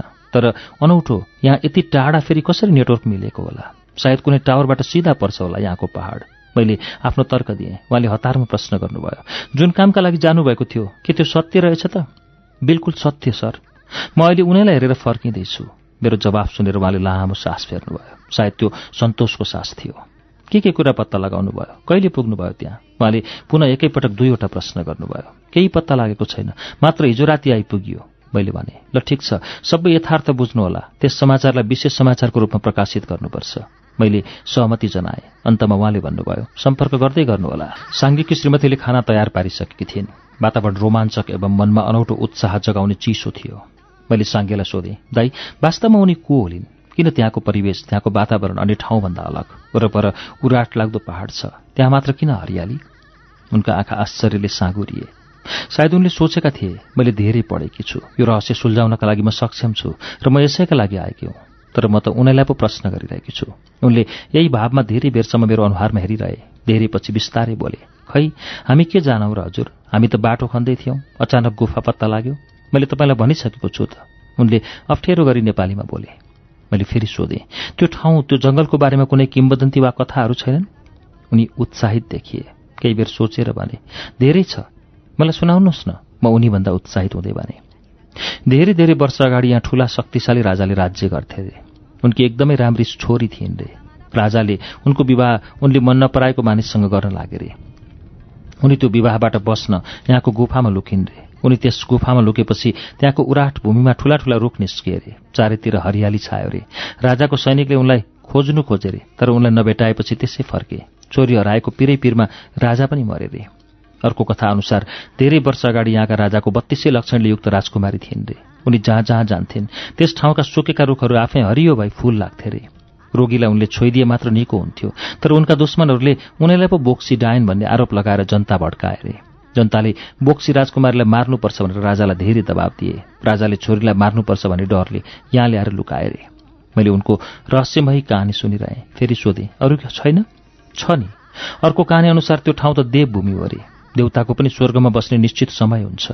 देवी देउताको स्वर्गमा बस्ने समय सकिएपछि केही समयका लागि पृथ्वीमा आउनै पर्छ। यसरी आएका देवी देउताले यो ठाउँमा आएर तपस्या गर्छन्। त्यहाँ तपस्या गरेपछि फेरि देवलोक उनीहरू फर्केर जान्छन् रे। उनको अनुहारमा देखेको चमक र विश्वास अनुसार उनले यस कहानीलाई धेरै विश्वास गरेको अनुभव गर्न सकिन्थ्यो। त्यो रात धेरै लामो समय निधै लागेन। को होलिन् उनी? सुन्दर राजकुमारी? बत्तीसै लक्षणले युक्त राजकुमारी या स्वर्गबाट आएकी देवी? सोचिरहे मनले यही नै हो भने ठम्याउनै सकेन। निद नपरेका मेरा आँखाले शून्य आकाश चियाइरहेको थियो। अनगिन्ती ताराहरू आज अबेरसम्म पनि जुन देखा परेको थिएन। सायद जुनको आगमन दोस्रो प्रहरपछि हुन्छ होला। पिल पिल बलेका ताराहरूमा एउटा चकिलो तारा अचानक आफ्नो स्थानबाट बनेर गयो। ऊ त्यसरी बहँदा उसले छाडेको उज्यालो शून्य आकाशमा निकै छोटो समय लामो धर्सो जस्तो देखियो। त्यसपछि सदा सदाका लागि विलिन भयो। सायद यसलाई उल्का वर्षा वा उल्कापात भन्छन्। तर मलाई यसको वास्तविकता भन्दा पनि हजुरमुमाले सुनाउनु भएको कथा याद आयो। जब मानिस मर्छ उसको आत्मा आकाशमा गएर बस्छ अरे यसरी तारा भएर बस्ने निश्चित समय समाप्त भएपछि फेरि यसरी नै आकाशबाट खसेर धरतीमा आई मानिसको रूपमा जन्म लिन्छ अरे त्यो तारा मेरी हजुरमुमा पो हुन् कि? बुबा पनि हुन सक्नुहुन्छ। मैले आज धेरै पछि बुबा र हजुरमुमालाई सम्झेँ। बुबाको स्मरण हुनासाथ आँखा अगाडि त्यो दिनको स्मरण हुन गयो। जुन दिन सायद मैले पत्रकारिता थालेको वर्ष दिन पुग्दै थियो। मैले निश्चय गरेँ बुबामाथि भएको अन्यायको विरुद्धमा म कदम चाल्छु। मनले यति निश्चय गरेपछि म बुबालाई भेट्न जेल गएँ। उहाँ जीर्ण शरीर लिएर लर्खराउँदै आउनुभयो। मलाई देखेर धेरै भित्र गढेका उहाँको आँखामा खुसीको चमक सलबलायो तर त्यो खुसीलाई उहाँको लामो खोकीले धेरै समय मुहारमा टिकाइराख्न दिएन। उहाँले लामो समय खोकिरहनुभयो। उहाँको खोक्दा मुखबाट रगतका छिट्टा पनि निस्किए। म अत्तालिएँ। बुबा तपाईँलाई ठिक त छ? शान्त देखिने प्रयास गर्दै जवाब दिनुभयो। म ठिक छु। अनि हजुरको मुखबाट बगेका रगतका यी छिटाहरू? मैले जेलरलाई भनिसकेको छु। उसले मिलाएर अस्पतालमा चेक जाँचका लागि लैजाने भन्दैछ केही हुँदैन। अनि मुमा खै त उहाँको आँखाले वरपर मुमालाई खोज्दै थियो। म एक्लै आएँ कि? मैले तिमीलाई नआउनु भनेको थिएँ। ओ बुबा तर म आउनै पर्ने भयो। एउटा कुराको जानकारी दिनु थियो। मैले उत्साहित हुँदै भने कस्तो कुरा? उहाँको मुहारमा आश्चर्यका भाव दौडिए। बुबा मैले अब हजुरको अन्यायको विरुद्धमा आवाज उठाउने निर्णय गरेको छु। मैले खुसी हुँदै भने अब त्यसको अर्थ के नै रहेर अब सजाय सकिने कति नै समय बाँकी छ र? मैले बुबालाई सम्झाउँदै भने तैपनि बुबा बिना अपराध सजाय भोग्नु त अपराधलाई बढावा दिनु भएन र? खै छोरी मैले त्यस्तो केही बुझ्दिनँ। अब सजाय सकिन लागेको बेला कुनै त्यस्तो कार्य नगर जसले गर्दा समाजले तिमीलाई लुटेराकी छोरी भनेर चिनुन्। अब त मलाई यहाँ बस्ने बानी परिसक्यो। म केही वर्षमा सजाय भोगेर निस्कन्छु र सदा छायामा नै बस्छु। म तिमीहरूमाथि यो कालो दाग लागेको सोच्न पनि सक्दिनँ। गम्भीर भएर बोल्नुभयो। बोल्दा उहाँको मुखबाट बेला बेलामा रगतका छिर्काहरू निस्किरहेका थिए। मैले धेरै सम्झाउने कोसिस गरेँ तर उहाँ मान्दै मान्नु भएन। अन्तमा मेरो सजाय समाप्त भएपछि म आफै आउँछु। तिमीहरू मलाई भेट्न नआउनु यति भनेपछि उहाँ सरासर भित्र जानुभयो। म असमञ्जस्यमा परेँ। म त उहाँको न्यायका लागि लड्न तयार थिएँ। यो लडाईँ मेरो पितृ ऋण मुक्तिका लागि थियो तर मेरा पितालाई नै मलाई उक्त ऋण मोक्षबाट वञ्चित गर्दै हुनुहुन्थ्यो। म एक तमास उहाँ जानुभएको हेरिरहेँ। बुबासँग भेट भएको ठ्याक्कै छ महिनापछि फोन आयो। तपाईँको बुबालाई लिन आउनु। हामी आश्चर्यचकित भयौँ। मनमा असीम खुसी बोकेर हतार हतार जेलतर्फ गयौँ। त्यहाँबाट पुलिसले हस्पिटल जानु भन्यो। मनमा अचानक पलाएको खुसी हराएर त्रासले भरियो। हस्पिटल पुग्दा पुलिसले हामीलाई बुबाको मृत शरीर सुम्पने तयारी गरिरहेका थिए। मुमा भक्कानिनु भयो। मैले केही सोच्नै सकिनँ। म डोल्पाको त्यो सुदूर एकान्त र अलौकिकताले भरिएको स्थानमा बसेर बुबासँगको बिछोडको त्यो आतताई क्षणको स्मरणमा डुबिरहेकी थिएँ। ढोकै निराएर बटे कुकुर बेसरी बुक्यो। उसको त्यो डरलाग्दो आवाजले मलाई विगतको स्मरणबाट वर्तमानमा ल्याइदियो। बायाँ हातले मुहार छामे। मुहार पसिनाले पुरै भिजेको थियो। त्यसपछि म बिस्तारमा सोध्नै सकिनँ बाहिर निस्किएँ त्यो कुकुर रातको सन्नाटा चिर्दै घर वरिपरि घुम्दै बोकिरह्यो। चन्द्रमा आफ्नो चढ्दो जवानीको उन्मुक्तता प्रकट गरेर मुस्कुराइरहेको थियो। सायद अग्लो डाँडाबाट जवानीको उन्मुक्तता प्रकट गरेर मुस्कुराइरहेको थियो। नजिक भएर हो कि खोइ किन हो? आज चन्द्रमाको आकार काठमाडौँबाट देखिने चन्द्रमाभन्दा ठूलो लाग्यो। जन्मदाताको दुःखदायी अन्त्यको स्मरणले पोलिरहेको मन चन्द्रमाको सुन्दर आकृतिमा रम्न सकेन। कहिले भित्र कहिले बाहिर गर्दै त्यो रात छर्लङ्ग काटे। आज हामी गुफाको मुखमा पुग्यौँ। उनको सुरक्षाका लागि बसेका मानिसमा अनौठो उत्साह थियो। हामी सरासर भित्र गयौँ। मैले घडी हेरेँ। घडीले बिहानको सात बज्न लागेको सङ्केत गर्दै थियो। उनी हिजो जस्तो मुद्रामा तपस्यामा थिइन्। उस्तै मुद्रा उस्तै स्वरूप उस्तै आकृति थिए। मसँग आएका मानिसहरू हिजो जस्तै उनका अगाडि पलेटी कसेर बसे। तर म उभिएर उनको सर्वाङ्ग स्वरूपलाई हेरिरहेँ शरीरलाई लपेटेको गेरु वस्त्र। महान तपस्वी तपस्यामा बसे झैँ पद्मासनमा लिइन् अलौकिक तेजमुक्त मुहार। अनुहारमा देखिएको परम सुख। उनलाई देखेर लाग्थ्यो उनी साधारण महिला त हुँदै होइन। म बिस्तारै उनको नजिकै गएँ। थोरै डर लाग्यो। कतै उनले तपस्यामा खलल पुऱ्याएकोमा रिसाएर श्राप पो दिने हुन् कि? फेरि खै कहाँबाट साहस आयो? म उनको अझ नजिक गएँ। अहिले उनीभन्दा दुई हात मात्र पर थिएँ। उनको श्वासको तापले मेरो मुहारमा स्पर्श गरिरहेको थियो। त्यो अलौकिक हावाको स्पर्शले मेरो शरीर रोमाञ्चक भयो। मनमा त्यसै त्यसै खुसी भरिएर आयो।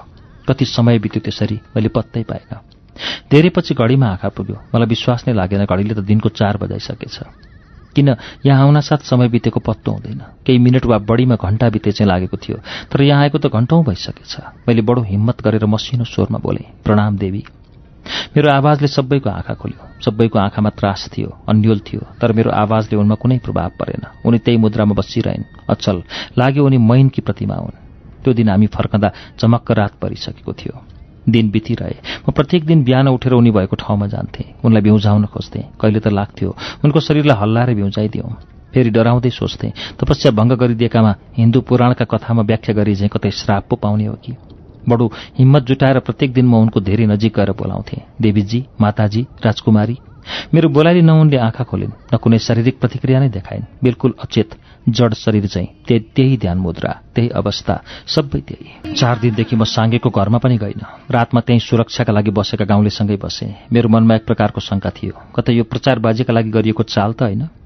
रातभर खाएर दिनभर तपस्याको ढोङ रच्ने टोगी बाबाजीको जस्तै कृत्य त होइन? मनमा पलाएको यही शङ्का निवारणका लागि म त्यहीँ बसेँ। तर उनी न दिनमा निस्किन् न रातमा।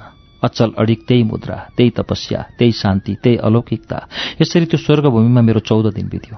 पन्ध्रौँ दिन। हुन त म काठमाडौँमा हुँदा त्यति चाँडो बिउजनी मानिस छैन। तर यहाँ भने मलाई निदले चाँडै छाडिदिन्थ्यो। म करिब चार बजी बिउजेँ। अरूलाई उनलाई उनीहरू सब मस्तमा थिए। सुरक्षा दिन बसेका सुरक्षाकर्मी नै निदमा भित्रैदेखि आँसु उठ्यो तर मुखबाट आवाज निस्कन दिएन। म बिस्तारै गुफाभित्र गएँ। मनको एक कुनामा डर थियो भने अर्को कुनामा उत्सुकता बाहिर अन्धकार थियो तर गुफाभित्र उज्यालो।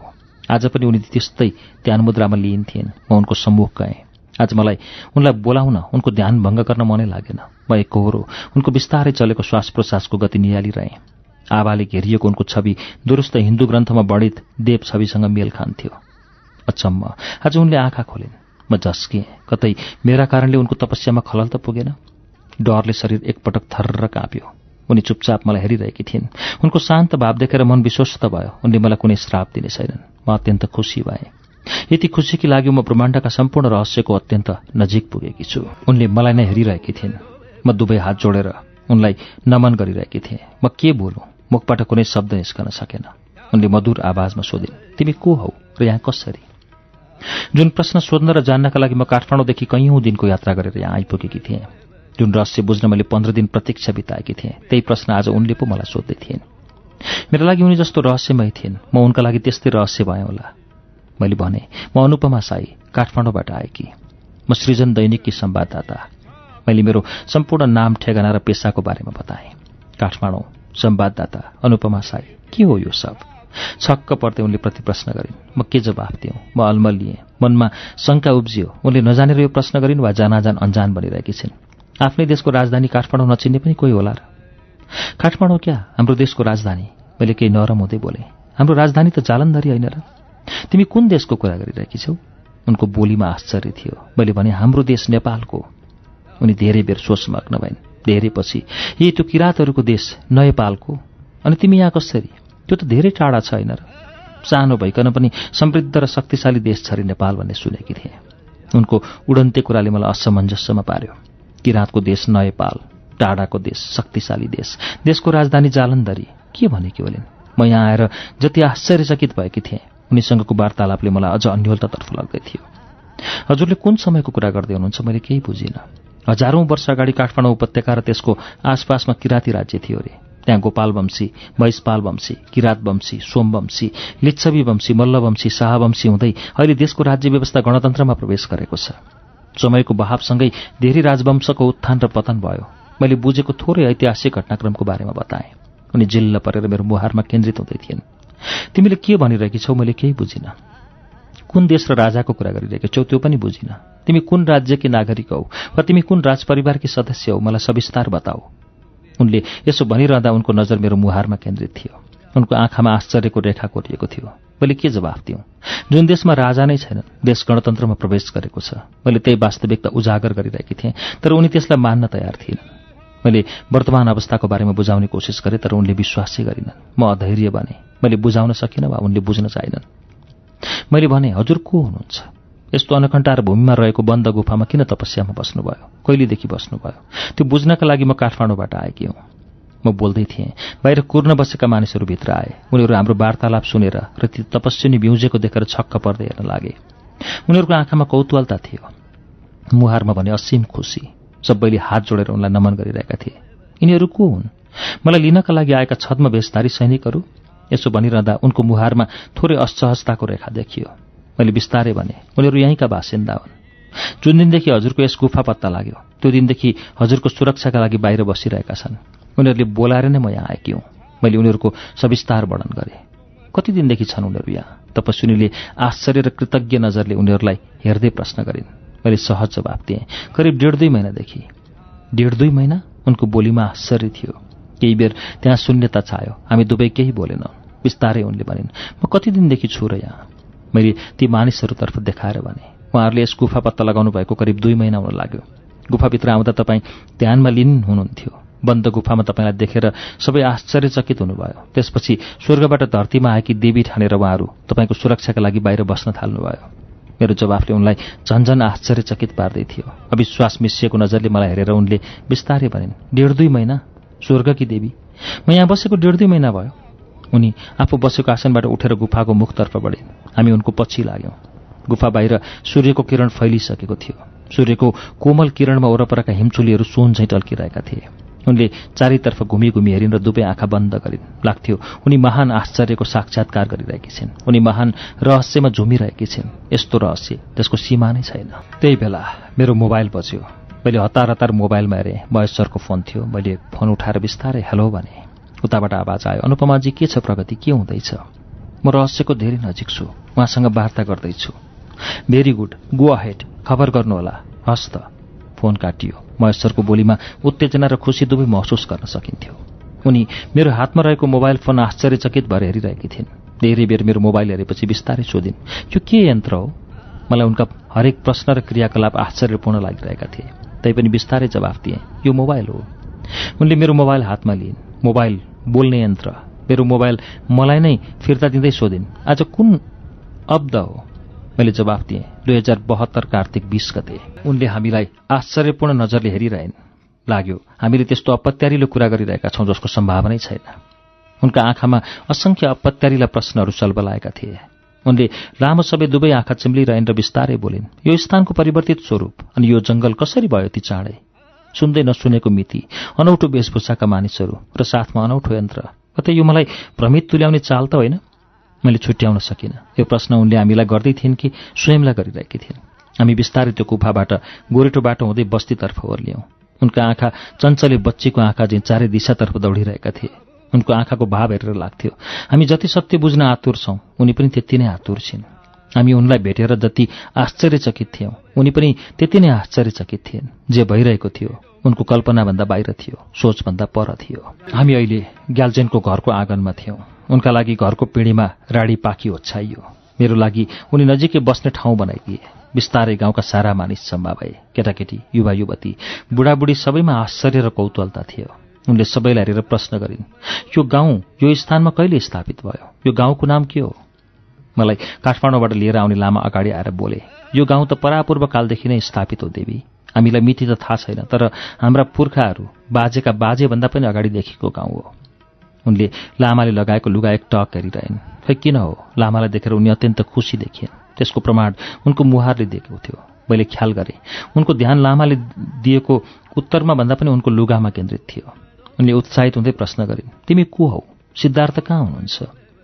उनको प्रश्नले लामा केही बेर अकमकिएर बिस्तारै बोले म सामदे लामा हुँ। हजुरले कुन सिद्धार्थको कुरा गरिरहनु भएको छ मैले बुझिनँ। लामाको कुराले पलभरलाई उनको मुहार नरमाइलो गरी बिग्रियो तर उनको त्यो तेजस्वी मुहारमा रिस देखा परेन।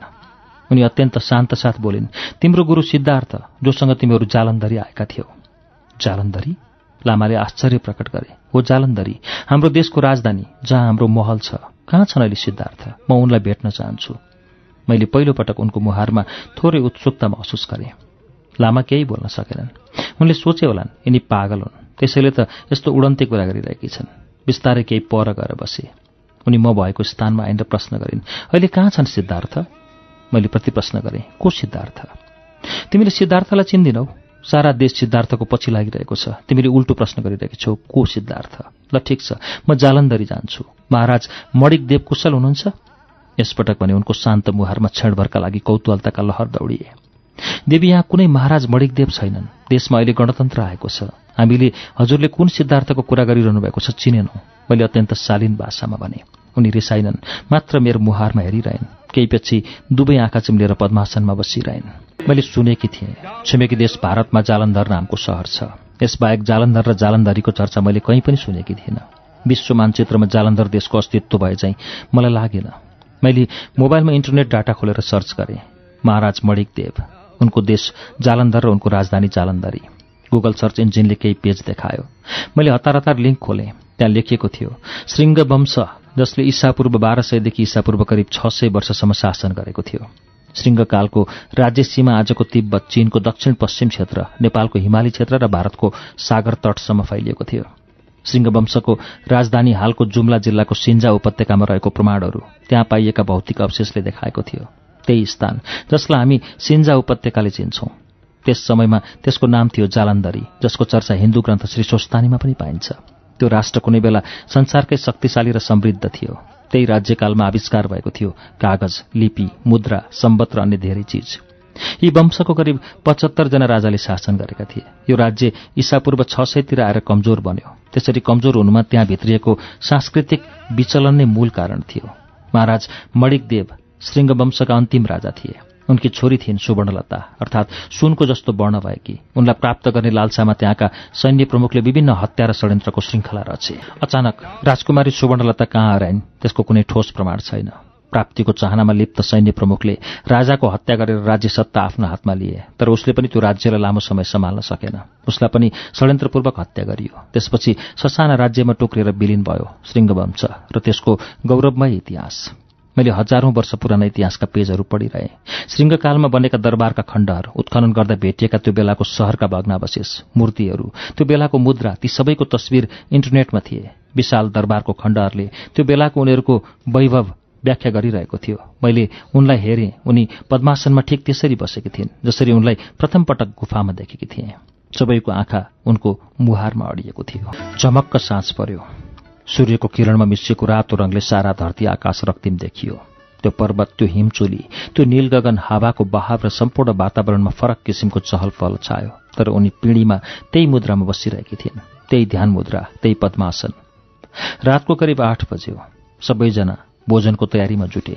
रातसँगै चिसोले आफ्नो प्रभाव फैलाउँदै थियो। उनी भने पाषाण मूर्ति झैँ ध्यानमग्न थिएन् अनौठो खोज र आश्चर्यको भुमरीमा होमिएकी चरी चाहिँ के गर्ने? उनलाई बिउझाउने कि यत्तिकै छाडिदिने? मैले हिम्मत जुटाएर उनलाई बोलाउने निर्णय गरेँ। बिउजनुहोस् रात परिसक्यो। बिस्तारै उनका बन्द परेली उगारिए। यस्तो लाग्थ्यो उनका परेलीभित्र असङ्ख्य प्रश्नहरू मुख बाहिर उत्तर खोजिरहेका छन्। मैले उनलाई भित्र लिएर गएँ खाना तयार थियो। उनी केही नबोली चुपचाप खाइन्। खाना खाएको केही समयपछि मैले फेरि उही प्रश्न राखेँ हजुर को हुनुहुन्छ? यसरी किन र कहिलेबाट तपस्यामा बस्नुभयो?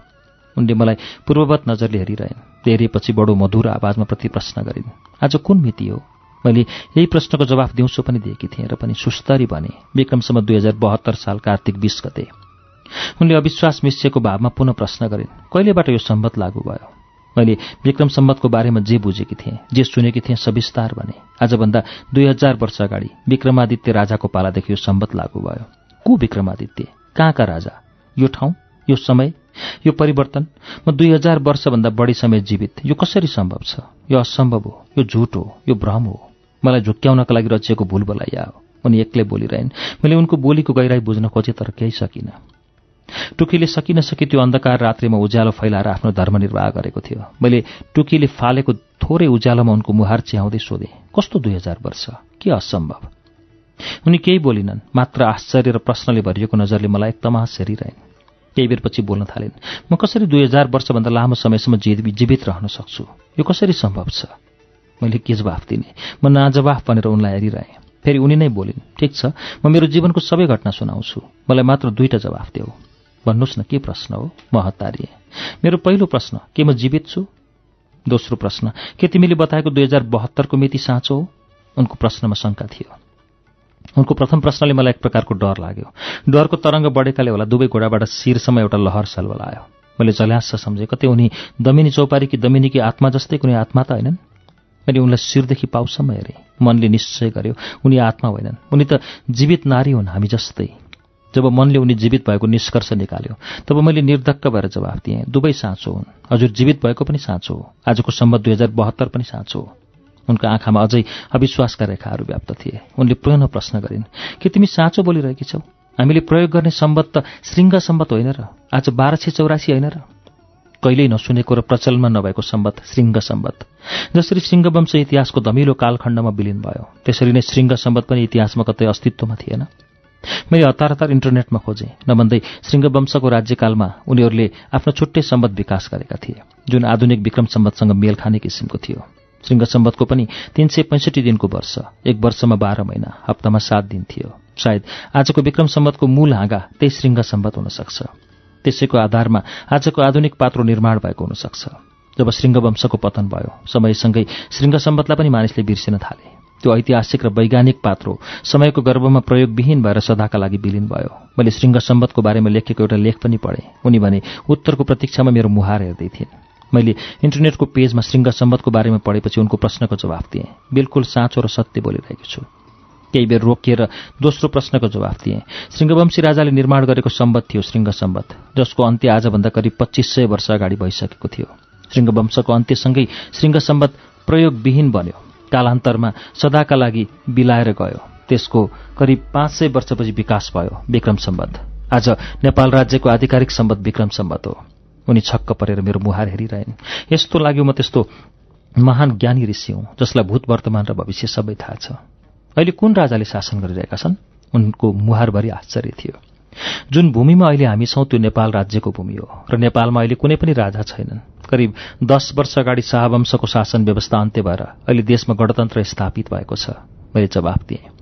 मैले नेपाल देशको कुरा गरेकी होइन। मैले त मेरो देशको कुरा गरिरहेको छु। मेरो देशका राजा को छन्? र यो भूमि कहिलेबाट नेपालको भूमि भयो? यो त हाम्रो देश जालन्धरको सीमा क्षेत्रभित्र पर्न आउँथ्यो। उनी फेरि थोरै असहज देखिन्। मैले सरल भाषामा भने अहिले हामी जहाँ छौँ त्यो नेपालको भूमि हो। यहाँबाट केही पर उत्तरतर्फ चीनको स्वशासित क्षेत्र तिब्बत पर्छ। नेपालको दक्षिणतर्फ भारत देश छ। छिमेकी देश भारतमा सानो सहर छ जसलाई आज पनि जालन्धर नामले पुकारिन्छ। यो बाहेक हाल विश्वमा जालन्धर नामको कुनै राज्यको अस्तित्व नै छैन। हाम्रा प्रत्येक वार्तालापले उनलाई रहस्यमा लाँदै थियो। मेरो देश कहिले नेपालमा गाभियो? यो असम्भव छ। मेरो यो विशाल र महान देश कुनै देशमा विलिन हुनै सक्दैन। तिमी झुट बोलिरहेकी छौ। मैले सरल भाषामा भने मैले केही झुट बोलेकी छैन। जे सत्य हो जे यथार्थ हो त्यही भने। उनले बिस्तारै सोधिन् नेपालले मेरो देशलाई कहिले लियो? मेरो देश कसरी नामेट हुन सक्छ? मैले इतिहासको पानामा लेखिए अनुसार भने त्यति मिति त मलाई थाहा छैन। जहाँसम्म लाग्छ पृथ्वीनारायण शाह वा उनका छोरा बहादुर शाहले आजभन्दा करिब दुई सय वर्ष अगाडि डोल्पा राज्य जितेको हुनुपर्छ। इतिहासमा जालन्धर राज्यको बारेमा पनि चर्चा छ तर त्यो राज्यको अस्तित्व आजभन्दा करिब पच्चिस सय वर्ष अगाडि समाप्त भएको छ। त्यो राज्यका राजा माणिक देवको हत्या र उनकी छोरी सुवर्णलता हराउनुसँगै त्यहाँका सैन्य प्रमुख अरिमर्दनले राज्य सत्ता हातमा लिए।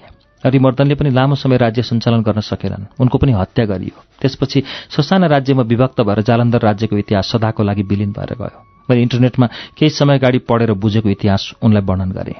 यो के भन्दैछौ? तिमी होसमा त छौ? महाराजको हत्या? उनका आँखा पीडाले टिलपिल भए फेरि सम्हालिँदै चुप बसिरहेन्। यस्तो लाग्यो। उनी पुनः शून्यतामा फर्किन्। यस्तो शून्यता जहाँ केही पनि छैन न खुसी न सुख।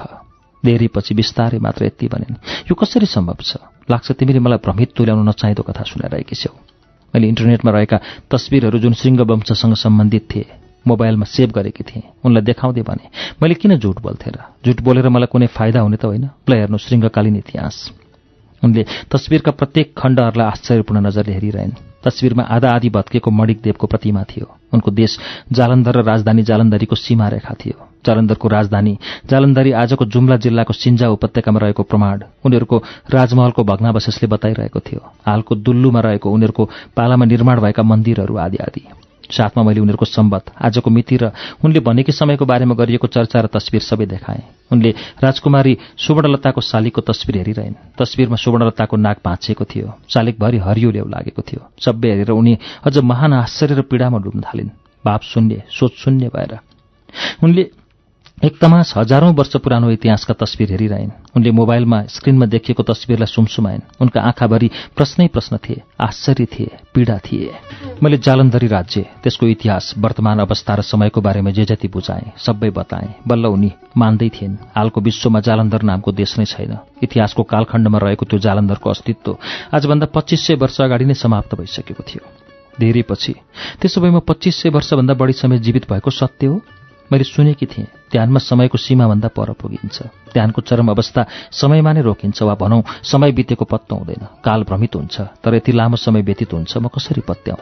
उनले मेरो मुहार हेर्दै भने यस्तो लाग्थ्यो। उनको प्रश्न मेरा लागि भन्दा पनि उनी आफूले आफैलाई गर्दै थिए। मैले के जवाफ दिने? म आफै दुविधामा थिएँ। मन सत्यता उजागर गर्न इच्छुक थियो। बिस्तारै बोले हजुर को हो? यहाँ कसरी भन्ने रहस्यको उजागरमा नै यो सबै प्रश्नको उत्तर भेटिएला कि? उनले धेरै बेर मलाई हेरिरहेन्। हामी बोल्ने शब्द सकिए चाहिँ चुपचाप थियौँ। गाउँका सम्पूर्ण मानिसहरू चिसोको प्रवाह नगरी हाम्रो वार्तालाप सुनिरहेका थिए।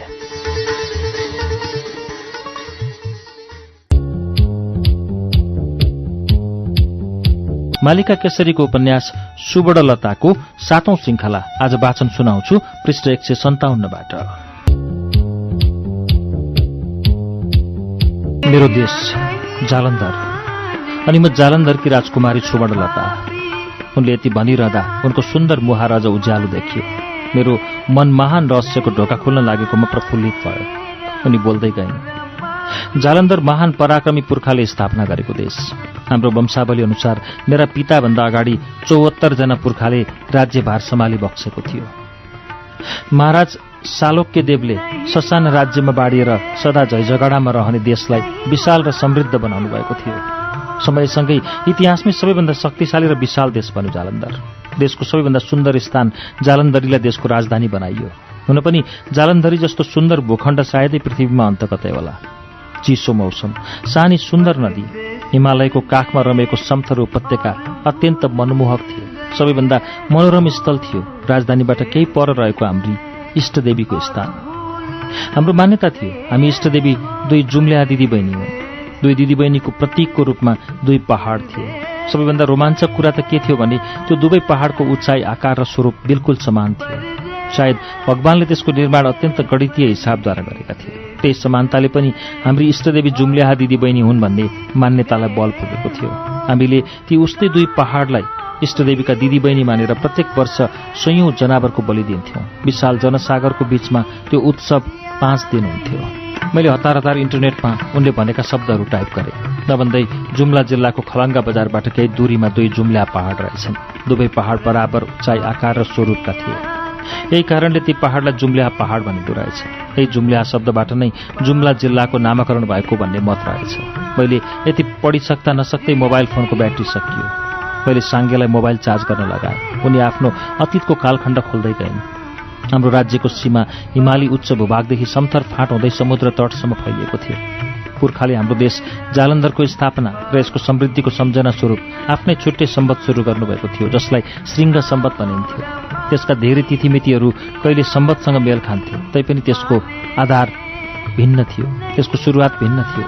हाम्रो श्रृङ्ग सम्बतको मिति बाह्र सय चौरासीमा गुज्रिँदै थियो अर्थात् हाम्रो राज्यको स्थापना भएको समय अवधि बाह्र सय चौरासी वर्षमा गुज्रिरहेको थियो। मैले पनि बताइसकेँ म त्यो देशकी राजकुमारी थिएँ।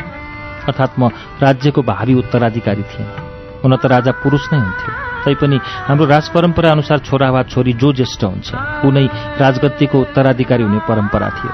यस हिसाबले हेर्दा पनि म नै भावी महारानी हुने निश्चित थियो।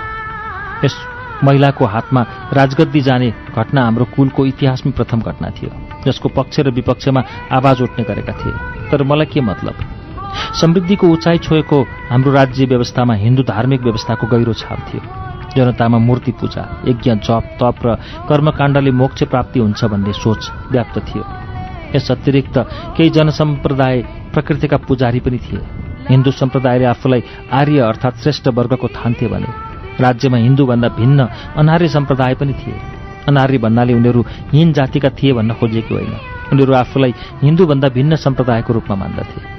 आफूलाई प्रकृतिको सच्चा पहरेदारको रूपमा मान्ने ती अनार्यहरू नै संसारको सबैभन्दा चोखो मानव समुदाय रहेको उनीहरूको कथन थियो। को चोखो को जुठो को सही को गलत त्यसको उत्तर कहीँ थिएन मात्र दाबी थियो।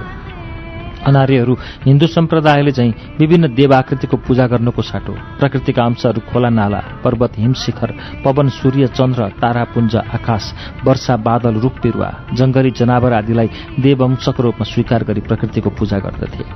दरबारले कुनै धर्मलाई पूर्ण रूपमा नअँगालेर धार्मिक निरपेक्षताको उद्घोष गर्न खोजेको भान त हुन्थ्यो। तर त्यसमा सनातन हिन्दू धर्मको प्रभाव ज्यादा थियो। अनार्यको धर्म मात्र देखावटी रूपमा विशाल जनमानसलाई भ्रमित तुल्याउनका लागि थियो भन्दा फरक पर्दैन। दरबारका कारणले जनतालाई धर्ममा कुनै रोकटोक पनि थिएन। स्वेच्छाले धर्म अगाल्ने छुट थियो। नारीको स्थान दरबारमा उच्च थियो तर आम समाजमा कस्तो थियो थाहा थिएन। दरबारमा हजारौं किन्नर किन्नरी दास दासी चौबिसै घण्टा सेवामा तल्लीन हुन्थे। दरबारको सेवामा नियुक्त हुन पाउनु समाजमा प्रतिष्ठाको विषय थियो। वसन्त ऋतुको पहिलो पूर्णिमा र त्यसपछिका पाँच रात बडो हर्ष उल्लासका साथ मनाउँथ्यौं। हाम्रो देशको सबैभन्दा ठूलो चाड पनि त्यही थियो जसलाई पूर्ण आभा दिवस भनिन्थ्यो। यस अवसरमा चन्द्र सूर्य वायु आकाश जल र पृथ्वीको पूजा गरी अत्यन्त रमाइलो हुन्थ्यो। उक्त उत्सवमा उमेर पुगेका युवा युवतीलाई आफूले रोजेको बरबधु छान्ने पुरापुर अधिकार थियो। यस दिनमा कसैले मन पराएको व्यक्तिको हात समातेर तानेको खण्डमा तानिने सदा तानिएको हुने परम्परा थियो। हामी त्यो कार्यक्रमको आतिथ्य ग्रहण गर्ने थियौँ। अचानक कसैले मेरो हात समातेर आफूतिर तान्यो। मैले केही सोच्नै भएकी थिइनँ। उसले मलाई अङ्गालोमा लिएर भन्यो राजकुमारी म हजुरसँग जीवन जिउन चाहन्छु। म जससँग भए। दिमागले केही ठम्याउनै सकेन। अचानक मैले आफ्नो सम्पूर्ण बल लगाएर उसको गालामा छड्कन लगाएँ। बल्ल मेरो होस आयो। मलाई समातेर अङ्गालोमा लिने व्यक्ति त हाम्रो सैन्य प्रमुख अरिमर्दन पो रहेछ जसको नाम र हुङ्कार मात्रले शत्रुको जिउ लगलग काँप्थ्यो। मैले उसको गाला चड्काएकी थिएँ। त्यो पनि विशाल जनसागरको उपस्थितिमा। सबैको नजर ममा थिए तर मेरो नजर उसको रातो डाम बसेको गालामा थियो। म केही नबोली स्थान छाडेर सरासर दरबारतर्फ गएँ। महाराज अर्थात् मेरा पिता बोलाउँदै पछि पछि आउँदै हुनुहुन्थ्यो। राजकुमारी सुवर्णलता राजकुमारी सुवर्णलता। मैले महाराजको बोलावटको कुनै जवाफै नदिई पाइलाको गति बढाएँ। त्यो रात मैले सारा दासीलाई बाहिर निस्कन लगाएँ। मलाई एकान्त चाहिएको थियो। हुन त मलाई सेनापतिको कार्यले आक्रोशित तुलाएको थियो तर सँगसँगै मनमा रोमाञ्चकारी लहर चलाइदिएको थियो। त्यो घटनाले मलाई चोट पुऱ्याएको थियो कि नवीन सोचमा पुऱ्याएको थियो मैले आजसम्म पनि बुझ्न सकिनँ। म मेरो श्रृङ्गार कक्षमा गएँ। त्यहाँ रहेको ठूलो दर्पणमा मैले आफूलाई उभ्याएर हेरेँ। हुन त मैले यसअघि आफूलाई दर्पणमा नहेरेकी होइन तर आज मैले आफूलाई अर्कै स्वरूपमा पाएकी थिएँ। सर्वाङ्ग सुन्दरी कोमल ओठ काला आँखा मिलेका आँखी भाउ लामो घाँटी भुइँ छुन हतारिएका केश राशि। यो त मेरो बाहिरी स्वरूप थियो। आज मलाई अझ भित्र गहिरेर हेर्न मन लाग्यो। बिस्तारै मैले मेरा शरीरको आवरणलाई छोपेको वस्त्र र गहना उतार्न लागेँ। जति जति मेरो शरीर वस्त्रविहीन गहनाविहीन हुन थाल्यो। त्यति नै शरीरको नयाँ नयाँ स्वरूप देखा पर्न थाल्यो। मैले त मेरो शरीरको आवरण पनि राम्रोसँग निहालेकी रहेनछु। म पूर्ण निर्वस्त्र भएँ। दर्पणमा पूर्ण फक्रेकी लाली गुराँस चाहिँ सुन्दर आकृति देखियो। मैले हातले भ्याएसम्म शरीरका हरेक अङ्गलाई सुमसुमाएर हेरेँ हरेक स्पर्शमा काउकुती लागे चाहिँ मिठो मधुर झन्झराहटले शरीर रोमाञ्चक भयो। यस्तो लाग्यो। म हलुका हुँदै गगनतलमा विचरण गरिरहेको छु। फेरि मलाई अरिमर्दनको सम्झना भयो। सेनापति अरिमर्दन जसले कुनै युद्ध हारेका छैनन्। हरेक युद्ध विजेता अर्थात् दिग्विजयी। अरिमर्दनको सम्झनाको साथसाथ मलाई युद्धको कल्पना भयो। युद्धमा जितेको अर्थ हजारौं हजार मानिसको हत्या। आज मैले प्रथम पटक युद्धका बारेमा फरक फरक प्रकारले सोचेँ। युद्धले छाड्ने छापको बारेमा सोचेँ। युद्धमा एक पक्षको विजय र अर्को पक्षको हार त स्वाभाविक थियो। यही जित र हारमा कैयौँले अनाहकमा ज्यान गुमाउँछन्। अङ्गभङ्ग र धनको क्षति अर्को ठाउँमा छ। जित र हार त युद्ध मैदानमा हुन्छ। त्यसपछि वास्तविक युद्ध त ती सिपाहीको घरमा हुन्छ जसको आश्रममा आश्रयमा बाँच्न विवश वृद्ध मातापिता जवान विधवा अनि नाबालक छोराछोरीको पेटमा हुन्छ। मैले युद्धले दिने घाउका दर्दनाक तस्विरको बारेमा सोचेँ। त्यसपछि मैले देख्न थालेँ अरिमर्दनको हात त रगत नै रगतमा चोबलिएको छ। उसको शरीरभरि आफ्नै रगतका धब्बाहरू छन्। त्यस्तो राक्षसलाई मैले कसरी श्रीमान मानेर सारा सुम्पन सक्छु? हत्या गरिएका मानिसको रगतले रङ्गिएको हात मेरो शरीरमा दौडिएको कसरी सहन सक्छु? त्यो मानिस मेरो श्रीमान हुनै सक्दैन म सोचिरहेँ। त्यो रातमा यस्तै सोचेर छर्लङ्ग घाटेँ। भोलिपल्ट आँखा खुल्दा म पलङमा निर्वस्त्र थिएँ। मेरा फक्रिएका यौवनका फूलहरू स्वच्छन्द मुस्कुराइरहेका थिए। झ्यालबाट बयली खेल्दै बगेको हावाको झोक्कासँगै मेरा कपालहरू उडिरहेका थिए। राजपरिषदको बैठक। आज सबै गम्भीर थिए। यस्तो गम्भीरता त हजारौं सैनिकलाई युद्धमा पठाउने निर्णय लिने बेलामा पनि देखिएको थिएन। महाराज अर्थात् मेरो पिताको आसन ग्रहणसँगै बैठकमा छलफल कार्य अगाडि बढ्यो। म त्यो देशकी राजकुमारी थिएँ। बुबाको शेषपछि राज्यभारको जिम्मेवारी मेरो काँधमा आउने निश्चित थियो। त्यसरी मलाई हरेक बैठक हरेक निर्णयमा शरीक तुलाइन्थ्यो मैले कुशलतापूर्वक शासन सम्हाल्न सकौँ भनेर मलाई राजधर्म राजनीति युद्ध लगायत धेरै विषयको ज्ञान दिइएको थियो। पिता महाराजले हुकुम गर्नुभयो। महामन्त्री मन्त्रीगण तथा पूज्य गुरु म आजको बैठक अगाडि बढाउन अनुरोध गर्दछु। पिता महाराजबाट यति आज्ञा हुनासाथ महामन्त्री आफ्नो स्थानबाट उठेर बोल्न लागे। महाराज गल्तीमा आफोस्। हिजो राजकुमारी सुवर्णलताले सेनामती अरि सेनापति अरिमर्दनलाई जुन व्यवहार गर्नुभयो त्यसले हाम्रो चलेको चलन र रीतिथितिमाथि आक्रमण भएको म लगायत सम्पूर्ण मन्त्रीगणले विचार गर्यो। त्यसैले न्यायवत्सल हजुरले न्याय गरी रीतिथिति स्थापित गर्नुपर्छ।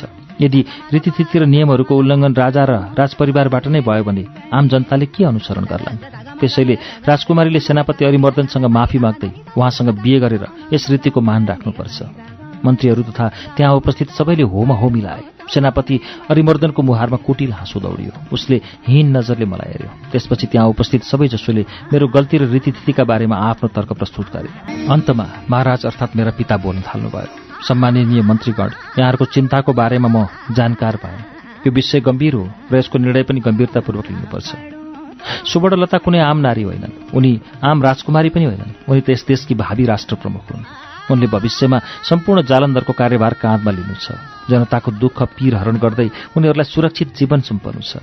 यदि रीतिथितिको नाममा उनीहरूलाई बाध्य पारिन्छ कमजोर पारिन्छ भने उनले कसरी सशक्त एवं सबल भएर कार्यभार ग्रहण गर्न सक्ले त्यसकारण रीतिथितिभन्दा माथि उठेर सोच्न म अनुरोध गर्दछु।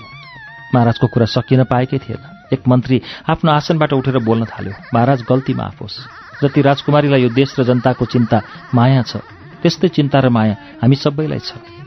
मेरो विचारमा यो देशलाई सबल र समृद्ध बनाउन यसलाई अझ उचाइमा लैजानका लागि नियम र रीतिथितिप्रति सबैजना गम्भीर हुनु जरुरी छ।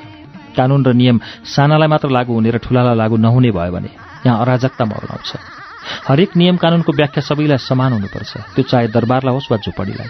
म यस मन्त्रीमण्डललाई साक्षी राखेर माग गर्छु। राजकुमारीलाई कारवाही होस् अन्यथा ऊ अरू पनि केही भन्नेवाला थियो। पिता महाराज सिंहासनबाट उठेर म्यानमा रहेको तलवार निकालेर गर्जाउनु भयो मन्त्री भुवनचन्द तपाईँले निकाल्न लाग्नुभएको शब्द मनमै राख्नुहोस्। यदि मुखमा ल्याउनु भयो भने म बिर्सन्छु कि तपाईँ एक मन्त्री हुनुहुन्छ। अनि यो मन्त्री परिषदको बैठक हो। तपाईँले जसको बारेमा यहाँ कुरा उठाउनु भएको छ उनी यस देश जालन्धरकी भावी साम्राज्ञी हुन्। महाराज मणिक देवकी छोरी हुन्। बिचरा त्यो मन्त्री केही बोल्नै नसकी बाहिरियो फेरि महाराज बोल्न सुरु गर्नुभयो मन्त्रीगण यो घोषणा गरिदिनु। आजको मितिबाट कसैले इच्छा विपरीत तानेर महिलालाई जबरजस्ती श्रीमती बनाउन पाउने छैन। यदि यसो गरिएको खण्डमा यसलाई जघन्य अपराध मानेर मृत्युदण्डको सजाय दिइनेछ। महिलालाई आफूले चाहेको व्यक्तिसँग विवाह गर्ने छुट छ। यसमा कसैले दबाव नदियोस्। महाराजको यस हुकुमबाट सबै मन्त्रीको मनमा नैराश्य छाएको प्रश्न देखिन्थ्यो। तर मेरो मन प्रफुल्ल भयो। मैले मेरो मनले स्वीकार गर्न नसकेको व्यक्तिलाई पति मान्नु परेन। त्यसो भए मेरा पति को होलान् त? जीवनको सबैभन्दा रमणीय र उत्साहवर्धक समय यौवनकाल जुन दिन मैले मेरो वस्त्रविहीन सर्वाङ्ग शरीर निहालेँ त्यही दिनदेखि खै कसरी हो? ममा श्रृङ्गारप्रतिको रुचि धेरै नै चुलिएको थियो। मेरा सेविकाहरू जो मेरो सेवामा चौबिसै घण्टा तल्लिन्थे उनीहरू एक इसारामा मेरो इच्छा पूरा गर्न लालाहित हुन्थे। लाग्थ्यो। मेरो काम गर्न पाउनु उनीहरूका लागि सबैभन्दा आनन्दको विषय हो। यी दासीमध्ये दुईजना अति नजिकका थिए। एक थिइन् प्रिया बानु उनको उमेर लगभग मेरै उमेर बराबर थियो। राजधानी नजिकैको गाउँबाट मेरो सेवामा नियुक्त हुँदा उनको उमेर त्यस्तै बाह्र वर्षको थियो होला। उनी दरबारमा भित्रेकी पनि दस वर्ष पुरा भयो। सुन्दर रूपसी प्रिया भानुलाई हेर्दा लाग्थ्यो उनी मभन्दा पनि राम्री छन्। उनी मेरी दासी कम सङ्गी ज्यादा थिइन्। उनीसँग मैले मेरो भित्री कुरा साटफेर गर्न सक्थेँ। अर्की थिइन् लतिकला। हुन त उनी पनि एक दासी थिइन् तर उनको स्थान अन्य दासीहरूको भन्दा उच्च थियो। भनिन्थ्यो मलाई हुर्काएकी उनैले हुन्। मैले उनैको दुध पिएर ठुली भएकी हुँ त्यसैले उनी मेरी दाईमा थिइन्। मैले उनलाई दाईमा अर्थात् मा नामले सम्बोधन गर्थेँ। राजकुमारीको मा सम्बोधन पाएर पनि होला। उनको स्थान दरबारमा दरबारकै सदस्यको रूपमा थियो। अद्वैंशी उमेरकी ललितकला हँसिली चञ्चली प्रकृतिकी थिइन्। हरेक विषयमा मिठो मजाक गरेर हाँस्ने उनको बानी थियो। जुन दिन महाराजबाट त्यो परम्पराको विरुद्धमा हुकुम भयो त्यो दिनदेखि सेनापति अरिमर्दनको मुहारको खुसी उडे चाहिँ देखिन्थ्यो। दरबारमा कहिले काहीँ हाम्रो भेट हुँदा उसले शाही नियमअनुसार मलाई गम्भीरतापूर्वक अदब गर्दथ्यो। कहिले फर्काउँथे कहिले देखेको नदेखे गरेर हिँडिदिन्थे उसलाई व्यवस्था गर्दा मलाई गौरव अनुभूति हुन्थ्यो। एक दिन प्रिया भानुले भनिन् राजकुमारी हाम्रो राजधानी नजिकैको गाउँ मङ्गलपुरासँग जोडिएको सानो जङ्गलमा केही दिनदेखि एक सुकुमार सन्यासी र उनका केही शिष्य आएका छन्। उनलाई देखेर लाग्छ उनी यस लोकका मानिस होइन् उनी त देवलोकबाट पृथ्वीमा ज्ञानको ज्योति बाल्न र धर्म स्थापित गर्न आएका देव पुरुष हुन् उनको सुन्दरताको चर्चा आज समग्र राजधानीका नारीले गर्ने गरेका छन्। उनको स्वरूप र पूर्णचन्द्रको स्वरूप उस्तै छ। उनी जति सुन्दर छन् उनको बोली त्यति नै कोमल र मिठासयुक्त छ। प्रिया भानुको कुरा मलाई अनौठो लाग्यो। मनमा कता कता मिठो तरङ्ग उठ्यो। छाती बिस्तारै मिठो रमाइलो प्रदान गर्दै कम्पित भयो। मुहारले खुसी व्यक्त गर्दै मुस्काउन खोज्यो। तर मैले बलैले दबाएर सोधेँ के कुरा गरेँ कि? कुनै पनि मानिस त्यति सुन्दर हुन सक्छ र? राजकुमारी म दासीको त के कुरा बर? यदि हजुरले पनि उहाँको दर्शन पाउनुभयो भने सारा संसार बिर्सनुहुन्छ। प्रिया भानुले आह्लादित हुँदै भनिन् त्यस्तो सुन्दर छन् उनी? कहाँ रहेका छन्? मैले कौतूहल त रोक्न नसकेर सोधेँ। संसार नै उनको घर हो रे। उनी यस संसारलाई कसरी सुखी र खुसी हुने तरिका सिकाउन आएका रे? उनले बडो शान्त बातमा भने अरू के भन्छन् त तिम्रो महान सन्यासीले? मैले होच्याउँदै प्रश्न गरेँ उहाँले कसरी खुसी हुने? कसरी संसारलाई सुखी तुल्याउने विभिन्न कला बताइरहनु भएको छ? प्रिया भानुको मुहार गम्भीर देखियो। सुखी र खुसी त मानिसलाई धनले हुन्छ शक्तिले हुन्छ पदले हुन्छ। धन भयो भने सारा खुसी खरिद गर्न सकिन्छ। म अरू पनि बोल्न चाहन्थेँ बिचैमा मेरी धाइमा बोलिन् धन भए के पाइन्न? मिठो मिठो खान राम्रो राम्रो लाउन सबै पाइन्छ। प्रिया भानु बडो गम्भीर भएर भनिन् धनले सबै पाइन्छ तर मनको शान्ति पाइन्न। धनले मृत्युको त्रास हटाउने औषधि किन्न पाइन्न। धनले उमेरसँगै ढल्कने यौवन किन्न पाइन्न। धनले वास्तवमा जीवनको कुनै पनि खुसी किन्न पाइन्न। लाग्छ हामी हामीले खुसी पाएका छौँ। हामी परम सुख भोगिरहेका छौँ। हाम्रो यो सोच नै अज्ञानताको प्रतीक हो। उनले यस्तो गहन कुरा गरिन् भन्ने मैले सोचेकै पनि थिएन। प्रिया भानुको कुरोले मेरी धाइमा पुरै शान्त भइन्। उनको मुहारमा कहिले नदेखिएको गम्भीरता देखियो। मैले सानो स्वरमा सोधेँ अरू के के भन्छन् ती सन्यासीले?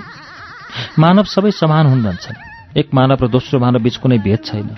न जन्मैले कोही निच हुन्छ न जन्मैदेखि कोही महान हुन्छ। निच र महान त कर्मले हुन्छ। अर्को उहाँले दिएको उपदेश हो दुःख मुक्तिका लागि देवता वा कसैको स्थिति वा भरोसामा बस्नु व्यर्थ छ किनकि कसैले तिम्रो दुःख मेटाउन सक्दैन। तिम्रो दुःख मेटाउने सामर्थ्य मात्र तिमीमा छ त्यसैले आफ्नो मुक्ति पथमा स्वयं नै लाग्नुपर्छ आफूलाई आफ्नै विश्वासमा उभ्याउनुपर्छ। उनको कुराले म अवाक भएर हेरिरहेँ उनी बोल्दै गएन् जसले जे भने पनि आफ्नो स्वतन्त्र बौद्धिक विश्लेषणबाट पुष्टि नभएसम्म त्यसलाई सत्य नै हो भनेर विश्वास गर्नुहुन्न। सत्य र असत्यको पहिचान गर्ने शक्ति हरेक मानिसमा निहित हुन्छ। प्रिया भानुले महान दार्शनिकले झैँ सन्यासीका उपदेश सुनाउन थालिन्। वा एकरो प्रिया भानुका शब्दहरूमा प्रवाहित भइरहेकी थिएँ। मैले चारैतर्फ नजर दौडाएँ। सम्पूर्ण दासीहरू ध्यान दिएर प्रिया भानुको ज्ञानले भरिएका शब्दहरू सुनिरहेका थिए। उनीहरू यसरी उनको कुरामा डुबेका थिए कि लाग्थ्यो सबैले आफूलाई बिर्सिएर प्रिया भानुका शब्द शब्दमा प्रवाहित भइरहेका छन्। ती सन्यासीको सुन्दर काल्पनिक आकृति मेरो मस्तिष्कमा नाचिरहेको थियो। मैले बिस्तारै सोधेँ अरू के भन्छन् त तिम्रा सन्यासी? उहाँले म जस्तै अज्ञानीलाई जीवन बोध गराउनु भयो। मैले बल्ल बुझेँ यो संसार दुःख नै दुःखले जेलिएको छ। लाग्छ हामी दुःखमा नै जन्मन्छौँ र दुःखमा नै मर्छौँ। यसबाट निस्कनु हाम्रो बसमा छैन। तर हामीले यो बुझ्न जरुरी हुन्छ। हरेक परिणामको कारण छ। बिना कारण केही पनि हुँदैन। दुःखको मुख्य कारण हो तृष्णा। तृष्णाको नाशसँगै दुःखको नाश हुन्छ जसले तृष्णालाई जित्न सक्छ। उक्त व्यक्तिले आफ्नै जीवनकालमा सांसारिक दुःखमाथि विजयी भई निर्वाण प्राप्त गर्छ। जसरी पर्वतलाई कुनै पनि आँधी उरीले उसको आफ्नो स्थानबाट स्थानान्तरण गर्न सक्दैन। प्रकृतिमा जति नै परिवर्तन आए पनि जति नै उतार चढाव भए पनि पर्वत अडिक रहन्छ। त्यो दिन प्रिया भानुले सन्यासीबाट सुनेका ज्ञानको कुरा सुनाइरहेन् हामी यति ध्यानमग्न भयौँ कि कतिखेर साँझ पर्यो पत्तै भएन। मनमती महात्मा अर्थात् सन्यासीको काल्पनिक छवि नाचिरह्यो। कस्ता होलान् ती सन्यासी? भोलिपल्ट दिनभर प्रिया भानुको बाटो हेरेर बसेँ।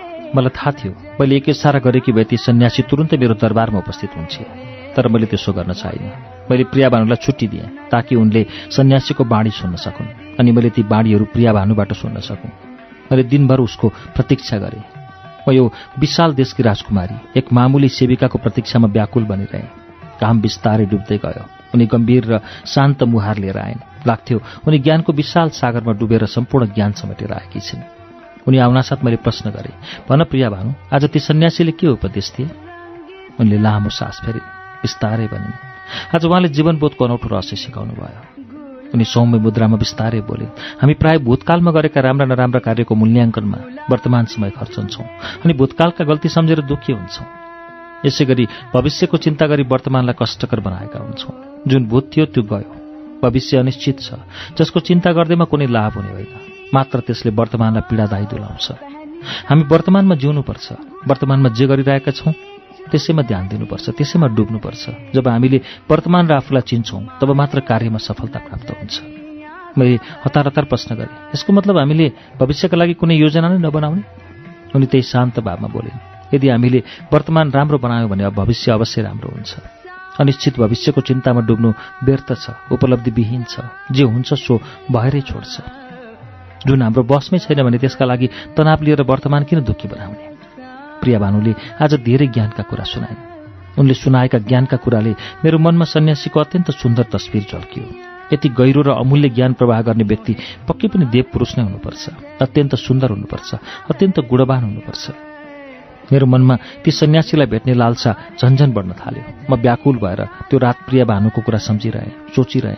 धेरै पछि हामी त वर्तमानमा रहनुपर्छ। यति सम्झना हुनासाथ म एक्लै मुसुक्क हाँसेँ। बिस्तारै दरबारमा भिक्षु अर्थात् उनै सन्यासीका बारेमा चर्चा सुरु भयो। फेरि एक दिन यही विषयलाई लिएर अमात्य राजगुरु कुलगुरु भाइ भारदार विशिष्ट कर्मचारी समुदायसँग बैठक बस्यो।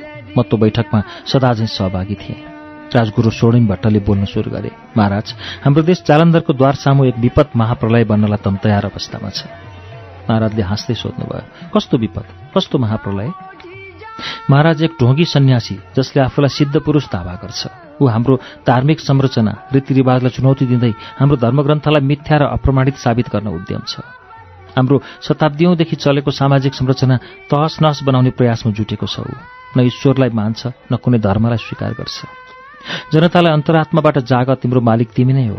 तिम्रो खुसी र परम सुख तिमी भित्रै छ। तिम्रो मुक्तिको मार्ग तिम्रो मोक्षको मार्ग तिमी आफै भित्र खोज्नुपर्छ। म तिम्रो मोक्ष प्राप्तिमा सहयोग गर्न आएको हुँ भन्दै उसले उसको सङ्घमा सामेल गराएको छ।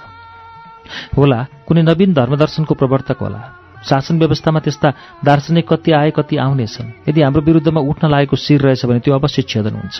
यस्ता जोगी सन्यासीको विषयमा छलफल गरेर समय बर्बाद गर्नु उचित हो चाहिँ मलाई लागेन। महाराजले हल्का टिप्पणी गर्दै भन्नुभयो महाराज यो कुनै सानो विषय होइन। देश राजा राजनीतिज्ञ समाज र व्यक्ति जुन आधार स्तम्भमा खडा भएको हुन्छ त्यही आधारलाई चुनौती दिएर भत्काउन खोज्ने त्यो ढोगीलाई तत्काल बन्दी बनाएर कडाभन्दा कडा सजाय दिनुपर्छ राजगुरुले सन्यासीप्रति कडा रवैया अप्नाउन महाराजलाई उत्साहित गर्नुभयो। के नाम हो त्यो सन्यासीको? अनि कहाँ छ त्यो?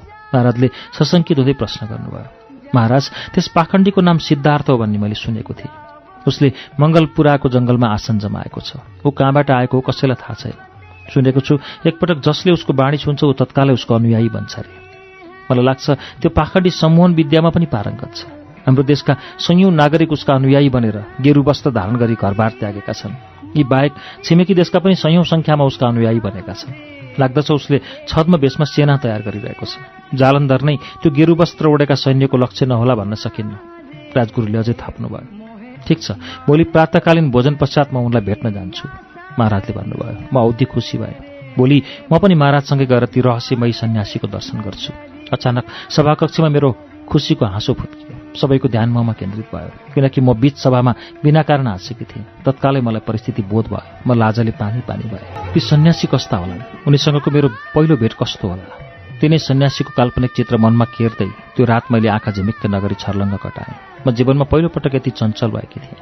लाग्थ्यो म सानी हुँदैछु करिब पाँच वर्ष कि म बाटोमा उफ्रिरहेकी छु हाँसिरहेकी छु। अचानक वर्षौँपछि मलाई मेरो बाल्यकालको सम्झना आयो। बाल्यकालको सम्झनासँगै जोडिएर मलाई मेरी जननी अर्थात् महारानी रजवन्तीको याद आयो। मैले उहाँलाई भौतिक रूपमा देखेको त सम्झना छैन मात्र उहाँलाई चित्रपटमा देखेकी हुँ। सुनेकी थिएँ महाराज र महारानी ग्रीष्म हलबाट शीतल महल जाने क्रममा बाटोमा आक्रमण भएको थियो। आक्रमणमा महाराज त जोगिनु भयो तर करिब पचास सैनिकसहित महारानीको हत्या भयो। त्यस आक्रमणमा केही मन्त्रीसहित करिब दुई सयजनालाई दोषी ठहर गरी मृत्युदण्ड दिएको थियो अरे। आज अचानक जननीको सम्झनाले मन खल्लो भयो। यदि महारानी अर्थात् मेरी जननी जीवित हुनुभएको भए मैले केही दिनदेखि अनुभव गरेको मनको अनौठो चञ्चलताको बारेमा पक्कै पनि सोध्ने थिएँ। किन माता म यति चञ्चल भए कि? तर कसलाई सोधौँ मेरो चञ्चलता मेरो खुसी मेरो उन्मुक्तता मेरो बेहोसी? दाहीमा देखा परिन्। उनले आँखी भाउ उज्याउँदै सोधिन् के हो राजकुमारी? आजकल त श्रृङ्गार पनि अनि आँखामा अनौठो खुसी छ त उनी वाक्य अपुरो छाड्दै छिल्लिँदै हाँसिन् के कतै नि? मैले देखावटी रिस देखाएर हाँसेँ। त्यही अँगालो त्यही पुरुषको न्यानोले राजकुमारीलाई तान्यो कि? त्यही दिनदेखि मुहारको चमक नै अर्को छ अनुहारको खुसी नै अर्को छ उनले अरिमर्दनको सम्झना गराए म जसलाई बिर्सेर पनि कल्पना चाहन्नथे। उसैको सम्पूर्ण छवि आँखा अगाडि ल्याइदिएँ मलाई रिस उठ्यो। मैले तत्कालै रिसाएरै प्रतिक्रिया दिएँ। त्यही क्षण मनको अर्को कुनाले सम्झायो म त उनैको अमृत धारा पिएर उर्केकी त्यस्तो केही होइन हो म खुसी छु तर यसको कारण त्यो मानिस होइन। ताइमा आइन्दा मसँग सेनापतिको नाम कदापि नजोड्नुहोला किनकि ऊ त मेरो मनको त के? मेरो खुला आँखाको कोसौँ पर बस्न पनि योग्य छैन। सायद मेरो बोलीमा रिस मिसिएको देखेर हो कि खै किन? उनी केही नबोली बाहिर गइन्। उनीसँग रिसाएकोमा मलाई खल्लो लाग्यो। महाराजको सवारी निकाल्ने तयारी चल्यो। म हतार हतार महाराजको समीपमा गएर बिन्ती चढाएँ। पिता महाराज म पनि सन्यासीलाई भेट्न चाहन्छु। महाराजले खै के सोचेर हो केही नबोली मलाई हेर्नुभयो। सायद मेरो व्याकुलता मेरो मुहारमा पनि चलबलाएको थियो कि? लज्जाले मेरो मुहार रातो भयो। केही पछि महाराजले मात्र यति भन्नुभयो ठिक छ हिँड्नुहोस् राजकुमारी। मलाई लाग्यो मैले चाहेको सारा पाएँ। म जीवनमा प्रथमपटक त्यति खुसी थिएँ। सायद प्राप्तिको खुसी थियो त्यो। करिब एक घटिका यात्रा गरेपछि हामी मङ्गलपुराको जङ्गलमा पुग्यौँ। जङ्गलको भित्री भाग पैदल वा घोडाबाट मात्र यात्रा गर्न सकिन्थ्यो। हामी रथबाट ओर्लिएर पैदलै पैदल हिँड्न थाल्यौँ। म कैयौँ पटक जङ्गलमा युद्ध कला सिक्नका लागि गएकी थिएँ। तर आज मैले देखेको जङ्गल भिन्न थियो। चारैतिर विभिन्न फुलहरू फुलिरहेका विभिन्न चरीहरूको मधुर गुन्जन आवामा बगेको मिठो सुगन्ध अनि मनमा अनौठो सुखानुभूति र अगाध शान्तिको अनुभूति। हामी अझै भित्र गयौँ। केही पर समथर परेको खुला भागमा करिब डेढ दुई सय जति मानिस ध्यानमा लिन थिए सबैले गेरु वस्त्र धारण गरेका थिए। तिनीहरू सबै उनै सन्यासीका अनुयायी होलान् भन्ने मैले ठहर गरेँ। मन हतारियो। ती सन्यासी कहाँ होलान्? मैले आँखालाई वरपर दौडाएँ। केही पर केही अग्लो भागमा शरीर वरपर पूर्ण चन्द्रको जस्तो आभा फैलिएको। मुहारमा सूर्यको जस्तो तेज सलबलाएको एक सुन्दर युवक बसिरहेको थियो। मेरो नयन उसको मुखाकृतिबाट सर्नै मानेन। मैले उसलाई हेरिरहेँ। फेरि खै कुन्नी कताबाट लज्जाको सानो धर्सो मुहारमा कोरियो। बिस्तारै आँखा जमिनमा टेकाएर मनमनै भने ए सुन्दर युवक मेरो मनले खोजेको सुन्दरता त मात्र तिमीमा रहेछ। तिमी को हौ? महाराज अर्थात् मेरा पिता सन्यासी भएतर्फ अगाडि बढ्दै हुनुहुन्थ्यो। महाराजको पहिला अचानक रोकियो। महाराज रोकिनासाथ हामीसँग गएका सम्पूर्ण सैनिक उच्च पदस्थ कर्मचारी सबै रोकिए। महाराज खै के सोचेर रोकिनु भएको नि? केही समय रोकिएर पुनः बिस्तारै अगाडि बढ्न थाल्नुभयो। महाराजलाई रोक्दै राजगुरुले भन्नुभयो महाराज जालन्धर जस्तो लोककै विशाल र शक्तिशाली राज्यको सम्राट जङ्गलमा एक मामुली सन्यासीलाई भेट्नका लागि सवारी हुँदा उठेरसम्म स्वागत नगर्ने? त्यत्रो अपमान यस्तो दुस्साहस थियो नाथी सन्यासीको? महाराजले उहाँको कुरा नसुने चाहिँ गरी अगाडि बढ्नुभयो। म पनि महाराजको पछि पछि लागेँ। मलाई त्यो सुन्दर युवकलाई नजिकबाट निहाल्ने लालसाले गाँजेको थियो। हामी अहिले उनीभन्दा करिब पन्ध्र हातको दूरीमा थियौँ। मेरो नजर एक तमास उनको मुहारमा केन्द्रित थियो। दुवै पाउलाई पलेटी कसेर हातलाई कमलको फूल चाहिँ लुकाएर बसेको त्यो सुन्दर युवक दुरुस्तै प्रथम बसन्तीमा फक्रिएको लाली गुराँसको सुन्दर फूल चाहिँ देखिएको थियो। समय बितेको पत्तै भएन। हामीले कति समय उनलाई निहालेर हेरिरह्यौँ। त्यो सुन्दर युवक अर्थात् रहस्यमय सन्यासी भन्दै थिए। जसरी मानिस जन्मिएसँगै उसको शरीरको आकार स्वरूप इच्छा आकाङ्क्षामा परिवर्तन देखा पर्छ। त्यसै गरी जन्मसँगै हरेकले यही जीवनकालमा परम ज्ञान पनि हासिल गर्नुपर्छ। परम ज्ञानको ढोका तब खुल्ला हुन्छ जब हामीले सांसारिक दुःख उप विजयी हुन्छौँ। जीवनको हर क्षण दुःख हाम्रो साथमा छाया समान रहिरहन्छ। दुःखको मूल कारण हो मनको चञ्चलता। जसरी आकाशको बादलले क्षण प्रतिक्षण नयाँ नयाँ स्वरूप धारण गर्छ त्यसरी नै मन नयाँ नयाँ अवस्थामा विचरण गर्न थाल्छ। मनमाथिको विजय नै तृष्णामाथिको विजय हो दुःखमाथिको विजय हो।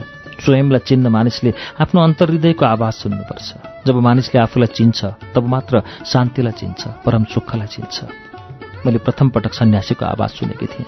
प्रिया भानुले साँचो भनेकी रहेछन्। उनको आवाज आम मानिसको भन्दा भिन्न थियो।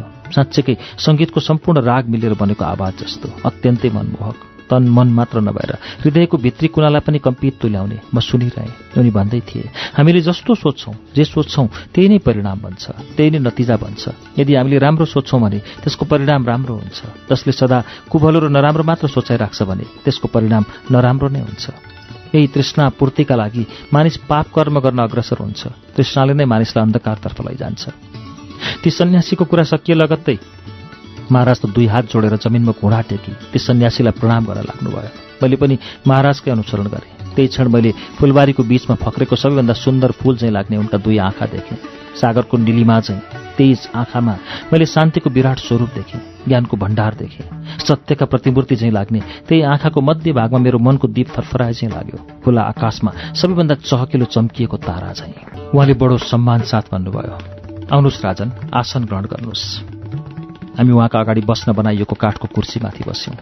केही क्षणपछि महाराजले सोध्नुभयो तपस्वी हजुर को हुनुहुन्छ? यस्तो ज्ञान कहाँबाट सिक्नुभयो? हजुरको गुरु को उहाँले बडो शान्त भावमा भन्नुभयो राजन म सिद्धार्थ गौतम हो। मैले मुक्तिको मार्ग पहिचान गरेँ। हुन त मलाई शिक्षा प्रदान गर्ने मलाई सुमार्गको बाटो देखाउने धेरै गुरुहरू हुनुहुन्छ। ती गुरुहरूबाट मैले धेरै थोरै ज्ञान हासिल गरेको छु तर मुक्तिको मार्ग मैले स्वयं खोजेको हुँ।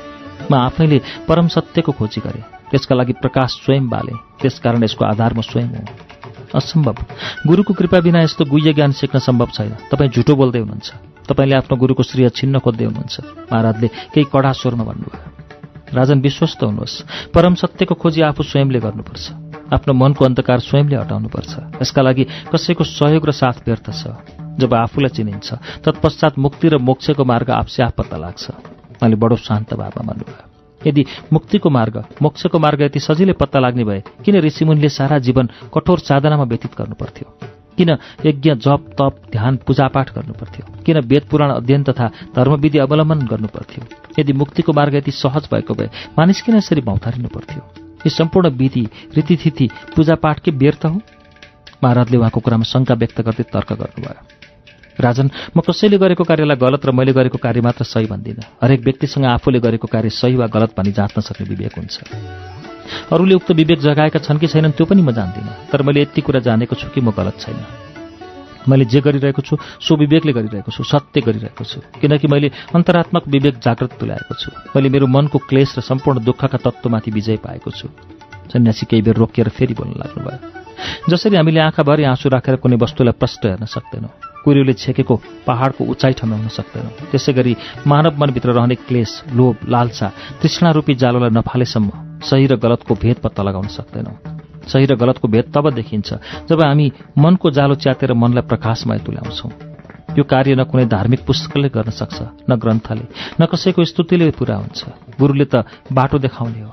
त्यो बाटोमा हिँड्ने त स्वयं आफू हो। त्यसको अनुभूति गर्ने स्वयंले हो। जब मानिसले यस परम सुखको अनुभूति गर्न सक्षम हुन्छ उसले तुरुन्तै मोक्ष प्राप्त गर्दछ। तपस्वी यदि सबै कुरा आफूले भोगेर अनुभव गरेर बोध गर्ने हो भने गुरु किन चाहियो? महाराजले प्रश्न नै सोध्नुभयो। ठिक हो राजन। प्रश्नले नै मानिसलाई यथार्थको बोध गराउँछ। प्रश्नले नै मानिसलाई स्वयंको अनुभूति गराउँछ। एउटा जवाब दिनुहोस् राजन। तपाईँले कहिले घायल भएर पीडाबोध गर्नुभएको छ? अवश्य छु। युद्धमा म धेरै पटक घायल भएको छु। महाराजले दम्बका साथ भन्नुभयो। ठिक छ राजन। तपाईँलाई शारीरिक पीडाबोध रहेछ। अब मलाई बताउनुहोस् त्यो दुखाइको मात्रा अर्को व्यक्तिलाई कसरी बताउनुहुन्छ? उसले तपाईँलाई कति मात्रामा दुखेको छ भनेर कसरी बुझ्ला? पीडा त मलाई हुन्छ। उसले त के अनुभव गर्न सक्छ र? ठिक भन्नुभयो राजन। जसरी पीडाको अनुभूति स्वयंले गर्ने हो त्यसरी नै परम ज्ञानको प्राप्ति पनि स्वयंले नै गर्ने हो। परम ज्ञान रूपी सुख प्राप्तिका लागि यज्ञ जप तप पूजापाठ व्यर्थ हो। यी सबै मिथ्या र भ्रमयुक्त मार्ग हुन्। प्रार्थना गर्दैमा स्वर्ग र नगर्दैमा नर्कको बास हुँदैन। हामीले कर्म गर्नुपर्छ। म महाराज र सन्यासीको वार्तालापमा डुबिरहेकी थिएँ फेरि सन्यासीले भन्नुभयो यदि राजन तपाईँलाई कुनै अप्ठ्यारो पर्दैन भने मसँग त्यो परको खमैरको बोटसम्म जान सक्नुहुन्छ? उहाँले आसनबाट उठ्दै भन्नुभयो अवश्य। हामी दुवैजना उहाँको पछि पछि केही पर रहेको अग्लो खमैरको बोटतर्फ गयौँ। त्यो खमैरको बोट अग्लो र सुरिलो थियो। धेरै माथिका हाँगामा खमैर पाकेर बास्न आइरहेको थियो। उहाँले त्यो खमैरको रूपमा पाकेको खमैर देखाउँदै प्रश्न गर्नुभयो राजन यदि कोही अत्यन्त भोको मानिस जसले यो खमैर खान चाहन्छ भने उसले यो रुखमा पाकेका फल कसरी खाला? खमैरको रुखमा चढेर स्वयंले टिपेर खान सक्छ वा कुनै लट्ठीको सहायताले भुइँबाट फल झारेर पनि खान सक्छ? महाराजले तुरुन्तै जवाफ दिनुभयो यदि ऊ रुख चढ्न चाहँदैन कुनै लट्ठीको प्रयोग गरेर फल झार्न पनि चाहँदैन ऊ प्रार्थना गर्छ कामना गर्छ फल भएको रुखको त्यो हाँगा स्वयं नुगेर उसको मुखमा सामु आइदियोस्। यस्तो व्यक्तिले कसरी आफ्नो भोक शान्त पार्ला यस्तो व्यक्तिलाई के गर्ने? के भन्ने? उहाँले शान्त भावका प्रश्न गर्नुभयो। यदि कसैले कुनै कार्य नै नगरी फल प्राप्तिको कल्पना गर्छ भने त्यसलाई सट अर्थात् मूर्ख भनिन्छ। बिना कुनै कार्य रुखको उचाइमा पाकेको फल खान सम्भव छैन। महाराजले अलिक उत्तेजित भएर जवाफ दिनुभयो। ठिक भन्नुभयो राजन। जबसम्म मानिसले आफ्नो मनको अज्ञानता र भ्रान्तिको ज्ञानको ज्योतिबाट नष्ट गर्दैन तब कसरी परमानन्दको त्यो फल प्राप्त गर्न सक्छ? कसरी उसले सत्यको अनुभूति गरी मोक्ष प्राप्त गर्न सक्छ? जबसम्म ऊ मनको क्लेश र अज्ञानतामा रुमलिन्छ भने कुनै पूजापाठ व्रत यज्ञ जप तपले केही हुँदैन। उहाँले बडो सरल भाषामा मुक्तिको मार्ग देखाइदिनु भयो। महाराजले दुवै हात जोडेर भन्नुभयो महात्मा मैले जीवनमा ठुल्ठुला विद्वानको विद्वता देखेँ। कैयौँ ऋषिमुनिद्वारा प्रतिपादित नीति पनि अनुसरण गरे तर जीवनको सत्यलाई यति सरल र सहज तरिकाले कसैले बुझाउन सकेनन्। हजुर महान हुनुहुन्छ। म हजुरका लागि यहाँ बस्ने खाने व्यवस्था मिलाइदिन्छु। हजुरले सदा यहीँ बसेर सुखको खोजीमा भौतारिएका मेरा प्रजालाई ज्ञान प्रदान गरिदिनु भए म धन्य हुने थिएँ। यदि हजुर चाहनुहुन्छ भने म आदि राज्य नै भेट गर्न तयार छु। म महाराजको कुरा सुनेर अचम्बित भएँ। महाराजको अनुहारमा अनौठो खुसी थियो। मैले उहाँको मुहारमा त्यस्तो खुसी यसअघि कहिल्यै महसुस गरेकी थिइनँ। सन्यासीले मुस्कुराउँदै भन्नुभयो राजन मैले राज्य लिएर के गरौँ? म राज्य सञ्चालनको लागि योग्य छैन। यसका लागि तपाईँ नै योग्य हुनुहुन्छ। प्रजाको दुःख र पीडालाई आफ्नै पीडा सम्झेर राज्य सञ्चालन गर्नुहोस्। जसरी एक आमा आफ्नो सन्तानको अवस्था जाँच्न भोकले रोएमा स्तनपान गराउन मध्यरातमा बिउजिन्छन् त्यसरी नै आफ्नो प्रजाको दुःख सुख बुझ्न हरदम चनाखो रहनुहोस्। मैले चारैतिर आँखा डोलाएँ। सम्पूर्ण सेना र कर्मचारी जो हामीसँग आएका थिए उनीहरू दुई हात जोडेर हामी बीचको वार्तालाप सुनिरहेका थिए शिवाय राजगुरु। मनले त चाह्यो सदा सदाका लागि उहाँको समीपमा बसौँ। ज्ञानको त्यो अथाह सागरबाट थोरै थोरै ज्ञान लिएर रित्तो भाडो भरौँ तर समयले हामीलाई त्यहाँ बस्ने अनुमति दिएन। त्यो दिन हामी सूर्यले पश्चिम आकाशलाई रङ्गीन बनाउन थालेपछि महल फर्क्यौँ। मेरो शरीर त महलमा फर्कियो तर मन भने उतै छुटेछ। त्यो रात पुनः म सुत्नै सकिनँ। सन्यासीले बताएका बाढी मैले कति बुझेँ खै त्यो त मलाई थाहा छैन। तर उहाँको त्यो सुरिलो आवाज सूर्य जस्तो त्यस तेजस्वी मुहारको चमक अनि त्यो सुन्दर छवि भने मेरो मन मस्तिष्कबाट हट्नै सकेन।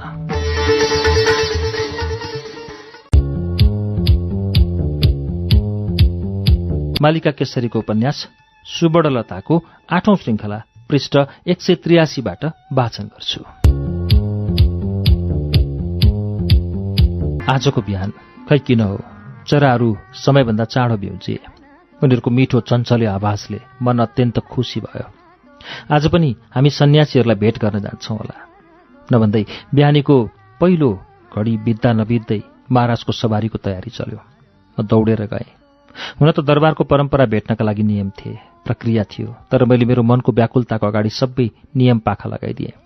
बिस्तारै केही लजाउँदै महाराजको सामु पुगेर प्रश्न गरे पिता महाराजको सवारी कता हुँदैछ? महाराजले शान्त भावमा फर्काउनु भयो महात्मा सिद्धार्थलाई भेट गर्न। महाराजको कुराले मन यति प्रसन्न भयो लाग्यो मेरा लागि भूधरातलका सम्पूर्ण पुष्पहरू एकैसाथ पल्लवित भए। मेरा लागि हावामा संसारकै सबैभन्दा मिठो सुगन्ध छरियो। पलभरमै चन्द्रमा पृथ्वीमा झरेर मेरो शिरको शोभा बढाउन लागे। मैले खुसी र केही लाज मिसिएको भावमा बिस्तारै भने पिता महाराज म पनि साथ दान मिल्ला कि? अवश्य। उहाँको समर्थन र सन्यासीसँग भेट हुने कुराले म अत्यन्त खुसी भएँ। मैले त्यो खुसी व्यक्त गर्न उचित शब्द कहिल्यै भेटिन। हामी पुग्दा सन्यासी लगायत सबैजना ध्यानमा लिन्थे। हामी त्यहाँको वातावरणलाई निहालेर उभिरह्यौँ। केही समयपछि नै सन्यासीले आँखा खोले। लाग्दथ्यो उनको त्यो बन्द आँखाले सारा देखिरहेको छ। हामी आएको हामीले गरेको कुरा सबै सबै। सन्यासीले हिजो जस्तै हामीलाई बस्ने इसारा गर्नुभयो। हामी दुवै हात जोडेर प्रणाम गरी उहाँको सामुन्यमा बस्यौँ। के का लागि आउनुभयो राजन? उहाँले महाराजको मुहार हेर्दै प्रश्न गर्नुभयो म वास्तविक सुख र शान्ति प्राप्त गर्ने बाटो पहिलाउन हजुरको चरणमा आएको छु र मलाई पूरा विश्वास छ म गलत छैन। म संसारको सबैभन्दा शक्तिशाली देशको महाराज हुँ। मसँग जति धन सम्पत्ति ऐस आराम मान मर्यादा सायदै अरूको होला तर म जति अशान्त पनि अरू कोही छ जस्तो मलाई लाग्दैन। मन सदा भए त्रास असुरक्षा र भविष्यको चिन्ताले ग्रस्त छ। न म रातमा राम्रोसँग निदाउँछु न दिनमा नै शान्त रहन सक्छु। कहिले त लाग्छ। यो सबै सत्ता शक्ति धन सम्पत्ति बन्धन हो अनि म एक बन्दी हुँ। म यसबाट मुक्ति चाहन्छु। यस मुक्तिको सही बाटो पहिलाउन चाहन्छु। पिता महाराजले ती भन्दा उहाँको आँखामा पीडाको आँसु टल्प लागेको थियो। मैले सदा बलवान शक्तिशाली सबैले शिर निहुराएर सम्मान दर्शाउने मेरा पिताको मनमा पनि यति धेरै त्रास र पीडाको बास रहेछ भन्ने प्रथम पटक बुझे। नरमाइलो लाग्यो। सन्यासीले सोध्नुभयो जीवन के हो? महाराजले छोटो उत्तर दिनुभयो त्यो समय परिधि जसको सुरुवातमा कुनै नाम हुँदैन। न चेत हुन्छ न कुनै भाव। अनि अन्तमा नाम हुन्छ। सबै जानेर बुझेर फेरि त्यही चेतविहीन अवस्थामा शरीर पुग्छ। त्यही समय नाम र चेतनाको सेरोफेरो नै जीवन हो। महाराजको कुराले महात्मा लामो हाँस्नुभयो। तर महाराजको मुहार गम्भीर देखिन्थ्यो। केही पछि सन्यासी पूर्ण शान्त भएर पुनः प्रश्न गर्नुभयो। त्यसो भए तपाईँ विश्वास गर्नुहुन्छ जीवनमा दुःख छ? छ। पिता महाराजको छोटो जवाब त्यसो भए दुःखको कारण पनि छ। सन्यासीले पुनः प्रश्न गर्नुभयो। पक्कै छ। महाराजले दृढताका साथ जवाफ दिनुभयो। त्यो कारण हटाउन सकेको खण्डमा जीवनमा परम आनन्द बोध गर्न सकिन्छ। सन्यासीले पुनः प्रश्न गर्नुभयो। सकिन्छ। सायद तर त्यसको बाटो र त्यो बाटोमा हिँड्ने ज्ञान ममा छैन। गुरुदेव म हजुरको शरणमा आएको छु। मलाई सन्मार्गको बाटो प्रशस्त गर्नुहोस्। महाराजले सन्यासीको पाउ समात्नुभयो। म छक्क परेर हेरिरहेँ। सन्यासीले शान्त भावमा भन्नुभयो मैले पत्ता लगाएको सन्मार्गको बाटो प्रदर्शित गर्नकै लागि म यहाँ आएको हुँ। सन्मार्गमा हिँड्नका लागि सर्वप्रथम आफूले आफैलाई चिन्नुपर्छ। यो चिन्ने बाटो भनेको ध्यान मार्ग हो जसको मद्दतबाट हामीले स्वयंलाई चिन्छौँ। जब हामीले स्वयंलाई चिन्छौँ तत्पश्चात परम सुखको मार्ग देखा पर्छ। त्यस अगाडि तपाईँले मेरो पुनः अर्को प्रश्नको जवाफ दिनुहोस्। मर्जी होस् गुरुदेव। महाराजले बडो भक्तिभावले दुवै हात जोडेर भन्नुभयो तपाईँलाई सबैभन्दा त्रास के कारणले हुन्छ? मेरो देश कसैले लुट्ला कि यसको सिमाना अर्थात् जमिन कसैले हत्याउला कि भन्ने डरले सदा गाँजेको हुन्छ। यो बताउनुहोस् राजन यो देश अर्थात् यहाँको जमिन तपाईँभन्दा अगाडि कसको थियो? मेरो बुबाको। बुबाभन्दा अगाडि? हाम्रो चौहत्तरजना पुर्खाले शासन गरेको इतिहास छ। उहाँहरूको। उहाँहरूभन्दा अगाडि? फेरि प्रश्न। अन्य कुनै राजा जसलाई हाम्रो पुर्खाले हराएका थिए ती हारेका राजाभन्दा अगाडि? फेरि प्रश्न। थियो होला अन्य कोही राजा। उनीहरूभन्दा अगाडि? त्योभन्दा अगाडि कसैको पनि थिएन। ठिक भन्नुभयो राजन। हामी त्यस्तो वस्तुका लागि चिन्तित हुन्छौँ जुन हाम्रो कहिल्यै थिएन। न यो जमिन तपाईँको न त्यो दरबार तपाईँको। तपाईँको केही होइन तर तृष्णाले मनलाई यस्तो बनाइदिन्छ। लाग्छ यो सबै मेरो मेरो जन्म यसैका लागि भएको। त्यसैले हामीले सर्वप्रथम मनमाथि विजय प्राप्त गर्नुपर्छ। मनमाथि विजय प्राप्त भएको निमेषभरमै तृष्णामाथि विजय प्राप्त हुन्छ। तत्पश्चात मनको कुहिरो हटेर सत्मार्गको बाटो प्रष्ट हुन्छ। महाराजको मुहारमा खुसीको आभास आयो मेरो मनमा भने आश्चर्यको रेखा दौडिरहेको थियो। त्यो दिन उहाँले ध्यान र योगका विभिन्न विधि सिकाउनु भयो साङ्ख्य योगमा डुबेर मोक्षको अनुभूति कसरी गर्ने? कसरी ध्यानमा लिनुहुने? मैले प्रथम पटक श्वास प्रश्वासको गतिलाई बुझेँ। हामीलाई लाग्दो रहेछ हामीले हाम्रो नाकको दुवै पालबाट श्वास प्रश्वास लिन्छौँ। तर हामीले त नाकको एक पालबाट मात्र श्वास लिएका हुँदो रहेछौँ। यो क्रिया प्रत्येक घडी बदलिँदो रहेछ। उहाँले भन्नुभयो श्वास प्रश्वासको चाललाई नियन्त्रण गरी हाम्रो सुषुम्नालाई जागृत तुल्याउनुपर्छ। सुरु सुरुमा त मन चञ्चल हुन्छ। सांसारिक माया मोहले मनलाई स्थिर तुल्याउन सकिँदैन। हामीमा व्याकुलता छाउन सक्छ। जसरी आकाशमा देखेका बादल पल पल नयाँ नयाँ स्वरूप बदलिन्छ। ठिक त्यसरी नै नयाँ नयाँ चाहना र इच्छाले भरिएको मन चञ्चल हुन्छ। तर बिस्तारै हामीले मनमाथि प्रभाव जमाउन थाल्छौँ। मन चञ्चलता त्यागेर बिस्तारै स्थिर हुन थाल्छ। शान्त र स्थिर मन बिस्तारै बिस्तारै निलो आकाश जस्तो शान्त र स्थूल अवस्थामा विचरण गर्न थाल्छ। त्यहाँ गहिरो शून्यता हुन्छ। अलिअलि गर्दै हामी समयको सीमाभन्दा पर पुग्छौँ। त्यहाँ इन्द्रिय सुख र आवश्यकताभन्दा पनि आत्मीय सुखको अनुभूति हुन्छ। समय बितेको पत्तै हुँदैन। लाग्छ शरीर हलुको पङ्ख जस्तो भएको छ। विचारको धेरै अगाडि ज्ञानको द्वार छ। त्यो दिन उहाँले हामीलाई योगको ध्यानको मुक्ति मार्गको जीवनको दुःख र दुःखमाथि विजयका बारे धेरै ज्ञानका बाणीहरू दिनुभयो। समय बितेको पत्तै भएन। हामी दरबार फर्कँदा झमक्क साँझ परेको थियो तर मनमा अनौठो दीप बलिरहेको थियो शरीर हावामा लहरिएको थियो। समय अञ्जुलीमा लिएको पानी चाहिँ बिस्तारै बिस्तारै बहन थाल्यो। जति जति समयले गति बढायो त्यति नै मेरो यौवनको फूल मुस्कुराउन थाल्यो। कम्बर पातलो हुँदै गयो। नितम्ब केही फराकिलो भयो भने हात गोडा अनि अनुहारको रङमा पनि सेतोपना थपिँदै गयो। एक दिन मैले महाराजलाई निवेदन गरेँ पिता महाराज म कति यस बन्द महलमा थुनिएर बसुँ। म पनि प्रकृतिसँग भिज्न चाहन्छु।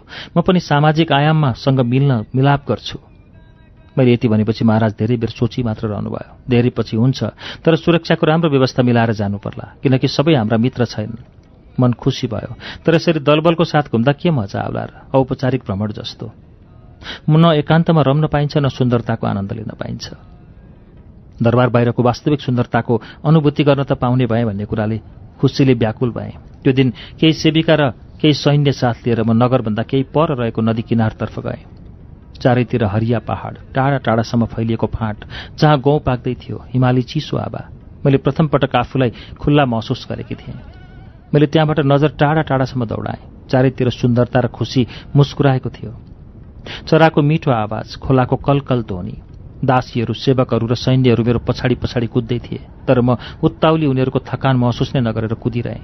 निकै कुदेपछि पछाडि फर्केर हेरेँ। सबैजना धेरै पछाडि थिए। म अझै दौडिरहेँ। अब म उनीहरूको छायाबाट बिल्कुल पर थिएँ। लाग्यो केही पलका लागि म सबैबाट विलुप्त भएँ। म अझ अगाडि बढ्दै गएँ। केही पर सानो घर देखियो। मलाई अनौठो लाग्यो। को होला त्यहाँ?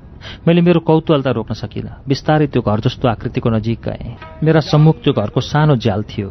मैले झ्यालबाट भित्र चाहिँ आएँ आश्चर्यभित्र एक युगल जोडी अँगालोमा बाँधिएर रोइरहेका थिए। मलाई अनौठो लाग्यो। मैले अझ ध्यान दिएर उनीहरूलाई निहाल्न थालेँ। उनीहरू अँगालोमा यसरी बाँधिएका थिए। लाग्थ्यो उनीहरू दुई छुट्टा छुट्टै व्यक्ति होइनन्। यो त एक शरीर हो एक आत्मा हो एक पृथ्वी हो। मैले आफैलाई बिर्सिएर हेरिरहेँ।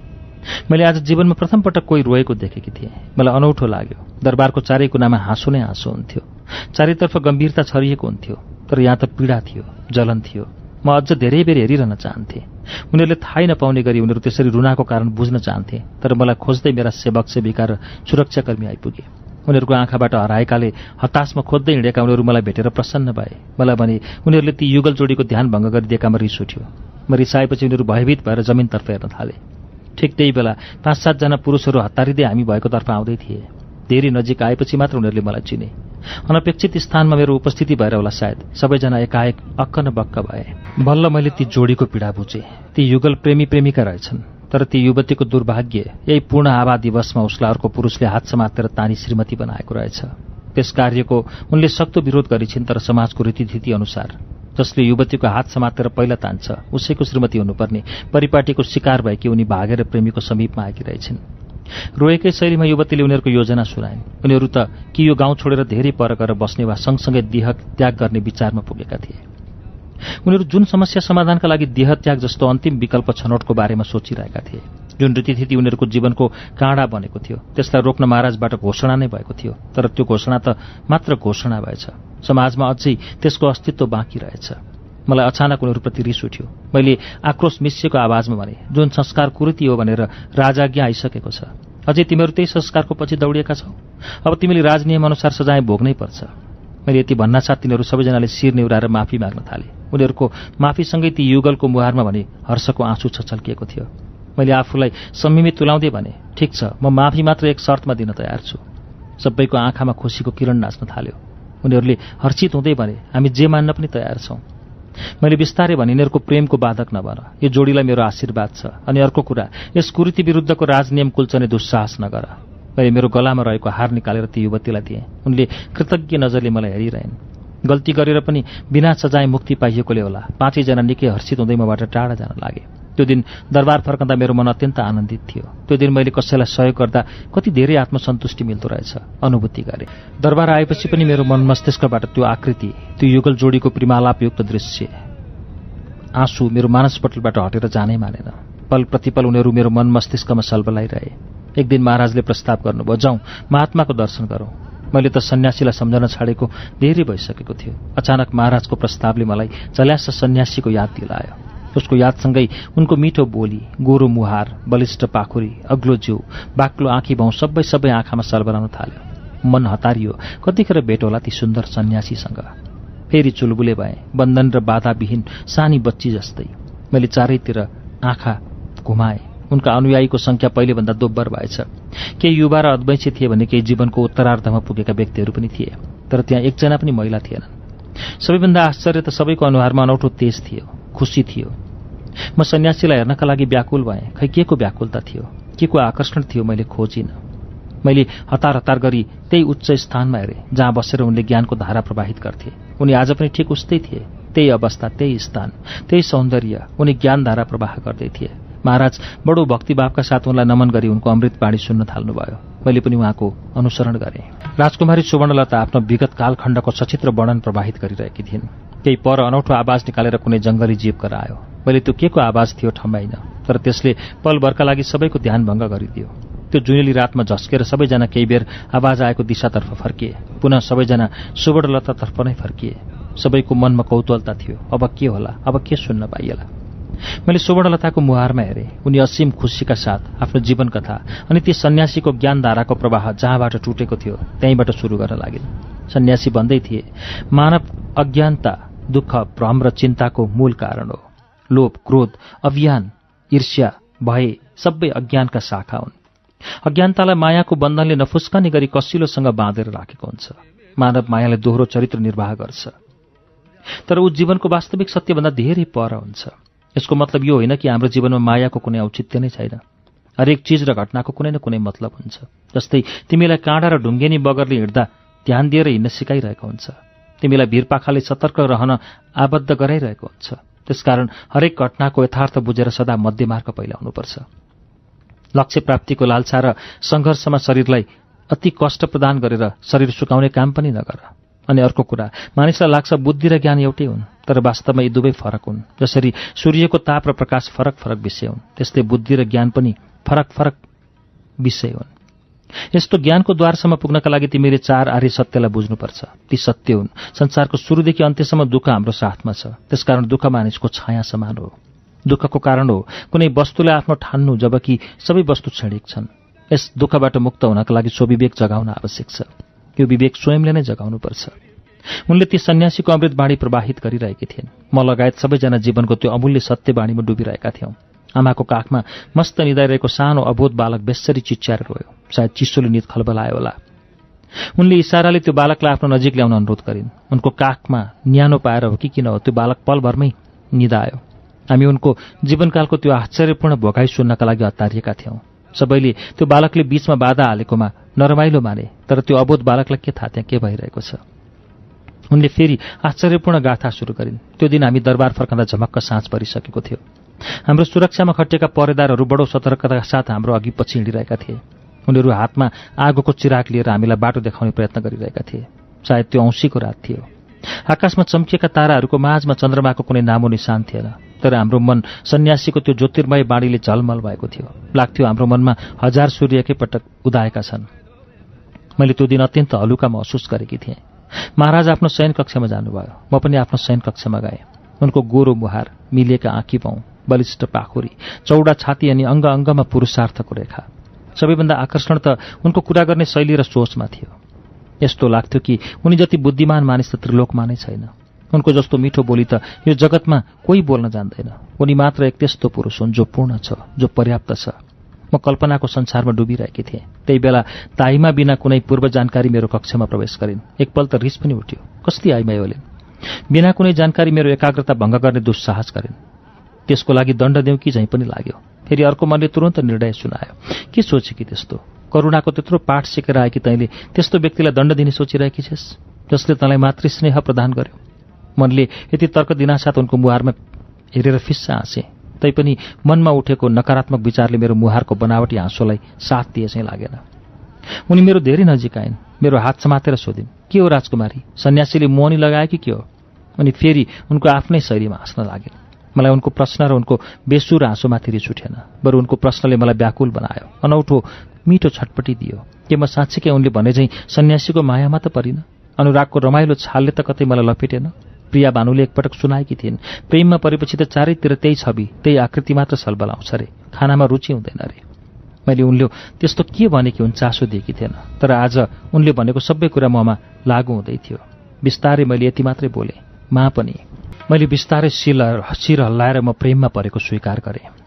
अनौठो मेरो स्वीकारोक्तिसँगै उनको मुहारको चञ्चलता सबै हराएर गयो। त्यहाँ त गम्भीर रेखा पो कोरियो। मैले जीवनमा होस सम्हालेदेखि उनी सधैँ मेरा सामु थिइन् तर मैले आजसम्म उनको यस्तो गम्भीरताले भरिएको मुहार देखेकै थिइनँ। उनका दुवै आँखामा आँसु टिल्पिलाएका थिए। लाग्छ उनको आँखा वर्षनु अघिको बादल हो। उनले मात्र यति भनिन् राजकुमारी हजुरले यो के गर्नुभयो? मैले उनको प्रश्नको उत्तर खोजिनँ। एकरो उनको मुहारमा हेरिरहेँ। उनले मलाई अङ्गालो हालेर मेरो शिर उनको छातीमा टाँसिन्। म घोर आश्चर्यमा परेँ। रातको दोस्रो प्रहर बित्न लाग्दा आकाशमा जुन देखा पर्यो। म गलत रहेछु। आज औँसीको रात रहेनछ। आँखामा निदले ठाउँ लिनै सकेन। मैले बुझ्नै सकिनँ मेरो मन किन यति व्याकुल थियो। मलाई लाग्यो संसारको सबभन्दा दरिद्र त म पो रहेछु। मसँग त मनलाई खुसी राख्ने एउटा सूक्ष्म वस्तु पनि छैन। आज मैले नयाँ तथ्य पत्ता लगाएँ। विलासिताका महँगा सामानले मानिसलाई खुसी दिन सक्दो रहेनछ। यो त खुसी पाए चाहिँ लाग्ने भ्रम रहेछ। त्यसो भए मेरो खुसी कहाँ छ त? म किन व्याकुल छु? म सोचिरहेँ। मेरो आँखामा अचानक ताइमाको व्यवहारमा आएको परिवर्तन झुल्कियो। प्रिया भानुको सौम्य र शालीन परिवर्तित स्वरूप झुल्कियो। छ्या म पनि के भयो कि एक सन्यासी जो सांसारिक बन्धनलाई त्यागेर जीवनमुक्तिको खोजीमा निस्केका छन्। सबैलाई प्रेरित गरिरहेछन्। म उनै सन्यासीलाई प्रेमको बाटोमा डोर्याउने दुस्साहस गरिरहेको छु। म शयन कक्षबाट बाहिर निस्केँ। बाहिर सुरक्षाका लागि तयार सिपाही र सेवक सेविका मेरो आगमनले तर्सिएर सतर्क भए। मेरो ध्यान उनीहरूभन्दा पनि अर्धचन्द्रले पोखेको मधुरो प्रकाशमा लहराएका फूलका ससाना बोटमा पर्यो। म बिस्तारै ती फूलको बोटतर्फ गएँ। रात्रिमा उन्मुख प्रवाहित हावाको झोक्कामा लरबरिँदै आएको कुमुदुनीको मधुर सुगन्धले त्यहाँको वातावरण साँच्चीकै मनमोहक थियो। मैले जीवनमा पहिलोपटक रात्रिको त्यो अनुपम आनन्दको महसुस गरेँ।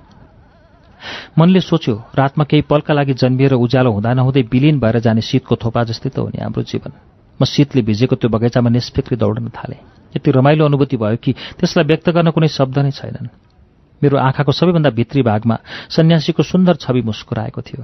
कानमा उनैको मधुर आवाज गुन्जायमान हुँदै सोचिरहेको थियो। सुबडलता के गरेकी तिमीले? के भयो तिमीलाई? मैले लाजले मुख छोपेँ। सेवक सेविका र सुरक्षाका लागि तैनात सैनिकहरू अनौठो मानेर मलाई हेर्दै थिए। देशभर उनै सन्यासीको चर्चा थियो। कोही भन्थे उनी मानव भेषमा धरतीमा उत्रेका दिव्य पुरुष हुन्। उनी भगवानका अवतार हुन्। कसैले उनलाई अरू झैँ साधारण मानिस नै भएको तर तीक्ष्ण बुद्धि विवेकवाला मानिस ठान्थे। कसैले उनलाई योग पुरुषको उपमा दिन्थे भने कोही उनलाई ढोगी पाखण्डी समाजको रीतिथिति बिगार्न आएको हुलिया भन्थे। कसैले देशमा सङ्कट निम्त्याउन आएको शत्रु देशको जासुस भन्ने आरोप पनि लगाए। उनीप्रति वैरभाव राख्ने प्राय गरेर ब्राह्मण सम्प्रदायका मानिसहरू थिए किनकि उनी पूजापाठ यज्ञ जप तपबाट स्वर्गको प्राप्ति हुनेमा नै शङ्का व्यक्त गर्दथे। उनले त स्वर्गको चाना राख्नु पनि मोहको स्वरूप हो भन्थे। उनको पक्षमा धेरै थिए। जो जुनसुकै पक्षमा भए पनि सबैमा उनको चर्चा थियो। बिस्तारै उनको दिव्य बाणीले सांसारिक जीवनमा रमेकाहरू पनि सांसारिक मोह त्याग गरी उनका अनुयायी हुन थाले। उनका अनुयायी हुनेमा कैयौँ ब्राह्मणहरू पनि थिए तर ब्राह्मणको एक समूह उनको कट्टर आलोचक भएर निस्क्यो। यिनै आलोचकमा एक थिए राजगुरु स्वर्णिम भट्ट उनको र सन्यासीको बीचमा के विग्रह थियो कुनी? उनले सपनामा पनि सन्यासीको प्रशंसा गरेको मन पराउँदैनथे उनको नजरमा उनी एक ढोंगी थिए पाखण्डी थिए। तर महाराज नै उनको अनुयायी जस्ता बनेकाले उनी खुलेरै विद्रोह गर्न सक्ने अवस्थामा थिएनन्। यद्यपि उनको मनमा रहेको सन्यासीप्रतिको घृणालाई अनुमान लगाउन सकिन्थ्यो। महाराजले उनलाई महात्मा भनेर सम्बोधन गर्नुहुन्थ्यो। कसैले उनलाई महान तपस्वी माने त कसैले उनलाई युग पुरुष ठाने। तर मैले उनलाई सदा सन्यासीको रूपमा पाएँ। एक त्यस्तो सन्यासी। मात्र मेरा लागि सबै त्यागेर आएका। मात्र मेरा सन्यासी। महाराज प्रत्येक दिन जस्तो सन्यासीलाई भेट्न जानुहुन्थ्यो। तर जुन दिनदेखि मेरो मनमा उनलाई लिएर रङ्गीन कल्पनाको संसार निर्माण हुन थाल्यो म फर्केर उनलाई भेट्न जाने आँट गर्नै सकिनँ। यसको मतलब होइन कि कसैले मलाई त्यहाँ जानबाट रोकेको थियो। म सोध्छन् त थिएँ। राजकुमारी एवं भावी साम्राज्ञी। मलाई सीमाभित्र कहीँ जानका लागि कुनै रोकतोक थिएन। तर पनि उनलाई भेट्न जानका लागि मेरा पाइला एक्कासी रोकिन्थे। जब महाराजको सवारी हुन्थ्यो मेरो मुटुको गति अचानक बढ्थ्यो। यस्तो लाग्थ्यो मेरो मुटुको ढुकढुक आवाज दरबारको हरेक कुनामा गुन्जायमान भएको छ। महाराज सन्यासीसँग भेटका लागि निस्कदै गर्दा एक नजर मेरो दरबारतर्फ हेर्नुहुन्थ्यो। सायद उहाँको मनमा म किन आइन भन्ने थियो होला तर मेरो व्यथा महाराजलाई के थाहा? मनको इच्छा धनुषबाट छुटेको बाँड र नारीको यौवन जब यसले आफ्नो गति बढाउन थाल्छ यसलाई रोक्ने हरेक कोसिस विफल हुँदो रहेछ। तैपनि मैले कोसिस गरिरहेँ। मैले मेरो मनमा सन्यासीप्रति अनायास पलाएको चाहनाको त्यो उत्कर्षलाई रोक्ने भरपूर कोसिस गरेँ। म उनलाई भेट गर्न नजानुको मतलब यो होइन कि मेरो मनमा पलाएको प्रेमको आँकुरा मरिसक्यो। मेरो मन शून्य र खाली भयो। वास्तविकता त यो थियो कि आँकुराले त झन्झन वयस्क रूप लिँदै थियो। पल प्रतिपल अझ विकराल बन्दै थियो। जति मैले उनलाई बिर्सन खोज्थेँ त्यति नै उनको स्मरण आउँथ्यो। सायद प्रेमको जननी नै विश्वास हो। तर म खै कुन चाहिँ विश्वास र आशा बोकेर उनीसँगको अनुरागमा डुबेँ? मलाई कहिल्यै ज्ञान भएन। देशकी राजकुमारी भविष्यकी साम्राज्ञी र पुर्खाको विरासत सम्हाल्नुपर्ने मैले कसरी एक सन्यासीमा सुख देखेँ त्यो पनि मैले कहिल्यै बुझिनँ। केही गरी उनको तिर्सना मनबाट मेटिन्छ कि भने मैले अनेक कोसिस गरिरहेँ। एक दिन सन्यासीले महाराज र मलाई विपसनाको महत्व र कसरी विपसना मार्फत मनमा उब्जेको पीडालाई दूर गर्न सकिन्छ भन्ने सिकाएका थिए। आज मैले उनले सिकाएको विद्या उनैको सम्झना मेटाउन प्रयोग गर्ने निर्णय गरेँ। मैले मेरो शयन कक्षमा विपसनाको प्रयोग गर्न थालेँ। दुवै आँखा चिम्लिएर उनले सिकाएको मुद्राको अभ्यास गर्न थालेँ। पहिलो दिन मन अत्यन्त चञ्चल भयो तर मैले मनको चञ्चलता रोक्ने कोसिस छोडिनँ। मैले मनलाई अन्तमा केन्द्रित गर्ने कोसिस गरिरहेँ। आँखा चिम्लिएर शून्यको कल्पना गर्न थालेँ। मेरा बन्द आँखा वरपर उनैको छवि नाच्न लाग्यो। दिन बित्दै गयो तर मैले प्रयास छाडिनँ। फेरि एक दिन म ध्यानमा बसेको केही बेरमै बिस्तारै बिस्तारै शून्यतातर्फ लम्किन थालेँ। मेरो शरीर हलुका हुँदै गयो। मेरो शरीरको तौल धुलोको सबैभन्दा सानो कणभन्दा पनि हलुका भयो। लाग्यो मनै छैन। बिस्तारै म हावामा तैरिन थालेँ। लाग्यो म चरा भएर आकाशमा उडिरहेको छु। बादलभन्दा माथि अझ माथि निहारिकाको समीपमा जहाँ चारैतर्फ शून्यता छ। प्रकाश नै प्रकाश छ। शान्ति नै शान्ति छ। प्रिया भानुले खुसी हुँदै भनिन् राजकुमारी हजुर आज तीन दिनपछि बिउजनु भयो एकपल त हामी चिन्तित भयौँ। खाना र जल ग्रहण बिना यतिका दिन ध्यानमा बस्दा हजुरलाई कतै केही हुने हो कि? फेरि हामी ढुक्क भयौँ किनकि तपस्वी झुटो हुनै सक्दैनन्। महाराज पनि घन्टा घन्टामा तपाईँको बारेमा जानकारी लिन आउनुहुन्छ। उनको बोलीमा मिसिएको खुसी र उत्साहले मलाई छक्क पार्दै थियो। ठिक त्यही बेला महाराज आउनुभयो। मैले उठेर उहाँलाई प्रणाम गरेँ। उहाँले बडो मायालु पाराले मेरो शिरमा चुम्बन गर्नुभयो। मैले वर्षौँपछि पितृस्नेहको अनुभूति गरेँ। आँखामा खुसीको थोरै बुँद टिलपिलायो। राजकुमारी तपाईँ यति लामो ध्यानमा लिन भएको देख्दा त एकपल मलाई डर पनि लाग्यो। फेरि खुसी पनि। मलाई सुनाउनुहोस् राजकुमारी तपाईँले ध्यानमा के के कुराको अनुभूति गर्नुभयो? मैले ध्यानमा बस्दा अनुभूति गरेको सुखद क्षणको बारेमा महाराजलाई अवगत गराएँ। उहाँ छक्क पर्दै भन्नुभयो राजकुमारी तपाईँमा पक्कै दैवी गुण छ। हामी धेरै पछि यसरी कुरा गर्दै थियौँ। आज हामी राजा र राजकुमारी भन्दा पनि नितान्त पिता र छोरी थियौँ। राजकाजको मान मर्यादामा बस्दा पितासँग भेट्दा बोल्दा पनि राजकीय मर्यादा पालन गर्नुपर्थ्यो। आज हामी राजकीय मर्यादाभन्दा माथि उठेर आम परिवारका सदस्य बनेका थियौँ। हामी धेरै खुसी साटफेर गरेर बोलिरह्यौँ। धेरैपछि महाराज अर्थात् पिताजीले भन्नुभयो भोलि सबेरै हामी महात्मालाई भेट गर्न जाउँ। महाराजका कुराले मेरो मन अनायासै रमायो। मनको खै कुन चाहिँ कुनाबाट मिठो कम्पन उठेर आयो? त्यो कम्पनले सुस्तरी मेरो मुहार कम्पित तुलायो। म लाजले भुत्तुक्क भएँ। मैले अनायास उठेको कम्पन लुकाउन महाराजको विपरीत दिशातर्फ हेर्न थालेँ। मैले त भुसुकै बिर्सिएछु। म त सन्यासीको स्मरण मेरो मानसपटलबाट हटाउने कोसिसमा थिएँ। केही समयपछि महाराज मेरो शयन कक्षबाट बाहिर जानुभयो तर मेरो मनमा उठेको कम्पन जाँदै गएन। फेरि त्यो कम्पन मेरो मुहारबाट बिजुलीको गतिमा सारा शरीरमा सल्बल आयो म लाजले दासीको आँखामा पनि सिधा हेर्न नसक्ने भए लाजका विशाल सागरलाई दुवै हातले छोप्ने कोसिस गरे तर व्यर्थ ठहरियो। म दौडिएर श्रृङ्गार कक्षमा गएँ। त्यहाँको दर्पणमा लाज मान्दै मुहार हेरेँ। मेरो मुहार लाजले सर्वाङ्ग रातो भएको थियो। ठिक त्यही पल त्यो लोभी दर्पणले सोध्यो सुवर्णलता किन लजाए कि मैले के जवाफ दिएँ त्यो दर्पणलाई आफैसँग? म सन्यासीसँग पुनः भेट हुने कल्पनाले मात्रले पनि कस्ती भएकी छु। तेरीपछि त्यही सन्यासीले सिकाएका शब्दहरूद्वारा मनलाई सम्झाएँ उत्ताउलोपन दुर्बलताको द्योतक हो। धैर्य र शालीनताले मानिस आदि सफल बन्छ बाँकी आदि उसको लगनशीलता र प्रयासद्वारा पूरा हुन्छ। भोलिपल्ट बिहानी प्रतीक्षामा आँखा ओछ्याइरहे महाराजको सवारी कतिखेर होला? मन व्याकुल थियो। हेर्दा हेर्दै मेरो प्रतीक्षाको घडी समाप्त भयो। महाराजको सवारीका लागि रथ तयार पारियो। मेरो बेचैन मन उनको झलक पाउन हतारिएको मन शरीरको सुस्त गति छाडेर तीव्रता साथ दौडिएको थियो। आखिर ढिलो नै सही हामी उनको सम्मुखमा पुगी छाड्यौँ। हामी पुग्दा उनी गेरु वस्त्रधारी केही भिक्षुलाई उपदेश दिँदै थिए। उनी भन्दै थिए समाज अनि व्यक्तिमा शताब्दीौँदेखि जरा गाडेको विश्वास र प्रथा पलभरमै बदल्न सकिँदैन। जसरी नदीको धार अथक परिश्रम बिना क्षणभरमै नयाँ दिशातर्फ बगाउन सम्भव छैन। त्यसै गरी कुनै पनि नयाँ विचार मानिसले सहज रूपमा स्वीकार गर्दैनन्। उनीहरू सन्यासीलाई प्रणाम गरेर बिस्तारै त्यो ज्ञान भूमिबाट बाहिर निस्किए उनीहरू निस्केसँगै हामी उनको समीपमा गयौँ। आज फेरि धेरै दिनपछि मेरो लजाएर झुकेको नजरले उनको त्यो भरभराउँदो आँखालाई छोइ छाड्यो खै कहाँबाट पलभरमै मेरो मुहारमा मुस्कान छलबलाएको नि त्यो मुस्कानको लहरी छाल बनेर छातीको कुना कुनामा फैलियो। अनि शरीरभरि मिठो झन्झनाहट छलबलाइरह्यो। मलाई खै के भएछ कुनै मेरो होसै हरायो मैले त बेहोसीमा उनलाई प्रश्न पो गरेछु महात्मा जीवन र मृत्यु के हो? म त अनुरागले बनेको मेरो मनको घाउ देखाउनका लागि हतारिएको थिएँ। जीवन र मृत्युको बारेमा पो सोध्न पुगेछु। उनले फेरि एकपटक मलाई घायल बनाउने आँखाले हेरेपछि बिस्तारै बोल्न थाले। जसले जन्म लिन्छ उसको मृत्यु निश्चित छ। यही प्रकृतिको नियम हो। यही प्रक्रिया हो। जीवन र मृत्युको वास्तविकतालाई हामीले चन्द्रमाको कला मार्फत बुझ्न सक्छौँ। किन हरेक मानिसको जन्म अर्थात् प्रकटसँगै दुःख पीडा अनि साथ लागेर आउँछ? मैले खै कसरी हो? फेरि अनौठो प्रश्न गरेँ। जसरी सूर्यको प्रकाशसँगै ताप मिसिएर आउँछ जसरी ताप र प्रकाशलाई हामीले अलग गर्न सक्दैनौँ। ठिक त्यसरी नै सृष्टि रहेसम्म दुःख मानिससँग छाया जस्तै रहिरहन्छ। कसरी? मैले पुनः प्रश्न गरेँ। सर्वप्रथम हामीले यो बुझ्न जरुरी छ। हामी सबैको जीवन दुःखै दुःखले झेलिएको छ र त्यो दुःख हटाउने उपाय पनि छ। त्यो उपाय हो त्यो वस्तुसँगको आफ्नो मोह भङ्ग गर्नु। इच्छा र लोभ मोहको मूल कारण हो। यसबाट मुक्त हुनु नै विवेकशील भन्नु हो। मानिसले दुःख सुख दुवैमा आफूलाई बीचमा राखेर समान व्यवहार गर्नुपर्छ। जब मानिस यो चरणबाट पार हुन्छ उसलाई दुःखले पीडा दिन सक्दैन। मैले फेरि सोधेँ प्रेम के हो? प्रेम मोह र दुःखको दोस्रो स्वरूप हो। बन्धन र खुसीको सीमा हो। जब खुसीका लागि सीमा हुन्छ त्यो खुसी सर्वव्यापी हुनै सक्दैन। त्यसकारण प्रेम दुःखको कारण हो। उनी अझ केही बोल्दै थिए।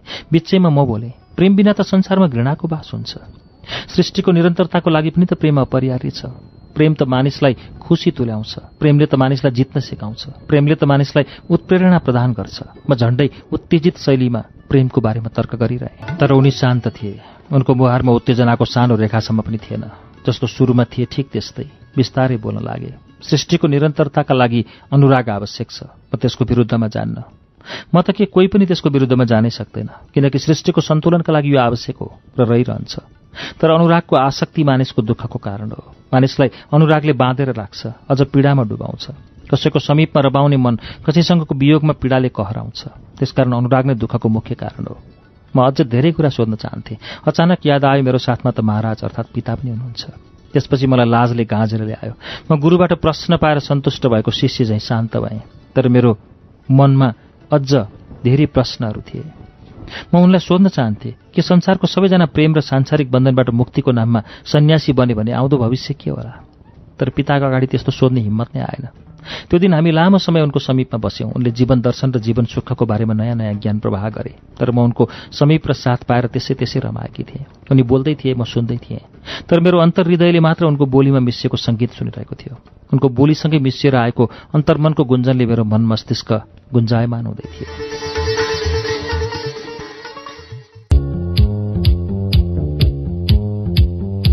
मालिका केसरीको उपन्यास सुवर्णलताको नौ श्रृङ्खला पृष्ठ दुई सय नौबाट। भौतिक सुविधाले भरिएको दरबारिया सुखशैल। सामाजिक उच्च मान सम्मान विशाल देशको विशिष्ट पद। यो आम मानिसका लागि मात्र कल्पना थियो तर मेरो नियमित दिनचर्या नै त्यही थियो। बाहिर हेर्दा मेरा हरेक इच्छा आकाङ्क्षा परिपूर्ण थिए तर मेरो अन्तर्हृदय घायल थियो कङ्गाल थियो। रात्रिकालीन विश्रामको समय सारा जगत मस्त निदमा हुन्थे तर म घनघोर तापले जलेर क्षत विक्षत हुन्थे। म कसैलाई मेरो मनको घाउ देखाउन आतुर थिएँ तर कसलाई? अन्तमा मनले नै निचोड निकाल्यो प्रिया भानु दुई महिना अगाडिकी प्रिया भानु र अहिलेकी प्रिया भानुमा धेरै फरक थियो। त्यो समय जतिखेर हाम्रो देशमा सन्यासीको आगमन भएको थिएन त्यो पलकी प्रिया भानु कति चञ्चली थिइन्। उनको त्यो उत्ताउलो हाँसो हरेक वस्तु र व्यक्तिलाई नकारात्मक व्यङ्ग्य गर्दै उल्याउने उनको बानी। उनी अक्सर अरिमर्दनको अभिनय गर्दै हँसाउँथिन्। यस्तो लाग्थ्यो उनी हाँसोको पोको हुन्। उनी जहाँ हुन्छन् त्यहाँ त्यो पोको फुत्किन्छ र त्यो पोकोभित्रको हाँसो छचल्किन्छ पोखिन्छ। त्यो बेला कि उनी र अहिले कि उनीमा आकाश जमिनको फरक थियो। चञ्चलेर हर पल हाँसिरहने उनी आज गम्भीर थिइन्। यसको मतलब यो होइन कि उनले हाँस्नै बिर्सिन्। उनी सदा पीरमा छिन् व्यङ्ग्यमा छिन्। यो कदापि होइन। जब उनले सन्यासीलाई भेटिन् त्यसपछि उनको मुहारको हाँसो अझ बढेको छ तर उत्ताउलो हाँसो होइन गम्भीर सौम्य र उच्च व्यक्तित्वको रूपमा। यस्तै प्रिया भानुलाई कि मैले मनको वेदना बाँड्नु युक्तिसङ्गत होला? तर उनीसँग नबाँडे कोसँग बाँड्ने? उनी बाहेक मेरो मनको कुरा सुन्ने अरू को होला? मैले मेरा वरपरका व्यक्तिको मुहार एक एक गरेर सम्झेँ। उनी मात्र त्यस्तै देखा परिन् जोसँग मैले मेरो बह साटफेर गर्न सक्छु। मैले प्रश्न गरेँ प्रिया भानु तिमीले कसैलाई प्रेम गरेकी छौ? उनले अनौठो नजरले मलाई हेरिन्। सायद मबाट यस्तो प्रश्नको अपेक्षा राखेकी थिएनन् होला। न त यसअघि मैले कहिल्यै प्रेम सम्बन्धी कुनै चर्चा नै गरेकी थिएँ। धेरै बेर मलाई हेरेपछि त्यही शान्त भावमा भनिन् पक्कै गरेकी छु। उनको जवाफले मलाई उत्साहित तुलायो। मैले पुनः प्रश्न गरेँ कसलाई? जबसम्म मैले जीवन बुझेकी थिइनँ त्यो बेलासम्म मैले हाम्रो सेनामा कार्यरत विजय अर्जुनलाई प्रेम गर्थेँ। जब ती महात्माले जीवनको गुह्य रहस्य प्रदर्शित गरिदिनु भयो त्यो पलदेखि सम्पूर्ण चराचरलाई प्रेम गर्छु। उनी भावुक देखिएन्। यो कस्तो परिवर्तन? किन राजकुमारी? आज अचानक यस्तो प्रश्न किन? म उनको प्रश्नले झस्किएँ। मुखबाट अनायास फुस्किएछ। म त सन्यासीको प्रेममा परेँ। खै मैले कुन आत्मविश्वासले त्यसो भन्ने थाहा छैन। जब सबै छरप्रष्ट पारेँ बल्ल पो मेरो होस आयो। प्रिया भानुले विस्मयकारी नजरले मलाई हेर्दै थिइन्। यस्तो लाग्यो। म त्यस्तो अनौठो वस्तु हुँ जसलाई उनले जीवनमा प्रथम पटक देखिरहेकी छ यस्तो के भन्नुभएको? यो कसरी सम्भव छ? कसरी यो पुरा हुन सक्छ? उनले त्यही भावमा प्रश्न गरिन्। मेरो आँखामा पलभरमै आँसुका बुँद छल्के। मैले रुवाई मिसिएको बोलीमा भने मलाई केही थाहा छैन यो सब कसरी भयो? किन भयो? कसले र कहाँ बनायो? मात्र मेरो हृदयको हरेक कुनामा उनी छन्। म सुत्दा बस्दा उठ्दा कल्पदा मेरो मानसपटलमा उनैको छवि नाचिरहन्छ। थाहा छैन यो पाप हो या पुण्य। मलाई यो पनि थाहा छैन म सही छु वा गलत? म रोइरहेँ उनी हेरिरहेन्। धेरैपछि मेरो दाहिने हत्केला उनको दुवै हत्केलाले कसिलो गरी समातेर मेरो मुहार हेर्दै उनले भनिन् यो के गर्नुभयो राजकुमारी हजुरले? यो के गर्नुभयो? अब के होला? त्यो दिन म मेरो मनको घाउलाई पखाल्ने कोसिस गर्दै अबेरसम्म रोइरहेँ। प्रिया भानुले मेरो घाउलाई शब्द र सान्त्वना मार्फत मलम लगाउने भरपूर कोसिस गरिरहेन्। बाहिरी आवरणमा बनेको घाउ पो मलम बनाएर निको हुन्छ त। यहाँ त घाउ भित्र थियो। धेरै भित्र जसको आकार अत्यन्त ठुलो थियो। त्यो घाउको मलम न प्रिया भानुसँग थियो न मसँग। थियो त केवल समयको रहस्यमय कालखण्डसँग जहाँ हामी बिस्तारै बढ्दै थियौँ। भोलिपल्ट म प्रिया भानुको बाटो हेरिरहेँ। उनलाई देख्न साथ म मेरो पलङबाट दौडेर ढोकामा पुगेँ जसरी सानी बालिका जन्मदातालाई देख्न साथ दौडन्छ। ठिक त्यसरी नै म दौडेँ। अनौठो म एक राजकुमारी र उनी एक सेविका। हामी आम्ने सामने भयौँ। न त म केही बोल्न सकेन उनी नै केही बोलिन्। धेरै पछि राजकुमारी के हजुर साँच्चीकै अडिक दृढ निश्चय हुनुहुन्छ? सम्पूर्ण समाज र देशले तपाईँलाई बहिष्कार गर्यो भने के गर्नुहुन्छ? म उनका लागि समाजको आडम्बर र पदको यो बोझ त के? यो मानव जीवन नै त्याग्न तयार छु। मैले यसो भनिरहँदा मेरा आँखामा कठोर सङ्कल्प सल्भ लागेको थियो। यदि त्यस्तो हो भने हामी भोलि महात्मालाई भेट गर्न जाउँ र सारा वृत्तान्त उहाँलाई सुनाऊ उनको कुराले मेरो शरीरमा विद्युत प्रवाह गरे जस्तो भयो। कता कताबाट भीषण कालो बादल उडेर आए जस्तो लाग्यो। कसैले मेरो दुवै गोडा समातेर हल्लाए जस्तो लाग्यो। यदि सन्यासीले मलाई अस्वीकार गर्यो भने नि मैले सशङ्कित भावमा भने। राजकुमारी हजुरको महात्माको बाणी राम्रोसँग बुझ्नु नै भएको रहेनछ। उहाँ भन्नुहुन्छ भविष्यको चिन्तामा वर्तमानलाई किन कष्टकार ठुलाउने? भोलि जे हुनु छ त्यो भएरै छोड्छ। उहाँको जन्म मानव खुसीका लागि भएको हो भने उहाँले कसरी हजुरलाई मात्र दुःखी तुल्याउनु होला र? उहाँ सबैको भलो चाहनुहुन्छ उनको बोलीमा अनौठो आत्मविश्वास थियो। मैले मेरो गलामा लगाइरहेको हार फुकालेर उनलाई दिँदै भने यो उपहार तिमीलाई उनी त्यही शान्त भावमा बोलिन् राजकुमारी रिसानी माफ होस् म यो हार स्वीकार गर्न सक्दिनँ किनकि मलाई यो आवश्यकै छैन। मैले सिकिसकेँ मानव यस्ता निर्जीव पत्थरले सिगारिँदैन। मानव श्रृङ्गार त मनको निर्मलता हो। मनको निर्मलता र स्वच्छताले मात्र मानव सुन्दर हुन्छ। बरु यो हार अनितालाई प्रदान गर्नुभएको हुन्छ उनको छोरो बिरामी छ। यसलाई बेचेर उनले छोराको उपचार गर्न सक्छिन्। उनी बाहिर निस्किन्। सायद अनिताको खोजीमा निस्केकी होलिन् म अझ अनौठो मानेर उनलाई हेरिरहेँ। यो कस्तो परिवर्तन? यो कस्तो त्याग? कस्तो मोहभङ्ग? मनले मनलाई नै प्रश्न गर्यो ए सन्यासी तिमी को हौ? कसरी मानिसमा त्यस्तो त्यागको बिउ अङ्कुराउन सक्छौ? तिम्रो मात्र दुई शब्दले मानिसमा जन्मजात पैदा हुने लोभ लालसा मोह कसरी पलभरमै भङ्ग हुन सक्छ? मानव मन अनौठो हुँदो रहेछ। जुन मानिससँग सारा जीवन बिताउने रहर पलाएको छ जसको साथ प्राप्तिका लागि सारा संसारसँग युद्ध गर्न मन तत्पर छ फेरि त्यही मानिसको समीप जानका लागि मन किन डराउँछ? खै मेरो मनोदशा पनि के हो? हिजो हामीले निर्णय गरेका थियौँ। आज सन्यासीलाई भेटेर मेरो मनको घाउ देखाउने। हामी दुवै विश्वस्त थियौँ। सारा जगतको कल्याण गर्छु भन्ने सन्यासीले मलाई मात्र कसरी अन्याय गर्लान् सारा जगतलाई सुखको पथ प्रदर्शन गर्ने सन्यासीले मलाई मात्र कसरी अन्धकार र दुःखको मार्ग प्रदर्शित गर्लान् उनी महान छन्। कतिखेर प्रिया भानु आउलिन् र हामी उनलाई भेट्न जान्छौँ। म डर र उत्साहले व्याकुल भएँ। छटपटाउँदै उनलाई कुरिरहेँ। अचानक आकाशले आफ्नो रूप फेर्यो। खै कहाँबाट आएर कालो बादलले सम्पूर्ण आकाश छोपियो? हेर्दा हेर्दै घनघोर पानी बर्सन थाल्यो। म झन् व्याकुल भएँ। लाग्यो मेरो र सन्यासीको मिलनको विरुद्धमा केही अदृश्य शक्ति लागेको छ।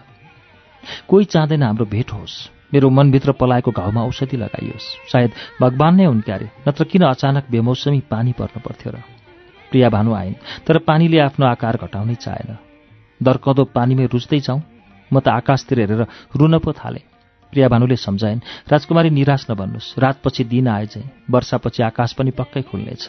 तर म सम्हालि नै सकिनँ। मेरो अधैर्य मन अझ अत्तालिरह्यो अझ अस्थिर बन्यो। त्यो दिनभरि नै पानी परिरह्यो। रातमा हावा अझ त्रसित तुल्यायो। मानिसहरू भन्दै थिए जन्मेदेखि आजसम्म यस्तो हावाहुरी छै त्यति ठुलो वर्षा भएको थिएन। त्यो पनि बेमौसममा। पक्कै पनि यो अनिष्टको सङ्केत हो। सबै दासदासीहरू भयले अँध्यारो मुख लगाएका थिए। मैले सोचेँ कतै यो प्रलयको कारण म त होइन। मैले झ्यालबाट आकाश निहालेँ। वर्षिएका पानीका थोपाहरूले झ्यालभित्र आएर मेरो केश राशि र आधा आधी जिउ भिजायो मैले एकनाश हेरिरहेँ। मलाई प्रकृतिको यो रौद्र रूप देखेर रिस पनि उठ्यो। मैले आफूलाई रोक्न सकिनँ ठुलो आवाज निकालेर भने हे देवी देवता हो यो आक्रोश मप्रति हो भने मलाई तिम्रो आक्रोश स्वीकार छ। म गलत छैन। मैले गरेको प्रेम तिम्रो सृष्टिको निरन्तरता मात्रै हो। मेरो प्रेमको स्वरूप मूर्त छ। होइन भने मेरो सम्मुख आएर मसँग वाद विवाद गर। म तिम्रो तर्कको खण्डन गर्न सक्छु। म जोड जोडले चिच्चाइरहेँ तर त्यो भीषण पानी र आकाशको भयानक गडगडाहट ध्वनिमा मेरो चित्कार भगवान्सम्म पुग्यो वा पुगेन। मैले केही बुझिनँ। जब मैले मेरो शिरलाई च्यालबाट भित्र मोडेँ प्रिया भानु अनौठो नजरले मलाई हेरिरहेकी थिइन्। यस्तो लाग्थ्यो। उनको त्यो सुन्त सुन्दर शान्त मुहारले हजारौं शब्दहरू ओकलिरहेको छ मलाई भनिरहेको छ राजकुमारी हजुरको विजय हुन्छ हजुरले सारा पाउनुहुन्छ। सत्य र विश्वास कहिले डगमगाउनै सक्दैन। भोलिपल्ट झिसमेसे बिहानी हुनुभन्दा करिब दुई घडी अगाडि सबै शान्त भयो। यस्तो लाग्थ्यो। हिजोको त्यो भयानक वर्षात भएकै छैन। आकाश निर्मल देखियो। हावाको बहाव शान्त भयो। म अधीर भएँ। सोचेँ कसरी उनलाई मेरो मनको बह व्यक्त गरौँ? कसरी भनौँ ए सारा त्यागेर हिँडेका सन्यासी आऊ मेरो जीवनमा आऊ मेरो अँगालोमा आऊ हामी मायाको सागरमा डुबौँ आऊ हामी घरजम गरौँ। म पनि कस्ती यो सारा संसारमा त्यस्तो व्यक्तिलाई मन पराएँ जो सम्पूर्ण त्यागेर हिँडेको छ। के मैले कुनै पुरुष पाइनँ? फेरि मनले तर्कना गर्यो जसरी पत्थरै पत्थरले भरिएको पृथ्वीमा त्यही पत्थर मात्र मानव देहमा सजिन्छ जसमा विशेष गुण हुन्छ। म मेरो विशेष पत्थर रूपी सन्यासीलाई मेरो देहमा मात्र होइन अन्तर हृदयमा सजाउन चाहन्छु। प्रिया भानु आइन्। मैले धेरैपछि आज प्रिया भानुको मुहारमा चिन्ताको रेखा कोरिएको महसुस गरेँ। राजकुमारी सवारीको तयारी गर्ने कि? प्रिया भानुले मेरो मुहारमा हेर्दै प्रश्न गरे। उनको प्रश्नले म भयभीत पाएँ मेरो अगाडि दर्पण भएको भए। दर्पणमा मेरो मुहार सदा देखिने भन्दा पक्कै भिन्न देखिन्थ्यो होला। मैले लज्जा र शङ्का मिश्रित आवाजमा प्रश्न गरेँ उहाँले मलाई स्वीकार्नु होला त? मैले उनको मुहारमा उत्तर खोज्दै हेरिरहेँ। उनले मलाई टिठलाग्दो नजरले एक तमासले हेर्दै जवाफ दिइन् राजकुमारी हामीले जस्तो सोध्छौँ त्यही परिणाम बन्छ। यदि हामीले राम्रो र सफल हुने सोध्छौँ भने हामी अवश्य सफल हुन्छौँ। यदि हामी असफल हुने सोचेर कार्य गर्छौँ भने पक्कै असफल हुन्छौँ। त्यसैले हाम्रो सफलता र असफलता दुवै हाम्रो विचारमा निर्भर छ। हामीले सदैव राम्रो विचार राख्नुपर्छ। हामी अवश्य नै सफल हुन्छौँ। उनको कुरा सुनेपछि पलभरका लागि डरको स्थानमा मधुर परिकल्पना नाच्न थाल्यो। राजकुमारी अब हामी निस्कने कि? प्रिया भानुको पुनः प्रश्नले मेरो कल्पनाको संसार पलभरमै भत्केर गयो। आज म मेरो राजकुमारलाई भन्नेछु ए मेरा हृदयका राजकुमार संसारको सबैभन्दा शक्तिशाली राज्यकी राजकुमारी सुवर्णलता तिम्रो दासी बनेकी छे। यो दासीलाई स्वीकार गर। करिब आधी घण्टा त्रासले भरिएको पाइला चालेपछि क्षितिजमा देखियो सन्यासीको आश्रम। अनौठो आज उनी एक्लै थिए ध्यानमा लिइन् उनको सम्मुख सदा घेरिरहने उनका अनुयायी कोही थिएनन्। उनीहरू भिक्षाटनका लागि नजिकैको गाउँमा गएका होलान् भन्ने हामीले अनुमान लगायौँ। मेरा आँखा उनै सन्यासीमा अडिएका थिए। गहन ध्यान मुद्रा दुवै आँखा चिम्लिएका हातलाई कमलको फूल झैँ फैलाएर राखिएको। लामो श्वास फेर्दै अनन्तमा विचरण गरिरहेको त्यो अवस्थालाई मैले हेरिरहेँ। धेरैपछि उनले नयनको पर्दा उगारे। हामीलाई देख्नासाथ सदा चाहिँ मुस्कुराउँदै भने राजकुमारी आसन ग्रहण गर्नुहोस्। म त उनलाई हेरेर खै कहाँ हराइरहेकी थिएँ कुन्नी। उनको आग्रहलाई बुझ्न नसकेर त्यसै उभिरहेछु। प्रिया भानुले नै मेरो नाडीमा समातेर आसनतर्फ लगिन्। आज तपाईँ दुईको मात्र सवारी? बल्ल मेरो होस फर्कियो। हो त हामी कुनै अङ्गरक्षक बिना निस्केका थियौँ। के भन्नु होला महाराजले? प्रिया भानुले नै जवाफ दिइन्। समस्या नै यस्तो थियो जो एकान्तमा गर्नुपर्थ्यो। सायद परिस्थितिले पनि हाम्रो साथ दिएको होला। आज कोही सज्जनहरू यहाँ हुनुहुन्न। उनीहरू भिक्षाटनका लागि गएका छन्। फर्केर आउन अझै केही समय लाग्छ होला। उनले घायल बनाउने नजरले हेर्दै मलाई भने मलाई सम्हालिनै गाह्रो भयो। यति असहज त मैले यसअघि कहिले महसुसै गरेको थिएन। उनले मेरो मुहारलाई एक तमास हेरेर भन्न लागे। अँ त समस्याको कुरा गर्दै हुनुहुन्थ्यो। यदि मैले त्यो समस्या समाधानको उपाय पत्ता लगाउन सफल भएँ भने मैले आफूलाई धन्य मान्नेछु। प्रिया भानुले मेरो मुहारमा हेरिन्। सायद उनी चाहन्थिन् मेरो समस्याको पोको मेरो रहरको पोको म स्वयंले नै फुकाउँ तर मेरो मुख सुकेको थियो। मेरो मनोदशा बुझेर होला प्रिया भानुले नै कुरा अगाडि बढाउन थालिन्। महात्मा हाम्री राजकुमारी कैयौँ महिनादेखि अनौठो रोगको शिकार हुनुभएको छ। न दिनमा शान्ति छ न रातमा निद। मानिसको बीचमा मन बाँधिँदैन एकान्तमा मन रमाउँदैन। हरेक शून्य दिशामा एक मानव आकृति सलबलाउँछ। मानव आकृति मुस्कुराउँछ। उसको समीपमा मात्र केही मन रमाउँछ। त्यसैले महात्मा हाम्री राजकुमारीलाई यो रोगबाट मुक्ति तुलाइदिनु पर्यो। सन्यासीले एकपटक फेरि मलाई शिरदेखि पाउसम्म हेर्नुभयो। उहाँको नजर मेरो शरीरमा जुन जुन अङ्गमा पुग्यो त्यो अङ्ग लाजले तत्काल पानी पानी भएको महसुस गरे। उनले मलाई केही बेर हेरेपछि मुस्कुराउँदै भने यो रोग त हरेक सांसारिक व्यक्तिलाई युवा अवस्थामा लाग्ने रोग हो प्राकृतिक छ। महात्मा उहाँले यो रोगको निदानको लागि सक्दो कोसिस गर्नुभयो। कैयौँ रात जागराम बस्नुभयो कहिले एक्लै रुनुभयो कहिले एक्लै हाँस्नुभयो। यदि यस्तै अवस्था रहने हो भने राजकुमारीले कहिल्यै फिर्ता नहुने गरी आफ्नो चेत गुमाउनुहुन्छ। भनिन्छ संसारमा कहीँ कतै नभएको समाधान हजुरसँग छ अरे कसैले सुल्झाउन नसकेको गुत्ती हजुरले सुल्झाउनुहुन्छ अरे हामी हजुरको चरणमा आएका छौँ। हाम्रो जालन्धरको भविष्य बचाइदिनु पर्यो महात्मा किनकि यो देशको समृद्धि यो देशको उत्थान उहाँको समृद्धि र उहाँको भलोमा नै अडेको छ। यदि उहाँ नै कुशल रहनु भएन भने यी कोटी कोटी मानवको के अवस्था होला? यो विशाल देशको भविष्य कसरी सुनिश्चित रहला? प्रिया भानुले सन्यासीलाई मेरो सम्पूर्ण मनोदशा बताए। मेरो मुटु ढक्क फुल्यो। अब सन्यासीले के भन्ने हुन्? अनौठो। उहाँ त आज सदाभन्दा भिन्न हाँसो हाँस्नुभयो। उत्ताउलो र व्यङ्ग्यले भरिएको हाँसो त होइन तर त्यो हाँसो आम हाँसोभन्दा पक्कै फरक थियो। म भने उहाँको हाँसोमा नै आफूलाई प्रवाहित गरिरहेकी थिएँ। कति मिठो हाँसो। यदि मिल्ने भए त्यो हाँसो जम्मै मेरो आँचलमा थापेर बलियो सन्दुकभित्र सदा सदाका लागि थुनौ जस्तो। भनेपछि राजकुमारी कसैको गहिरो प्रेम पासमा पर्नुभयो। उहाँले यसो भन्दा फेरि त्यही हाँसो उनको मुहारमा दौडियो। उनका ती शब्दहरू मेरो शरीरमा स्थिर बसेको रक्तलाई चलायमान बनाउन पर्याप्त थिए। मनले लामो सुस्केर हारेर भन्यो हे मेरा देव यसरी हाँसेर मलाई अझ पीडित घायल नबनाउनुहोस्। तपाईँ नै यसरी हाँसिदिनु भयो भने म त प्राण त्याग नहुँदै अग्निमा जले समान हुन्छु। मलाई यो अवस्थामा ल्याउने हजुर नै हो। यस अर्थमा मैले भोगिरहेको सम्पूर्ण पीडाको जिम्मेवार हजुर नै हो। तर मुखबाट बिस्तारै फुस्कियो। के कसैप्रति प्रेम दर्शाउनु पाप कर्म हो र? पाप हो म भन्दिनँ पुण्य हो पनि भन्दिनँ। मात्र यति भन्छु कसैप्रतिको आसक्ति कसैप्रतिको मोह दुःखको कारण हो बन्धनको परिधि हो जिउनुको हदबन्दी हो। उनले यसो भनिरहँदा उनको मुहार गम्भीर देखिएको थियो। मेरो सम्पूर्ण डर हटिसकेको हुनुपर्छ वा मलाई अन्तर्हृदयमा उब्जेको प्रेमले शक्ति प्रदान गरेको हुनुपर्छ। म त निसङ्कोच बोल्न थालेँ। यदि मोह र माया दुःखको कारण हो भने प्रकृतिको सञ्चालन नै अस्तव्यस्त हुनुपर्ने। कसै गरी फूलप्रति मौरीको मोह पृथ्वीप्रति सूर्यको मोह आकाशप्रति पवनको मोह भङ्ग भयो भने के यो प्रकृतिको अस्तित्व सम्भव होला त? त्यसकारण प्रेम दुःखको कारण हो भन्ने मान्न म तयार छैन। उहाँले गम्भीर तर मृदु मुस्कानका साथ भन्नुभयो हरेक वस्तुको सीमा हुन्छ। संसारमा जतिसुकै वर्षा किन नहोस् समुद्रको सतह सदा एउटै रहन्छ। त्यही नै समयको सीमा हो। सम्पूर्ण जीव एवं चराचरमा निश्चित सीमा र नियम लगाइएको हुन्छ। त्यही सीमा र नियम नै प्रकृति हो। सम्पूर्ण चराचर त्यस नियममा बस्नुपर्छ। तर मानिसले मन र दिमागको प्रयोग गरेर त्यो सीमा रेखालाई नै लत्याइदिन्छ। लोभ मोह ईर्ष्या र आसक्तिमा डुबेर आफूलाई दुःखी तुलाइरहेको हुन्छ। यसकारण सीमाभित्र रहनु चाहे जो खुसी हो। त्यो परिधिभन्दा बाहिरको चञ्चलता दुःखको कारण हो। अब म के भनौँ? उहाँले त मेरो अनुरागको आधारलाई चञ्चलता र उच्छृङ्खलतामा लगेर जोडिदिनु भयो के म वास्तवमै चञ्चल भएकी हुँ?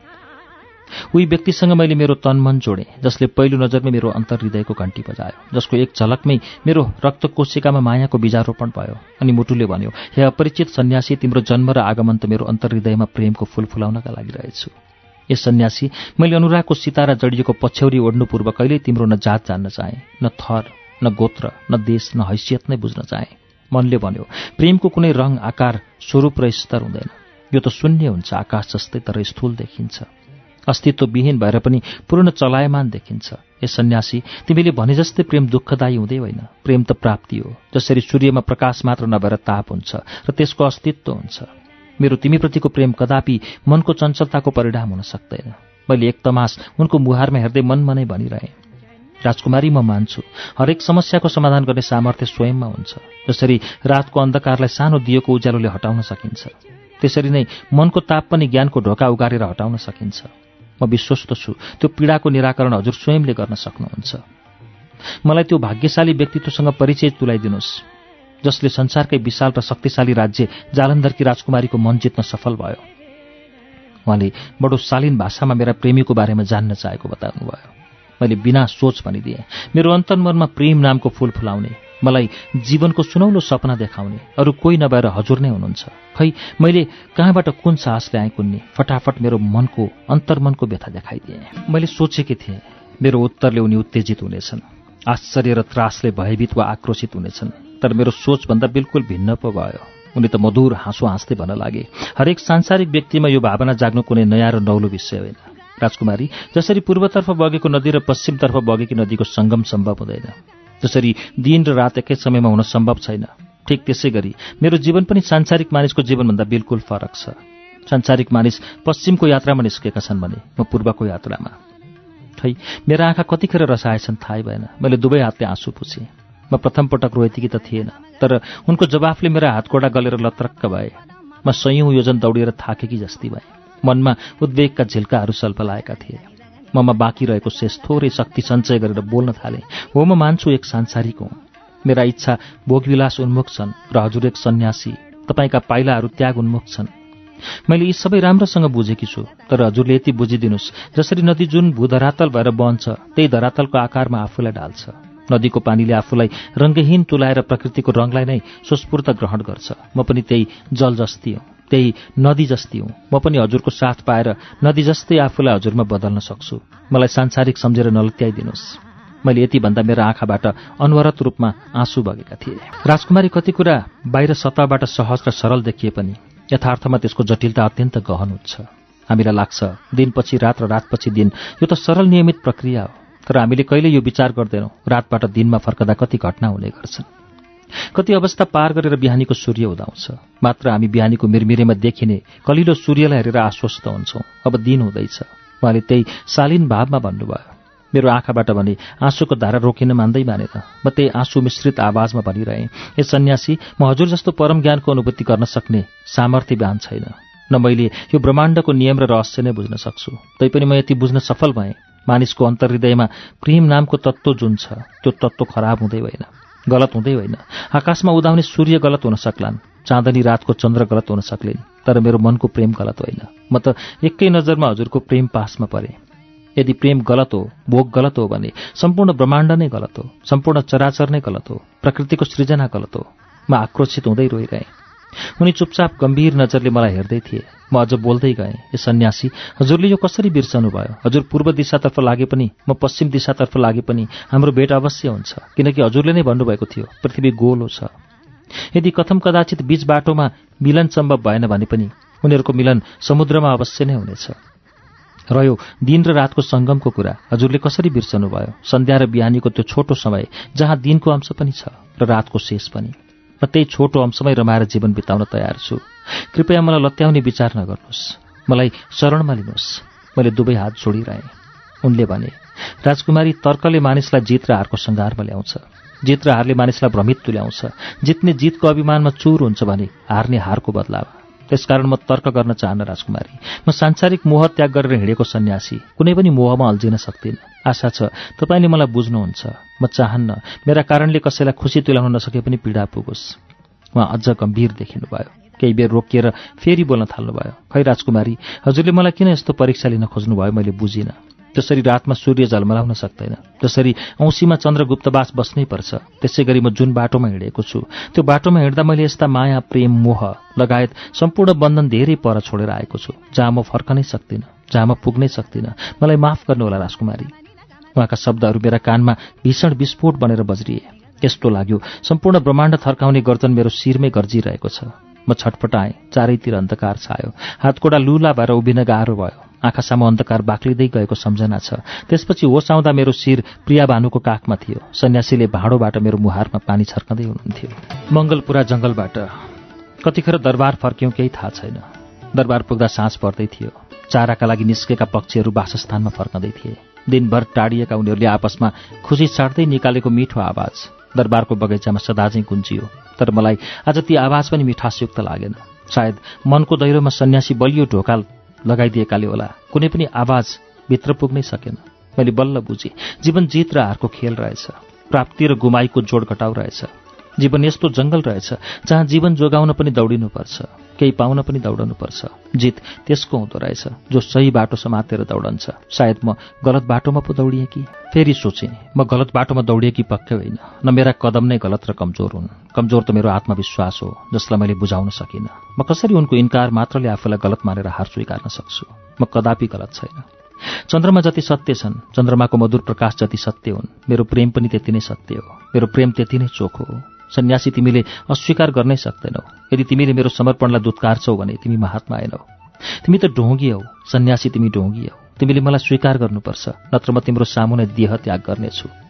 त्यो रातमा रोइरहेँ। प्रिया भानुले मलाई सख्त सम्झाउने कोसिस गरिरहेन् तर मेरो मन शान्त हुनै सकेन। म राजकुमारी थिएँ देशको भावी साम्राज्ञी देश सञ्चालनका लागि आइपर्न सक्ने कैयौँ युद्ध र दण्डको उद्घोष गर्नु थियो। एक महान राजनायक बनेर देशलाई समृद्ध र जनतालाई खुसी तुल्याउने थियो। त्यो बाहेक पनि मेरो अर्को अस्तित्व एवं परिचय थियो। म एक नारी थिएँ। मेरो पनि आम नारीमा झैँ चाहना थियो। मेरो पनि मन थियो। मेरो मनमा अन्जानमै प्रेमको आँकुरा पलाएको थियो।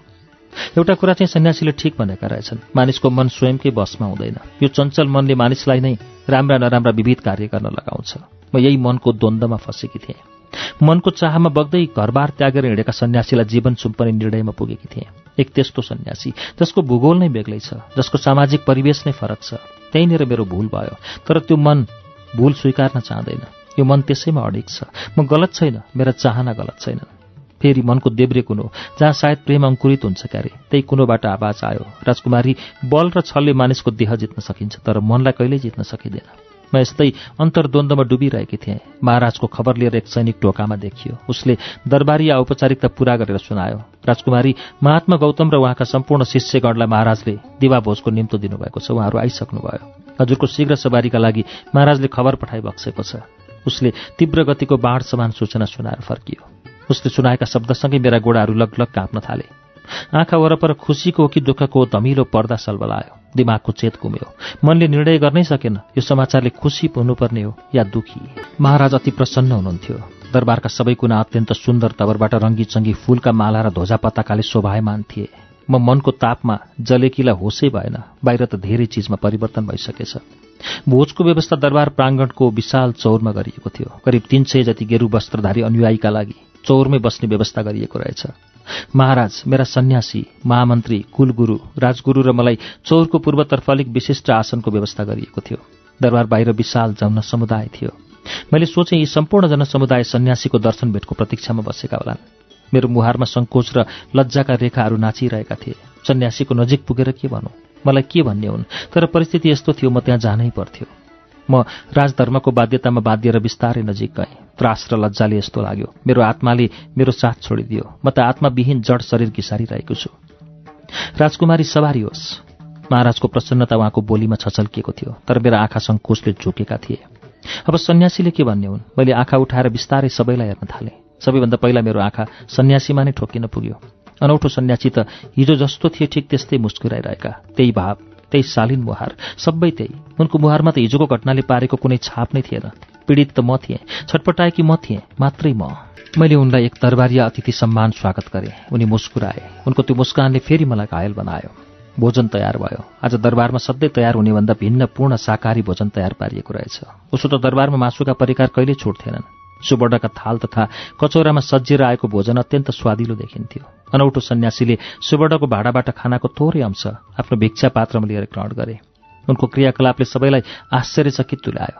राजगुरुले व्यङ्ग्य गर्दै भन्नुभयो महात्मा सिद्धार्थ हजुरले त चौरासी व्यञ्जनको ग्रहण पनि भिक्षामा प्राप्त भएको तुच्छ भोजन सम्मान ग्रहण गर्नुभयो यति भनेर राजगुरु हाँस्नुभयो। व्यङ्ग्य अनि घृणा मिश्रित आँसु उनले उही शान्त भावमा भन्नुभयो होइन राजगुरु मैले चौरासी व्यञ्जनलाई भिक्षा समान होइन भिक्षालाई चौरासी व्यञ्जनमा परिणत गरेर ग्रहण गर्छु।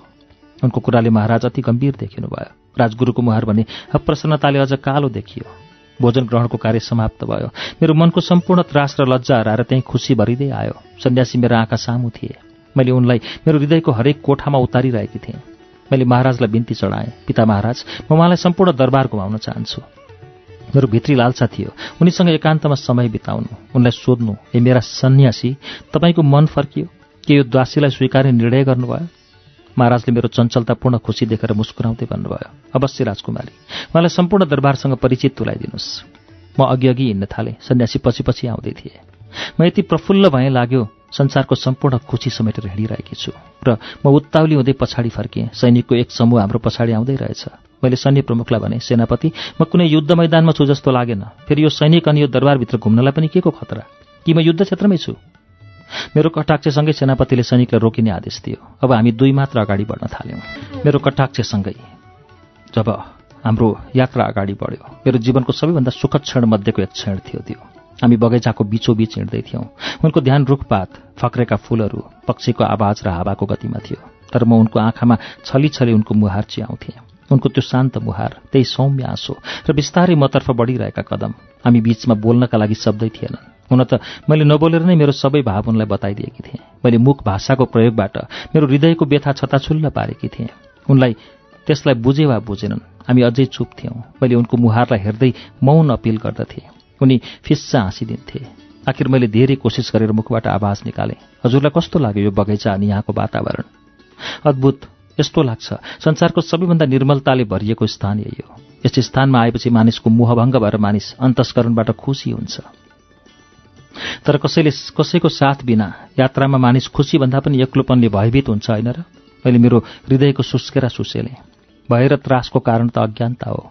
यही अज्ञानताले हामीलाई खुसीको स्थानमा पीडा र सुखको स्थानमा त्रास दिन्छ उनले भए। त्यसो भए मानिसलाई ज्ञान प्राप्ति कसरी हुन्छ त? मैले एक शिष्यले गुरुलाई प्रश्न गरे चाहिँ एकपछि अर्को प्रश्न गरिरहेँ। ज्ञान प्राप्तिको मार्ग सहज छैन तर असम्भव पनि छैन। जब ज्ञानको ढोका खुल्छ तब खुसी नै खुसीसँग हाम्रो साक्षात्कार हुन्छ उनले भने। मैले पनि त्यही खुसी र ज्ञानको ढोका उगार्नका लागि हजुरको साथ मागेकी हुँ। मेरो अर्धचेत मनले मनको कुरा भनी छाड्यो। उहाँ अनौठो तरिकाले हाँस्नुभयो। धेरै पछि राजकुमारी हजुरले मेरो साथ माग्नु भएको पक्कै हो। त्यो साथलाई मैले अस्वीकार गरेको छैन। यस संसारका हरेक प्राणी मेरो ज्ञान प्राप्तिका हकदार हुन्। मैले मेरो ज्ञानको ढोका कसैका लागि बन्द गर्दिनँ। मेरा लागि कोही पनि नजिक वा टाढा छैनन्। तर हजुरले मसँग जुन फरक साथको उपेक्षा गर्नुभयो जुन आशा मबाट खोज्नुभयो त्यसको लागि म असमर्थ छु। मैले संसार र परिवेशलाई दुःखको संसार मोहको संसार पीडाको संसार भन्ने चिने। त्यही पलबाट म ती सम्पूर्ण तत्त्वलाई यथास्थानमा छाडेर अगाडि आएँ। हजुरले मलाई पुनः उक्त संसारमा फर्कनका लागि निम्तो दिँदै हुनुहुन्छ। म कसरी त्यता फर्कन सक्छु र? समयले मलाई धेरै पर पुऱ्याइसकेको छ। उनले बिना उत्तेजना सदा चाहिँ उही शान्त भावमा भने खै कहाँबाट ममा बुद्धि आएको नि? मैले त तर्क पो प्रस्तुत गर्न लागेँ। पानी जुन नदीबाट बगे पनि पुग्ने महासागरमा हो। सूर्यको तापले त्यो पानी बादल बनी गगनमा विचरण गर्दै पुनः पृथ्वीमा नै वर्षन्छ मैले मेरो अठोटलाई अझ दृढ तुलाउँदै उनीसँग तर्क प्रस्तुत गरेँ। राजकुमारी मैले पहिला पनि भनेको छु तर्कले मानिसलाई युद्धतर्फ प्रेरित गर्छ किनकि तर्कमा जित र हारको कुरा आउँछ उनले कुरालाई नयाँ दिशातर्फ मोड्न खोजे। राजकुमारी म त पहिल्यै हारिसकेको छु। उहाँले मलाई हेर्दै भन्नुभयो तपाईँले के हार्नुभएको छ? मैले हतार हतार प्रश्न गरेँ। मैले मेरो ईर्षा हारेँ रिस हारेँ लोभ हारेँ सांसारिक मोह हारेँ। साँच्चैको यसो भनिरहँदा उहाँको मुहार शान्त थियो न कुनै रिस न अंशभरको उत्तेजना। म केही बोल्नेवाला थिएँ महाराजको बोलावटले म जससँग भए। राजकुमारी हजुर कता हराउनु भयो जालन्धरीका प्रजा महात्माको दिव्यबाडी सुन्न जम्मा भएका छन्। त्यसैले म नै आएँ। महाराजले दुवै हात जोडेर सन्यासीलाई नमन गरिरहनु भएको थियो। मलाई महाराजसँग रिस उठ्यो।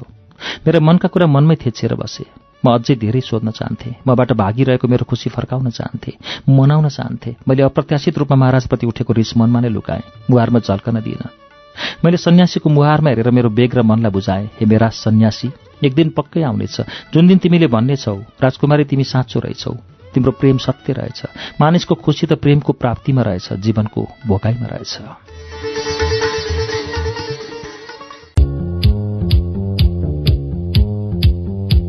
मालिका केसरीको उपन्यास सुवर्णलता दशौं श्रृङ्खला वाचन गरेर सुनाउँछु पृष्ठ दुई सय तेत्तीसबाट।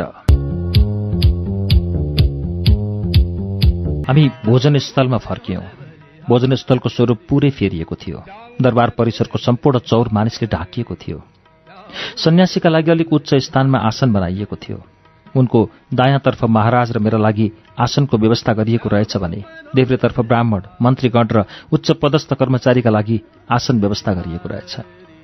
उनको सम्मुखमा थिए विशाल जनसागर र उनका अनुयायीहरू। जब सबैको नजर सन्यासीमा पर्यो सम्पूर्ण जनसागरले बडो श्रद्धाका साथ उठेर नमन गरे। उनले दुवै हात उठाएर मुखबाट के भनेको नि त्यो बुझिएन। उनी पलेटी कसेर धेरै बेर केही नबोली बसे।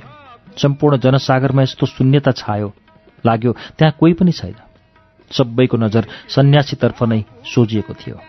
त्यही क्षण त्यस्तै शून्यता रहिरह्यो फेरि एकजना मानिस उठेर बोल्न थाल्यो। महात्मा हजुरले परम ज्ञान प्राप्ति र सुखको मार्ग ध्यान मार्ग हो। ध्यान साधनाबाट नै ज्ञानको सम्मुख पुग्न सकिन्छ भन्नुहुन्छ। हजुरले ध्यान साधनाबाट के प्राप्त गर्नुभयो? मैले केही पनि प्राप्त गरिनँ। बरु मसँग भएका धेरै चिज गुमाएँ। सन्यासीले तत्कालै उत्तर दिनुभयो।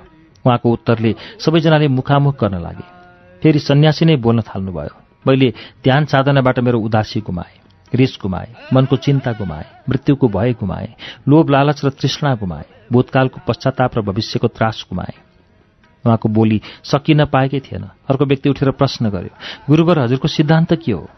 सन्यासीले त्यही व्यक्तिलाई पुनः प्रश्न गर्नुभयो सिद्धान्त भनेको के हो? उक्त व्यक्तिले जवाफ दियो कुनै पथ वा धारणा जसलाई विश्वास गरिन्छ त्यही नै सिद्धान्त हो। कुनै विश्वासप्रतिको अविश्वास सिद्धान्त हो कि होइन? सन्यासीले पुनः प्रश्न गर्नुभयो। सिद्धान्त त विश्वासको हुन्छ। कुनै विषयप्रतिको अविश्वास त कसरी सिद्धान्त हुन सक्छ र? उसले प्रश्न र उत्तर एकसाथ दियो।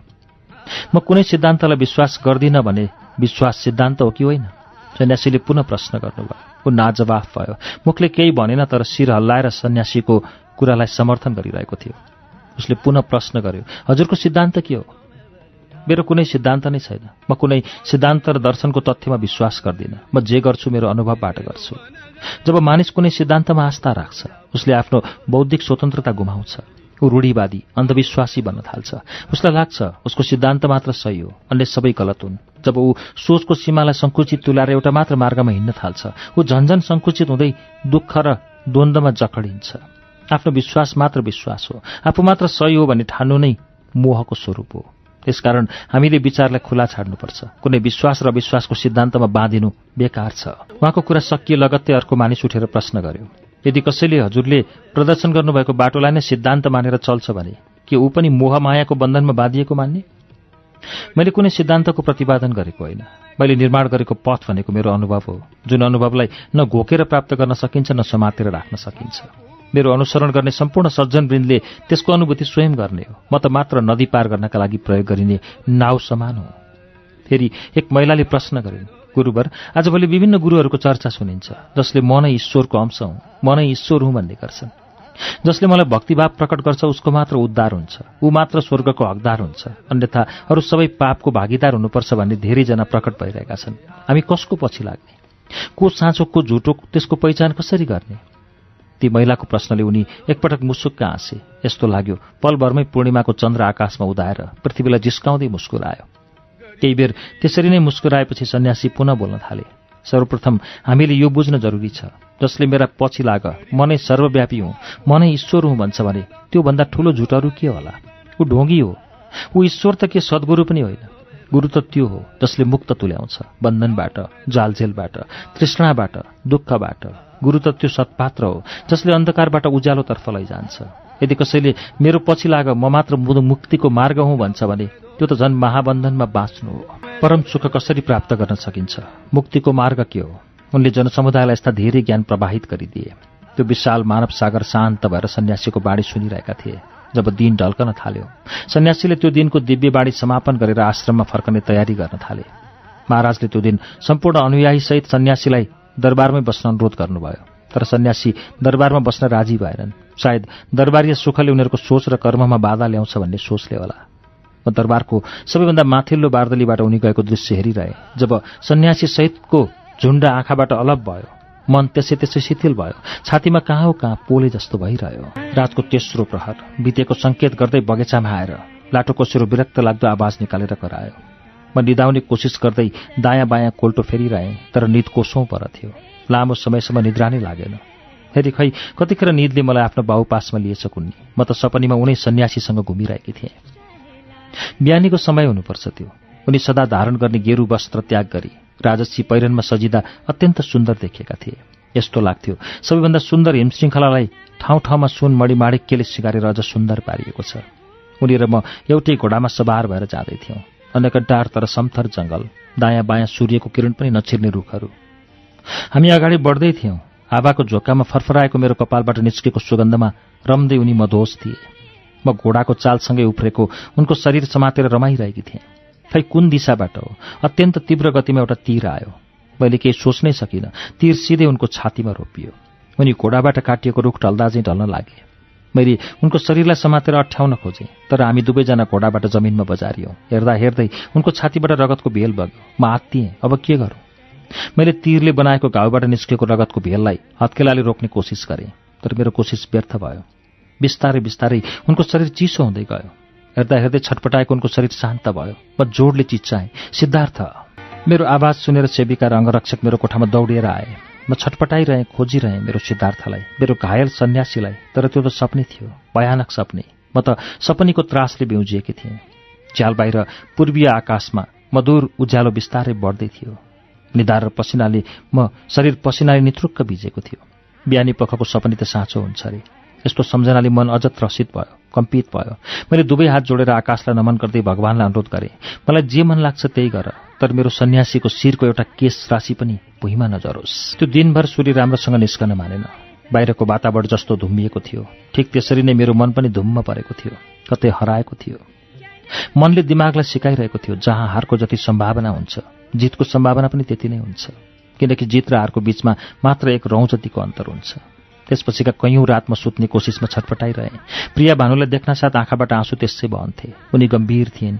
मेरा आँसुलाई उनका आँसुले साथ दिन्थे तर गर्न सक्ने केही थिएन। हामी दुवैले स्वयंको आँसु पुछेर रुन्ची आँसु हाँस्थ्यौँ हामी अब एक राजकुमारी र सेविका भन्दा पनि अत्यन्त घनिष्ठ सङ्गी बनेका थियौँ।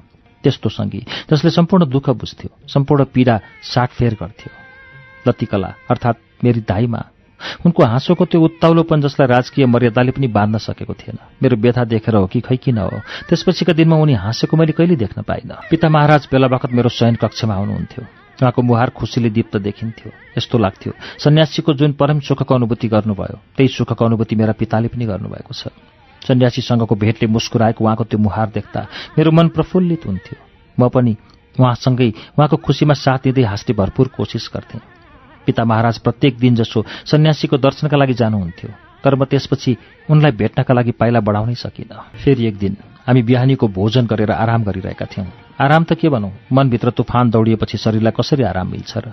तैपनि शरीर सुस्ताएको थियो भन्नु उपयुक्त होला।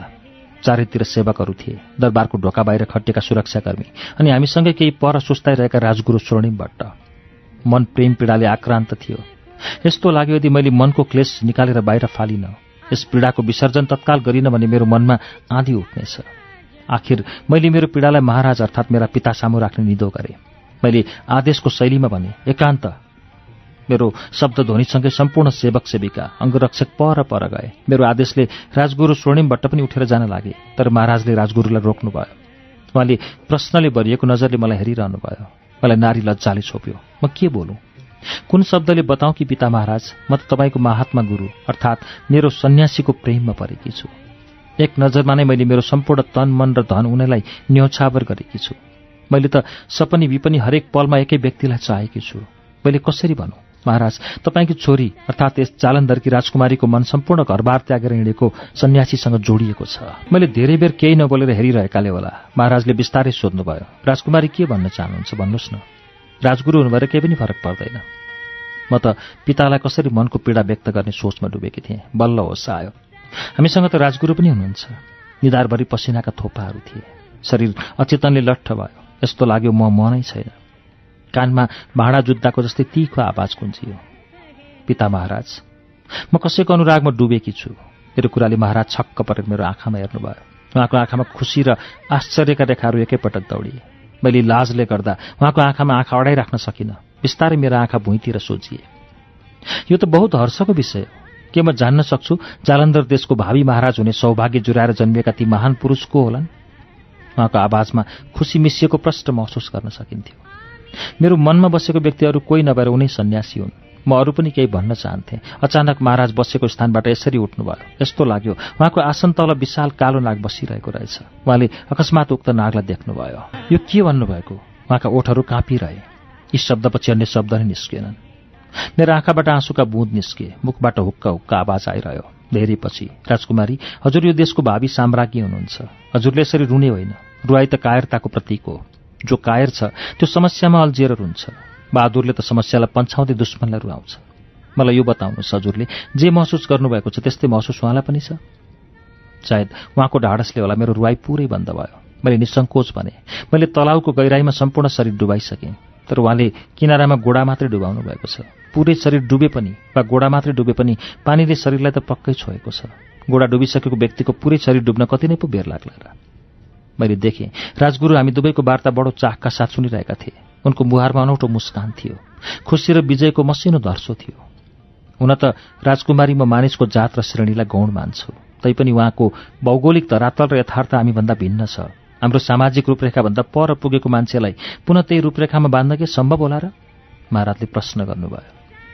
म के भन्नु पिता महाराज? यो मन पनि अचम्मको हुँदो रहेछ। जसको कुनै स्वरूप आकार र रूप हुँदैन। त्यही मनको सबैभन्दा भित्री भागमा सन्यासी विराजमान भएर बसिदिए।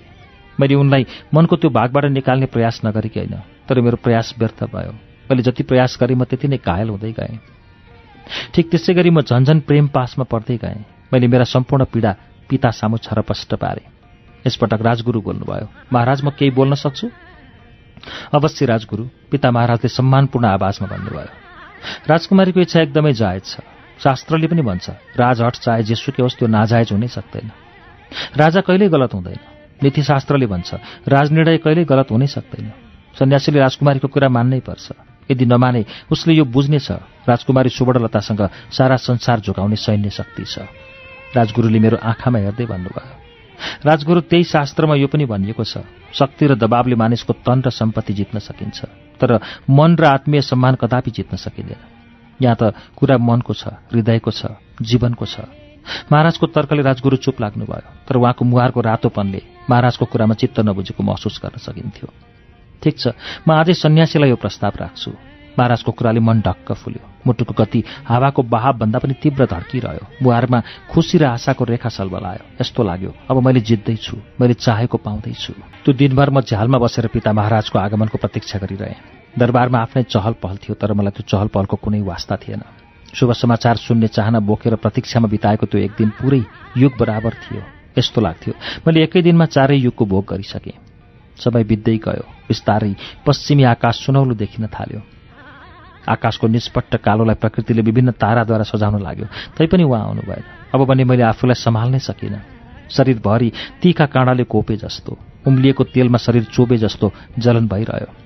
अन्तमा प्रतीक्षाको घडी समाप्त भयो। पहिले अनुमान लगाएँ टाढाबाट आइरहेको रथ घोडाको हुल पक्कै पिताकै हुनुपर्छ।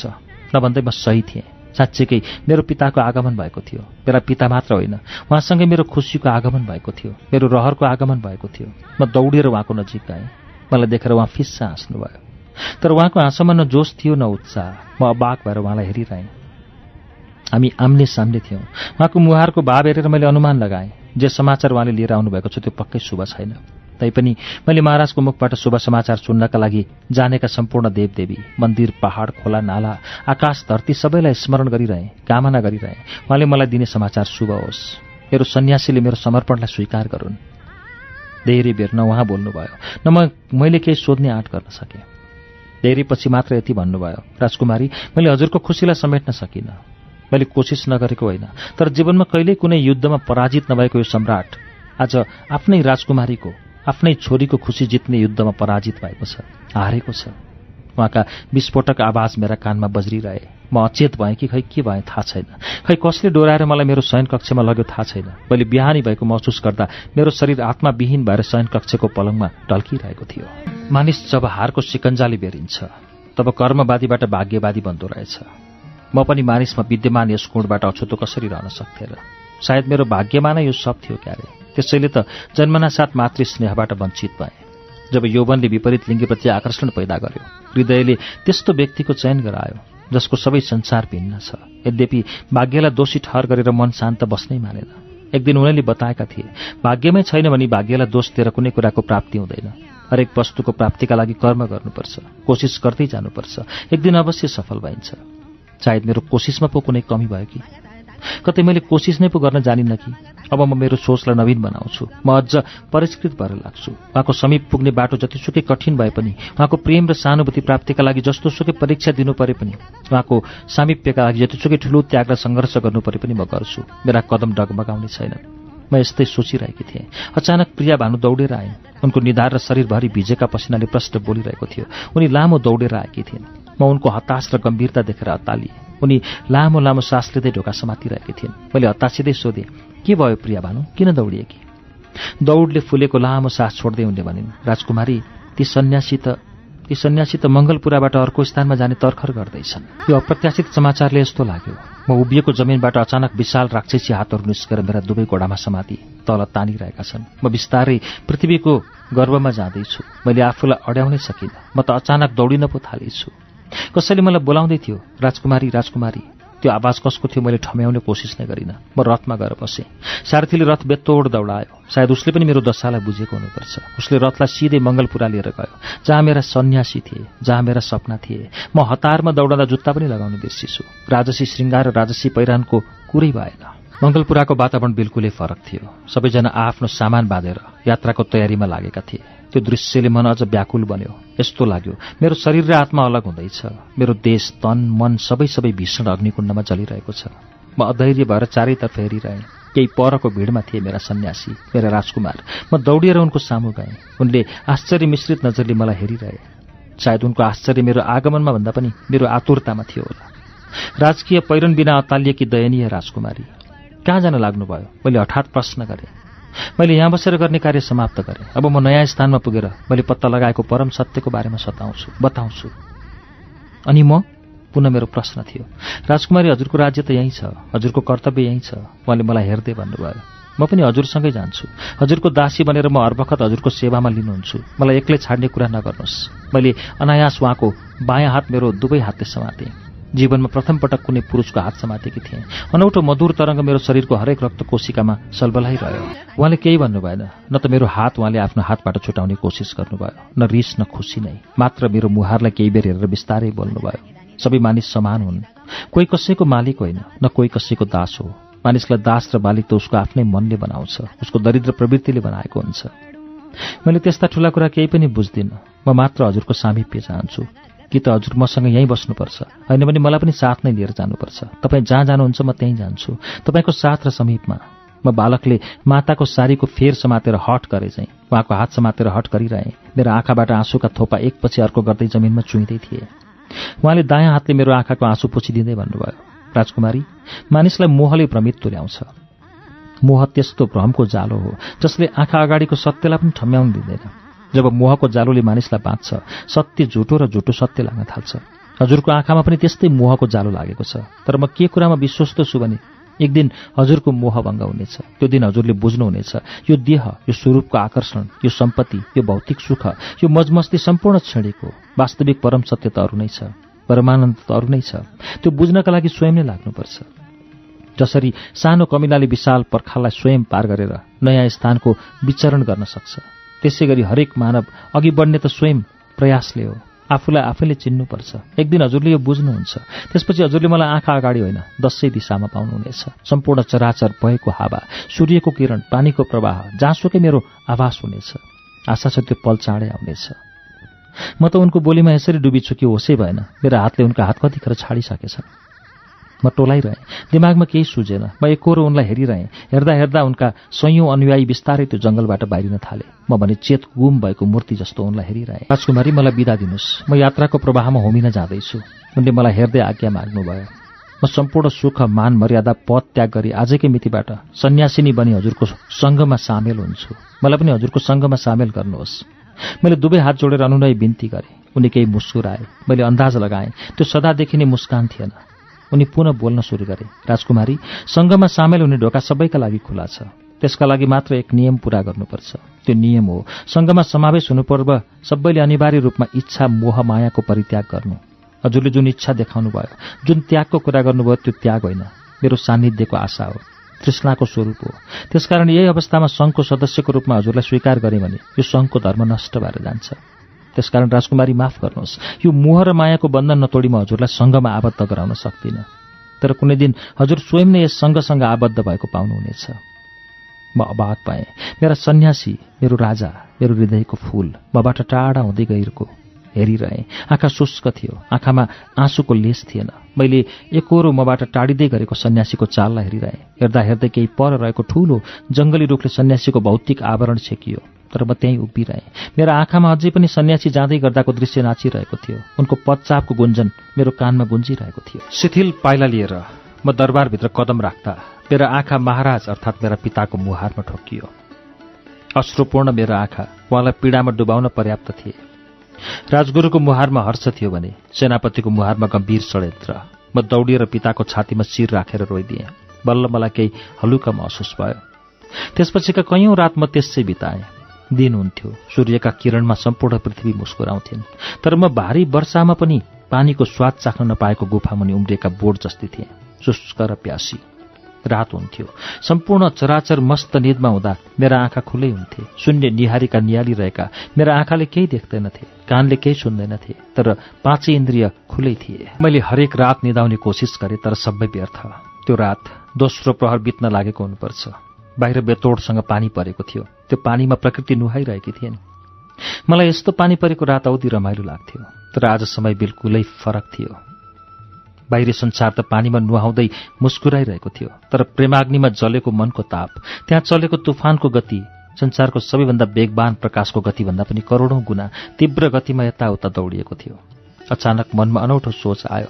यस व्याकुल मनलाई बुझाउन ध्यान साधनाको सहारा लिने मानव भिडभन्दा पर कहीँ जङ्गलमा गएर समाधिमा लिनुहुने मनमा यति सोच आएपछि बल्ल मैले धेरै दिनपछि हलुका महसुस गरेँ। त्यो अन्धकार रात्रिमा मैले कठोर निर्णय लिएँ। कठोरताले सायद त्यो बेलाको मेरा आँखा जङ्गली हिंस्रक शिकारी जनावरको जस्तो देखिएको हुनुपर्छ। त्यो अन्धकार रात्रि र त्यो भयानक वर्षामा म केही गेरु वस्त्र लिएर बाहिर निस्केँ। सेवक सेविका र अङ्गरक्षक निदमा मस्त थिए। रातको त्यो निष्पट्ट अँध्यारो र घनघोर पानीको झमझम आवाजमा कसैले पनि मलाई देखेनन्। म दरबारको मुख्य द्वार कटेपछि बेतोड दौडिएँ। यस्तो लाग्यो वर्षौंदेखि म त्यो दरबारमा कैद थिएँ। आज म कैद मुक्त भएर खुला धरतीमा विचरण गर्न पाएकी छु। म दरबारदेखि उत्तर पूर्वतर्फ दौडिरहेँ। पानीले आफ्नो प्रभाव अझ बढायो। म कैयौं ठाउँमा चिप्लिएर लडेँ। शरीरमा थोरै पीडा पनि भयो तर त्यो पीडा मानसिक तापको अगाडि अत्यन्त न्यून थियो। म बेतोड दौडिरहेँ दौडिरहेँ। सायद बिहानी भएको हुनुपर्छ। बाटो केही प्रष्ट देखियो तर आकाशबाट पृथ्वीमा वर्षिएको पानीको आकारमा कुनै कमी थिएन। म कुदिरहेँ। यसरी कुद्दा अनौठो खुसी मिलेको थियो। त्यो दिनभरमा कुदिरहेँ फेरि अन्धकार भयो। सायद रात्रिमा सूर्यले विश्राम लिएको होला। म बर्सातले विशाल बनेका नदी र खोल्साहरू पार गर्दै पढिरहेँ कति नदीले पनि मलाई बगाएर आफ्नो भेलमा समाहित गर्दै धेरै तलसम्म लिएर गए। सायद ती नदीले आफूसँगै मलाई पनि सागरसम्म लगी मेरो अस्तित्व विलुप पार्न चाहन्थे तर आखिर जित मेरै भयो। म नदीको प्रवाह चिर्दै अघि बढिरहेँ। कहिल्यै नहिँडेको भूखण्ड भिर पाखा पखेरा केहीको वास्ता नगरी म अगाडि बढिरहेँ बढिरहेँ। दरबार छाडेको तेस्रो दिन हुनुपर्छ। वर्षात केही कम भयो। तल समथर घाँसे मैदान देखियो। छेउमा बगेको सानो खोला नजिकैको सानो पहाड त्यो ठाउँ अनौठो र सुन्दर थियो। त्यो अन्नकन्टार भूमिमा मुस्कुराएको। त्यो नाङ्गो तर सुन्दर डाँडोमा एउटा सानो गुफा रहेछ। टाढा टाढासम्म मानव बस्ती र मानव हस्तक्षेपको त्यो कुनै लक्षण थिएन। मलाई मेरो साधनाका लागि त्यही ठाउँ उपयुक्त लाग्यो। मैले मेरो शरीरको सम्पूर्ण राजसी पहिरन उतारेर गेरु वस्त्र धारण गरेँ। सोही गुफाको गर्भगृहमा गएर उनै सन्यासीले सिकाएको विपස්සनामा लिनुहुने कोसिस गरे। त्यही पल बाहिर पहिरो गएको जस्तो आवाज आयो तर मैले त्यसलाई वास्ता व्यवस्था गरेँ। बिस्तारै बिस्तारै मेरो शरीर अत्यन्त हलुका भयो। धुलोको सबैभन्दा सानो कणभन्दा पनि हलुका हुँदै म त्यस्तो परमानन्दमा विचरण गर्न थालेँ जहाँ उज्यालो नै उज्यालो छ जहाँ शान्ति नै शान्ति छ जहाँ कुनै दुःख छैन छ त केवल आनन्द नै आनन्द छ छ त केवल खुसी नै खुसी। जब मैले आँखा खोलेँ त्यो पल मेरा सामु तपाईँहरू हुनुहुन्थ्यो। अझै पनि मेरा स्मृतिका ती पल ताजै छन् त्यो खुसी र त्यो अथाह आनन्दको सुखानुभूतिले मेरो मन मस्तिष्क रोमाञ्चक हुँदैछ। यदि तपाईँहरूले मलाई मेरो ध्यानबाट नबिउजाउनु भएको भए कहिलेसम्म समयको प्रभावमा विचरण गरिरहेकी हुन्थे थाहा छैन। राजकुमारी सुवर्णलताले जीवनको अनौठो यात्रा वर्णन समाप्त गरेर रोकिनुभयो। हामी निदमा अनौठो सपना देखेर बिउजिए जस्ता भयो। सबैले एकअर्काको मुहार हेर्न थाले। मेरो नजर भने उनी सुवर्णलतामा थियो। आँखा त उनको सुन्दर आवरणमा थियो तर मनमा भने उनी सन्यासीको काल्पनिक चित्र नाचिरहेको थियो। कस्ता थिए ती सन्यासी जसको प्रतीक्षामा एक प्रेमिकाले पच्चिस सय वर्षसम्म काललाई तिरस्कार गरेर समयलाई नै चुनौती दिएकी छन्। पूर्वीय आकाशले बिस्तारै आफूलाई नयाँ रङमा बदल्यो। यस्तो लाग्थ्यो त्यो रङ्गहरूमा आज रातो लाली मात्र छैन। त्यहाँ त ब्रह्माण्डमा उपलब्ध सबै रङको सम्मिश्रण छ। संसारमा लुकेका हरेक रहस्यको कण कण छरिएको छ। म हजारौं वर्ष पुरानो इतिहासको साक्षी बनेकी थिएँ। हुन पनि हजारौं वर्ष पुरानो पात्रलाई हामीले यथार्थमा भेटेका थियौँ। ती गाउँले र म भएर जुन ऐतिहासिक कालखण्डको प्रत्यक्ष अनुभूति गर्यौं। भलै त्यसलाई आजको वैज्ञानिक युगका सूत्रहरूले अपत्यारिलो मान्ला अविश्वास गर्ला तर सत्य त्यही हो त्यही थियो साँचो त्यही थियो। विभिन्न धर्मग्रन्थमा दशौं हजार वर्षसम्म तपस्या गरेर सिद्धि प्राप्त गरेका कथाहरू छन्। तपस्या र योगका बलले चिरञ्जीवी भएका घटनाहरू छन्। कैयौं काल र मनमन्तरसम्म अस्तित्वमा रहेका कथाहरू हुन्। हुन त मैले यसअघि त्यस्ता कथाहरू कहिल्यै पत्याइन। अनौठो र अपत्यारिलो लाग्ने पात्रहरू जस्तै दस हजार दिव्य वर्षसम्म तपस्या गरेको शरीरमा धमिराले गुण लगाउँदासम्म तपस्यामा लिन भएको पञ्चाग्नि तापी हिम्मत खण्डमा नग्न भई तपस्या गरेको आदि आदि। मैले सोच्थेँ यी सबै काल्पनिक मिथक हुन् जसको कुनै वास्तविक तुक छैन। तर आज बल्ल बुझेँ हरेक मिथकका पछाडि वास्तविक इतिहास हुँदो रहेछ। समयको धुमिल कालखण्डमा वास्तविक इतिहासले नै मिथकको रूप धारण गर्दो रहेछ। जसलाई आजको पुस्ताले अपत्यारी र मनगणन्त्य कथा ठान्छ। त्यही कथा कुनै समयको सत्य र यथार्थ घटना हुँदो रहेछ। त्यही सत्यताको प्रमाण थिइन् सुवर्णलता। आज मेरै आँखा अगाडि पच्चिस सय वर्षभन्दा लामो समय तपस्याद्वारा जीवित व्यक्ति थिइन् अब बल्ल म विश्वस्त भए। ती सबै सत्य रहेछन्। ती अपत्यारीलाई लाग्ने कथाहरू हाम्रो सोचको सीमाभन्दा परका विषय रहेछन्। ध्यान साधनामा लीन मानिसले समय र प्रकृतिको भौतिक सीमाभन्दा पर पुगेर परमात्मासँग मिलाप गर्दै समयको बहाव नै रोक्ने सामर्थ्य राख्दो रहेछ। प्रकृतिको नियमलाई पनि चुनौती दिन सक्दो रहेछ। उनी प्रेम प्राप्ति र परम सुखको खोजीमा काललाई चुनौती दिएर अजर भएकी एक पात्र थिइन् जसलाई परमात्माले पनि दया देखायो। समय पनि रोकिएर साथ दियो। तर नियति कति निष्ठुर हुन सकेको हजारौं वर्षपछि पनि उनको साथमा नियतिले कुनै माया देखाउन सकेन। अहिले पूर्वीय आकाश पूर्ण रूपमा उज्यालो भयो। त्यो उज्यालोमा उनको लामो केश राशि चहकिलो गरी चम्कियो। हामी सपनीबाट पुरै बिउजे जस्ता भयौं। समयको धुमिल कालखण्डमा विलिन भएको इतिहासको यात्रा हामीले एक रातमा नै आँखा नझिम्काइ सुन्यौं भोग्यौं। प्रेम प्राप्तिका लागि गरिएको त्यागमा हामी सबैका आँखा रसाए सबैको मनमा खेलिरह्यो। ती सन्यासी कस्ता थिए जसले संसारको सबैभन्दा शक्तिशाली राज्यकी राजकुमारीको प्रेमानुभूतिलाई लत्याइदिए। उनी पनि राजकुमारी सुवर्णलता जस्तै त जीवित छन् कि मृत भइसके। अब उनीहरूको मिलाप होला कि नहोला ध्यानमा योगमा समयको सीमा नै समाप्त भएर शरीर सुसुप्त अवस्थामा प्रवेश गर्छ अरे के यो घटना त्यसैको प्रमाण हो? मेरा यस्ता अनगिन्ती प्रश्नै प्रश्न थिए। उत्तर एउटै थियो राजकुमारी सुवर्णलता।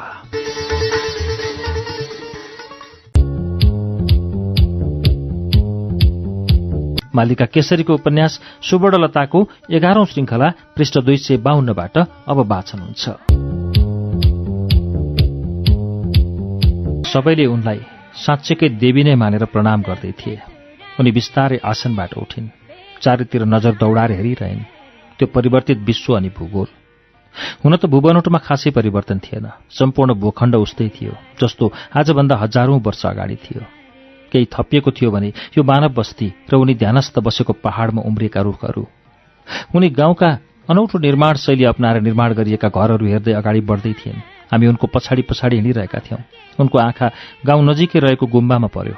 उनले मलाई प्रश्न गरिन् यो कसको घर हो? अरूभन्दा भिन्न र फरक स्वरूपको छ नि? यो घर होइन यो त गुम्बा हो। मैले उत्तर फर्काएँ। के म यसभित्र गएर हेर्न सक्छु? उनको प्रश्नसँगै मैले लामाको मुहारमा हेरेँ। उसले हतार हतार जवाफ दियो अवश्य सक्नुहुन्छ। तत्काल त्यो सानो गुम्बाको ढोका उगारियो। उनी ढोकाभित्र प्रवेश गरिन्। ठिक सामान्य बुद्धको मूर्ति थियो। पद्मासनमा लिन बुद्धको मूर्तिलाई देखेर उनी यसरी चकित भइन्। लाग्यो उनको जीवनकै सबैभन्दा ठूलो रहस्यको पर्दाफास भएको छ। उनले हतार हतार खुसी र भयमिश्रित आवाजमा प्रश्न गरिन् यो कसको मूर्ति हो? मैले जवाफ दिएँ भगवान गौतम बुद्धको भगवान गौतम बुद्ध। उनले मलाई भनेकी थिइन् वा आफैलाई प्रश्न गरेकी थिइन् त्यो मैले छुट्याउन सकिनँ। तर मैले यति बुझेँ उनलाई बुद्धको मूर्तिले अनौठो खुसीमा होमेको छ। उनको मुहार त्यस्तो व्यक्तिको जस्तो भएको थियो जो कैयौँ दिनदेखिको प्यासी छ। एक बुँद पानीका लागि पौतारिँदै गर्दा अकस्मात मिठो पानीको झरना सामु पुग्दा त्यस प्यासीको अवस्था जस्तो हुन्छ। ठ्याक्कै त्यस्तै अवस्था थियो सुवर्णलताको। उनले केही हतासिँदै भनिन् मलाई भगवान् बुद्धका बारेमा बताउनुहोस्। मैले बुद्ध कहाँ जन्मेका थिए? उनको जीवनको सुरुवात कस्तो थियो? उनले कति वर्षको हुँदा परम सुखको खोजीमा आफ्नो दरबार त्यागेका थिए। कसरी कठोर साधना मार्फत उनले परम ज्ञान पत्ता लगाए? कसरी धर्मदेशना गरी सम्पूर्ण लोकलाई सुख र शान्तिको मार्गमा डोराए? कालान्तरमा उनले प्रतिपादन गरेको वा उनले पत्ता लगाएको मार्ग नै बौद्ध धर्मको रूपमा स्थापित भयो। आज संसारभर करोडौं मानिस जसले बौद्ध धर्म अँगालेका छन् बौद्ध मार्गीले बुद्धलाई भगवानको रूपमा पुज्छन् आदि आदि। मैले बुद्ध र बौद्ध धर्मका बारेमा बुझेको सम्पूर्ण ज्ञान उनलाई बताएँ। धेरै बेर बुद्ध मूर्तिलाई हेरेपछि बिस्तारै घुँडा टेकेर मूर्तिको अगाडि बसिन् अनि शिरलाई बुद्धको पाउमा राखिन्। यस्तो लाग्थ्यो कुनै भगवानमा अत्यन्त विश्वास गर्ने भक्तले भूलवश कुनै पाप कर्म गरेपछि भगवानसँग प्रायश्चित गरिरहेको छ। हामी आश्चर्य मान्दै उनलाई हेरिरह्यौँ। मेरो कुरा सुनेर सुरुमा उनी हाँस्दै रोइरहेन्। आँखाबाट अविरल आँसु बगिरहेको थियो। तर मुहारमा पीडाको लेससम्म पनि थिएन। ओठमा खुसीको हाँसो थियो। परम भक्तले साक्षात भगवानको दर्शन पाउँदा जस्तो खुसी महसुस गर्छ। ठिक त्यस्तै खुसी। धेरै पछि बुद्धको पाउबाट शिर उठाएर भनेन् म कति अज्ञानी रहेछु। यति बुझ्नका लागि हजारौं वर्ष प्रतीक्षा गर्नु पर्यो उहाँको ज्ञान पाएर कैयौं व्यक्तिले बुद्धत्व प्राप्त गरी जीवन मरणको भवसागर पार गरी मोक्ष प्राप्त गरे। तर म उहाँको यति समीप भएर पनि सदा प्यासी नै रहनु पर्यो जसरी हिम श्रृङ्खलाले सम्पूर्ण पृथ्वीमा पानी पार्न बादललाई बाध्य पार्दछ। तर स्वयं सदा शुष्क रहन्छ प्यासी नै रहन्छ। म ठिक त्यस्तै भएँ। भगवान हजुरले भने चाहिँ साँच्चैकै मेरा नयन अज्ञानताको जालोले बेरिएका रहेछन्। त्यसैले त मैले बुझ्न सकिनँ जसलाई पुज्नु पर्थ्यो। जसको चरणमा शिर राखेर भक्ति गर्नु पर्थ्यो उसैलाई मैले अङ्गालोमा बेर्ने सपनी देखेँ। त्यही अज्ञानताको परिणाम म यतिका वर्षसम्म यस भूधरातलमा आफ्नो अस्तित्व गुमाएर गुमनाम भएर रहनु पर्यो। उनी अझै बोल्दै गइन् हे मेरा सन्यासी हे सिद्धार्थ हे बुद्ध मलाई माफ गर्नुहोस्। म तृष्णा र मोहको दलदलमा भाँसिएकी अज्ञानी नारीलाई त्यो भेद बुझ्न मात्र पच्चिस सय वर्ष लाग्यो। मेरा सम्पूर्ण आफन्त देश समाज समाप्त भएर नयाँ समाजको सिर्जना भएको छ। यो समाजमा यो परिवेशमा आएर पो बल्ल मैले त्यो भेद बुझेँ बल्ल महसुस गर्न सक्ने भए। सृष्टिको चारैतिर दुःख नै दुःख छ तर त्यही दुःखको पल्लो किनारामा परम सुखको खानी छ। त्यो सुख प्राप्त गर्नका लागि मोह तृष्णा र भ्रमको जालो फाल्न जरुरी छ। मैले तृष्णा र भ्रमको जालोले टालिएको आँखाद्वारा त्यो सुख भोग त के देख्न पनि सकिनँ।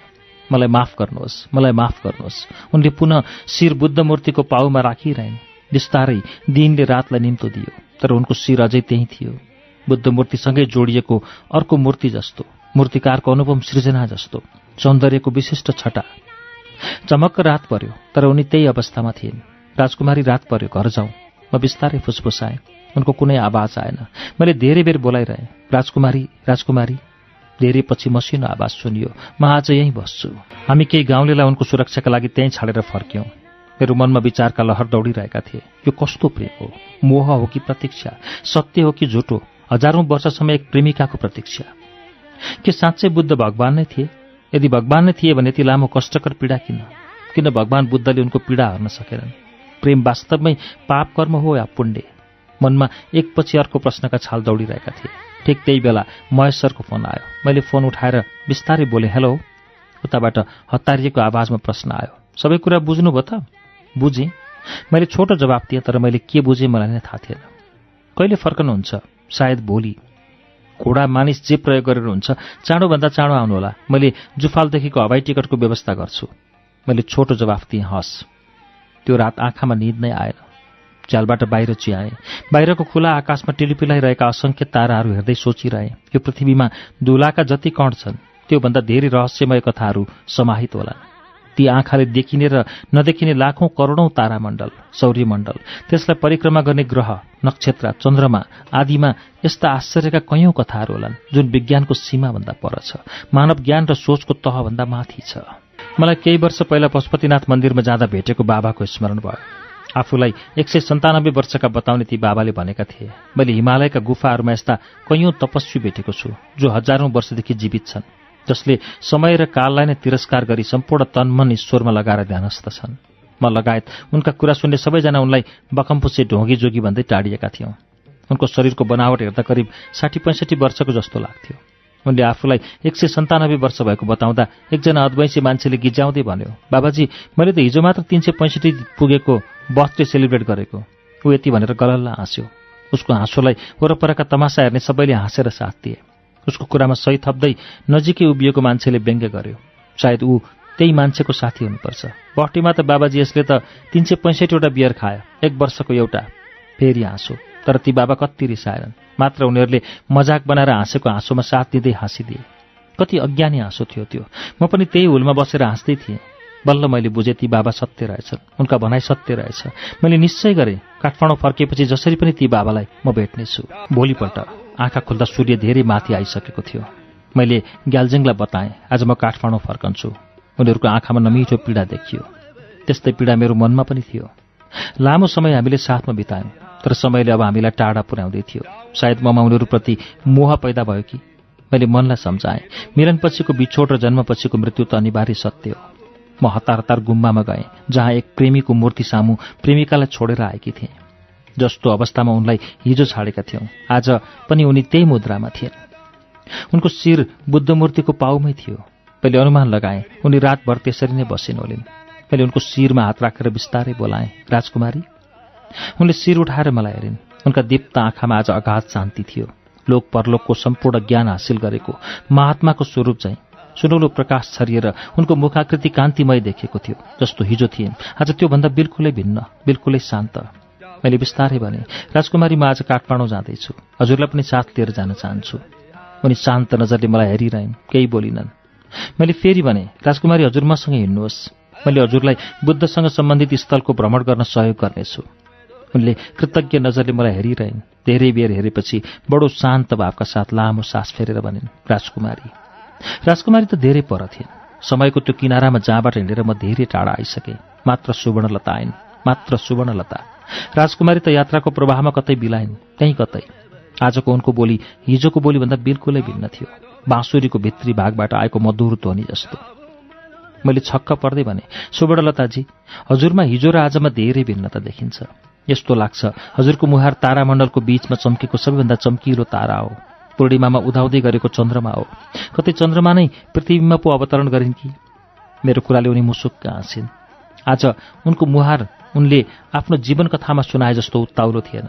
अत्यन्त संयम र सुन्दर सम्पूर्ण शरीरमा रोमाञ्चकता झल्किएको थियो। यस्तो लाग्थ्यो उनको वरिपरि खुसी नै खुसीको आवरगमा गएको छ। अनि उनी रानी मौरी चाहिँ बीचमा खुसी नै खुसीले घेरिएर बसेकी छन्। मैले उनको त्यो सुन्दर छवि एकरो हेरिरहेँ। धेरै बेरपछि उनले मलाई हेर्दै भनिन् अनुपमा आज मैले बिल्कुलै फरक सुख अनुभूति गरेको छु। यस्तो लाग्छ म परम आनन्दको बिछोनामा सुतेर सुखको नभमा उडिरहेकी छु। लाग्छ प्रकृतिको हरेक अंशमा जीवन्त खुसी मुस्कुराएको छ। यो शीतल हावा निलो आकाश चम्कदै गरेको सूर्य दिनको उज्यालोमा लुकेका तारामण्डल सबै सबैमा अपार शान्तिको अनुभूति भइरहेको छ। बल्ल भगवान बुद्धको बाणी र उहाँले देखाउनु भएको मार्गको अति थोरै अंश बुझ्न सफल भए चाहिँ लागेको छ। बल्ल म अज्ञानीको चेतनाको द्वार थोरै उग्रिएको आभास भएको छ। मेरो मन उनको कुराले अत्यन्त हर्षित भयो। मैले चारैतिर आँखा घुमाएँ। गाउँका लगभग धेरैजसो मानिस हाम्रा वरपर झुम्बिएका थिए भने केही हतार हतार हामी भएतर्फ आउँदै थिए। म उनको अनुभूति सुन्नलाई हतारिएँ। उनलाई कस्तो अनुभूति भयो? एकाएक त्यति दुःखदायी पीडाबाट पलभरमै मुक्ति दिने त्यो सुखद अनुभूति कस्तो होला? म व्याकुल भएँ। मैले केही उत्तेजित शैलीमा भने राजकुमारी हजुरले के अनुभूति गर्नुभयो? हामीलाई बाँड्नुहोस् हामी सुन्न आतुर छौँ। उनले राजकुमारी नभन्न गरेको अनुरोध बिर्सेर मैले त राजकुमारी सम्बोधन गरेछु। उनी एकपटक अत्यन्त शालीनताका साथ मुसुक्क हाँसिन् अनि मेरो मुहारमा हेर्दै भनिन् हो तिमीले ठिक भन्यौ। मैले मेरो अनुभूति बाँड्नै पर्छ किनकि अब मेरो अनुभूति मेरो अनुभव र मैले प्राप्त गरेको खुसी एवं परमानन्द मेरो मात्र होइन। त्यो त सम्पूर्ण जगतको हो। मेरो अनुभूतिद्वारा सारा जगत लाभान्वित हुनुपर्छ। उनका कुरा सबैजनाले सास रोकेर सुन्दै थिए। अब राजकुमारीले के कुरा सुनाउने हुन् उनी बडो शान्त भावका साथ बोल्न सुरु गरिन् यस्तो लाग्दै थियो। अब कुनै महान तपस्वी ऋषिले अत्यन्तै अमूल्य गुह्य मन्त्र दिन लागिरहेका छन्। उनले भन् दुई हजार पाँच सय वर्षभन्दा लामो समय ध्यानमा बस्दा जुन अनुभूतिबाट म वञ्चित भएँ जुन ज्ञान र परम सुखको एक छेउसम्म पनि पुग्न सकिनँ। तर आज मात्र एक रातमा मलाई यस्तो अनुभूति भयो। मैले संसारको सम्पूर्ण गुह्य रहस्य बुझ्न सक्षम भएँ। त्यस परम ज्ञानको अनुभूतिसँगै मैले त्यस्तो अलौकिक सुख अनुभूति गरिरहेको छु जुन मेरा लागि बिल्कुलै भिन्न छ मिठासयुक्त छ। मरूभूमिमा कैयौँ दिनदेखि प्यासी बनी भौतारिँदा भौतारिँदै गर्दा अचानक जलाशयको समीपमा पुग्दाको अनुभूति जस्तो हुन्छ। त्योभन्दा पनि लाखौँ गुणा वृहत सुखको अनुभूति गरिरहेकी छु। उनी बोल्दै गइन् म एकहोरो उनको मुहारमा हेरिरहेकी थिएँ। जीवनको वास्तविक यथार्थ यो रहेछ यो संसारमा जो जन्मन्छ ऊ जन्मसँगै दुःख र पीडाको डोरीले बाँधिएर आएको हुन्छ। दुःखको मूल कारण हो अज्ञानता। अज्ञानताबाट भय जन्मिन्छ। हामी त्यस्तो कुरामा पनि भय गर्छौँ जुन न बदल्न सकिन्छ न कहिल्यै बदलिन्छ। जन्मपछि मृत्यु जस्तै अपरिहार्य सत्य हो तर मानिस यिनै अपरिवर्तनीय सत्यसँग पनि भयग्रस्त हुन्छ। मृत्युको भए भविष्यको भए परिणामको भए धनसम्पट्टि लुटिने चोरिने भए प्रियवरसँग बिछोडिने भए मृत्यु शाश्वत हो। यो शरीर त क्षणभङ्गुर हो एक दिन नष्ट भएर जान्छ। तैपनि हामी मृत्युको भयले पल प्रतिपल त्रासमा हुन्छौँ। आखिर हामी निश्चय नै हुने कुरामा किन भय साँच्छौँ? किन त्रासमा बाँच्छौँ? त्रसित हुन्छ मानिस। त्यसैले न भूतमा पश्चाताप गर न भविष्यको चिन्तामा डुब। हामी त वर्तमानमा जिउनुपर्छ। आज र अहिलेमा बाँच्नुपर्छ। चौबिस घण्टाको हरेक पल बुझेर बाँच। तत्पश्चात परम सुख तत्कालै प्राप्त हुन्छ। उनी बोल्दै गर्दा एकपटक मुहार घुमाएर सम्पूर्ण जनमानसलाई निहालिन्। सबैजना चुपचाप सुनिरहेका थिए। केही बेर रोकिएर हेरेपछि पुनः बोल्न लागिन्। वर्तमानमा जिउनका लागि सर्वप्रथम हामीलाई भूत र भविष्यमा लैजाने मनलाई चिन्नुपर्छ। मानिसको मन अत्यन्तै चञ्चल छ। यही चञ्चल मनबाट विचार जन्मन्छ। विचारले कामनाको जन्म गराउँछ। कामनाले विचारको राशि जन्माउँछ। यसरी यो चक्र झन्झन बढ्दै जान्छ। यसै गरी कामनाको साथ पाएर मानिसमा मोह पैदा हुन्छ। मोहले हाम्रो विवेकमाथि कब्जा जमाएर मानिसलाई पाप कर्मतर्फ अग्रसर गर्छ। जब हामी मोहको पासोमा बाँधिन्छौँ तत्पश्चात हामी सही वा गलत छुट्याउनै नसक्ने अवस्थामा पुग्छौँ। त्यसैले सर्वप्रथम मानिसले स्वयंमाथि विजयी हुनुपर्छ। स्वयंमाथिको विजय भन्नु नै मनमाथिको विजय हो तर मनमाथि विजय प्राप्त गर्न सहज छैन। मानिसले युद्ध गरेर सारा संसार जित्न सक्ला ऐश्वर्य र धन सम्पत्ति हासिल गर्न सक्ला सारा जगतलाई दास बनाउला तर स्वयं आफ्नो मनमाथि विजय हुन सक्दैन। यो मन बगेको जल जस्तो हो। यदि यसलाई जबरजस्ती बाँझेर राख्न खोजिए यसले झन् विकार पैदा गर्छ। जबरजस्ती रोक्न खोजे कुण्ठाले मन अझ चञ्चल तुलाइदिन्छ। सकारात्मक भन्दा नकारात्मक सोचले जन्म लिन्छ। त्यसकारण मनलाई जबरजस्ती रोकेर पोखरी होइन विशाल सागर बनाउनुपर्छ। सम्पूर्ण नदीहरूको समागम स्थल जस्तो। न सागर कहिल्यै फोहोर थियो न कहिल्यै फोहोर हुन्छ। जब मन शान्त हुन्छ मन सागर समान बन्न पुग्छ। यसरी मनलाई शान्त र संयमित तुल्याउने माध्यम भनेकै प्रज्ञा हो। प्रज्ञा र ध्यान मार्गद्वारा चञ्चल मनलाई थोरै थोरै गर्दै संयमित पार्न सकिन्छ। जब मन शान्त हुन्छ तत्पश्चात मानिसले रिस लोभ ईर्ष्या डाहा घृणा प्रतिशोध घमण्डमाथि विजय प्राप्त गर्छ।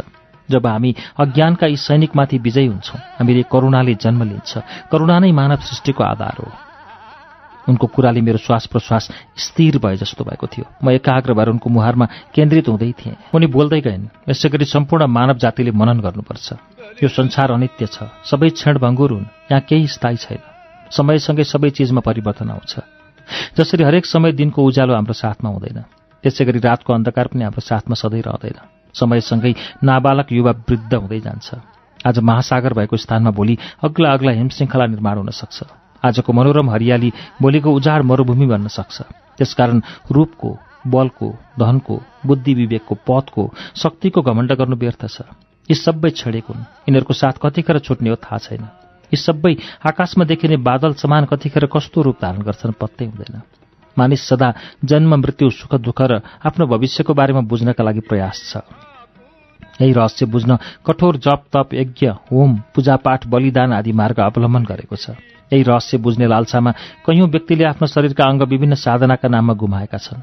न उनीहरू उक्त मार्गद्वारा जीवनको रहस्य बुझ्न सफल भए न कहिल्यै हुनेछन्। मैले संसारको त्यो गुह्य रहस्य बुझेँ। त्यसैले तिमीले पनि बुझ।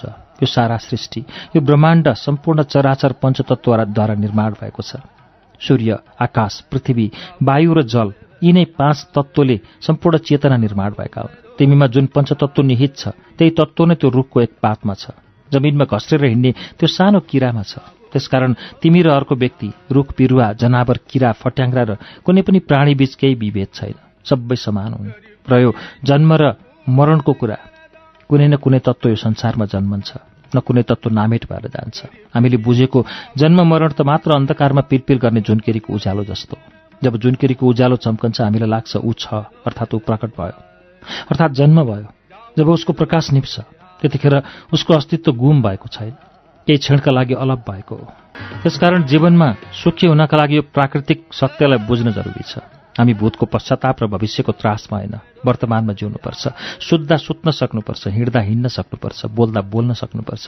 सुख होस् वा दुःख मिलन होस् वा बिछोड प्राप्ति वा गुमाई हर क्षण मध्यमा स्थिर हुनुपर्छ। न सुखमा उत्ताउलो न त दुःखमा रोदन। सबै महिला पुरुष ध्यानमग्न भएर एक तमास उनीलाई हेरिरहेका थिए। उनीहरूका आँखामा झुल्केको विश्वास देखेर यस्तो लाग्थ्यो। उनीहरूले विश्वास गरेर पुज्ने गरेको भगवान साँच्चैकै मानव भेषमा आएका हुन्। हुन त उनीहरूले जुन दिन उनलाई गुफामा भेटे त्यही दिनबाट उनीप्रति विश्वास जागेको थियो। आज उनको रहस्यले भरिएको बाणी सुनेर उनीहरूको विश्वास अझ बढेको थियो। उनी भन्दै गइन् आजभोलि समाजका केही व्यक्तिहरू चमत्कारद्वारा शब्दज्वालद्वारा आफूलाई अलौकिक शक्ति भएको आफू नै ईश्वरको अंश भएको र आफ्नो सेवाद्वारा नै ईश्वरको प्राप्ति हुने दावी गर्दै आफ्नो सेवामा लाग्न प्रेरित गरिरहेका छन्। यो वास्तवमै दिग्भ्रमित तुल्याउने खेल सिवाय केही होइन। उनीहरूको दावी आफ्नो स्वार्थपूर्तिका लागि रचिएको पाखण्डभन्दा अरू केही होइन। ईश्वरको खोजीमा शान्तिको खोजीमा कुनै व्यक्तिको कुनै पनि वाद र सिद्धान्तको अन्धभक्त भएर लाग्नु पनि पाखण्ड हो। हरेक जन्मिएका व्यक्ति प्रकृतिका अंश हुन्। हरेक अंशमा प्रकृतिको त्यही गुण निहित छ जो तिमीमा छ। तसर्थ सबै ईश्वरीय हुन् सबै साधारण हुन् कसैमा कुनै विभेद छैन। सबै एकै हुन्। यदि कसैले आफूमा ईश्वरीय शक्ति भएको भन्दै चमत्कार देखाउँछ वा देखाउन सक्ने घोषणा गर्छ भने त्यो मात्र दृष्टिभ्रम तुल्याउने जादु बाहेक केही होइन। त्यस्ताको पछि लागेर समय व्यर्थ खेराउनु फाल। स्वयंलाई विश्वास गरेर स्वधर्म अवलम्बन गर। उनीद्वारा प्रवाहित बाणीले मेरो मनमा विभिन्न धर्मगुरूहरूको सम्झना दिलायो जसले आफू नै ईश्वर भएको तर्क प्रस्तुत गरे। मेरा पछि लाग मनै दुःखको उद्धारक हुँ। मेरो पूजा गर म तिमीलाई पार लगाउँछु। जब तिमी बिरामी हुन्छौ त्यो पल तिमीले कुनै औषधि ग्रहण गर्नु पर्दैन। मात्र मेरो भजन गर। म तिमीलाई निको पारिदिन्छु जस्ता भ्रमपूर्ण अभिव्यक्तिद्वारा। मानिसलाई भ्रमित पारेर धन सङ्ग्रह गरे। तर स्वयं भने मृत्युको त्रासमा अस्पताल भर्ना हुन दौडिए। कैयौँ बेविचार गरे कैयौँ पाखण्ड गरे। मेरा आँखा अगाडि ती ढोगीहरूको तस्विर नाच्यो। मानिस कतिसम्म मूर्ख भएर सुख प्राप्तिको नाममा गलत बाटोमा हिँड्दो रहेछ भन्ने प्रमाण थियो त्यो। फेरि मैले स्वयंलाई सुवर्णलतामा नै केन्द्रित गरेँ। उनी भन्दै गइन् मानिसमा अध्ययन र निपुणताले पनि दम्ब पैदा गर्छ। दम्बले स्वयंलाई भित्रभित्रै जलाउँछ। दम्ब र धमिरा एकै प्रजातिका हुन्। सतै रूपमा हेर्दा त काठ धमिरा दुवै मित्र जस्ता देखिन्छन्। तर धमिराले गरेको स्नेह के काठका लागि लाभदायक छ त? यस्तै हो मानिसको दम्ब अर्थात् अभिमान पनि। तिमी कुनै क्षेत्रको ज्ञाता छौ। कुनै कार्यमा तिमी जस्तो सिद्ध हस्त अरू कोही छैन भन्नुले कुनै अर्थ राख्दैन। तिमी नदीमा तैरनलाई अत्यन्त निपुण हुनुको कुनै अर्थ छैन। अर्थ त तिमीले कतिलाई नदीको यस किनारबाट पल्लो किनार पुर्याएर पार गरायो भन्ने लाग्छ सायद तिमीले बुझिसक्यो होला मानिसको जन्म महान होइन। मानिसको ज्ञान पनि महान होइन। न कुल घरान न धन सम्पत्ति न पूर्वजको कृति नै महान हो। महान त मानव कर्म हो। यदि तिमी राम्रो कर्म गर्छौ सदा प्राणीको हितमा सर्वस्व त्याग्न तयार हुन्छौ भने त्यो हो महानता। त्यसैले जीवन सदा दुखीको सेवामा समर्पित गर बाटो भुलेकालाई मार्ग प्रदर्शन गर तब मात्र तिम्रो जीवन सार्थक हुन्छ। न त तिमीले जतिसुकै धार्मिक ग्रन्थ पढे पनि जति नै पुस्तक कण्ठस्थ तुलाए पनि तबसम्म तिमीले तिम्रो जीवनमा ती पुस्तकका राम्रा ज्ञानलाई व्यवहारमा लागू गर्दैनौ भने पढेको व्यर्थ छ। यदि तिमी बुद्धत्व र ज्ञान प्राप्तिको चाहना राख्छौ भने भाग्यवादीबाट तत्कालै कर्मवादी बन्नुपर्छ किनकि कर्म नगरी फल प्राप्त हुँदैन। तिम्रो भाग्य त तिम्रो कर्मको दास हो। खुसी र भाग्य त्यसको पोल्टामा जान विवश हुन्छ जो वर्तमानमा बाँच्न सक्छ। आजका लागि कर्म गर्छ आजका लागि हाँस्छ आजका लागि बाँच्छ जसले आउँदो समयको लागि चिन्ता गर्छ ऊ चारैतिरबाट चिन्ता नै चिन्ताले घेरिन्छ दुःख नै दुःखले छोपिन्छ। उनी धेरै बेर बोलेर रोकिन् जब उनको बोली सकियो सबैको मन उनको बोलीमा दौडिरहेको थियो अर्थात् वर्तमानमा दौडिएका थिए। उनले त हामीलाई आज जीवन जिउने रहस्य पो बुझाइदिन् मैले त उनको जीवन कथा सुनेर उनलाई एक प्यासी राजकुमारीका रूपमा पाएकी थिएँ। जो प्रेम र प्राप्तिको लालसामा भौतारिएकी छन् उनको जीवनको सोच नै भिन्न छ उद्देश्य नै भिन्न। त्यही हटले उनलाई समयको ओल्लो किनारबाट धेरै पर पल्लो किनार पुर्याइरहेको थियो।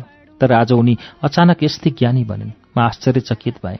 हिजोसम्म साधारण हामी जस्तै लाग्ने एक नारीमा कसरी अचानक यति धेरै ज्ञानका कुराले भरियो? उनमा देखा परेको यो परिवर्तन कतै उनले पनि बुद्धत्व प्राप्त गरेको सङ्केत त होइन।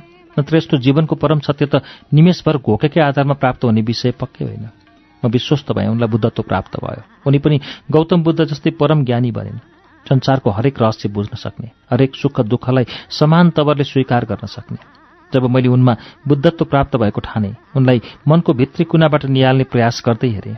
हो त उनको मुखमण्डल वरपर त अत्यन्त उज्यालो प्रकाश पुञ्ज छ। उनी त महान ऋषि झैँ प्रकाश पुञ्जले छोपिएकी छन्। मलाई ज्ञानधाराले नुहाएकी सुवर्णलता अब साधारण राजकुमारी जस्तै लागिनन्। उनले त त्योभन्दा पनि धेरै उच्च स्थान हासिल गरिसकेकी छिन्। मलाई यहीँ बसेर उनी मार्फत अझ धेरै ज्ञान हासिल गर्न मन लाग्यो। तर कर्म निर्वाह गर्न म आजै काठमाडौँ जानुपर्ने थियो। जुन कार्यका लागि म आएकी थिएँ त्यो कार्य लगभग सम्पन्न भएको थियो। मैले बिस्तारै भने राजकुमारी म काठमाडौँ फर्कन लागेँ। हजुर पनि मसँग हिँड्नुहोस्। म हजुरलाई बुद्धसँग सम्बन्धित सम्पूर्ण स्थानको परिचय गराउनेछु। मैले पुनः पहिले भनेका वाक्य दोहोऱ्याएँ। उनी मुसुक्क हाँसिन्। उनको हँसाइमा खुसी र व्यङ्ग्यभन्दा पनि शालीनता थियो। उनले बिस्तारै भनिन् बुद्धले एक दिन भन्नुभएको थियो जब तिमीले परम ज्ञानको अनुभूति गर्नेछौ तब मलाई जहाँ तहीँ पाउनेछौ भौतिक स्वरूप त छेडेको जब परम ज्ञान र परम सुखको अनुभूति हुन्छ धुलोको कणकणमा सुखको बास भएको अनुभूति हुन्छ। प्रकृतिका कुनै पनि पदार्थ कुरूप वा राम्रो लाग्दैन। सबै समान देखिन्छ सबै एउटै। खुसी र दुःख दुई भिन्न तत्त्व होइनन्। दुवै एकै हुन्। हाँसो र रोदन पनि एकै हो। दिन र रात पनि एक हो। मात्र त्यहाँ केही तत्त्वको मात्रामा थोरै थपघट भएको। बाँकी सबै बराबर हुन्। बल्ल आज मैले त्यो गुह्य रहस्य बुझ्न थालेकी छु। त्यसैले म यहीँ बसेर मैले बुझ्न बाँकी अन्य धेरै रहस्य उजागर गर्नेछु। मलाई अब उहाँको स्थूल स्पर्शको आवश्यकता नै छैन। मलाई धेरै कर गर्न मन लागेन। करिब महिना दिन लामो डोल्पा बसाएपछि जीवनको सबैभन्दा ठूलो स्मरण साथ लिएर म बिस्तारै ओह्रालो झर्न थालेँ। सारा सालदाङवासीले विदाईका हात हल्लाइरहे। ती हल्लिएका हातहरूमा एक हात त्यस्तो थियो जो आजभन्दा हजारौं वर्ष अगाडि जन्मिएर जन्म मृत्युको कालचक्रलाई नै तिलाञ्जली दिँदै समयको धेरै परबाट यहाँसम्म आएकी थिइन्। मैले डोल्पामा खिचेका सुवर्णलताका तस्विर उनको अनौठो जीवन कथा उनको हृदय जितेका सुन्दर सन्यासी सन्यासीले प्रवाह गरेका ती अमूल्य जीवन उपयोगी बाढीहरू सुवर्णता लताले अनुभव गरेको अनुभूति साथै गौरवमय इतिहासलाई हामीले सृजन दैनिकमा लगातार हप्ता दिनसम्म विशेषाङ्कको रूपमा प्रकाशित गरिरह्यौं। यो अनौठो समाचारले समाजका हरेक तब्कामा हलचल ल्यायो। सर्वसाधारण मात्र नभएर सरकारका उच्च पदस्थ अधिकारी सरकार प्रमुखदेखि सारा विश्व नै तरङ्गित भयो। कतिले यसको अस्तित्वमा नै शङ्का व्यक्त गरे कतिले यसलाई मनगणन्ती कथा भने तर ठूलो जनमानस सत्य तथ्य बुझ्नका लागि इच्छुक भएको भन्दै सम्पर्क गर्न थाले।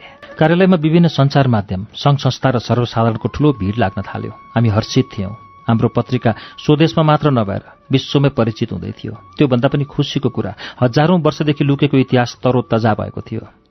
सारा विश्व जालन्धर र जालन्धरीको गौरवमय इतिहास बुझ्न हतारिएका थिए। एक प्रेमिकाको त्याग र समर्पण सुनेर सबैको आँखा रसाएका थिए। फेरि एक दिन नेपाल सरकारको संस्कृति तथा पर्यटन मन्त्रालयबाट फोन आयो। फोन मन्त्रीको थियो। नेपाल सरकारले यस विषयमा छानबिन गर्नका लागि हाम्रो सहयोग मागेको थियो। भोलिपल्ट बिहानै नेपाल सरकारका मन्त्री सचिव लगायत उच्च पदस्थ व्यक्तिहरू विदेशी संचारका प्रतिनिधि पुनः हेलिकप्टर मार्फत सालदाङ जाने तय भयो जुन टोलीमा म र महेश सर पनि थियौं। हेलिकप्टर सालदाङ नजिकैको समथर भूखण्डमा अवतरण गर्यो। मेरो मन प्रफुल्ल थियो पुनः राजकुमारी सुवर्णलतासँग भेट हुँदैछ। म खुसी हुँदै साङ्गेको घरमा गएँ। जहाँ म करिब एक महिना बसेकी थिएँ। अनौठो त्यस घरमा कोही पनि थिएनन्। एक एक गरेर सम्पूर्ण घरमा छिरे। ढोका खुल्लै थियो तर कुनै घरमा पनि मानिस भेटेनन् मन भएले त्रसित भयो। म हतार हतार गुम्बामा गएँ जहाँ मैले अन्तिम पटक राजकुमारीसँग विदा मागेकी थिएँ। गुम्बा खुलै थियो तर त्यहाँ कोही पनि थिएन।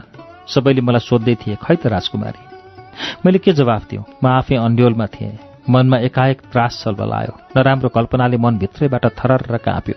हामी हतार हतार त्यही डाँडोतर्फ उक्लन थाल्यौँ जहाँ त्यो गुफा थियो जहाँ प्रथम पटक मैले राजकुमारी सुवर्णलतालाई देखेकी थिएँ।